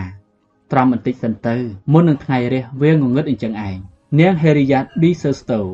អ្នកនិពន្ធដែលមានជំនឿលើភាពខ្លាំងរបស់ខ្លួនបាននិយាយថាពេលយើងធ្លាក់ក្នុងស្ថានភាពលំបាកអ្វីគ្រប់យ៉ាងនឹងមិនបានដូចចិត្តយើងរហូតដល់យើងគិតថាមិនអាចអត់ទ្រាំតទៅទៀតបានសូម្បីតែមួយនាទីទៀតចូលកុំប្រញាប់ចោះចាញ់ព្រោះស្ថានភាពបែបនេះទីបំផុតវានឹងតែងតែផ្លាស់ប្ដូរប្រែប្រួលមិនខាន អ្នកឈ្នះជាច្រើនអាចនឹងត្រូវរាប់ដល់8ច្រើនដងមកហើយតែគេមិនបានលើសំឡេងអាញាកណ្ដា H.E. Jensen ពេលអ្វីអ្វីប្រព្រឹត្តទៅមិនបានដូចចិត្តឧបសគ្គមើលទៅហាក់បីដូចជាធំសម្បំណាស់ធ្វើឲ្យមានអារម្មណ៍ថាសុបិនហាក់ដូចជាកាន់តែឆ្ងាយទៅឆ្ងាយទៅនោះរឿងតែមួយគត់ដែលយើងត្រូវធ្វើគឺត្រូវតែព្យាយាមបន្តបើយើងឈប់ការឈប់នោះ វាមិនមែនកើតចេញពីមជ្ឈដ្ឋានខាងក្រៅទេ គឺវាផុសចេញពីចិត្តយើងប៉ុណ្ណោះ តាមពិតទៅជោគជ័យនឹងនៅចិត្តបង្កើជាងអ្វីដែលយើងគិតទៅទៀតហេតុនេះចូលបោះជំហានទៅមុខទៀតចុះពីដើម្បីខិតទៅចិត្តសុបិនចូលកែប្រែការប្រើពាក្យសម្ដីរបស់ខ្លួនសារជាថ្មីកាលពីទសវត្សរ៍ឆ្នាំ1970មានការលំបាកជាខ្លាំងក្នុងការក្លាយជាមេដឹកនាំរបស់ខ្ញុំដែលត្រូវព្យាយាមរកដំណោះស្រាយ ច្រើនខែកន្លងទៅខ្ញុំក៏នៅតែរោគចម្លើយមិនបានរហូតស្ទើរតែលើកទង់ជ័យសុំចុះចាញ់សូម្បីតែនិស័យពីធម្មជាតិរបស់ខ្ញុំពុំមែនជាមនុស្សចុះចាញ់ដោយងាយងាយតែគឺមកពីខ្ញុំផ្ដោតចិត្តចំពោះរឿងនេះខ្លាំងពេកលុះដល់ថ្ងៃមួយដោយសារតែស្មុគស្មាញខ្លាំងពេកខ្ញុំក៏យកវចនានុក្រមមករកមើលពាក្យថាបោះបង់ហើយអាននិយមន័យរបស់វា ព្រមទាំងប្រើពេលពិចារណាជំរើសផ្សេងផ្សេងអស់ជាច្រើននាទីតែខ្ញុំមិនអាចធ្វើតាមពាក្យនេះបានឡើយព្រោះតែមិនសុខចិត្តចោះចាញ់ខ្ញុំបានយកកន្ត្រៃមកកាត់ពាក្យនោះចេញពីវចនានុក្រមនិងកាត់ចេញពីពាក្យដែលខ្ញុំប្រើខ្ញុំនឹងធ្វើអ្វីគ្រប់យ៉ាងដើម្បីឲ្យបានសម្រេចជោគជ័យការកាត់ពាក្យនេះចេញពីវចនានុក្រមនឹងមិនអាចកាត់ផ្តាច់បញ្ហាទាំងឡាយរបស់ខ្ញុំបានឡើយតែវាជួយធ្វើឲ្យការប្រឹងប្រែងរបស់ខ្ញុំកាន់តែខ្លាំងក្លាឡើងបើយើងចង់សម្រេចដល់សុបិនយើងត្រូវតែយកចិត្តទុកដាក់លើពាក្យសម្ដីដែលយើងត្រូវនិយាយផងអេមីលដឺហ្គេរ៉ាដាំង អ្នកនិពន្ធបារាំងបាននិយាយពីអំណាចនៃពាក្យសម្ដីថាអំណាចរបស់ពាក្យសម្ដីមានទំហំធំធេងណាស់ការជ្រើសរើសពាក្យសម្ដីបានត្រឹមត្រូវអាចបញ្ឈប់បានសំបីតែក្បួនតបផ្លាស់ប្ដូរពីបរាជ័យទៅជាជោគជ័យឬអាចការពារចក្រវាលបានទៀតផងពាក្យដែលយើងយកមកប្រើបាន មានឥទ្ធិពលមកលើយើងអាចធ្វើឲ្យយើងខិតទៅចិត្តឬឃ្លាតឆ្ងាយពីសុបិនចូលពិចារណាភាពខុសគ្នានៃប្រយោគដូចតទៅនេះធ្វើមិនបានមិនធ្លាប់ធ្វើទេគ្មានធនធានអ្វីសោះ គ្មានពេលគ្រប់គ្រាន់ធ្លាប់សាកសួររួចមកហើយ ខាតពេលឥតប្រយោជន៍យើងគ្មានជំនាញរឿងនឹងដៃគូជំនួយយើងមិនយល់ស្របយើងមានលុយមិនគ្រប់គ្រាន់សហការីតិចពេកគ្មានឧបករណ៍គ្មានផ្លូវធ្វើឲ្យល្អជាងនេះឲ្យអ្នកដតីធ្វើចោះពិបាកហួសពេកធ្វើបាន មានឱកាសបានធ្វើជាលើកដំបូងច្នៃប្រឌិតរបស់ប្រើដោយខ្លួនឯងបដូរយន្តការធ្វើការងារសារជាថ្មី សិក្សាយោបទពិសោធន៍មើលទៅលើអ្វីដែលអាចទៅរួច ភ្ជាប់បណ្ដាញជាមួយអ្នកមានជំនាញបង្ហាញអ្វីដែលអាចទៅរួចឲ្យគេឃើញកាត់ឬមិនចាំបាច់ចោលខ្លះមានមនុស្សតិចតែស្រឡាញ់ការងារអាចរករបស់ផ្សេងមកជំនួសគួរតែសាកល្បងមើលម្ដងទៀតសុខចិត្តសិក្សាពីអ្វីថ្មីថ្មីយកឱកាសដើម្បីសាកល្បងធ្វើមិនបានអតិថិជនប្រកាសជាមិនចូលចិត្តមិនមែនជាការងាររបស់ខ្ញុំទេ ធ្វើមិនបានទេ ធ្វើបានអតិថិជននឹងចូលចិត្តពេលគេដឹងច្បាស់ខ្ញុំទទួលខុសត្រូវចោះរឿងអីធ្វើមិនបាន បើខ្លួនឯងនិយាយថាធ្វើមិនបានហើយនោះយើងប្រកាសជាធ្វើមិនបានទេទោះជាមានទេពកោសលពេលវេលាធនធានយុទ្ធសាស្ត្រឬមានមនុស្សគ្រប់គ្រាន់ល្មមនឹងសម្រេចជោគជ័យហើយក៏ដោយមានតែអ្នកដែលប្រាប់ខ្លួនឯងថាធ្វើបានប៉ុណ្ណោះទើបអាចធ្វើបាន ការនិយាយថាជឿជាក់លើខ្លួនឯងពិតមែនតែមិនអាចធានា100%ថាជោគជ័យតែបើថាមិនជឿលើខ្លួនឯងហើយយើងសូមធានាថាមុខជាបរាជ័យយ៉ាងពិតប្រាកដការជឿជាក់លើខ្លួនឯងពិតមែន តែមិនអាចធានាបាន100%តែបើថាមិនជឿជាក់លើខ្លួនឯងហើយ យើងសូមធានាបានថាមុខជាបរាជ័យយ៉ាងពិតប្រាកដខ្ញុំចូលចិត្តទស្សនៈរបស់ Bill Boeing ស្ថាបនិកក្រុមហ៊ុនផលិតយន្តហោះ Boeing នៅឆ្នាំ1916លើផ្ទាំងចារឹកនៅទីស្នាក់ការធំចាស់របស់ក្រុមហ៊ុន មានពំណូលរបស់គាត់ចារទុកថាយើងមិនត្រូវបដិសេធគំនិតថ្មីថ្មីដោយប្រើពាក្យថាធ្វើមិនបាននោះទេ ព្រោះការងាររបស់យើងគឺការស្រាវជ្រាវនិងការសាកល្បងគ្មានទីបញ្ចប់យកលទ្ធផលពីមន្ទីរពិសោធន៍ទៅអនុវត្តឲ្យបានលឿនបំផុតដោយមិនត្រូវបណ្ដោយឲ្យអ្វីដែលជួយអភិវឌ្ឍដល់យន្តហោះឬឧបករណ៍យន្តហោះថ្មីថ្មីកន្លងទៅនោះទេទស្សនៈដែលលើកមកនិយាយនេះបានធ្វើឲ្យសុបិនរបស់គាត់និងក្រុមហ៊ុនមានជីវិតថិតថេរគង់វង្សមកអស់រយៈពេលជាង90ឆ្នាំហើយ3ដើម្បីខិតទៅចិត្តសុបិនចូលចងចាំថាការរងចាំឲ្យអ្វីអ្វីគ្រប់យ៉ាងមានអំណោយផលគឺជាកំហុសដ៏ធ្ងន់ធ្ងរ Jonathan Winter តារាកំ pl ែងបានណែនាំថាបើទូកមិនព្រមចូលចតនៅកំពង់ផែទេមិនក៏មិនហែលទឹកទៅឡើងទូកនោះដោយខ្លួនឯងមនុស្សភាគច្រើនចូលចិត្តតែរងចាំទូកតែនៅលើច្រាំងចាំរហូតដល់ទូកអែបច្រាំងហើយមានក្តារដើរឆ្លងទៅតាមស្រួលចាំឲ្យស្ងប់ខ្យល់និងតល់តែគេអញ្ជើញជាមុនទៅឈានជើងឡើងទៅតែរឿងបែបនេះគ្មានផ្លូវកើតឡើងជាមួយសុបិនទេព្រោះហេតុអ្វីព្រោះសុបិននឹងមិនរត់មករកយើងទេ មានតែយើងទេដែលត្រូវរត់ទៅរកសុបិននោះ បើទូកមិនព្រមចូលមកចតនៅកំពង់ផែទេមិនក៏មិនហែលទឹកទៅឡើងទូកនោះដោយខ្លួនឯង Jonathan Winter Jack Canfield បានសរសេរក្នុងសៀវភៅដ៏វិសេសរបស់គាត់គឺ The Success Principle How to get from where you are to where you want to be ថាដល់ពេលដែលត្រូវឈប់រងចាំហើយភាពល្អឥតខ្ចោះ perfection កម្លាំងចិត្ត inspiration ពេលអនុញ្ញាត permission ការធានាអះអាង reassurance អ្នកដែលនឹងមកផ្លាស់ប្ដូរ someone to change មនុស្សដែលស័ក្តិសម the right person to come along ឲ្យកូនកូនចាក់ចេញពីផ្ទះ the kid to leave home ចាំឲ្យរស័យឡើងបន្តិចសិន a more favorable horoscope ចាំមេថ្មីមកដល់ the new ministration to take over ចាំឲ្យផុតហានិភ័យសិន earn accent of rich ចាំឲ្យគេមកឃើញសិន someone to discover you ចាំបានអនុសាសន៍ឲ្យជាក់លាក់សិន a clear set of instruction ចាំមកជឿជាក់លើខ្លួនឯងបន្តិចសិន more self confident ចាំឲ្យដំបៅចាស់ជាសះស្បើយសិន depend to go away ឬអាចនិយាយម្យ៉ាងទៀតថាគ្រប់យ៉ាងនៅជុំវិញយើងគ្មានថ្ងៃល្អឥតខ្ចោះដើម្បីឲ្យយើងចាប់ផ្ដើមតាមសុបិនឡើយតាមការពិតលក្ខខណ្ឌផ្សេងផ្សេងតែងតែមិនអំណោយផលដល់យើងឡើយតែទោះជាយ៉ាងណាក៏ដោយយើងត្រូវតែបោះជំហានទៅមុខចូលខំប្រឹងប្រែងទៅលើអ្វីដែលខ្លួនឯងពេញចិត្តនឹងធ្វើ4ដើម្បីខិតទៅចិត្តសុបិនចូលបដូរវិធីគិតបែបថ្មី បើយើងប្រៀបធៀបគំនិតអ្នកដែលឆាប់ចោះចាញ់និងអ្នកដែលមានការខំប្រឹងប្រែងដេញតាមសុបិនតើអ្នកដឹងទេថាចំណុចខុសគ្នាដ៏សំខាន់គឺអ្វីអ្នកអាចមិនជឿថាភាគច្រើននៃបុគ្គលសម្រេចជោគជ័យនឹងមិនចំណាយពេលគិតថាខ្លួនត្រូវធ្វើអ្វីនោះទេតែគេចំណាយពេលត្រួតពិនិត្យទៅលើអ្វីដែលខ្លួនបានធ្វើរួចទៅហើយហើយគិតទៀតថាតើខ្លួនអាចធ្វើអ្វីដែលខ្លួនបដិញ្ញាចិត្តសម្រេចនោះបានតិចច្រើនកម្រិតណាលើសពីធម្មតារហូតដល់ទ្វេដងខ្ញុំចូលចិត្តវិធីគិតរបស់ John Wooden ជាអតីតគ្រូបង្វឹកក្រុមបាល់ទះ USLA គេគិតថាអ្វីអ្វីនឹងផ្លាស់ប្ដូរទៅជាល្អសម្រាប់អ្នកដែលព្យាយាមធ្វើឲ្យវាផ្លាស់ប្ដូរទៅរកផ្លូវល្អបំផុតអ្នកសម្រេចជោគជ័យតែងតែគិតបែបសុតិធិនិយមដោយជឿថាអាចធ្វើអ្វីគ្រប់យ៉ាងបានសម្រេច រីករាយនឹងអ្វីដែលខ្លួនធ្វើហើយអ្វីទាំងនោះជារឿងចាំបាច់ព្រោះវិថីឆ្ពោះទៅរកសុបិនតែងតែមិនរៀបស្មើស្រាប់ហើយប្រៀបដូចជាការឡើងលើភ្នំដូច្នោះតែងតែមានផ្លូវតជាច្រើនមានតែអ្នកដែលគិតបានត្រឹមត្រូវប៉ុណ្ណោះទើបអាចសម្រេចជោគជ័យអ្វីអ្វីនឹងផ្លាស់ប្ដូរទៅជាល្អសម្រាប់អ្នកដែលព្យាយាមធ្វើឲ្យវាផ្លាស់ប្ដូរទៅរកផ្លូវល្អបំផុត John Wooden គម្លាតរវាងអ្នកសម្រេចជោគជ័យនិងអ្នកបរាជ័យគឺគម្លាតផ្នែកការគិតនេះឯងអ្នកទាំងពីរគិតផ្សេងពីគ្នា ជាពិសេសអំពីរឿងបរាជ័យ បុគ្គលជោគជ័យយល់ថាបរាជ័យគឺជាផ្នែកមួយនៃជោគជ័យហើយគេយកឈ្នះវាបានចូលណាសេករូវិទូជាអ្នកស្រាវជ្រាវផ្នែកវិទ្យាសាស្ត្រនិងជាអ្នកស្រាវជ្រាវឃើញវ៉ាក់សាំងការពារជំងឺប៉ូលីយ៉ូបានកត់សម្គាល់ថាតាមបទពិសោធន៍ជាអ្នកសាកពិសោធន៍របស់ខ្ញុំអ្វីដែលយើងធ្វើគឺសុទ្ធសឹងជាជោគជ័យទាំងអស់វានឹងប្រាប់យើងឲ្យដឹងពីអ្វីដែលគួរធ្វើនិងអ្វីដែលមិនគួរធ្វើជាច្រើនដងហើយដែលខ្ញុំចូលទៅមន្ទីរពិសោធន៍ហើយមានអ្នកនិយាយថាធ្វើធ្វើទៅដូចជាគ្មានបានការអីសោះតែខ្ញុំឆ្លើយតបពួកគេវិញថា នេះជាការរកឃើញដ៏អស្ចារ្យទោះជាធ្វើទៅវាមិនទាន់ចេញជាលទ្ធផលដោយក្តីរំពឹងតែវានៅតែអាចប្រាប់យើងបានដូចជាយើងធ្វើបានផលអញ្ចឹងដែរហេតុនេះការគិតរបស់ខ្ញុំខ្ញុំនឹងមិនធ្វើឲ្យធ្លាក់រណ្ដៅទេតែវាធ្វើឲ្យខ្ញុំទទួលបានចំណោទថ្មីថ្មីដើម្បីពិចារណាថាតើអ្វីដែលកើតឡើងនេះវាប្រាប់អ្វីខ្លះដល់យើងការខំប្រឹងប្រែងកើតមកពីការគិតដ៏ត្រឹមត្រូវជានិមិត្តសញ្ញាសម្គាល់ខ្លួនរបស់បុគ្គលជោគជ័យអ្នកទាំងនោះបានសាកពិសោធន៍ សិក្សានិងរីកចម្រើនទៅមុខជានិច្ចពួកគេអាចយកឈ្នះលើខ្លួនឯងហើយជ័យជំនះនោះក៏ជ្រាបចូលទៅក្នុងអ្វីដែលគេធ្វើអ្នកវិទ្យាករដូចជា Thomas Edison ក៏មានទស្សនៈបែបនេះដែរ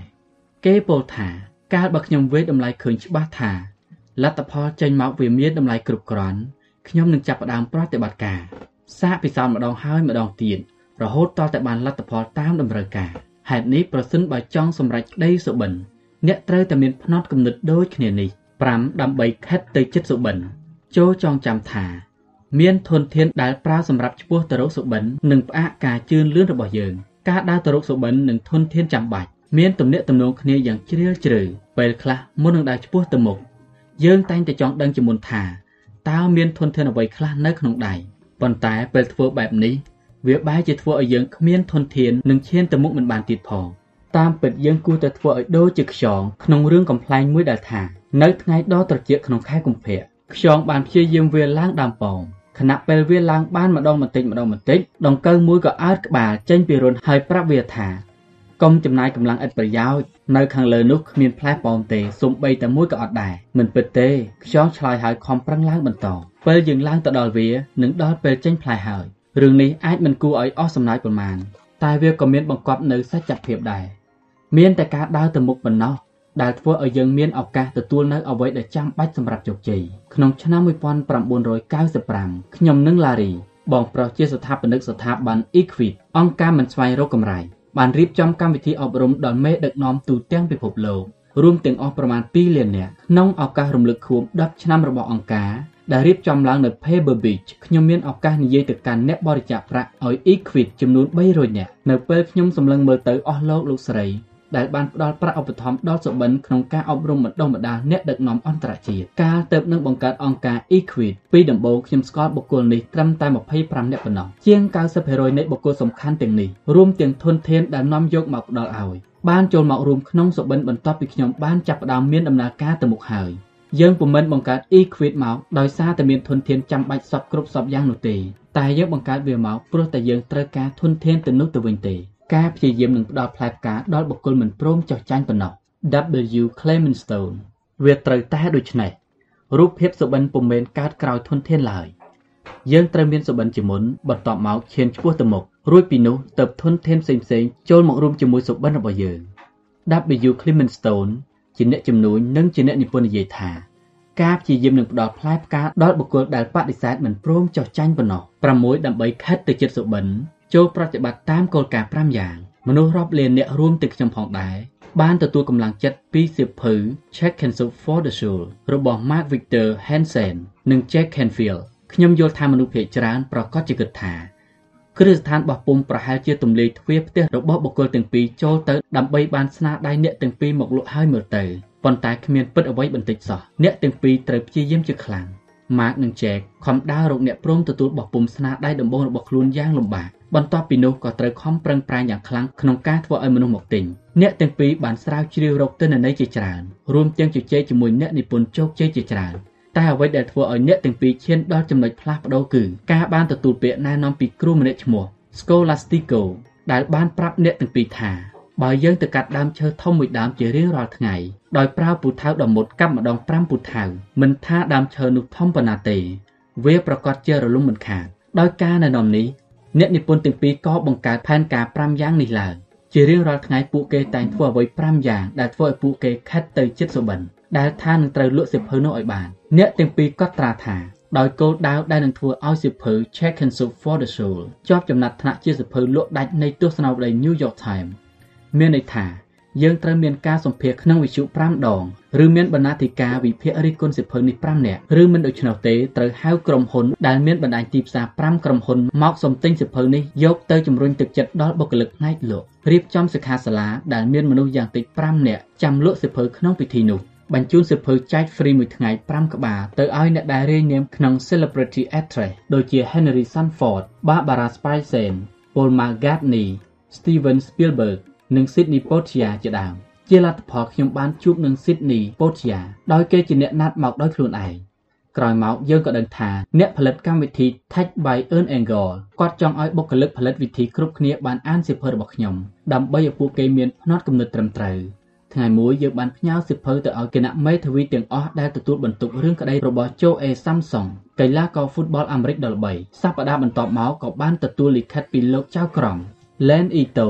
ដោយលោកបានអរគុណពួកយើងដែលនឹកឃើញដល់គណៈមេធាវីទាំងអស់ដែលត្រូវខត់ខ្លួនក្នុងករណីពិសេសមិនអនុញ្ញាតឲ្យមើលព័ត៌មានឬអានកសែតហើយដែលនៅថ្ងៃបន្ទាប់មកមានអ្នកសារព័ត៌មានឃើញមេធាវី4នាក់អានសៀវភៅនេះដែលជាការផ្សព្វផ្សាយសៀវភៅនេះបានយ៉ាងល្អបំផុតយើងបានទូរស័ព្ទរកអ្នកវិភាគសៀវភៅនេះបានសម្រេចហើយសរសេរអត្ថបទថ្លែងព័ត៌មានតាមទូរស័ព្ទនៅក្នុងកម្មវិធី Talk Show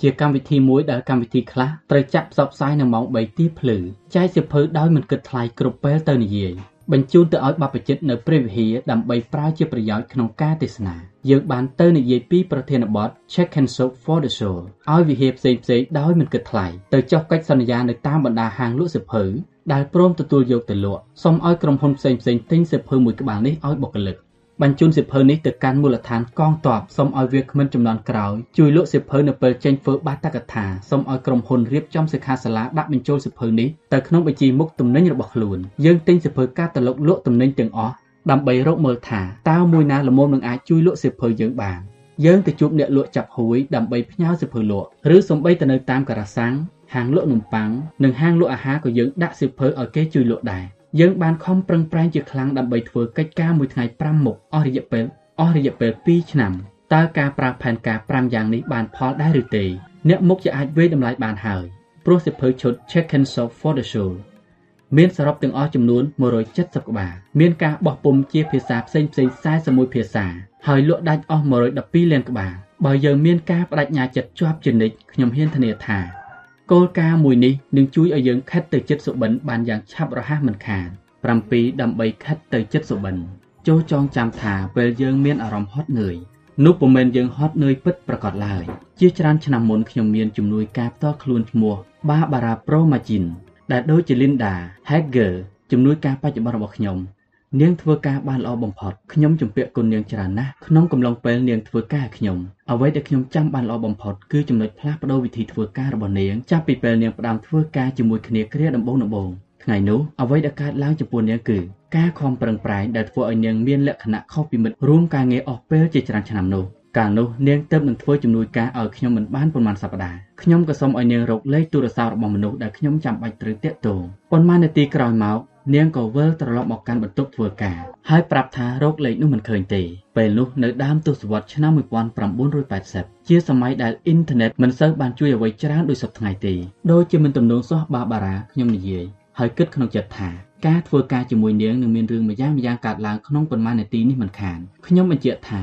ទៅយកសៀវភៅលេខទូរស័ព្ទរបស់នាងមកហើយអង្គុយចុះមកខ្ញុំបើកសៀវភៅលេខទូរស័ព្ទចាប់ផ្ដើមឆែករកមើលរួចហៅទូរស័ព្ទចេញ ខ្ញុំតាមរកលេខដែលចង់បានតាមរយៈអ្នកណែនាំកត់ត្រានិងកត់លេខផ្សេងផ្សេងជាបន្តបន្ទាប់វាមិនងាយប៉ុន្មានទេតែ45នាទីក្រោយមកខ្ញុំក៏រកឃើញលេខដែលត្រូវការខ្ញុំផ្ដល់លេខនោះទៅឲ្យបាបារ៉ា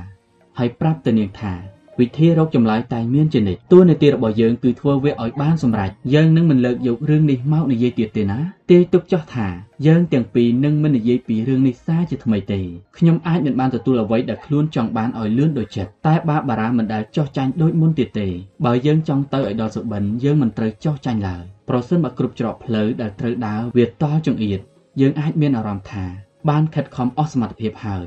តែតាមការពិតនៅមិនទាន់អស់ទេ នឹងមានផ្លូវផ្សេងជំរឿផ្សេងនិងឱកាសផ្សេងទៀតជានិច្ចទោះបីជាមិនអាចមើលឃើញនៅពេលនេះតែវាពិតជានឹងមានសូមកុំតន់ចុះចាញ់ Jack Dempsey ជាអតីតជើងឯកប្រដាល់កម្រិតទម្ងន់ធ្ងន់បានពោលថាជើងឯកគឺអ្នកដែលងើបរួចនៅខណៈពេលងើបមិនរួចនោះឯងខ្ញុំជឿថាយើងអាចសម្រេចជោគជ័យតាមសុបិនបានដោយការដើរឆ្ពោះទៅមុខបន្តនៅក្នុងវិនាទីដែលគិតថាខ្លួនមិនអាចទ្រាំទ្រតទៅទៀតនេះគឺជាការខំប្រឹងប្រែងដែលធ្វើឲ្យយើងអាចខិតទៅចិត្តសុបិនរបស់ខ្លួនបានជារៀងរាល់ថ្ងៃ ពេលខ្លះយើងអាចរំកិលទៅមុខបានត្រឹមតែមួយអេងតែទោះជាយ៉ាងណាក៏រាប់ថាជាការឈ្មោះទៅមុខបានដែរជើងឯកគឺអ្នកដែលងើបរួចនៅខណៈពេលងើបមិនរួចនោះឯង Jack Dempsey សុបិនពុំមែនគ្រាន់តែជារូបភាពជំរុញឲ្យយើងដើរឆ្ពោះទៅរកអនាគតប៉ុណ្ណោះទេតែវាជាឧបករណ៍វាស់សេចក្តីព្យាយាមនិងកម្លាំងចិត្តដែលយើងមានជារៀងរាល់ថ្ងៃបើយើងជ្រើសរើសយកសុបិនយ៉ាងឆ្លាតវៃហើយ យើងក៏ត្រូវតាមចាប់វាដោយការខំប្រឹងប្រែងខ្លាំងបំផុតតើអ្នកអាចឆ្លើយសំណួរអំពីការខំប្រឹងប្រែងបានហើយឬនៅតើយើងខិតទៅចិត្តសុបិនដល់កម្រិតណាហើយបើយើងនៅមិនទាន់ខិតទៅចិត្តសុបិន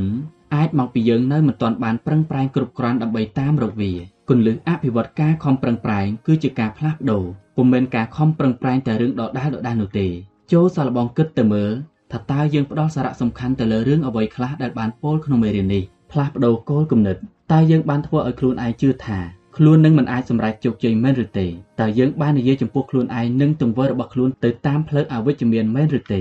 យើងមិនហ៊ានចាប់ផ្ដើមព្រោះស្ថានភាពមិនទាន់មានអំណោយផលមែនទេបើវាដូច្នោះមែនចូលផ្លាស់ប្ដូរគំនិតសារជាថ្មីថ្ងៃនេះតើអ្នកបានធ្វើអ្វីខុសប្លែកពីមុនខ្លះដើម្បីគំតិចវត្តចលនានៃគំនិតបែបអវិជ្ជមាននេះផ្លាស់ប្ដូរទស្សនៈតើយើងមានគោលដៅរយៈពេលខ្លីដើម្បីសម្រេចដល់សុបិនហើយឬនៅ តើយើងចង់សម្រេចដល់សុបិនក្នុងរយៈពេលប៉ុន្មានថ្ងៃប៉ុន្មានសប្តាហ៍ឬប៉ុន្មានខែចូលចងចាំថាបើសុបិនកាន់តែធំក៏ត្រូវការពេលវេលាច្រើនដែរចូលផ្លាស់ប្ដូរការរំពឹងសារជាថ្មីកំណត់តារាងពេលវេលាមួយដ៏សមស្របដើម្បីសម្រេចដល់សុបិនផ្លាស់ប្ដូរទម្លាប់នៃការធ្វើការប្រើផែនការ5យ៉ាងចូលធ្វើអ្វីក៏បានឲ្យតែបាន5យ៉ាងដែលយើងអាចធ្វើបាននៅថ្ងៃនេះដើម្បីឲ្យកាន់តែទៅចិត្តសុបិនទោះជាជំហាននោះខ្លីឬវែង ចូលកុំភ្លេចសច្ចធម៌ដែល Robert Collier បានពោលថាជោគជ័យជាលទ្ធផលសរុបនៃក្តីព្យាយាមតូចតូចដែលអនុវត្តជាបន្តបន្ទាប់ជារៀងរាល់ថ្ងៃនោះឯង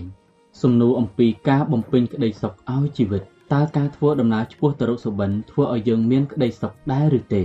បុគ្គលដែលបោះជំហានទៅរកសុបិនដោយជំនឿមុតមមតែងឧស្សាហ៍ព្យាយាមប្រើជីវិតតាមការស្រមើស្រមៃបុគ្គលនោះសម្រាប់ជោគជ័យដែលមិនអាចធ្វើបានតាមវិធីធម្មតា Henry David Thoreau បើមានការខំប្រឹងប្រែងពុះពៀទៅរកសុបិនយើងនឹងមានធម៌ពលព្រមទាំងកម្លាំងចិត្តក្នុងការដើរឆ្ពោះទៅមុខនិងដេញតាមសុបិននោះបើយើងអាចឆ្លើយសំណួរអំពីការចុះទុនបានសុខចិត្តលះបង់អ្វីផ្សេងផ្សេងដើម្បីឲ្យសុបិនបង្កើតចេញជាផ្លែផ្កាមានការបដិញ្ញាចិត្តខ្ពស់មិនចោះចាញ់សំបីតែមានឧបសគ្គមករារាំងតើយើងមានអ្វីគ្រប់គ្រាន់សម្រាប់នាំទៅកាន់សុបិនហើយឬនៅ វាអាចនឹងគ្រប់គ្រាន់ហើយ តែយើងត្រូវសួរសំណួរបន្ថែមទៀតដើម្បីអាចឆ្លើយតបបានថាតើសុបិនដែលយើងកំពុងតែតាមរកនោះវាស័ក្តិសមនឹងការព្យាយាមពេលវេលាព្រមទាំងការខំប្រឹងប្រែងដែលយើងផ្ដល់នោះទេយើងត្រូវឆ្លើយនឹងសំណួរអំពីការបំពេញក្តីសុខដែលថាតើការធ្វើអ្វីផ្សេងផ្សេងដើម្បីឆ្ពោះទៅរកសុបិននោះធ្វើឲ្យយើងមានសេចក្តីសុខដែរឬយ៉ាងណា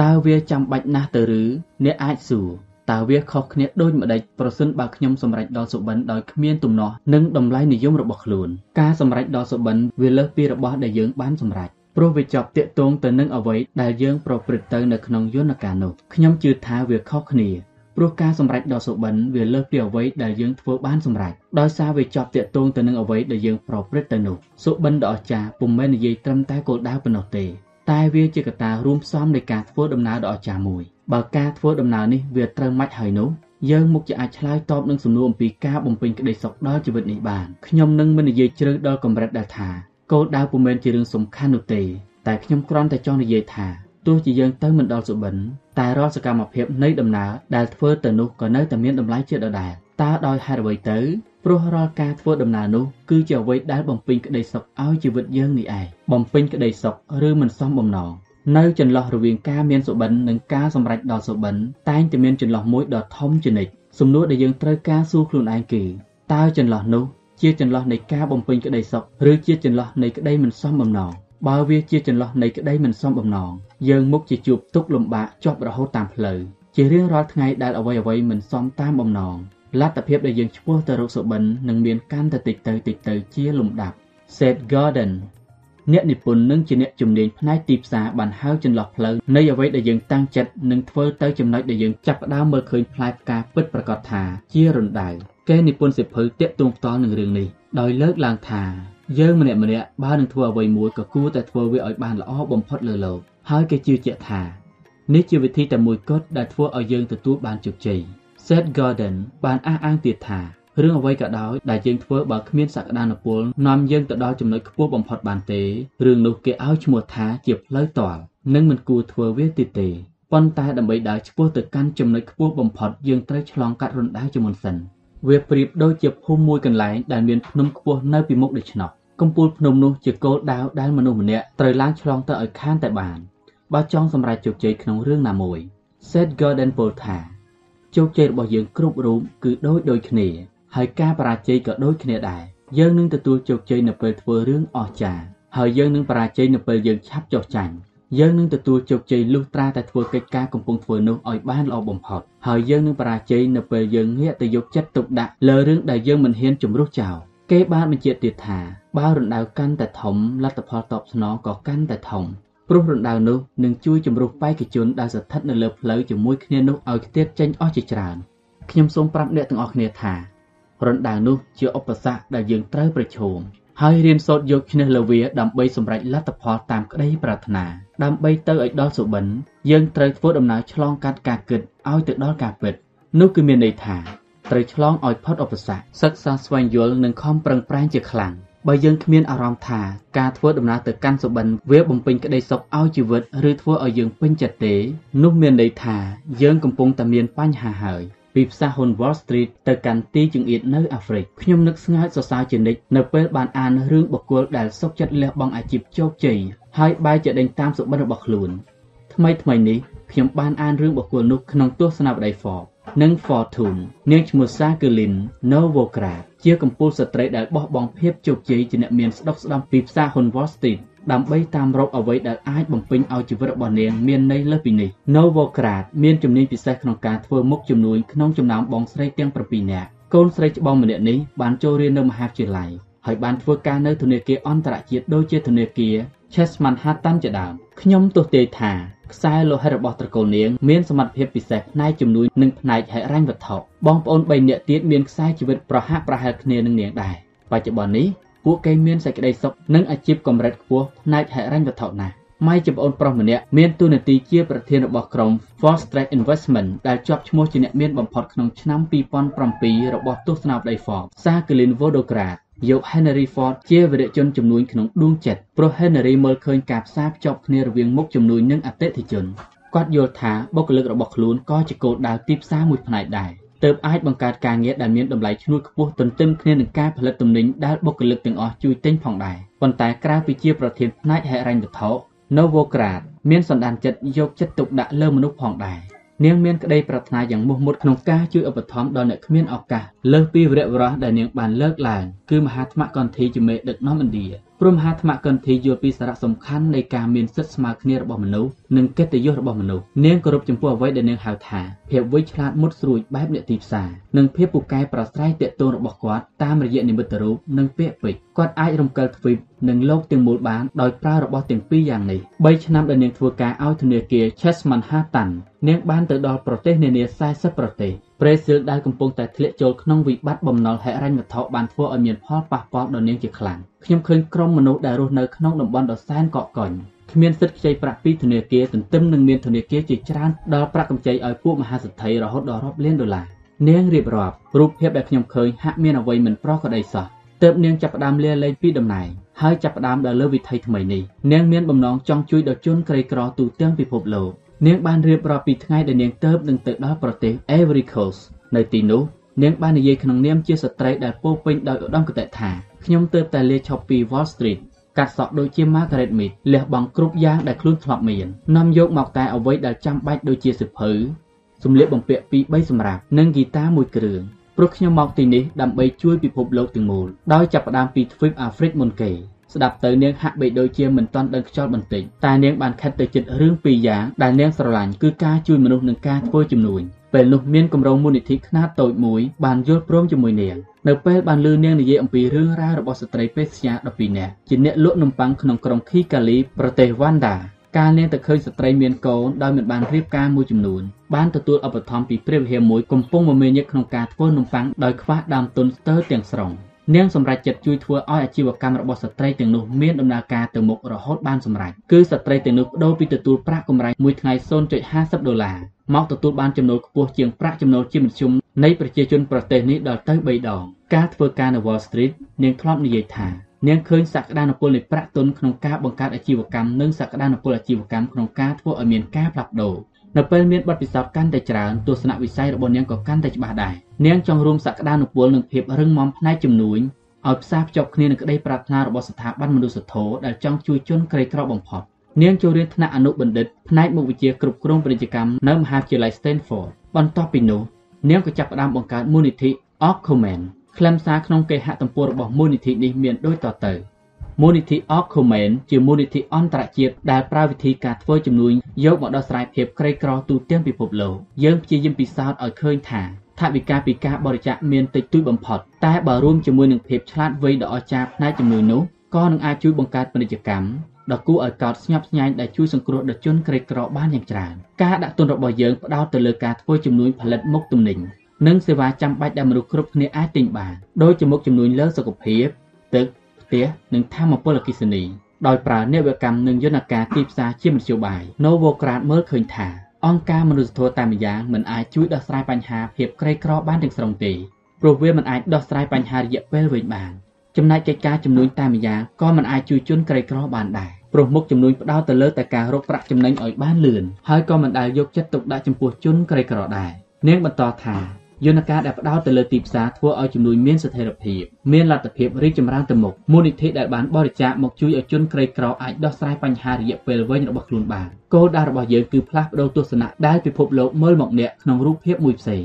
គឺមិនឲ្យមើលពួកគេថាជាមនុស្សនៅស្ងៀមមិនធ្វើអ្វីរងចាំប្រាក់ជំនួយតែម្យ៉ាងដូចពីមុន តែត្រូវមើលពួកគេក្នុងនាមជាមនុស្សដែលអាចគ្រប់គ្រងជាតាជីវិតខ្លួនឯងបានស្ថាប័នមនុស្សធម៌ជាច្រើនបានជួយប្រទេសដែលកំពុងអភិវឌ្ឍដោយឲ្យខ្ចីប្រាក់កម្ចីកម្រិតទាបដូចជាឲ្យស្ត្រីម្នាក់អាចខ្ចីបាន150ដុល្លារយកទៅទិញម៉ាស៊ីនដេរតែ Ocumen បានប្រើវិធីផ្សេងពីនេះដោយប្រើប្រាក់6សេនទៅ1លានដុល្លារសម្រាប់បណ្ដាក់ទុនផលិតទំនិញឬផ្ដល់សេវាកម្មក្នុងប្រទេសក្រីក្រដូចជាអេស៊ីបឥណ្ឌាកេនយ៉ាប៉ាគីស្ថាន និងតង់សានី ព្រមទាំងជួយបង្កើតការងារក្នុងប្រទេសទាំងនោះផងដែរ Orcomen បានដាក់ទុនពាណិជ្ជកម្មដល់ទៅ27លានដុល្លារនៅប្រទេសផ្សេងៗទូទាំងអាស៊ីនិងអាហ្វ្រិកដោយមានការបណ្ដាក់ទុនលើមុខចំនួនច្រើនប្រភេទដូចជាការផ្ដល់សេវាកម្មខាងផ្នែកពេទ្យនៅក្រុងប៊ុំបៃផលិតមុងជ្រលក់ថ្នាំដើម្បីការពារជំងឺគ្រុនចាញ់នៅតង់សានីសាងសង់ផ្ទះតម្លៃថោកនៅប៉ាគីស្ថានបង្កើតប្រព័ន្ធទឹកប្រើក្នុងកសិដ្ឋានខ្នាតតូចនៅឥណ្ឌាការនាងចាប់ផ្ដើមធ្វើការនៅអាហ្វ្រិក នាងគិតថាខ្លួនឯងអាចផ្លាស់ប្ដូរពិភពលោកបានយ៉ាងឆាប់រហ័សបច្ចុប្បន្ននេះជាមួយនឹងបទពិសោធន៍ជាង20ឆ្នាំនាងមិនមែនមិនដឹងអីដូចមុនទៀតឡើយតែនាងនៅមានសេចក្តីប្រាថ្នាទៅលើកិច្ចការដែលខ្លួនធ្វើជានិច្ចព្រោះឃើញយ៉ាងច្បាស់ថាការងារនោះបានជួយបំពេញក្តីសុខដល់រូបនាងនាងនិយាយថាទោះបីជាវាទើបតែចាប់ផ្ដើម តែក្តីរំភើបដែលកើតចេញពីការផ្លាស់ប្ដូរដែលអាចវាស់ដឹងនេះវាជារឿងមួយវិសេសវិសាលខ្លាំងណាស់យើងមិនអាចចំណាយពេលជាមួយមនុស្សត្រឹមតែ100ឬ200នាក់ទៀតទេយើងចង់ធ្វើកិច្ចការដើម្បីផ្លាស់ប្ដូរជីវិតមនុស្សរហូតដល់រាប់លាននាក់ហើយខ្ញុំគិតថាអាចធ្វើបាននិងអាចរួមគ្នាផ្លាស់ប្ដូរលោកនេះបានស្វែងរកអ្វីដែលត្រូវមកបំពេញចន្លោះប្រហោង បើចង់ដេញតាមសុបិនដោយមិនចោះចាញ់យើងត្រូវមានការពេញចិត្តជានិច្ចយើងត្រូវឆ្លើយនឹងសំណួរអំពីការបំពេញក្តីសុខឲ្យជីវិតឲ្យបានដូចជា Jacqueline Novogratz ដូច្នោះដែរតើយើងធ្វើបែបនេះបានដូចម្តេចចូលសិក្សាពីបទពិសោធន៍អ្នកដទៃដែលបំពេញក្តីសុខឲ្យជីវិតរបស់គេបានគឺត្រូវឲ្យដឹងត្រង់ចន្លោះកណ្ដាលរវាងថ្ងៃដែលសុបិនកើតឡើងនិងថ្ងៃដែលសុបិនផ្ដល់ផ្លែផ្កាតបស្នងនេះហើយគឺជាចម្លើយ មួយអ្នកដែលដឹងថាបានបំពេញក្តីសុខឲ្យជីវិតហើយគេនឹងយល់ពីភាពខុសគ្នាដែលថាអ្វីជាសុបិនអ្វីជាការពិតបើឆ្លើយនឹងសំណួរពីសភាពពិតជាស្ដែងបានយើងក៏នឹងធ្វើឲ្យសុបិនคล้ายជាការពិតបានប៉ុន្តែទោះជាយ៉ាងណារូបភាពសុបិននៅក្នុងចិត្តគឺជារឿងដោយឡែកអ្វីដែលសំខាន់បំផុតគឺយើងត្រូវយល់ថាក្នុងអំឡុងពេលតាមរោគសុបិនយើងត្រូវបំពេញក្តីសុខឲ្យជីវិតជានិច្ចបើមិនដូច្នោះយើងក៏នឹងមានអារម្មណ៍ថារាថយនឹងអស់សង្ឃឹមចុងក្រោយនេះខ្ញុំបានស្ដាប់សារអត្ថសម្លេងរបស់ Dan Sullivan វាគ្មិននឹងជាអ្នកផ្ដល់ការប្រឹក្សាគាត់បានអធិប្បាយពីភាពខុសគ្នារវាងឧត្តមគតិនិងសច្ចភាពថាឧត្តមគតិជាអ្វីដែលចិត្តបង្កើតឡើងហើយវាជាឧបករណ៍របស់ខួរក្បាលដែលធ្វើឲ្យយើងផ្ដោតចិត្តទុកដាក់ទៅលើអនាគតឧត្តមគតិគឺជារូបភាពហេតុការណ៍និងស្ថានភាពក្នុងអនាគតដែលយើងបង្កើតឡើងតាមបំណងប្រាថ្នាធ្វើឲ្យយើងព្យាយាមឆ្ពោះទៅក្នុងបច្ចុប្បន្ន តែឧត្តមគតិមិនអាចនៅខ្ពស់ហួសពីគំនិតរបស់យើងបានហើយអាចមិនខ្លាចជាការពិតផងដែរហេតុអ្វីបានជារូបភាពក្នុងឧត្តមគតិមិនអាចខ្លាចជាការពិតបានព្រោះវាកើតឡើងពីលក្ខខណ្ឌដែលថាអ្វីគ្រប់យ៉ាងត្រូវសម្បូរបែបតែរឿងនេះវាមិនអាចទៅរួចឡើយ ក្នុងឆាកជីវិតពិតយ៉ាងហោចណាស់ក៏ត្រូវតែមានភាពរអាក់រអួលខ្លះជីវិតសម្បូរទៅដោយរឿងចម្លែកចម្លែកទាំងផ្នែកល្អនិងអាក្រក់បើយើងចង់ឲ្យរូបភាពរបស់ឧត្តមគតិខ្លាចជាការពិតដើម្បីបំពេញក្តីសុខឲ្យសុបិនរបស់ខ្លួនយើងនឹងគ្មានថ្ងៃទទួលអារម្មណ៍ថាជីវិតយើងបំពេញក្តីសុខឲ្យសម្បូរបែបបានឡើយហើយក៏នឹងត្រូវខកបំណងអស់មួយជីវិតប៉ុន្តែនេះពុំមែនមានន័យថាយើងគួរតែអនុវត្តដំណើរជីវិតដោយគ្មានឧត្តមគតិនោះទេឧត្តមគតិក៏មានប្រយោជន៍ដែរ គឺជួយធ្វើឲ្យយើងតាំងគោលដៅស្វែងរកកម្លាំងចិត្តពីក្នុងខ្លួននិងក្តីព្យាយាមឲ្យល្អបំផុតដែលយើងត្រូវចេះកាត់បន្ថយវាចោលខ្លះសុបិនដែលជាឧត្តមគតិគឺយើងរំពឹងចង់ឲ្យវាคล้ายជាការពិតក្នុងមួយប្រព្រឹត្តភ្នែកតែបើសុបិនដែលឈរលើសច្ចភាពយើងតែងតែដឹងរួចហើយថាការធ្វើឲ្យវាคล้ายជាការពិតត្រូវប្រើពេលវេលាខណៈពេលសុបិនក្នុងឧត្តមគតិមិនព្រមទទួលស្គាល់អ្វីក្រៅពីភាពសម្បូរបែបតែសុបិនដែលឈរលើសច្ចភាពតែងធ្វើឲ្យយើងសម្រេចជោគជ័យ ពីអ្នកដែលដឹងថាបានបំពេញក្តីសុខឲ្យជីវិតហើយគេនឹងយល់បានថាទំហំនៃសុបិនជាតួកំណត់ទំហំនៃគម្លាតសុបិនដ៏អស្ចារ្យអាចបំពេញក្តីសុខដល់ជីវិតយើងបានកាន់តែច្រើនប៉ុន្តែទោះជាយ៉ាងណាសុបិនដ៏អស្ចារ្យនឹងមានគម្លាតឆ្ងាយណាស់រវាងចំណុចចាប់ផ្ដើមនិងចំណុចដែលវាចេញជាផ្លែផ្កាបើយើងសម្រេចចិត្តជ្រើសរើសយកគោលដៅដ៏អស្ចារ្យគួរឲ្យរំភើបស្ញប់ស្ញែងនិងពោពេញដោយការប្រថុយគម្លាតចន្លោះដែលត្រូវជួបក៏ធំរំភើបញាប់ញយនិងប្រថុយប្រឋានផងដែរបានសេចក្តីថា បើយើងជ្រើសរើសគោលដៅមេ យើងក៏នឹងត្រូវត្រៀមខ្លួនប្រឈមនឹងមោហាចន្លោះ នេះជាសច្ចធម៌អំពីរឿងនេះយន្តហោះធំត្រូវប្រើផ្លូវរត់វែងវែងគោលដៅធំធេងក៏ត្រូវមានចន្លោះផ្លូវវែងអញ្ចឹងដែរ Andrew Carnegie ជាបរិបទដែលមានបំផុតនៅអាមេរិកក្នុងរវាងដើមទសវត្សរ៍ឆ្នាំ1900បានពោលថាបើចង់បានសពត្រូវកំណត់គោលដៅដែលបង្កប់បញ្ជាលើគំនិតជួយបញ្ចេញធម៌ពលនិងបង្កើតកម្លាំងចិត្តទោះបីជាគំនិតដ៏ល្អក៏ដោយតែយើងត្រូវចងចាំថាយើងត្រូវត្រៀមខ្លួនជាស្រេចក្នុងការធ្វើដំណើរផ្លូវឆ្ងាយផងដែរការធ្វើដំណើរផ្លូវឆ្ងាយបែបនេះ ធ្វើឲ្យមនុស្សភាគច្រើនសុខចិត្តលើកទង់សព្រមចោះចាញ់បើយើងចង់ធ្វើដំណើរទៅដល់គោលដៅយើងត្រូវតែមានភាពក្លាហានមោះមុតក្នុងការបោះជំហានទៅមុខមានគំនិតច្នៃប្រឌិតដើម្បីពុះពៀរាល់ឧបសគ្គនានាហើយត្រូវមានមនុស្សនៅក្បែរចាំជួយសម្រាលរាល់កិច្ចការផ្សេងផ្សេងផងដែរបើចង់បានសុខត្រូវកំណត់គោលដៅដែលបង្កប់បញ្ជាលើគំនិតជួយបញ្ចេញធម៌ពលនិងបង្កើតកម្លាំងចិត្ត Andrew Carnegie 3អ្នកដែលដឹងថាបានបំពេញក្តីសុខឲ្យជីវិតហើយ ចូលរក្សាសុបិនឲ្យជាប់រហូតនៅតាមផ្លូវដើម្បីធ្វើឲ្យសុបិនមានជីវិតនិងបានបំពេញក្តីសុខឲ្យជីវិតនៅតាមផ្លូវកំពុងដើរទៅរកសុបិននោះយើងត្រូវឲ្យខ្លួនឯងមានសុបិនជាប់ជានិច្ចព្រោះវាជារឿងសំខាន់ដែលធ្វើឲ្យមនុស្សដើរឆ្ពោះទៅមុខបានកាល John Steinbeck អ្នកនិពន្ធពានរង្វាន់ Nobel រឿង Ace of Eden បានសរសេរលិខិតផ្ញើទៅកាន់បណ្ណាធិការថាខ្ញុំបានរៀបចំផែនការជីវិតឲ្យអាដាមច្រើនយ៉ាងចំពោះរឿងដែលថាគេអាចមិនយល់សំបីតែមួយផែនការដែលបានលើកឡើងនេះ ក៏វាមិនសំខាន់អ្វីដែរផែនការជារឿងដែលមានពិតមែនតែមិនមែនជាបទពិសោធន៍ទេជីវិតដ៏អស្ចារ្យតែងតែពោពេញដោយផែនការទោះបីជាផែនការទាំងនោះអាចមិនទទួលជោគជ័យតែវាក៏នៅតែជាការពិតទោះជាតូចឬធំឬពេលខ្លះការទទួលជោគជ័យតាមផែនការក៏អាចធ្វើឲ្យខកបំណងបានដែរនោះគឺហេតុផលដែលធ្វើឲ្យការធ្វើដំណើរអធិប្បាយពីរសជាងពេលវេលាដ៏ពិសេសបំផុតខណៈពេលធ្វើដំណើរនឹងការនិទានរឿងក្រៅពីនេះខ្ញុំថែមទាំងមានភាពជឿជាក់ទៀតថា បើយើងបានដឹងផែនការសម្ងាត់របស់នរណាម្នាក់យើងនឹងស្គាល់បុគ្គលនោះច្រើនជាងវិធីណាណាទាំងអស់ការរៀបចំផែនការជាសុបិនកណ្ដាលថ្ងៃត្រង់មួយហើយជាឧបករណ៍ដែលប្រើសម្រាប់វាស់ស្ទង់មនុស្សម្នាក់បានយ៉ាងពិតប្រាកដដូច្នេះហើយទើបខ្ញុំផ្ដោតការស៊ីជម្រៅទៅលើផែនការព្រោះខ្ញុំកំពុងសិក្សាពីមនុស្សជីវិតហេតុអីក៏ចម្លែកបែបនេះវាអស្ចារ្យគួរឲ្យចង់សិក្សាមានរឿងចម្លែកយ៉ាងច្រើនសន្ធឹកសន្ធាប់ក្នុងជីវិតមនុស្សខ្ញុំបានគិតថាមានរឿងមួយដែលធ្វើឲ្យមនុស្សខុសប្លែកពីសត្វគឺ សុបិននឹងការរៀបចំផែនការរបស់ខ្លួនខ្ញុំគិតថាអ្នកដែលមានគំនិតច្នៃប្រឌិតត្រូវចាប់ផ្ដើមពីការយល់ដឹងទៅលើសារៈសំខាន់របស់សុបិនថាជាចលករសាងកម្លាំងចិត្តជំរុញទឹកចិត្តនិងជារបស់បំពេញក្តីសុខឲ្យជីវិត George Lucas ផលិតករភាពយន្តរឿង Star Wars ដែលបាននិយាយថារឿងមួយដែលធ្វើឲ្យរូបគេនិងក្រុមការងារដើរឆ្ពោះទៅមុខបានក្នុងអំឡុងដ៏លំបាកលំបិនគឺយើងសុបិនជាប់ជានិច្ចថារឿងដែលយើងកំពុងធ្វើវានឹងក្លាយជាអ្វី បើធម្មជាតិរបស់យើងមិនមែនជាអ្នកច្នៃប្រឌិតទេយើងត្រូវតែហាត់រៀនសុបិនជាប់ជានិច្ចដែលបើធ្វើទៅវាមិនតានតឹងពេកទេ វាក៏គ្មានផលអាក្រក់ចំពោះយើងអ្វីដែរមានគេធ្លាប់រៀបរាប់ឲ្យខ្ញុំស្ដាប់ថាគេធ្លាប់ឃើញនិស្សិតម្នាក់ជិះកង់នៅបរិវេណសាកលវិទ្យាល័យអាវយឺតដែលនិស្សិតនោះពាក់មានសរសេរថា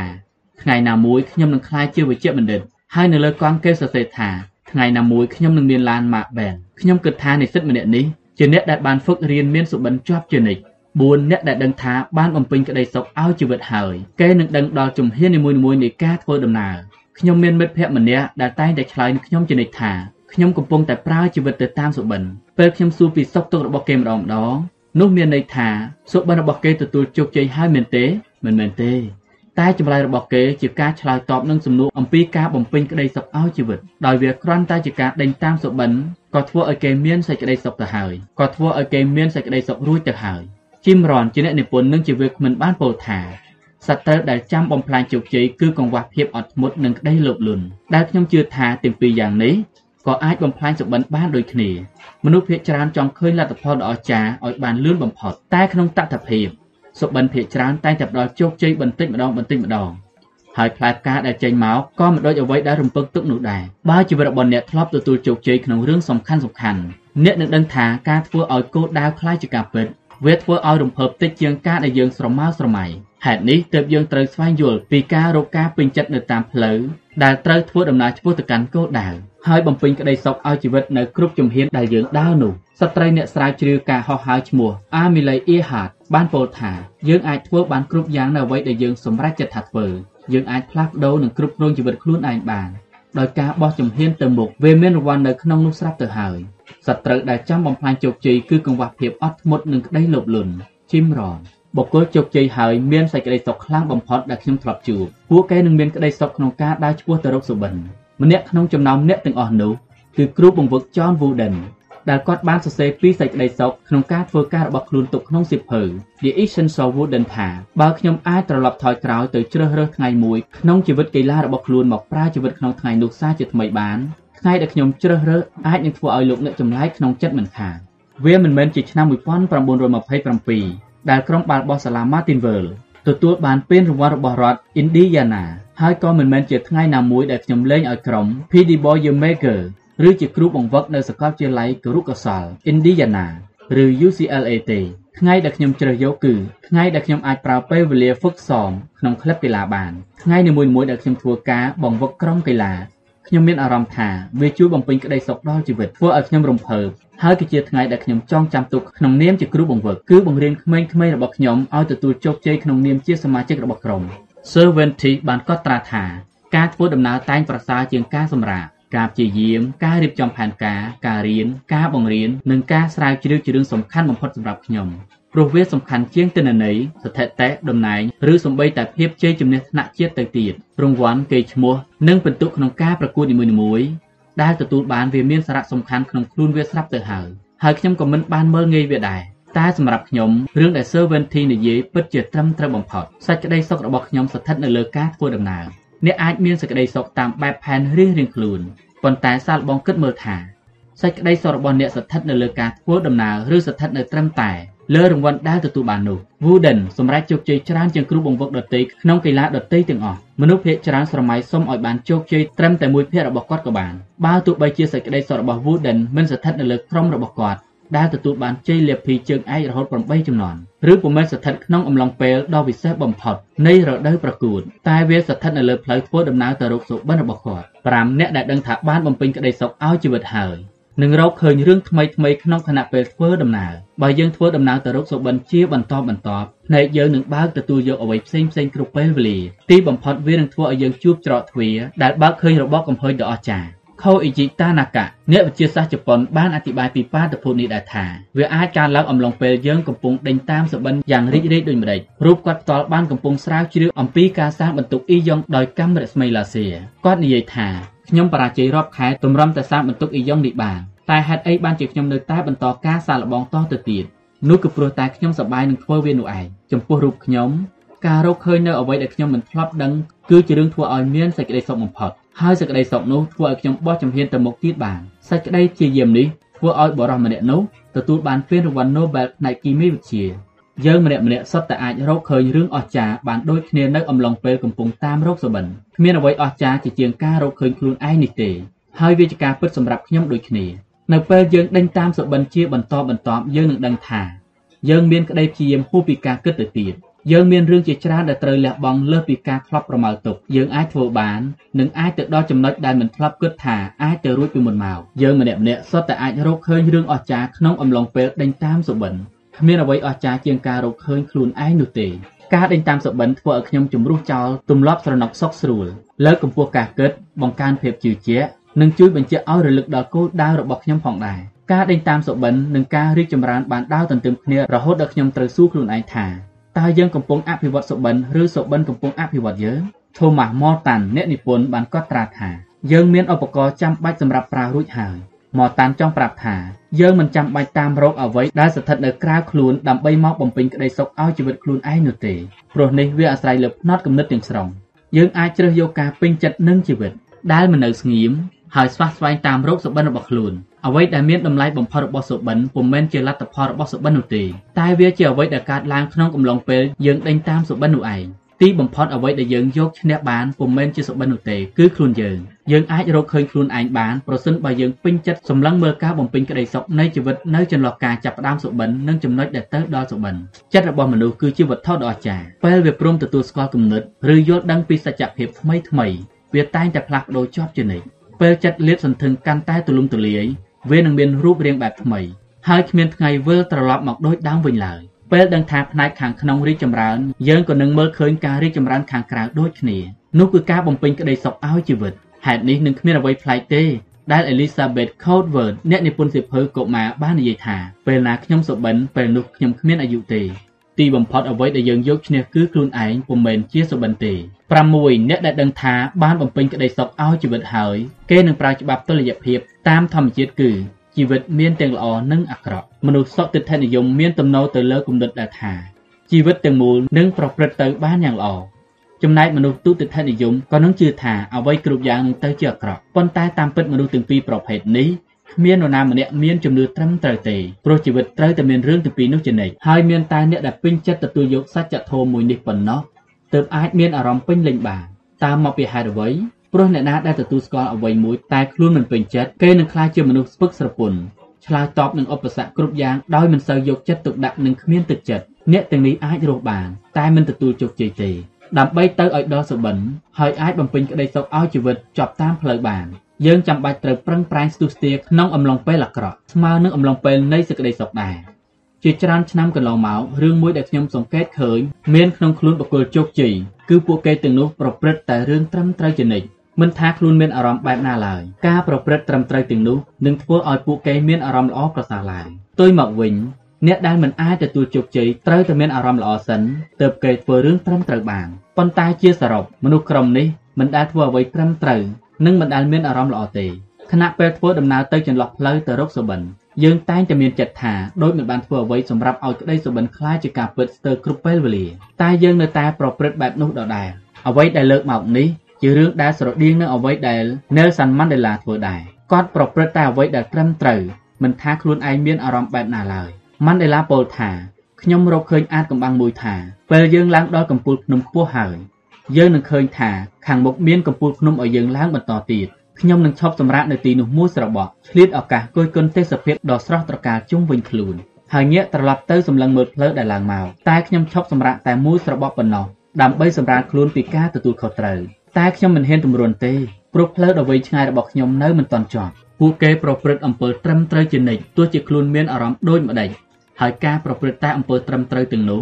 នឹងធ្វើឲ្យពួកគេមានអារម្មណ៍ល្អប្រសើរឡើង បើយើងអាចប្រព្រឹត្តអំពើត្រឹមត្រូវបានទោះជាមានអារម្មណ៍ដូចម្ដេចឬក្នុងស្ថានភាពបែបណាឬទោះជាអ្នកដតីនិយាយឬប្រព្រឹត្តដូចម្ដេចមកលើយើងចូលពេញចិត្តនឹងខ្លួនឯងចោះទីបំផុតអ្វីអ្វីនឹងវេតម្លៃឲ្យយើងដឹងថាយើងបានបំពេញក្តីសុខដល់ខ្លួនឯងដែរឬទេចូលចិត្តធ្វើដំណើរពាក្យបុរាណពោលថា យើងស្រឡាញ់ការងារដែលខ្លួនធ្វើ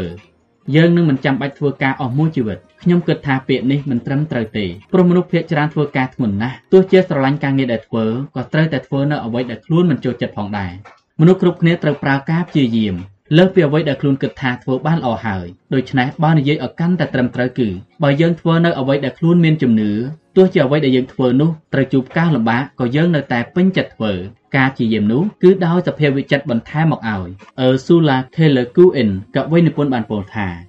ការធ្វើដំណើររហូតទៅដល់ទីបញ្ចប់នៃផ្លូវគឺជារឿងល្អបើការធ្វើដំណើរនោះមានអ្វីម្យ៉ាងដែលប្រកបដោយអត្ថន័យខ្ពង់ខ្ពស់កំពុងរងចាំនៅចុងផ្លូវនោះខ្ញុំស្គាល់មនុស្សជាច្រើនដែលចង់បញ្ចប់នៃផ្លូវតែនាំមកនៅក្តីអស់សង្ឃឹមអ្នកទាំងអស់នេះគិតថាការទៅដល់ចំណុចនោះនឹងធ្វើឲ្យជីវិតមានសេចក្តីសុខពួកគេគួរឲ្យអាណិតណាស់ព្រោះតាមការពិតជាច្រើនលើកដែលយើងទៅដល់ចំណុចចង់ទៅដើម្បីបានត្រឹមតែដឹងថាវាមិនដូចបំណងបើយើងសង្កត់ធ្ងន់ទៅលើគោលដៅតែម្យ៉ាង ទោះបីជាគោលដៅនោះជាសុបិនរបស់យើងតែយើងអាចត្រូវខាតបង់រឿងល្អៗទាំងឡាយដែលកើតឡើងនៅតាមផ្លូវតល់តែអស់យើងនឹងបាត់បង់ក្តីសុខក្នុងបច្ចុប្បន្នបើយើងគ្រាន់តែជឿថាថ្ងៃដ៏ល្អបំផុតមួយនឹងមកដល់វាធ្វើឲ្យយើងលះបង់បច្ចុប្បន្នប្រៀបដូចមិនបានទទួលអ្វីពីវាតតែសោះបើយើងមិនធ្វើអ្វីតតែសោះក្នុងឆាកជីវិតទោះជាជីវិតខ្លីយ៉ាងណាក៏យើងគ្មានផ្លូវរស់បានដែរយើងត្រូវប្រើជីវិតពិត ការប្រើជីវិតតាំងពីកើតរហូតដល់ស្លាប់គ្រាន់តែកំដរផែនដីគ្មានអ្វីពិសេសតតែសោះរ៉ុកគីបាល់ប៊ូដកស្រង់ចេញពីភាគទី1នៃភាពយន្តរឿងរ៉ុកគីគ្រាន់តែកំណត់គោលដៅឲ្យទៅដល់ទឹកចុងក្រោយប៉ុណ្ណោះរ៉ុកគីមើលមកខ្លួនឯងហើយដឹងថាគ្មានផ្លូវឈ្នះឡើយទើបកំណត់គោលដៅងាយងាយគឺប្រដាល់ឲ្យត្រឹមតែដល់ទឹកក៏មិនមានអ្វីគួរឲ្យខ្មាស់អៀនដែរកុំឲ្យតែសន្លប់ទៅបានហើយ មុនពេលឡើងប្រកួតក្នុងព្រឹត្តិការណ៍សំខាន់រ៉ុកគីគ្មានគោលដៅអ្វីទាំងអស់គេសុំត្រឹមតែមានជីវិតហើយប្រើជីវិតរស់នៅយ៉ាងសាមញ្ញធម្មតាប៉ុណ្ណោះប៉ុន្តែមានហេតុការណ៍ដ៏សំខាន់មួយកើតឡើងនៅពេលគេកំណត់គោលដៅលើកទី1មានសុបិនលើកទី1ដែលគេរកឃើញនៅលើផ្លូវទៅកាន់គោលដៅរ៉ុកគីគិតថាខ្លួនមានរបស់ពិសេសលើសពីអ្វីដែលខ្លួនធ្លាប់គិតទៅទៀតគេសប្បាយរីករាយនឹងការធ្វើដំណើរធ្វើឲ្យសុបិនកាន់តែធំធេងឡើង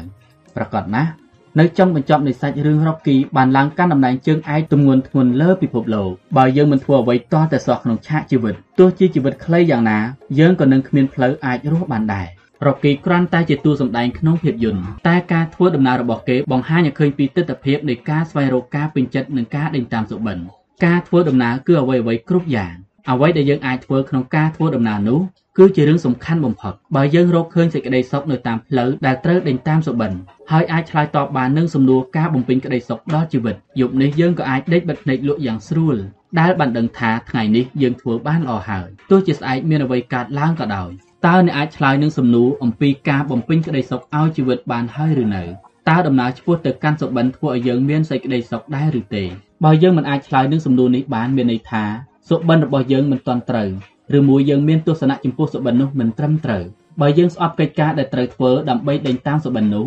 មានន័យថាយើងដើរខុសផ្លូវហើយចូលពិនិត្យមើលកម្លាំងជំរុញចិត្តសាជាថ្មីសាលបងគិតពិចារណាថាហេតុអ្វីទើបយើងយកសុបិននេះជាគោលដៅតើអ្វីដែលយើងកំពុងមាននិងអ្វីដែលយើងកំពុងប្រឹងប្រែង ធ្វើឲ្យសម្រេចនោះវាស្របគ្នាដែរឬទេខ្ញុំពុំមែនចង់រំលឹកអ្វីច្រំដែរច្រំដែរតែយើងគួរតែវិលត្រឡប់ទៅឆ្លើយនឹងសំណួរអំពីភាពជាម្ចាស់សារជាថ្មីឬយ៉ាងណាឬចម្លើយនឹងសំណួរអំពីក្តីប្រាថ្នារបស់យើងអាចមិនមែនជាការពិតឬអាចទៅរួចដែលថាយើងចំណាយទៅលើសបិនថ្លៃជ្រុលពេកបើការដេញតាមសុបិនធ្វើឲ្យយើងត្រូវបង្ខំចិត្តបំពេញតម្លៃនិយមរបស់ខ្លួនយើងអាចត្រូវស្វែងរកសុបិនផ្សេងទៀតមកជំនួសវិញក៏បានពេលខ្លះបញ្ហាអាចស្ថិតនៅលើផ្នត់គំនិតរបស់យើងចូលសាកល្បងពិនិត្យមើលថា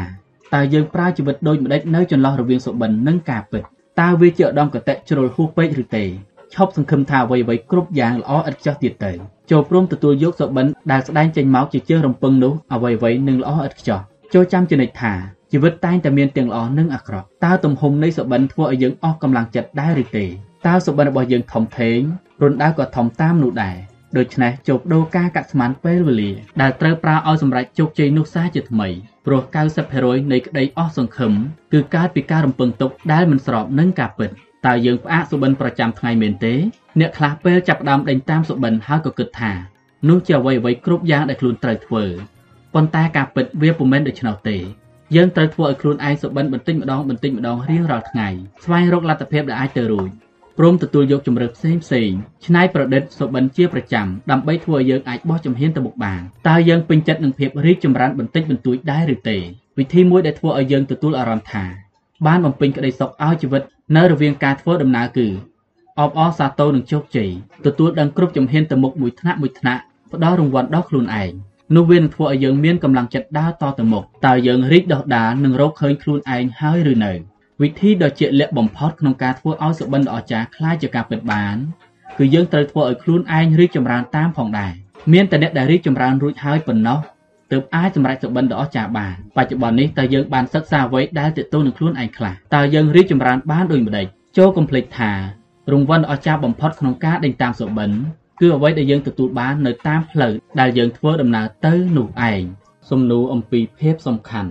តើសុបិនរបស់យើងមានប្រយោជន៍ចំពោះអ្នកដទៃដែរឬទេបើនរណាម្នាក់បានទទួលឱកាសធ្វើឲ្យជីវិតដ៏វិសេសអស្ចារ្យទោះជាដោយហេតុផលមួយណាក៏ដោយគេគ្មានសិទ្ធិក្នុងការប្រមូលយកវាតែម្នាក់ឯងទេ Suck it go school បើយើងពិតជាចង់សារពិសោធន៍សុបិនយើងត្រូវសួរខ្លួនឯងនៅសំណួរចុងក្រោយនេះដើម្បីវាយតម្លៃមើលថាតើសុបិននេះមានតម្លៃគ្រប់គ្រាន់ក្នុងការកំណត់ជីវិតយើងដែរឬទេ វាពុំមែនជាសំណួរស្មុគស្មាញអ្វីទេ តាមពិតអ្នកនឹងរកឃើញថា វាជាចម្ពោះដែលខ្លីបំផុតក្នុងសៀវភៅនេះប៉ុន្តែសំណួរចុងក្រោយនេះមានផលប៉ះពាល់ដល់យើងជាខ្លាំងជាសំណួរអំពីភាពសំខាន់តើសុបិនរបស់យើងមានប្រយោជន៍ដល់អ្នកដទៃដែរឬទេតើសុបិនរបស់យើងមានប្រយោជន៍ដល់នរណា នៅលើធ្នើសៀវភៅក្នុងបន្ទប់ធ្វើការខ្ញុំមានសៀវភៅមួយឈុតដែលមានតម្លៃចំពោះខ្ញុំជាខ្លាំងវាមិនមែនជាសៀវភៅចាស់បំផុតរបស់ខ្ញុំទេ ហើយក៏មិនមែនជាសៀវភៅដែលថ្លៃបំផុតដែរតែវាមានតម្លៃសម្រាប់អ្នកចូលចិត្តសន្សំវាជាឈុតប្រឡោមលោករបស់ Horatio Alger ដោយមានសៀវភៅខ្លះបោះពុំលើកដំបូងនៅសតវត្សទី17របស់មេដឹកនាំព្រះវិហារ John Wesley សៀវភៅទាំងនេះគ្មានតម្លៃអ្វីជាប្រាក់អ្វីទេ តែវាមានប្រសិទ្ធភាពបំផុតចំពោះចិត្តគំនិតជាសៀវភៅដ៏មានឥទ្ធិពលបំផុតដល់ជីវិតខ្ញុំនិងជាសៀវភៅបង្ហាញឲ្យឃើញពីដំណាក់កាលនានានៃជីវិតហើយវាជាឧបករណ៍ដែលធ្វើឲ្យជីវិតខ្ញុំរីកចម្រើនទៅមុខខ្ញុំតែងដឹងថាខ្លួនតែងត្រឡប់មកពីមុខធ្នើដាក់សិភៅនេះរួចទាញម្ដងមួយក្បាលចេញមកអានសេចក្តីដែលខ្ញុំបានកត់ត្រាទុកខាងក្រោមឬនៅលើដើមទំព័រហើយអរគុណទស្សនៈអ្នកនិពន្ធដែលមានឥទ្ធិពលដល់ខ្ញុំនិងជួយឲ្យខ្ញុំបានអភិវឌ្ឍខ្លួនឯងរហូតដល់មានថ្ងៃនេះពេលខ្ញុំសរសេរសិភៅមួយក្បាលនេះសិភៅដែលខ្ញុំទាញចេញពីធ្នើសិភៅគឺរឿង Half Time របស់ Bob Buford កំណត់ហេតុដែលនៅពីក្រៅចំណងជើងបានបង្ហាញពីខ្លឹមសារពិតប្រាកដថា បដូរផែនការរបស់អ្នកចេញពីជោគជ័យទៅកាន់ភាពសំខាន់សៀវភៅនេះមានសារៈសំខាន់មកលើខ្ញុំជាខ្លាំងនៅពេលខ្ញុំមានអាយុ40ឆ្នាំពាក់កណ្ដាលដំបូងនៃជីវិត Buford រៀបរាប់ក្នុងសៀវភៅជាកំឡុងពេលប្រមូលផល និងសិក្សារៀនសូត្រចំណែកពាក់កណ្ដាលក្រោយ មានការប្រថុយច្រើនព្រោះវាជាកំឡុងពេលប្រើជីវិតដែលហួសពីការគិតត្រឹមតែបច្ចុប្បន្នសេចក្តីនេះធ្វើឲ្យខ្ញុំកើតជាចំណោទសម្រាប់គិត ធ្វើឲ្យខ្ញុំគិតដល់ការប្រើជីវិតទៅហួសពីអ្វីដែលជាកម្មសិទ្ធិរបស់ខ្លួនឯងហើយចាប់ផ្ដើមយកឈ្នះលើភាពអាត្មានិយមដែលកើតឡើងតាមសភាវគតិមកនោះពាក្យកណ្ដាលដំបូងនៃជីវិតជាកំឡុងពេលប្រមូលផលនិងសិក្សារៀនសូត្រចំណែកពាក្យកណ្ដាលចុងក្រោយមានការប្រថុយច្រើនព្រោះវាជាការប្រើជីវិតដែលហួសពីការគិតត្រឹមតែបច្ចុប្បន្ន Bob Buford កំពូលមនុស្សក្នុងប្រវត្តិសាស្ត្រមិនថាជាប្រុសឬស្រី ពុំមានអ្វីអស្ចារ្យដោយសារតែធ្វើអ្វីសម្រាប់តែខ្លួនឯងនោះទេតែពួកគេអស្ចារ្យព្រោះតែបានលះបង់ខ្លួនដើម្បីអ្នកដទៃសុបិនរបស់បុគ្គលអស្ចារ្យដែលមានប្រយោជន៍ចំពោះអ្នកដទៃមានមិនច្រើនប៉ុន្មានទេសម្រាប់អ្នកដែលក្តាប់យកសុបិនរបស់ខ្លួនដើម្បីឲ្យខ្លួនឯងខុសពីអ្នកដទៃហើយសុខចិត្តលះបង់នៅអ្វីអ្វីគ្រប់យ៉ាងដើម្បីឲ្យសុបិននោះคล้ายជាការពិតសម្រាប់មនុស្សប្រភេទនេះពួកគេនឹងគ្មានថ្ងៃស្លាប់ឡើយសុបិនរបស់ពួកគេតែងតែនៅគង់វង្សជានិច្ចព្រោះពួកគេធ្វើអ្វីអ្វីដើម្បីអ្នកដទៃ បុគ្គលទាំងនោះអាចឆ្លើយតបបាននឹងសំណួរអំពីភាពសំខាន់ដែលថាសុបិនរបស់ខ្លួនមានប្រយោជន៍ចំពោះអ្នកដទៃដែរឬទេទេពកោសលដ៏អស្ចារ្យរឿងអំពីបុគ្គលដែលផ្លាស់ប្ដូរមហិច្ឆតាអាត្មានិយមរបស់ខ្លួនឆ្ពោះទៅរកសុបិនដើម្បីអ្នកដទៃយ៉ាងពិតប្រាកដដែលគួរឲ្យស្ងាយបំផុតដែលខ្ញុំធ្លាប់អាន គឺរឿងរបស់ William Wilberforce បុគ្គលគ្មាននរណាស្គាល់រហូតតទៅភាពយន្តរឿង Amazing Grace ដាក់បញ្ចាំងសុបិនដែលធ្វើឲ្យ Wilberforce ចាប់អារម្មណ៍បំផុតគឺការបញ្ចប់របបទេសកលដែលជាហេតុផលមួយធ្វើឲ្យគេបូជាជីវិតដើម្បីរឿងនោះ Wilberforce កើតនៅប្រទេសអង់គ្លេសក្នុងឆ្នាំ1759សម័យដែលការលក់ដូរមនុស្សក្នុងចក្រភពកំពុងមានសកម្មភាពផុសផុលបំផុតដែលសេដ្ឋកិច្ចទាំងមូលរបស់ប្រទេសពឹងផ្អែកលើមុខរបរនេះឪពុករបស់ Wilberforce បានបែកតាំងពីគេនៅក្មេងធ្វើឲ្យកុមារភាពរបស់គេត្រូវជ្រកកោនជាមួយអ៊ំប្រុសនិងអ៊ំស្រីដែលកាន់សាសនាយ៉ាងតឹងរ៉ឹង។ គឺនៅនឹងផ្ទះនេះឯងដែលគេបានស្វែងយល់អំពីទេសកលជាលើកដំបូងពេលអាយុប្រហែល10ទៅ11ឆ្នាំ Wilbur បានជួបនឹង John Newton អតីតកាពីតាននាវាជួញដូរទេសកលដែលនឹកឃើញពីកំហុសរបស់ខ្លួនហើយក៏ចូលមកលៀងបាបធ្វើជាបព្វជិតដ៏តឹងរ៉ឹងខាងសាសនាប៉ុន្តែការជួបបរិសម្នាក់នេះនាពេលនោះមិនទាន់មានផលប៉ះពាល់ចំពោះ Fox ប៉ុន្មានទេរហូតតតែប៉ុន្មានឆ្នាំក្រោយមក Wilberforce ចម្រើនដឹងក្តីឡើងក្នុងឋានៈជាអ្នកមានស្ដុកស្ដំនិងមានឯកសិទ្ធិពិសេស គេបានចូលរៀននៅសាកលវិទ្យាល័យ Cambridge តែប្រការនេះមិនបានធ្វើឲ្យគេខ្លាចជាមនុស្សលេចធ្លោផ្នែកសិក្សាអ្វីទេប្រការដែលធ្វើឲ្យមនុស្សស្គាល់គេយ៉ាងច្រើននោះគឺមន្តស្នេហ៍ភាពសង្ហាវៀងវៃនិងភាពជាមនុស្សមានអារម្មណ៍ល្អពេលរៀនជាមួយអ្នកដតីអ្នកកំឡោះនេះច្រើនតែជួបជជែកលេងជាមួយមិត្តភ័ក្តិដែលខ្ញុំអាចសន្និដ្ឋានបានថា នេះជាកំឡុងពេលដែលគេខាត់បងពេលវេលាច្រើនបំផុតដែលធ្វើឲ្យគេត្រូវសោកស្ដាយនៅថ្ងៃក្រោយមកដោយគេជាមនុស្សមានទេពកោសល្យនៅពេលអាយុ20ឆ្នាំ Ford ក៏មានគំនិតឈរឈ្មោះជាបេក្ខភាពសមាជិកសភាតំណាងរាស្ត្រពេលនោះអ្នកនយោបាយដែលទទួលជោគជ័យមានពីរប្រភេទគឺអ្នកមានវោហារកោសល្យនិងអ្នកមានទ្រព្យសម្បត្តិស្ដុកស្ដម្ភទៅ Wilberforce ជាបេក្ខជនដែលមានគុណសម្បត្តិទាំងពីរព្រមគ្នា ក្នុងរយៈពេលតែមួយខែ គេប្រើលុយអស់ដល់ទៅ9000ផោនដើម្បីឲ្យមានសម្លេងនាំមកគូប្រជែង បន្ទាប់ពីអាយុគ្រប់21ឆ្នាំ បាន2សប្តាហ៍ Ford ក៏បានទទួលជ្រើសតាំងឲ្យចូលអង្គុយលើកៅអីសភាដោយមានសម្លេងស្មើនឹងគូប្រជែង2នាក់បូកបញ្ចូលគ្នា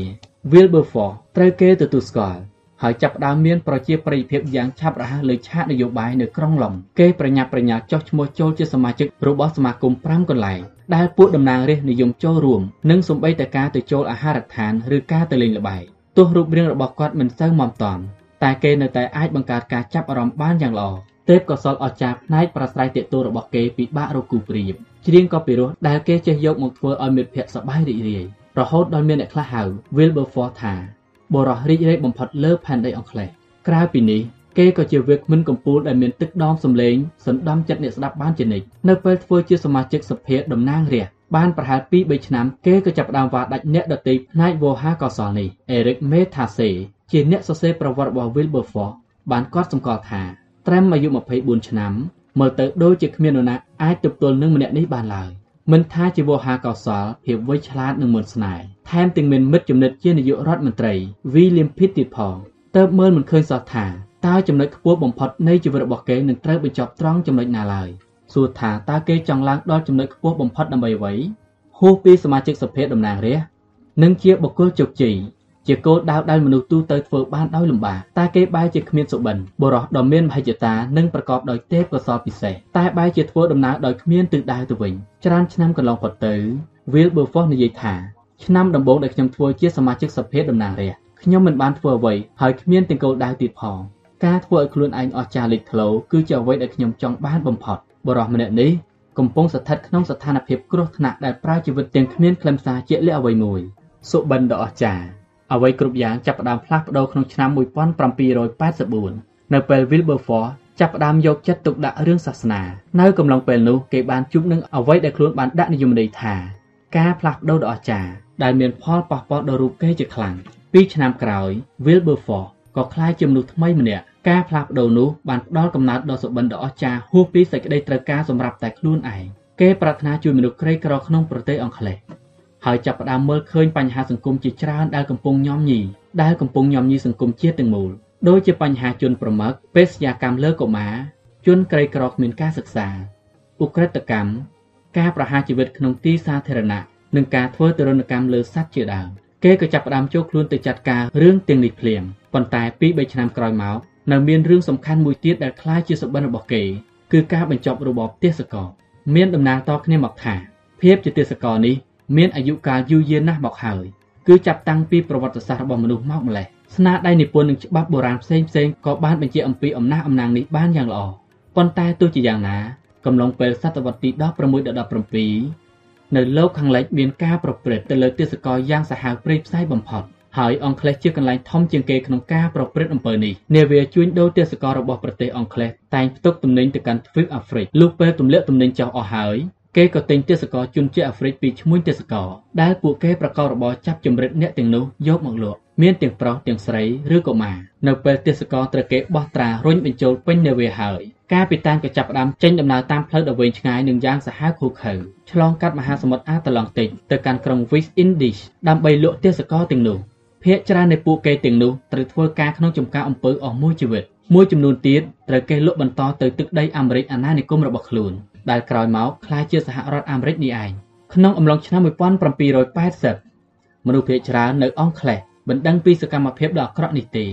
នៅពេល Wilberforce ចាប់ផ្ដើមយកចិត្តទុកដាក់លើរឿងនេះគេក៏សម្រេចចិត្តឧទ្ទិសខ្លួនដើម្បីបញ្ចប់ការជួញដូរទេសកលនៅប្រទេសអង់គ្លេសដោយចាត់ទុកថាវាជាកាតព្វកិច្ចមួយនិងជាគោលដៅសំខាន់ក្នុងជីវិត Wilberforce និយាយថា អ្វីដែលចម្លែកបំផុតគឺពួកអ្នកចិត្តបន់ឬអ្នកកាន់សាសនាបែរជាមិនចាត់ទុកថារឿងនេះជាទួនាទីដែលព្រំលិខិតបន្ថែមមកឲ្យនោះទេអ្នកទាំងនោះសមតែទទួលទោសដោយការធ្វើមិនដឹងមិនលឺនេះនៅដើមឆ្នាំ1787 Wilberforce បានចាប់ផ្ដើមធ្វើយុទ្ធនាការដោយជឿជាក់ថាបើសមាជិកសភាតំណាងរាស្ត្របានដឹងពីអំពើព្រៃផ្សៃនៃការជួញដូរទេសកលនេះពួកគេក៏នឹងយល់ព្រមបោះឆ្នោតអនុម័តបញ្ចប់របបទេសកលនេះជាមិនខាន Fox និងអ្នកចូលរួមបានលើកសំណើនេះដល់សមាជិកដទៃទៀតដោយប្រមូលភស្តុតាងផ្សេងផ្សេងដែលបង្ហាញឲ្យឃើញពីភាពខុសខើព្រៃផ្សៃ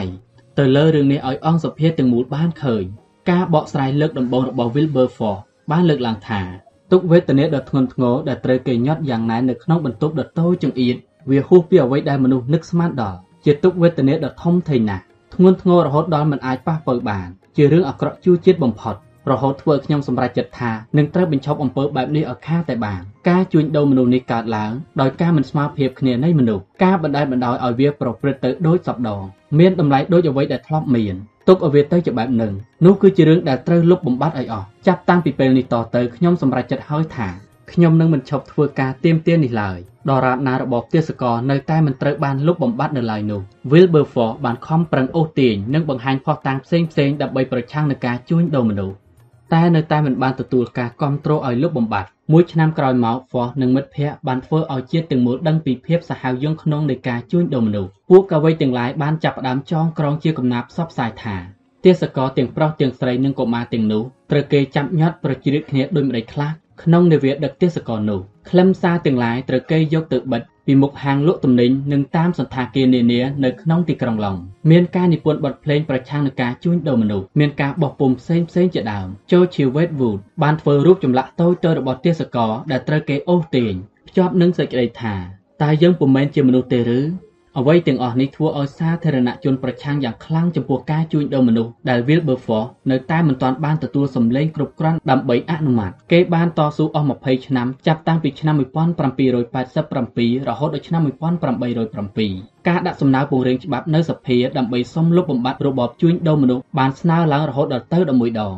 តែត្រូវបរាជ័យទាំងអស់គេប្រហែលជាព្រមចោះចាញ់ទៅហើយប្រសិនបើគ្មានការជួយគ្រប់គ្រងពីអ្នកដែលគិតថា Wilberforce កំពុងធ្វើរឿងដ៏ត្រឹមត្រូវម្នាក់ក្នុងចំណោមអ្នកទាំងអស់នោះគឺ John Wesley ជាបព្វជិតមួយអង្គនៅខណៈដែលព្រះអង្គមានប្រជញ្ញ87ព្រះវស្សា Wesley បានសរសេរលិខិតចុងក្រោយមុននឹងអស់ព្រះជន្មផ្ញើជូន Wilberforce មានខ្លឹមសារថាលោកជាទីគោរពខ្ញុំមើលមិនឃើញថាលោកអាចប្រឆាំងឈ្នះលើរឿងដ៏សែនអាក្រក់ដែលរីករាលដាលទូទាំងភូមិភាគប្រទេសនិងបណ្ដាមហាជននេះបានដោយភាពក្លាហានរបស់លោកតែម្នាក់ឯងទេ លើកលែងតែព្រះជាម្ចាស់បង្កើតលោកឲ្យคล้ายជា Athanasos Contramudan បរោះតស៊ូនឹងលោកនេះតែម្នាក់ឯងនិងសូម្បីតែព្រះជាម្ចាស់បង្កើតលោកឲ្យមកប្រឆាំងនឹងរឿងនេះតែលោកក៏ត្រូវហត់នឿយតស៊ូនឹងភាគីម្ខាងទៀតព្រមទាំងអំពើអាក្រក់ទាំងឡាយប៉ុន្តែបើព្រះជាម្ចាស់ទ្រង់ស្ថិតនៅជាមួយលោកហើយតើមាននរណាអាចប្រឆាំងនឹងលោកបានទៀតតើអ្នកទាំងនោះពូកែជាងព្រះទៀតឬចូលកុំខ្លាចនឹងប្រព្រឹត្តអំពើល្អចូលបន្តដំណើរទៅមុខក្នុងនាមជាព្រះជាម្ចាស់និងអំណាចរបស់ព្រះអង្គ រហូតតតែលែងមានទិសកលអាហ្វ្រិកត្រូវគេចន់ឆ្លៀតទៅទៀតព្រឹកមិញនេះខ្ញុំបានអានរឿងនិពន្ធរបស់ជនជាតិអាហ្វ្រិកដ៏គួរឲ្យអាណិតខ្ញុំខ្លោចផ្សាក្នុងចិត្តចំពោះជនជាតិស្បែកខ្មៅដែលរងទរណកម្មយ៉ាងឃោរឃៅរហូតដល់មិនអាចយកអ្វីមកធ្វើជាសំណងវិញបានតែវាបែរជាស្របច្បាប់ក្នុងរាជាណាចក្ររបស់យើងទៅវិញជាហេតុធ្វើឲ្យការរើបំរាស់របស់អ្នកតូចទាបទៅជាមិនបានទទួលផល អីក៏អាក្រក់អាក្រៃដល់ថ្នាក់នឹងខ្ញុំសូមឲ្យព្រះជាម្ចាស់ដែលតាមជួយណែនាំផ្លូវលោកពីដំបូងមកសូមព្រះអង្គប្រទានធម៌ពលខ្លាំងក្លាដល់លោកដើម្បីតស៊ូគ្រប់យ៉ាងពីបុគ្គលដែលជឿជាក់ចំពោះលោក John Wesley Wilberforce នៅតែខំប្រឹងប្រែងបន្តព្រោះគេដឹងថាអ្វីដែលជាដើមផាន់គឺជីវិតមនុស្សរាប់លាននាក់ទីបំផុតនៅថ្ងៃទី23ខែកុម្ភៈឆ្នាំ1807បន្ទាប់ពីច្បាប់ស្តីពីការជួញដូរមនុស្សថា ជាអំពើខុសច្បាប់ បានឆ្លងកាត់ការអនុម័តពីសភាជាន់ខ្ពស់ហើយទើបឆ្លងកាត់សភាប្រជាជនដោយសម្លេង283ទល់នឹង16សុបិនដំបូងរបស់ Wilberforce ក៏ទទួលជោគជ័យ Wilberforce បានផ្ដាំផ្ញើរឿងនេះបន្តតាមសមាជិកសភាចំនួនក្រោយ26ឆ្នាំបន្ទាប់ដំណាក់កាលទី2នៃសុបិនរបស់គេក៏คล้ายជាការពិតនៅឆ្នាំ1833ពេលដែលសភាទាំងអស់បានឯកភាពអនុម័តព្រៀងច្បាប់ដែលធ្វើឲ្យការជួញដូរទេសកលក្នុងចក្រភពអង់គ្លេស គឺជាអំពើខុសច្បាប់3ថ្ងៃក្រោយមកទៅ Wilberforce ទទួលអនិច្ចកម្មផលប៉ះពាល់ដ៏អស្ចារ្យពេលសុបិនរបស់ Wilberforce คล้ายជាការពិតជាឥទ្ធិពលដល់ពិភពលោកទាំងមូលធំរហូតមិនអាចវាស់បានហើយអ្វីដែលឲ្យឃើញច្បាស់ជាក់ស្ដែងគឺវាជួយឲ្យមនុស្សជាច្រើនលែងត្រូវគេទិញលក់ឲ្យធ្វើជាទេសកលទៀត Eric Metaxas អ្នកសរសេរសៀវភៅជីវប្រវត្តិមួយនេះបានអះអាងថាផលនៃការបញ្ចប់ការជួញដូរទេសកលនេះមានអ្វីលើសពីការត្រឹមតែបញ្ចប់ទេសកលទៅទៀត មេថាសែលពោលថាបន្ទាប់ពី Wilberforce សម្រេចជោគជ័យយើងក៏ឈានដល់ពិភពមួយដែលមិនចាំបាច់លើកជាសំណួរសួរទៀតថាក្នុងឋានៈយើងជាផ្នែកមួយនៃសង្គមត្រូវទទួលខុសត្រូវជួយជនក្រីក្រឬអ្នកមានទុក្ខឬមួយយើងមានទូនាទីត្រឹមតែគិតថាត្រូវជួយដោយម្ដេចប៉ុណ្ណោះពេលគំនិតបែបនេះត្រូវបើកចំហចេញមកលោកនេះក៏ផ្លាស់ប្ដូរការធ្វើជាទេសកលនិងការជួញដូរទេសកលត្រូវលុបបំបាត់យ៉ាងទូលំទូលាយ រួមទាំងរឿងអាក្រក់ទាំងឡាយដែលជាប់ទាក់ទងគ្នានេះជាគ្រាដំបូងក្នុងប្រវត្តិសាស្ត្រដែលបញ្ហាសង្គមផ្សេងៗបានផុសចេញមកព្រមព្រំគ្នានេះជាហេតុផលដែល Metasel ហៅ Wilberforce ថាអ្នកកែតម្រង់សង្គមដ៏អស្ចារ្យបំផុតក្នុងប្រវត្តិសាស្ត្រគេបន្ថែមថាពិភពលោកឆ្នាំ1759ដែល Wilberforce កើតនិងឆ្នាំ1833ដែលគាត់បានចាកចេញទៅ មានតម្លៃខុសគ្នាដាច់ស្រឡះប្រៀបដូចជាសំណនិងមាសដូច្នោះ Wilberforce បានបង្កឲ្យមានភាពកក្រើករំជួលខាងសង្គមដែលធ្វើឲ្យទូទាំងទ្វីបត្រូវធ្វើការកែលម្អឲ្យសមស្របនិងជាអ្នកដែលធ្វើឲ្យសភាពដូចយើងសពថ្ងៃនេះចាប់ផ្ដើមមានការទទួលស្គាល់សំណួរដែលមានចម្លើយលើសពីមួយខ្ញុំជឿថាការឆ្លើយតបនឹងសំណួរអំពីភាពសំខាន់មួយនេះប្រកាសជាលំបាកសម្រាប់មនុស្សដែលមានអាយុតិចដំណាក់កាលដំបូងដំបូងនៃជីវិតតែងតែខាតបង់ទៅលើការស្វែងរកទេពកោសល្យពិនិត្យរាវរកលទ្ធភាព និងសម្លឹងរកមើលគោលដៅដែលរាប់ថាជារឿងល្អ លុះដល់ពេលមានអាយុកាន់តែច្រើនយើងក៏ត្រូវសម្លឹងមើលអ្វីដែលទៅខាងក្រៅខ្លះដោយពិចារណាថាតើសុបិននោះមានប្រយោជន៍ដល់អ្នកដទៃខ្លះដែរឬទេរឿងល្អបំផុតគឺការជួយអ្នកដទៃគ្មានពាក្យថាយឺតពេលហើយនោះទេមានមនុស្សជាច្រើនសុខចិត្តលះបង់អ្វីអ្វីគ្រប់យ៉ាងរបស់ខ្លួនដើម្បីអ្នកដទៃដោយច្រើននៅពេលខ្លួនមានអាយុកាន់តែច្រើនចំពោះខ្ញុំសមត្ថភាពក្នុងការឆ្លើយតបនឹងសំណួរមួយនេះក៏កើតឡើងនៅពេលមានអាយុច្រើនដូចគ្នាហើយអ្នកក៏អាចមានលក្ខណៈស្រដៀងគ្នានេះដែរ ជីវិតរបស់ខ្ញុំចាប់ផ្ដើមមានចម្លើយចេញមកដោយប្រការយ៉ាងនេះ 1. ខ្ញុំធ្វើកិច្ចការសំខាន់ចំពោះខ្លួនឯងខ្ញុំហ៊ានធានាថាពេលអ្នកបានអានខ្លឹមសារនេះហើយអ្នកប្រកាសជាគិតថានេះជារឿងអាត្មានិយមបំផុតមែនទេអារម្មណ៍ដំបូងរបស់អ្នកអាចចំទាស់ភ្លាមភ្លាមនឹងខ្លឹមសារមួយនេះជាពិសេសដោយសារតែវាជាមូលបញ្ហាសំខាន់នៃចម្ពោះនេះប៉ុន្តែខ្ញុំសង្ឃឹមថា អ្នកនឹងមិនធ្វើដូច្នេះទេព្រោះខ្លឹមសារនេះ ពុំមែនសំដៅតែលើអ្វីដែលធ្វើសម្រាប់តែខ្លួនឯងប៉ុណ្ណោះទេឧទាហរណ៍ដូចជា នៅពេលឡើងយន្តហោះយើងតែងឃើញបុគ្គលិកទទួលភ្ញៀវលើយន្តហោះណែនាំថាពេលមានអាសន្នតើយើងគួរធ្វើដូចម្តេចបើសម្ពាធយន្តហោះនៅកន្លែងអ្នកដំណើរចុះខ្សោយយើងគួរតែបំពាក់ខ្យល់អុកស៊ីសែនតែសួរថាប្រការដំបូងដែលយើងត្រូវធ្វើគឺអ្វីតើត្រូវបំពាក់អុកស៊ីសែនឲ្យខ្លួនឯងមុនឬជួយអ្នកដទៃមុនព្រោះអ្វីទៅព្រោះយើងមិនអាចជួយអ្នកដទៃបានទេដរាបណាយើងមិនជួយខ្លួនឯងបានទេនោះ ខ្ញុំជឿថាការធ្វើឲ្យសុបិនដ៏អស្ចារ្យអាចសម្រេចបានលុះត្រាតែយើងមានរបស់សម្រាប់លះបង់ប៉ុណ្ណោះមានន័យថា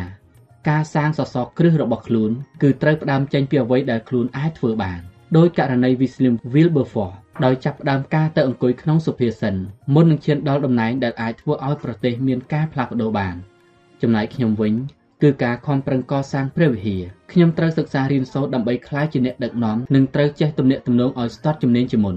រហូតដល់អាចបំពេញប្រយោជន៍ដល់អ្នកដទៃបានចំណែកអ្នកវិញ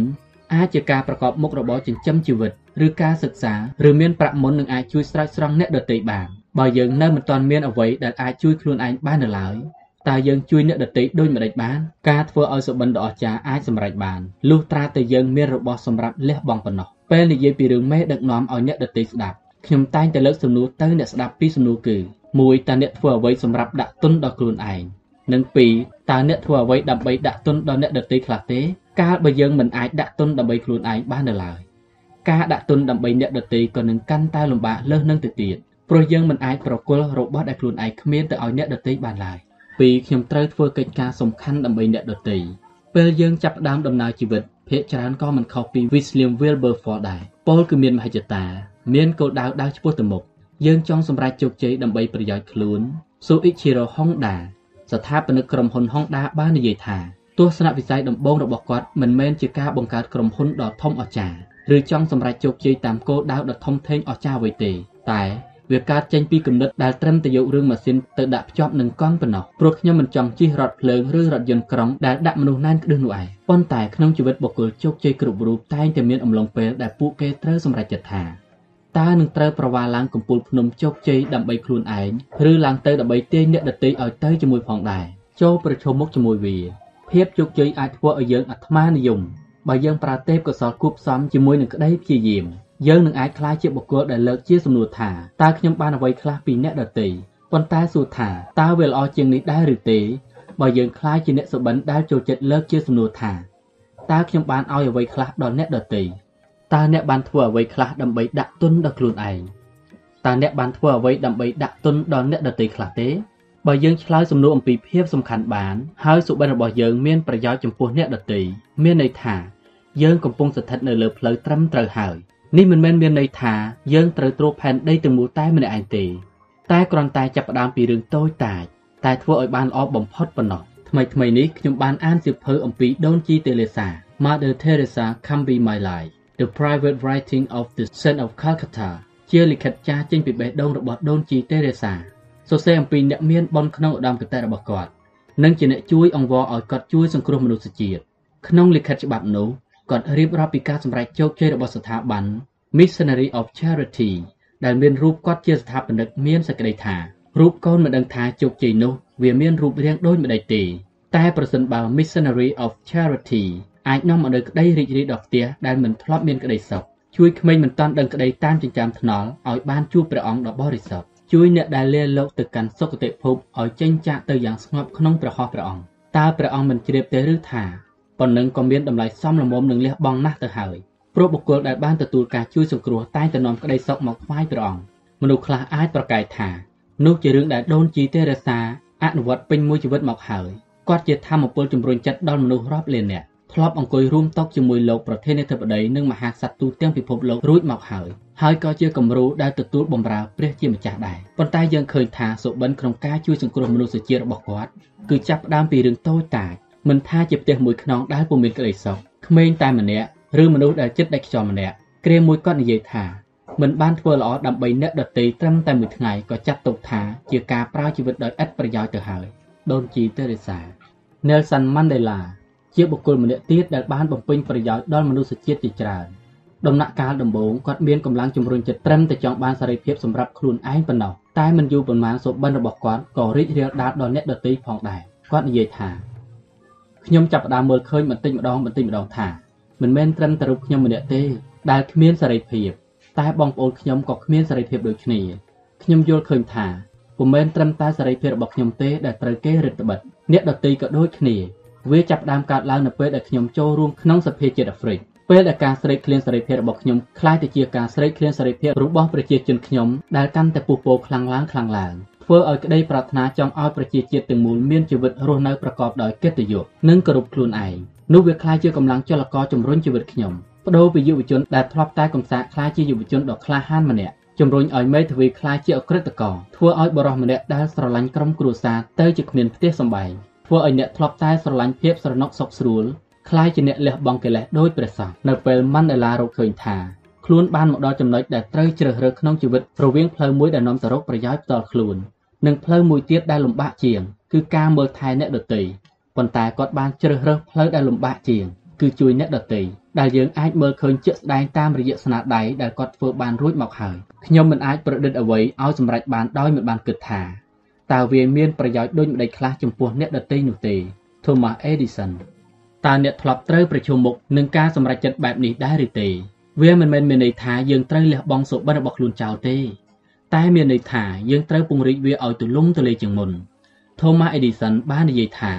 ខ្ញុំមិនអាចប្រឌិតអ្វីឲ្យសម្រេចបានទាំងមិនបានគិតថាតើវាមានប្រយោជន៍អ្វីខ្លះចំពោះអ្នកដទៃនោះទេគាត់មិនព្រមឈប់ស្រាវជ្រាវច្នៃប្រឌិតដើម្បីជួយដល់អ្នកដទៃឡើយ William Wilberforce មិនចាំបាច់លាលែងពីតំណែងជាសមាជិកសភាតំណាងរាស្ត្រដើម្បីដកខ្លួនទៅជួយអ្នកដទៃនោះទេតែគាត់ប្រើសុបិនដែលខ្លួនមានផ្ដោតតម្រង់ទៅលើចំណុចតែមួយគ្មាននរណាប្រើរបស់ដែលខ្លួនបានសម្រេចដើម្បីតែខ្លួនឯងនោះទេផ្ទុយទៅវិញគេនឹងនាំយកជោគជ័យមកប្រើដើម្បីប្រយោជន៍អ្នកដទៃបុគ្គលដែលសម្រេចជោគជ័យទាំងនោះមានគំនិតជួយដល់មនុស្សជាតិផងដែរក្នុងដំណាក់កាលដំបូងយើងច្រើនតែចាប់ផ្ដើមសុបិនចង់ធ្វើអ្វីដែលអាចផ្លាស់ប្ដូរលោកទាំងមូលគំនិតបែបនេះធ្វើឲ្យយើងចុះចាញ់យ៉ាងឆាប់រហ័ស ប្រការនេះហើយជាហេតុធ្វើឲ្យយើងត្រូវចាប់ផ្ដើមពីរឿងតូចតាចជាមុនសិនកាលបើយើងឈានជើងមកដល់ដំណាក់កាលទី2នៃការរីកចម្រើនដើម្បីអាចឆ្លើយនឹងសំណួរពីភាពសំខាន់សូមកុំតាន់ព្យាយាមចង់ជួយមនុស្សច្រើនគ្នាពេកគួរសាកល្បងជួយតែប៉ុន្មានអ្នកសិនទៅសាកល្បងមើលបន្ទាប់មកអ្នកនឹងរកឃើញថាយើងកំពុងមានជីវិតដោយព្រះគុណម្ចាស់ Francis Bacon ពោលថាចូលចាប់ផ្ដើមធ្វើអ្វីដែលចាំបាច់និងធ្វើអ្វីដែលអាចទៅរួចបន្ទាប់ពីនោះ យើងក៏នឹងធ្វើអ្វីដែលមិនអាចទៅរួចទោះបីជាយើងមិនធ្លាប់ធ្វើកិច្ចការធំធំក៏ដោយក៏យើងនៅតែអាចទទួលបានក្តីសុខពីការធ្វើកិច្ចការដ៏ត្រឹមត្រូវដែរការធ្វើកិច្ចការដើម្បីអ្នកដទៃគ្មានពាក្យដែលថាមានតម្លៃតិចតួចពេកនោះទេ3ចាំបាច់ត្រូវធ្វើកិច្ចការសំខាន់រួមជាមួយអ្នកដទៃថមប្រូខាវអ្នកយកព័ត៌មានទូរទស្សន៍ដែលចូលនិវត្តន៍បានកត់សម្គាល់ឃើញថា ការរកប្រាក់ជារឿងងាយតែការធ្វើឲ្យខុសប្លែកគឺជារឿងពិបាកហេតុផលមួយគឺ ការធ្វើឲ្យមានភាពខុសប្លែកចាំបាច់ត្រូវមានការធ្វើការងារជាក្រុមដ៏ជាក់លាក់មួយដូនជីតេរេសាពុំមែនធ្វើឲ្យមានភាពខុសប្លែកដោយរូបគាត់តែម្នាក់នោះឯងទេចំណែក Nelson Mandela និង William Wilberforce ក៏ដូចគ្នាដែរសុបិនរបស់ពួកគេសុទ្ធតែជាកិច្ចការធំដុំទើបចាំបាច់ត្រូវមានអ្នករួមសហការដ៏ច្រើនដើម្បីឲ្យវាអាចទៅរួចបុគ្គលដែលចង់សម្រេចជោគជ័យតាមសុបិនដ៏អស្ចារ្យរួមជាមួយអ្នកដទៃចាំបាច់ត្រូវឲ្យអ្នកទាំងនោះព្រមទទួលយកសុបិនដូចគ្នាសិនបើធ្វើបានដូច្នេះ អ្នកគ្រប់គ្នានឹងបានទទួលរង្វាន់ដ៏វិសេសវិសាលបើខ្ញុំនិងអ្នកអាចយកសុបិនមកចែករំលែកជាមួយអ្នកដទៃបានសុបិនរបស់គ្រប់ភាគីនឹងមានលទ្ធភាពកាន់តែច្រើននៅអាយុ61ឆ្នាំពេលងាកទៅមើលការធ្វើដំណើររបស់ខ្លួនឯងខ្ញុំទ្រាំមិនញញឹមមិនបានព្រោះខ្ញុំមើលឃើញថាកាលបើខ្ញុំចាប់ផ្ដើមមានក្តីប្រាថ្នាបង្កើនភាពសំខាន់ដល់អ្នកដទៃខ្ញុំក៏បង្កើនភាពសំខាន់ដល់ខ្លួនឯងដែរពេលនេះខ្ញុំយល់ហើយថា យើងមិនគួរទទួលយកអ្វីដោយខ្លួនមិនបានឲ្យជាមុនហើយយើងក៏មិនអាចឲ្យអ្វីដោយពុំមានអ្វីតបស្នងនោះដែរជីវិតយើងប្រៀបដូចជាខ្សែទឹកដែលហូរស្រស់មិនមែនជាអាងស្តុកទឹកទេការបង្កើនគុណតម្លៃដល់អ្នកដទៃជាវិធីសាស្ត្រដ៏ជាក់លាក់មួយក្នុងការបង្កើនគុណតម្លៃដល់ខ្លួនឯងយើងមិនគួរទទួលអ្វីដែលខ្លួនមិនបានឲ្យជាមុននោះទេហើយយើងក៏មិនអាចឲ្យអ្វីដោយពុំមានអ្វីតបស្នងនោះដែរការតាមរកសុបិនរួមជាមួយអ្នកដទៃមានន័យថាធ្វើជាមួយគ្នា លះបង់ជាមួយគ្នាធ្វើការជាមួយគ្នារៀបចំផែនការជាមួយគ្នាប្រាស្រ័យទាក់ទងគ្នាឈ្នះរួមគ្នានិងអបអរសាទរជោគជ័យជាមួយគ្នាហេតុអ្វីក៏អស្ចារ្យបែបនេះនេះជាអ្វីដែលហៅថាសង្គមជាក្រុមមួយដែលមានសមាជិកមានការតាំងចិត្តផ្លាស់ប្ដូរគំនិតដែលថា សង្គមដើម្បីយើងទៅជាយើងដើម្បីសង្គមការឧទ្ទិសខ្លួនឯងដើម្បីបង្កើនគុណតម្លៃដល់អ្នកដទៃហើយធ្វើឲ្យអ្នកទាំងនោះមករួមគ្នា ធ្វើឲ្យគោលដៅសម្រេចជោគជ័យគឺជាចំណុចខ្ពស់បំផុតក្នុងការធ្វើឲ្យសុបិនខ្លាយជាការពិតអស់ពេលជាច្រើនឆ្នាំមកហើយ Foreign Lit 2អ្នកនិពន្ធនិងជាវាគ្មិនបានផ្ដល់មេរៀនបង្កប់ដោយសច្ចធម៌មួយនៅក្នុងចិត្តខ្ញុំគាត់បានបង្ហាញឲ្យឃើញពីដំណាក់កាលនៃការអភិវឌ្ឍសុបិនដែលអាចឆ្លើយតបនឹងសំណួរពីភាពសំខាន់នេះបានហ៊ានសុបិនសុបិនមានន័យថាប្រថុយហ៊ានដើរចេញពីស្ថានភាពនិងមជ្ឈដ្ឋានជុំវិញដែលធ្លាប់សាំពីដើមមកត្រៀមខ្លួនដើម្បីសុបិនបញ្ញាសម្រាប់ជោគជ័យឲ្យបាន បើចាប់ផ្ដើមល្អអ្វីគ្រប់យ៉ាងក៏នឹងល្អត្រៀមលក្ខណៈបង្កើតឱកាសឲ្យសុបិន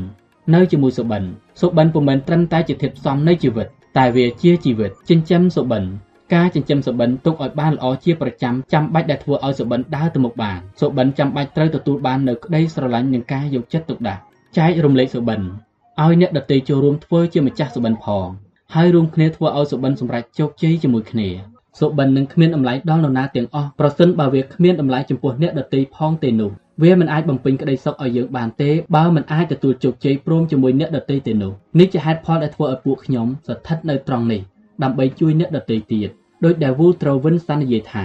យើងពុំមែនមកទីនេះដើម្បីគ្រាន់តែមានជីវិតរស់នៅប៉ុណ្ណោះទេតែយើងនៅដើម្បីធ្វើឲ្យលោកនេះកាន់តែសម្បូរបែបមានទស្សនៈកាន់តែទូលំទូលាយដោយទឹកចិត្តល្អប្រពៃប្រកបដោយក្តីសង្ឃឹមនិងការសម្រេចជោគជ័យ យើងមកទីនេះដើម្បីធ្វើឲ្យលោកទាំងមូលល្អប្រសើរឡើងការភ្លេចទូនាទីនេះវានឹងធ្វើឲ្យរូបយើងអាប់អោនតម្លៃតើយើងឆ្លើយដូចម្ដេចទៅនឹងសំណួរពីរភាពសំខាន់មានសុភាសិតបុរាណនៃបូព៌ាប្រទេសពោលថាពេលកើតយើងស្រែកយំតែពិភពលោកត្រេកអរបន្ទាប់មកពេលប្រើជីវិតរហូតដល់ថ្ងៃស្លាប់ពិភពលោកនឹងស្រែកយំតែយើងត្រេកអរសុភាសិតបុរាណនេះពិតកម្រិតណាអាស្រ័យនៅត្រង់ថា តើយើងឆ្លើយតបនឹងសំណួរពីភាពសំខាន់នេះដូចម្ដេចនៅដើមចម្ពោះខ្ញុំបានលើកពីសិភៅ Hall Time ដែលក្នុងសិភៅនេះ Bob Buford បានដាក់ជាសំណួរថាពេលអ្នកធ្វើឲ្យសុបិនคล้ายជាការពិតហើយ50ឆ្នាំ100ឆ្នាំឬ500ឆ្នាំទៅមុខទៀតតើមានអ្វីផ្លាស់ប្ដូរដែរឬទេសុបិនរបស់បុគ្គលដែលខ្ញុំលើកឡើងក្នុងចម្ពោះនេះសុទ្ធតែជាផលប៉ះពាល់ដល់លោកទាំងមូល Wilberforce អ្វីត្បិតតែបាត់បង់ជីវិតជាង175ឆ្នាំទៅហើយ តែផលនៃសុបិនរបស់គេនៅតែមានអត្ថិភាពនៅឡើយបើសុបិនរបស់យើងគ្មានប្រយោជន៍ដល់អ្នកដទៃនោះវាគ្រាន់តែជារឿងផ្ទាល់ខ្លួនប៉ុណ្ណោះហើយវានឹងរលាយបាត់ទៅក្រោយពីយើងលាចាកលោកនេះត្រឹមតែ5នាទីប៉ុណ្ណោះតើសុបិនដែលយើងកំណត់ទុកមានលក្ខណៈដូចម្ដេចតស៊ូដើម្បីរស់ខំប្រឹងខ្នះខ្នែងដើម្បីជោគជ័យឬព្យាយាមចង់ក្លាយជាបុគ្គលសំខាន់អ្វីអ្វីគ្រប់យ៉ាងស្ថិតនៅលើជំរើសរបស់យើងតើយើងលះបង់ជីវិតដល់សុបិនបែបណាយើងមុខជាធ្លាប់លើពំណូលថាមួយថ្ងៃមួយថ្ងៃអាចសាងភាពខុសគ្នាបាន ដែលយើងគ្រប់គ្នាក៏យល់ស្របព្រោះថ្ងៃដែលយើងកើតរៀបការមានឱកាសឬសោកសៅអាចធ្វើឲ្យជីវិតយើងផ្លាស់ប្ដូរយ៉ាងពិតប្រាកដប៉ុន្តែខ្ញុំគិតថាយើងអាចនិយាយបានថាសុបិននីមួយៗអាចបង្កើតភាពខុសប្លែកគ្នាបានព្រោះអ្នកដែលមានសុបិនដ៏អស្ចារ្យនោះតែងផ្លាស់ប្ដូរលោកនេះបានបើយើងឆ្លើយតបនឹងសំណួរពីភាពសំខាន់បានមិនថាយើងឬមនុស្សនៅជុំវិញយើងមុខជាគ្មានថ្ងៃដូចដើមតទៅទៀតទេសុបិនពិតជាអស្ចារ្យណាស់តើយើងនឹងឆ្លើយសំណួរអំពីភាពសំខាន់បានហើយឬនៅ តើសុបិនរបស់យើងមានប្រយោជន៍ដែរឬទេតើយើងស្គាល់ខ្លួនឯងបានច្បាស់ក្នុងកំឡុងពេលណានៃជីវិតតើយើងបានត្រឹមតែមួយរស់មែនទេបើដូច្នេះមែនដល់ពេលយើងត្រូវដកខ្លួនចេញដើម្បីស្វែងរកជ័យជំនះហើយយើងមិនអាចផ្ដល់នៅអ្វីដែលខ្លួនឯងគ្មាននោះទេចូលសាងបច្ច័យគ្រឹះដើម្បីក្លាយជាអ្នកឲ្យដោយធ្វើឲ្យកិច្ចការសំខាន់ចំពោះខ្លួនឯងជាមុនបើនៅមិនទាន់បានដេញតាមសុបិននៅឡើយទេសូមចាប់ផ្ដើមពីពេលនេះតែម្ដងទៅតើយើងទទួលជោគជ័យហើយឬនៅ បើទទួលជោគជ័យហើយនោះគឺយើងកំពុងចូលទៅចិត្តដល់ចំណុចដែលត្រូវជ្រើសរើសថាតើធ្វើដើម្បីខ្លួនឯងឬធ្វើដើម្បីអ្នកដទៃផងដែរតើយើងពង្រីកសុបិនដើម្បីប្រមូលអ្នកដទៃឲ្យមកចូលរួមក្នុងសុបិននោះដោយវិធីណាតើត្រូវធ្វើយ៉ាងណាដើម្បីឲ្យអ្នកទាំងនោះបានប្រយោជន៍ពីអ្វីដែលយើងទទួលបានជោគជ័យនោះយើងកំពុងព្យាយាមធ្វើជាមនុស្សសំខាន់មែនទេបើដូច្នេះមែនគឺដល់ពេលត្រូវពុះពៀដែលឆ្ពោះទៅកាន់ដំណាក់កាលបន្ទាប់ហើយមនុស្សតែម្នាក់ជាចំនួនតិចពេកហើយដើម្បីសម្រេចជោគជ័យរឿងធំ ត្រូវសុបិនឲ្យធំហើយរួមសហការជាមួយអ្នកដទៃឲ្យអ្នកដទៃចូលរួមសុបិនជាមួយយើងវានឹងធ្វើឲ្យគ្រប់គ្នាកាន់តែមានតម្លៃឡើងមួយកម្រិតទៀតនឹងធ្វើឲ្យកើតប្រយោជន៍ដល់មនុស្សកាន់តែច្រើនចំពោះរឿងដែលកាន់តែសំខាន់តើអ្វីទៅដែលយើងមានអារម្មណ៍ថាព្រមលិខិតកំណត់ឲ្យធ្វើតើយើងមានសមត្ថភាពលើអ្វីខ្លាំងបំផុតឬទេហើយតើយើងបន្ថែមគុណតម្លៃដល់អ្នកដទៃបានច្រើនកម្រិតណាក្នុងជីវិតរបស់យើងសរុបសេចក្តីងាកក្រោយដើម្បីសម្លឹងទៅមុខ ក្នុងឆ្នាំ1969ខ្ញុំចាប់ផ្ដើមមានសុបិនដើម្បីធ្វើឲ្យជីវិតអ្នកដទៃមានការផ្លាស់ប្ដូរ10ឆ្នាំបន្ទាប់ពីមានទស្សនវិស័យដូចនេះមកខ្ញុំបានត្រឡប់មកគិតថាតើខ្លួនឯងទទួលបានជោគជ័យក្នុងរឿងអ្វីខ្លះគួរឲ្យចម្លែកណាស់រឿងដំបូងដែលខ្ញុំជួបគឺ សុបិនក្នុងការជួយអ្នកដទៃរបស់ខ្ញុំក៏បានជួយខ្លួនឯងវិញដែរខ្ញុំបានមើលត្រឡប់ទៅក្រោយហើយរកឃើញរឿងសំខាន់សំខាន់ដូចតទៅសុបិនជួយឲ្យខ្ញុំមានការបដិញ្ញាចិត្តមោះមុតគ្រប់ពេលដែលខ្ញុំរអិលចេញពីគោលដៅដែលកំណត់ទុកសុបិននឹងធ្វើឲ្យខ្ញុំវិលងាកមករកផ្លូវត្រូវវិញសុបិនជួយឲ្យខ្ញុំពង្រីកព្រំដែនរបស់ខ្លួនឲ្យទូលាយជាធម្មតាខ្ញុំចូលចិត្តធ្វើអ្វីដែលកក់ក្ដៅថាមានសុវត្ថិភាពតែសុបិនបាននាំខ្ញុំចេញពីចំណុចនោះឆ្ពោះទៅដល់ស្រ័យចំណោទថ្មីថ្មីដើម្បីបានរីកចម្រើនបន្តទៀត សុបិនជួយឲ្យខ្ញុំហ៊ានលះបង់កាលបើរង្វាន់នៃជោគជ័យមានតម្លៃខ្ពស់សុបិននឹងជួយជំរុញឲ្យខ្ញុំហ៊ានចំណាយដើម្បីឲ្យវាចាំដាស់តឿនខ្ញុំថាគ្មានផ្លូវកាត់ឆ្ពោះទៅកាន់ជោគជ័យឡើយសុបិនជួយឲ្យខ្ញុំខិតខំជាយាមពេលគិតដល់សុបិន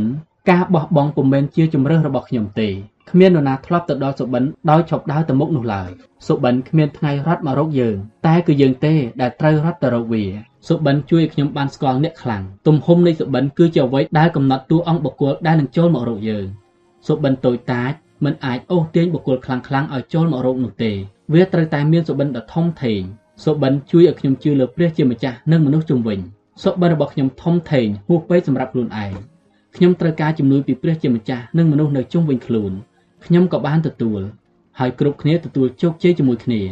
សុបិនធ្វើឲ្យកើតរឿងទាំងអស់នេះចំពោះអ្នកបានដូចគ្នាតែអ្នកត្រូវយកសុបិនមកពិសោធន៍ហើយត្រូវឆ្លើយឲ្យបាននៅគ្រប់សំណួរផងដែរដោយអ្វីដែលអ្នកបានឃើញហើយថាក្នុងចម្ពោះនីមួយៗខ្ញុំតែងរៀបរាប់លើកយកបុគ្គលជោគជ័យណាម្នាក់ដែលការធ្វើដំណើររបស់គេអាចឆ្លើយតបនឹងសំណួរដែលខ្ញុំបាននិយាយក្នុងចម្ពោះនោះជានិច្ចខ្ញុំសង្ឃឹមថា លោកអ្នកនឹងបានទទួលប្រយោជន៍ពីរឿងរ៉ាវទាំងអស់នោះប៉ុន្តែតាមពិតខ្ញុំអាចលើកយករឿងរបស់ពួកគេទាំងនោះមកដាក់ឆ្លាស់គ្នាដើម្បីធ្វើជាឧទាហរណ៍ក្នុងចម្ពោះមួយណាក៏បានហេតុអ្វីក៏ដូច្នេះព្រោះបើយើងសួរទៅម្ចាស់រឿងរ៉ាវទាំងអស់នោះដោយសំណួរទាំង10នេះពួកគេតែងតែអាចឆ្លើយបានទាំងអស់ប្រកបណាស់យើងសាកល្បងពិនិត្យមើលសំណួរទាំង10នោះម្ដងទៀតមួយសំណួរអំពីភាពជាម្ចាស់តើសុបិននោះជារបស់យើងពិតមែនឬ2សំណួរអំពីភាពជាក់លាក់តើយើងឃើញរូបភាពនៃសុបិនជាក់លាក់ដែរឬទេ3 សំណួរអំពីភាពពិតជាក់ស្ដែងតើយើងអាចគ្រប់គ្រងបច្ច័យផ្សេងផ្សេងដែលធ្វើឲ្យសុបិននោះសម្រេចដល់គោលដៅបានដែរឬទេ4សំណួរអំពីបំណងប្រាថ្នាតើសុបិននោះជំរុញឲ្យយើងខំស្វះស្វែងរកដែរឬទេ5សំណួរអំពីមាគ៌ាដែលត្រូវដើរតើយើងមានយុទ្ធសាស្ត្រឆ្ពោះទៅរកសុបិនហើយឬនៅ6សំណួរអំពីមនុស្សតើមានមនុស្សចាំបាច់សម្រាប់សុបិននោះហើយឬនៅ7សំណួរអំពីការចោះទុនតើយើងពេញចិត្តចោះទុនដើម្បីសុបិនដែរឬទេ8 សំណួរអំពីការខំប្រឹងប្រែងតើយើងខិតទៅចិត្តសុបិនដល់កម្រិតណាហើយ9សំណួរអំពីការបំពេញក្តីសុខឲ្យជីវិតតើការធ្វើដំណើរទៅរកសុបិនធ្វើឲ្យយើងមានក្តីសុខដែរឬទេ10សំណួរអំពីភាពសំខាន់តើសុបិនរបស់យើងមានប្រយោជន៍ចំពោះអ្នកដទៃដែរឬទេមនុស្សគ្រប់រូបតែងតែមានសុបិនរបស់ខ្លួនគ្រប់គ្នាឃើញសុបិននោះយ៉ាងច្បាស់លាស់ពួកគេប្រើភាពប៉ិនប្រសពនឹងទេពកោសលដែលខ្លួនមានខំប្រឹងព្យាយាមយ៉ាងអស់ពីសមត្ថភាព រួមទាំងបច្ច័យផ្សេងផ្សេងដែលខ្លួនអាចគ្រប់គ្រងបញ្ជាបានដើម្បីដេញតាមសុបិនម្នាក់ម្នាក់សុទ្ធតែមានធម៌ពលនៃសេចក្តីប្រាថ្នាដែលជំរុញឲ្យដេញតាមសុបិននោះជាបន្តបន្ទាប់ម្នាក់ម្នាក់មានផែនការដើម្បីសម្រេចជោគជ័យខំប្រឹងប្រែងពុះពៀយ៉ាងស្វាហាប់ហើយបានជួបនឹងការបំពេញក្តីសុខផ្លូវចិត្តនៅតាមផ្លូវធ្វើដំណើរដើម្បីសម្រេចឲ្យសុបិនខ្លាយជាការពិតទីបំផុតជាប់រហូតតាមផ្លូវដែលធ្វើដំណើរនោះមនុស្សគ្រប់រូបត្រូវព្យាយាមបំពេញប្រយោជន៍ដល់អ្នកដទៃផងពុំមែនរកតែប្រយោជន៍ផ្ទាល់ខ្លួនទេ ខ្ញុំរំលឹករឿងទាំងនេះសារជាថ្មីព្រោះចង់បញ្ជាក់បន្ថែមថាបើអ្នកប្រាថ្នាចង់ធ្វើឲ្យសុបិនខ្លាចជាការពិតការឆ្លើយតបនឹងសំណួរបានត្រឹមតែមួយឬពីរនោះមិនទាន់គ្រប់គ្រាន់ឡើយកាលបើចម្លើយរបស់អ្នកថាពិតកាន់តែច្រើនកម្រិតណាឱកាសដែលនឹងទទួលជោគជ័យក៏កាន់តែច្រើនតាមនោះដែរពិតណាស់ថាការទទួលជោគជ័យតាមសុបិនជារឿងដ៏ល្អព្រោះពេលដែលអ្នកបានសម្រេចជោគជ័យពិភពលោកទាំងមូលនឹងក្លាយជាទីកន្លែងដែលកាន់តែគួរឲ្យចង់រស់នៅ។ អរគុណសម្រាប់ការគាំទ្រនេះជាមួយនឹងការបរិច្ចាគប្រចាំខែបន្តិចបន្តួចដើម្បីជួយទ្រទ្រង់ព្រឹត្តិការណ៍នាពេលអនាគតសូមអរគុណ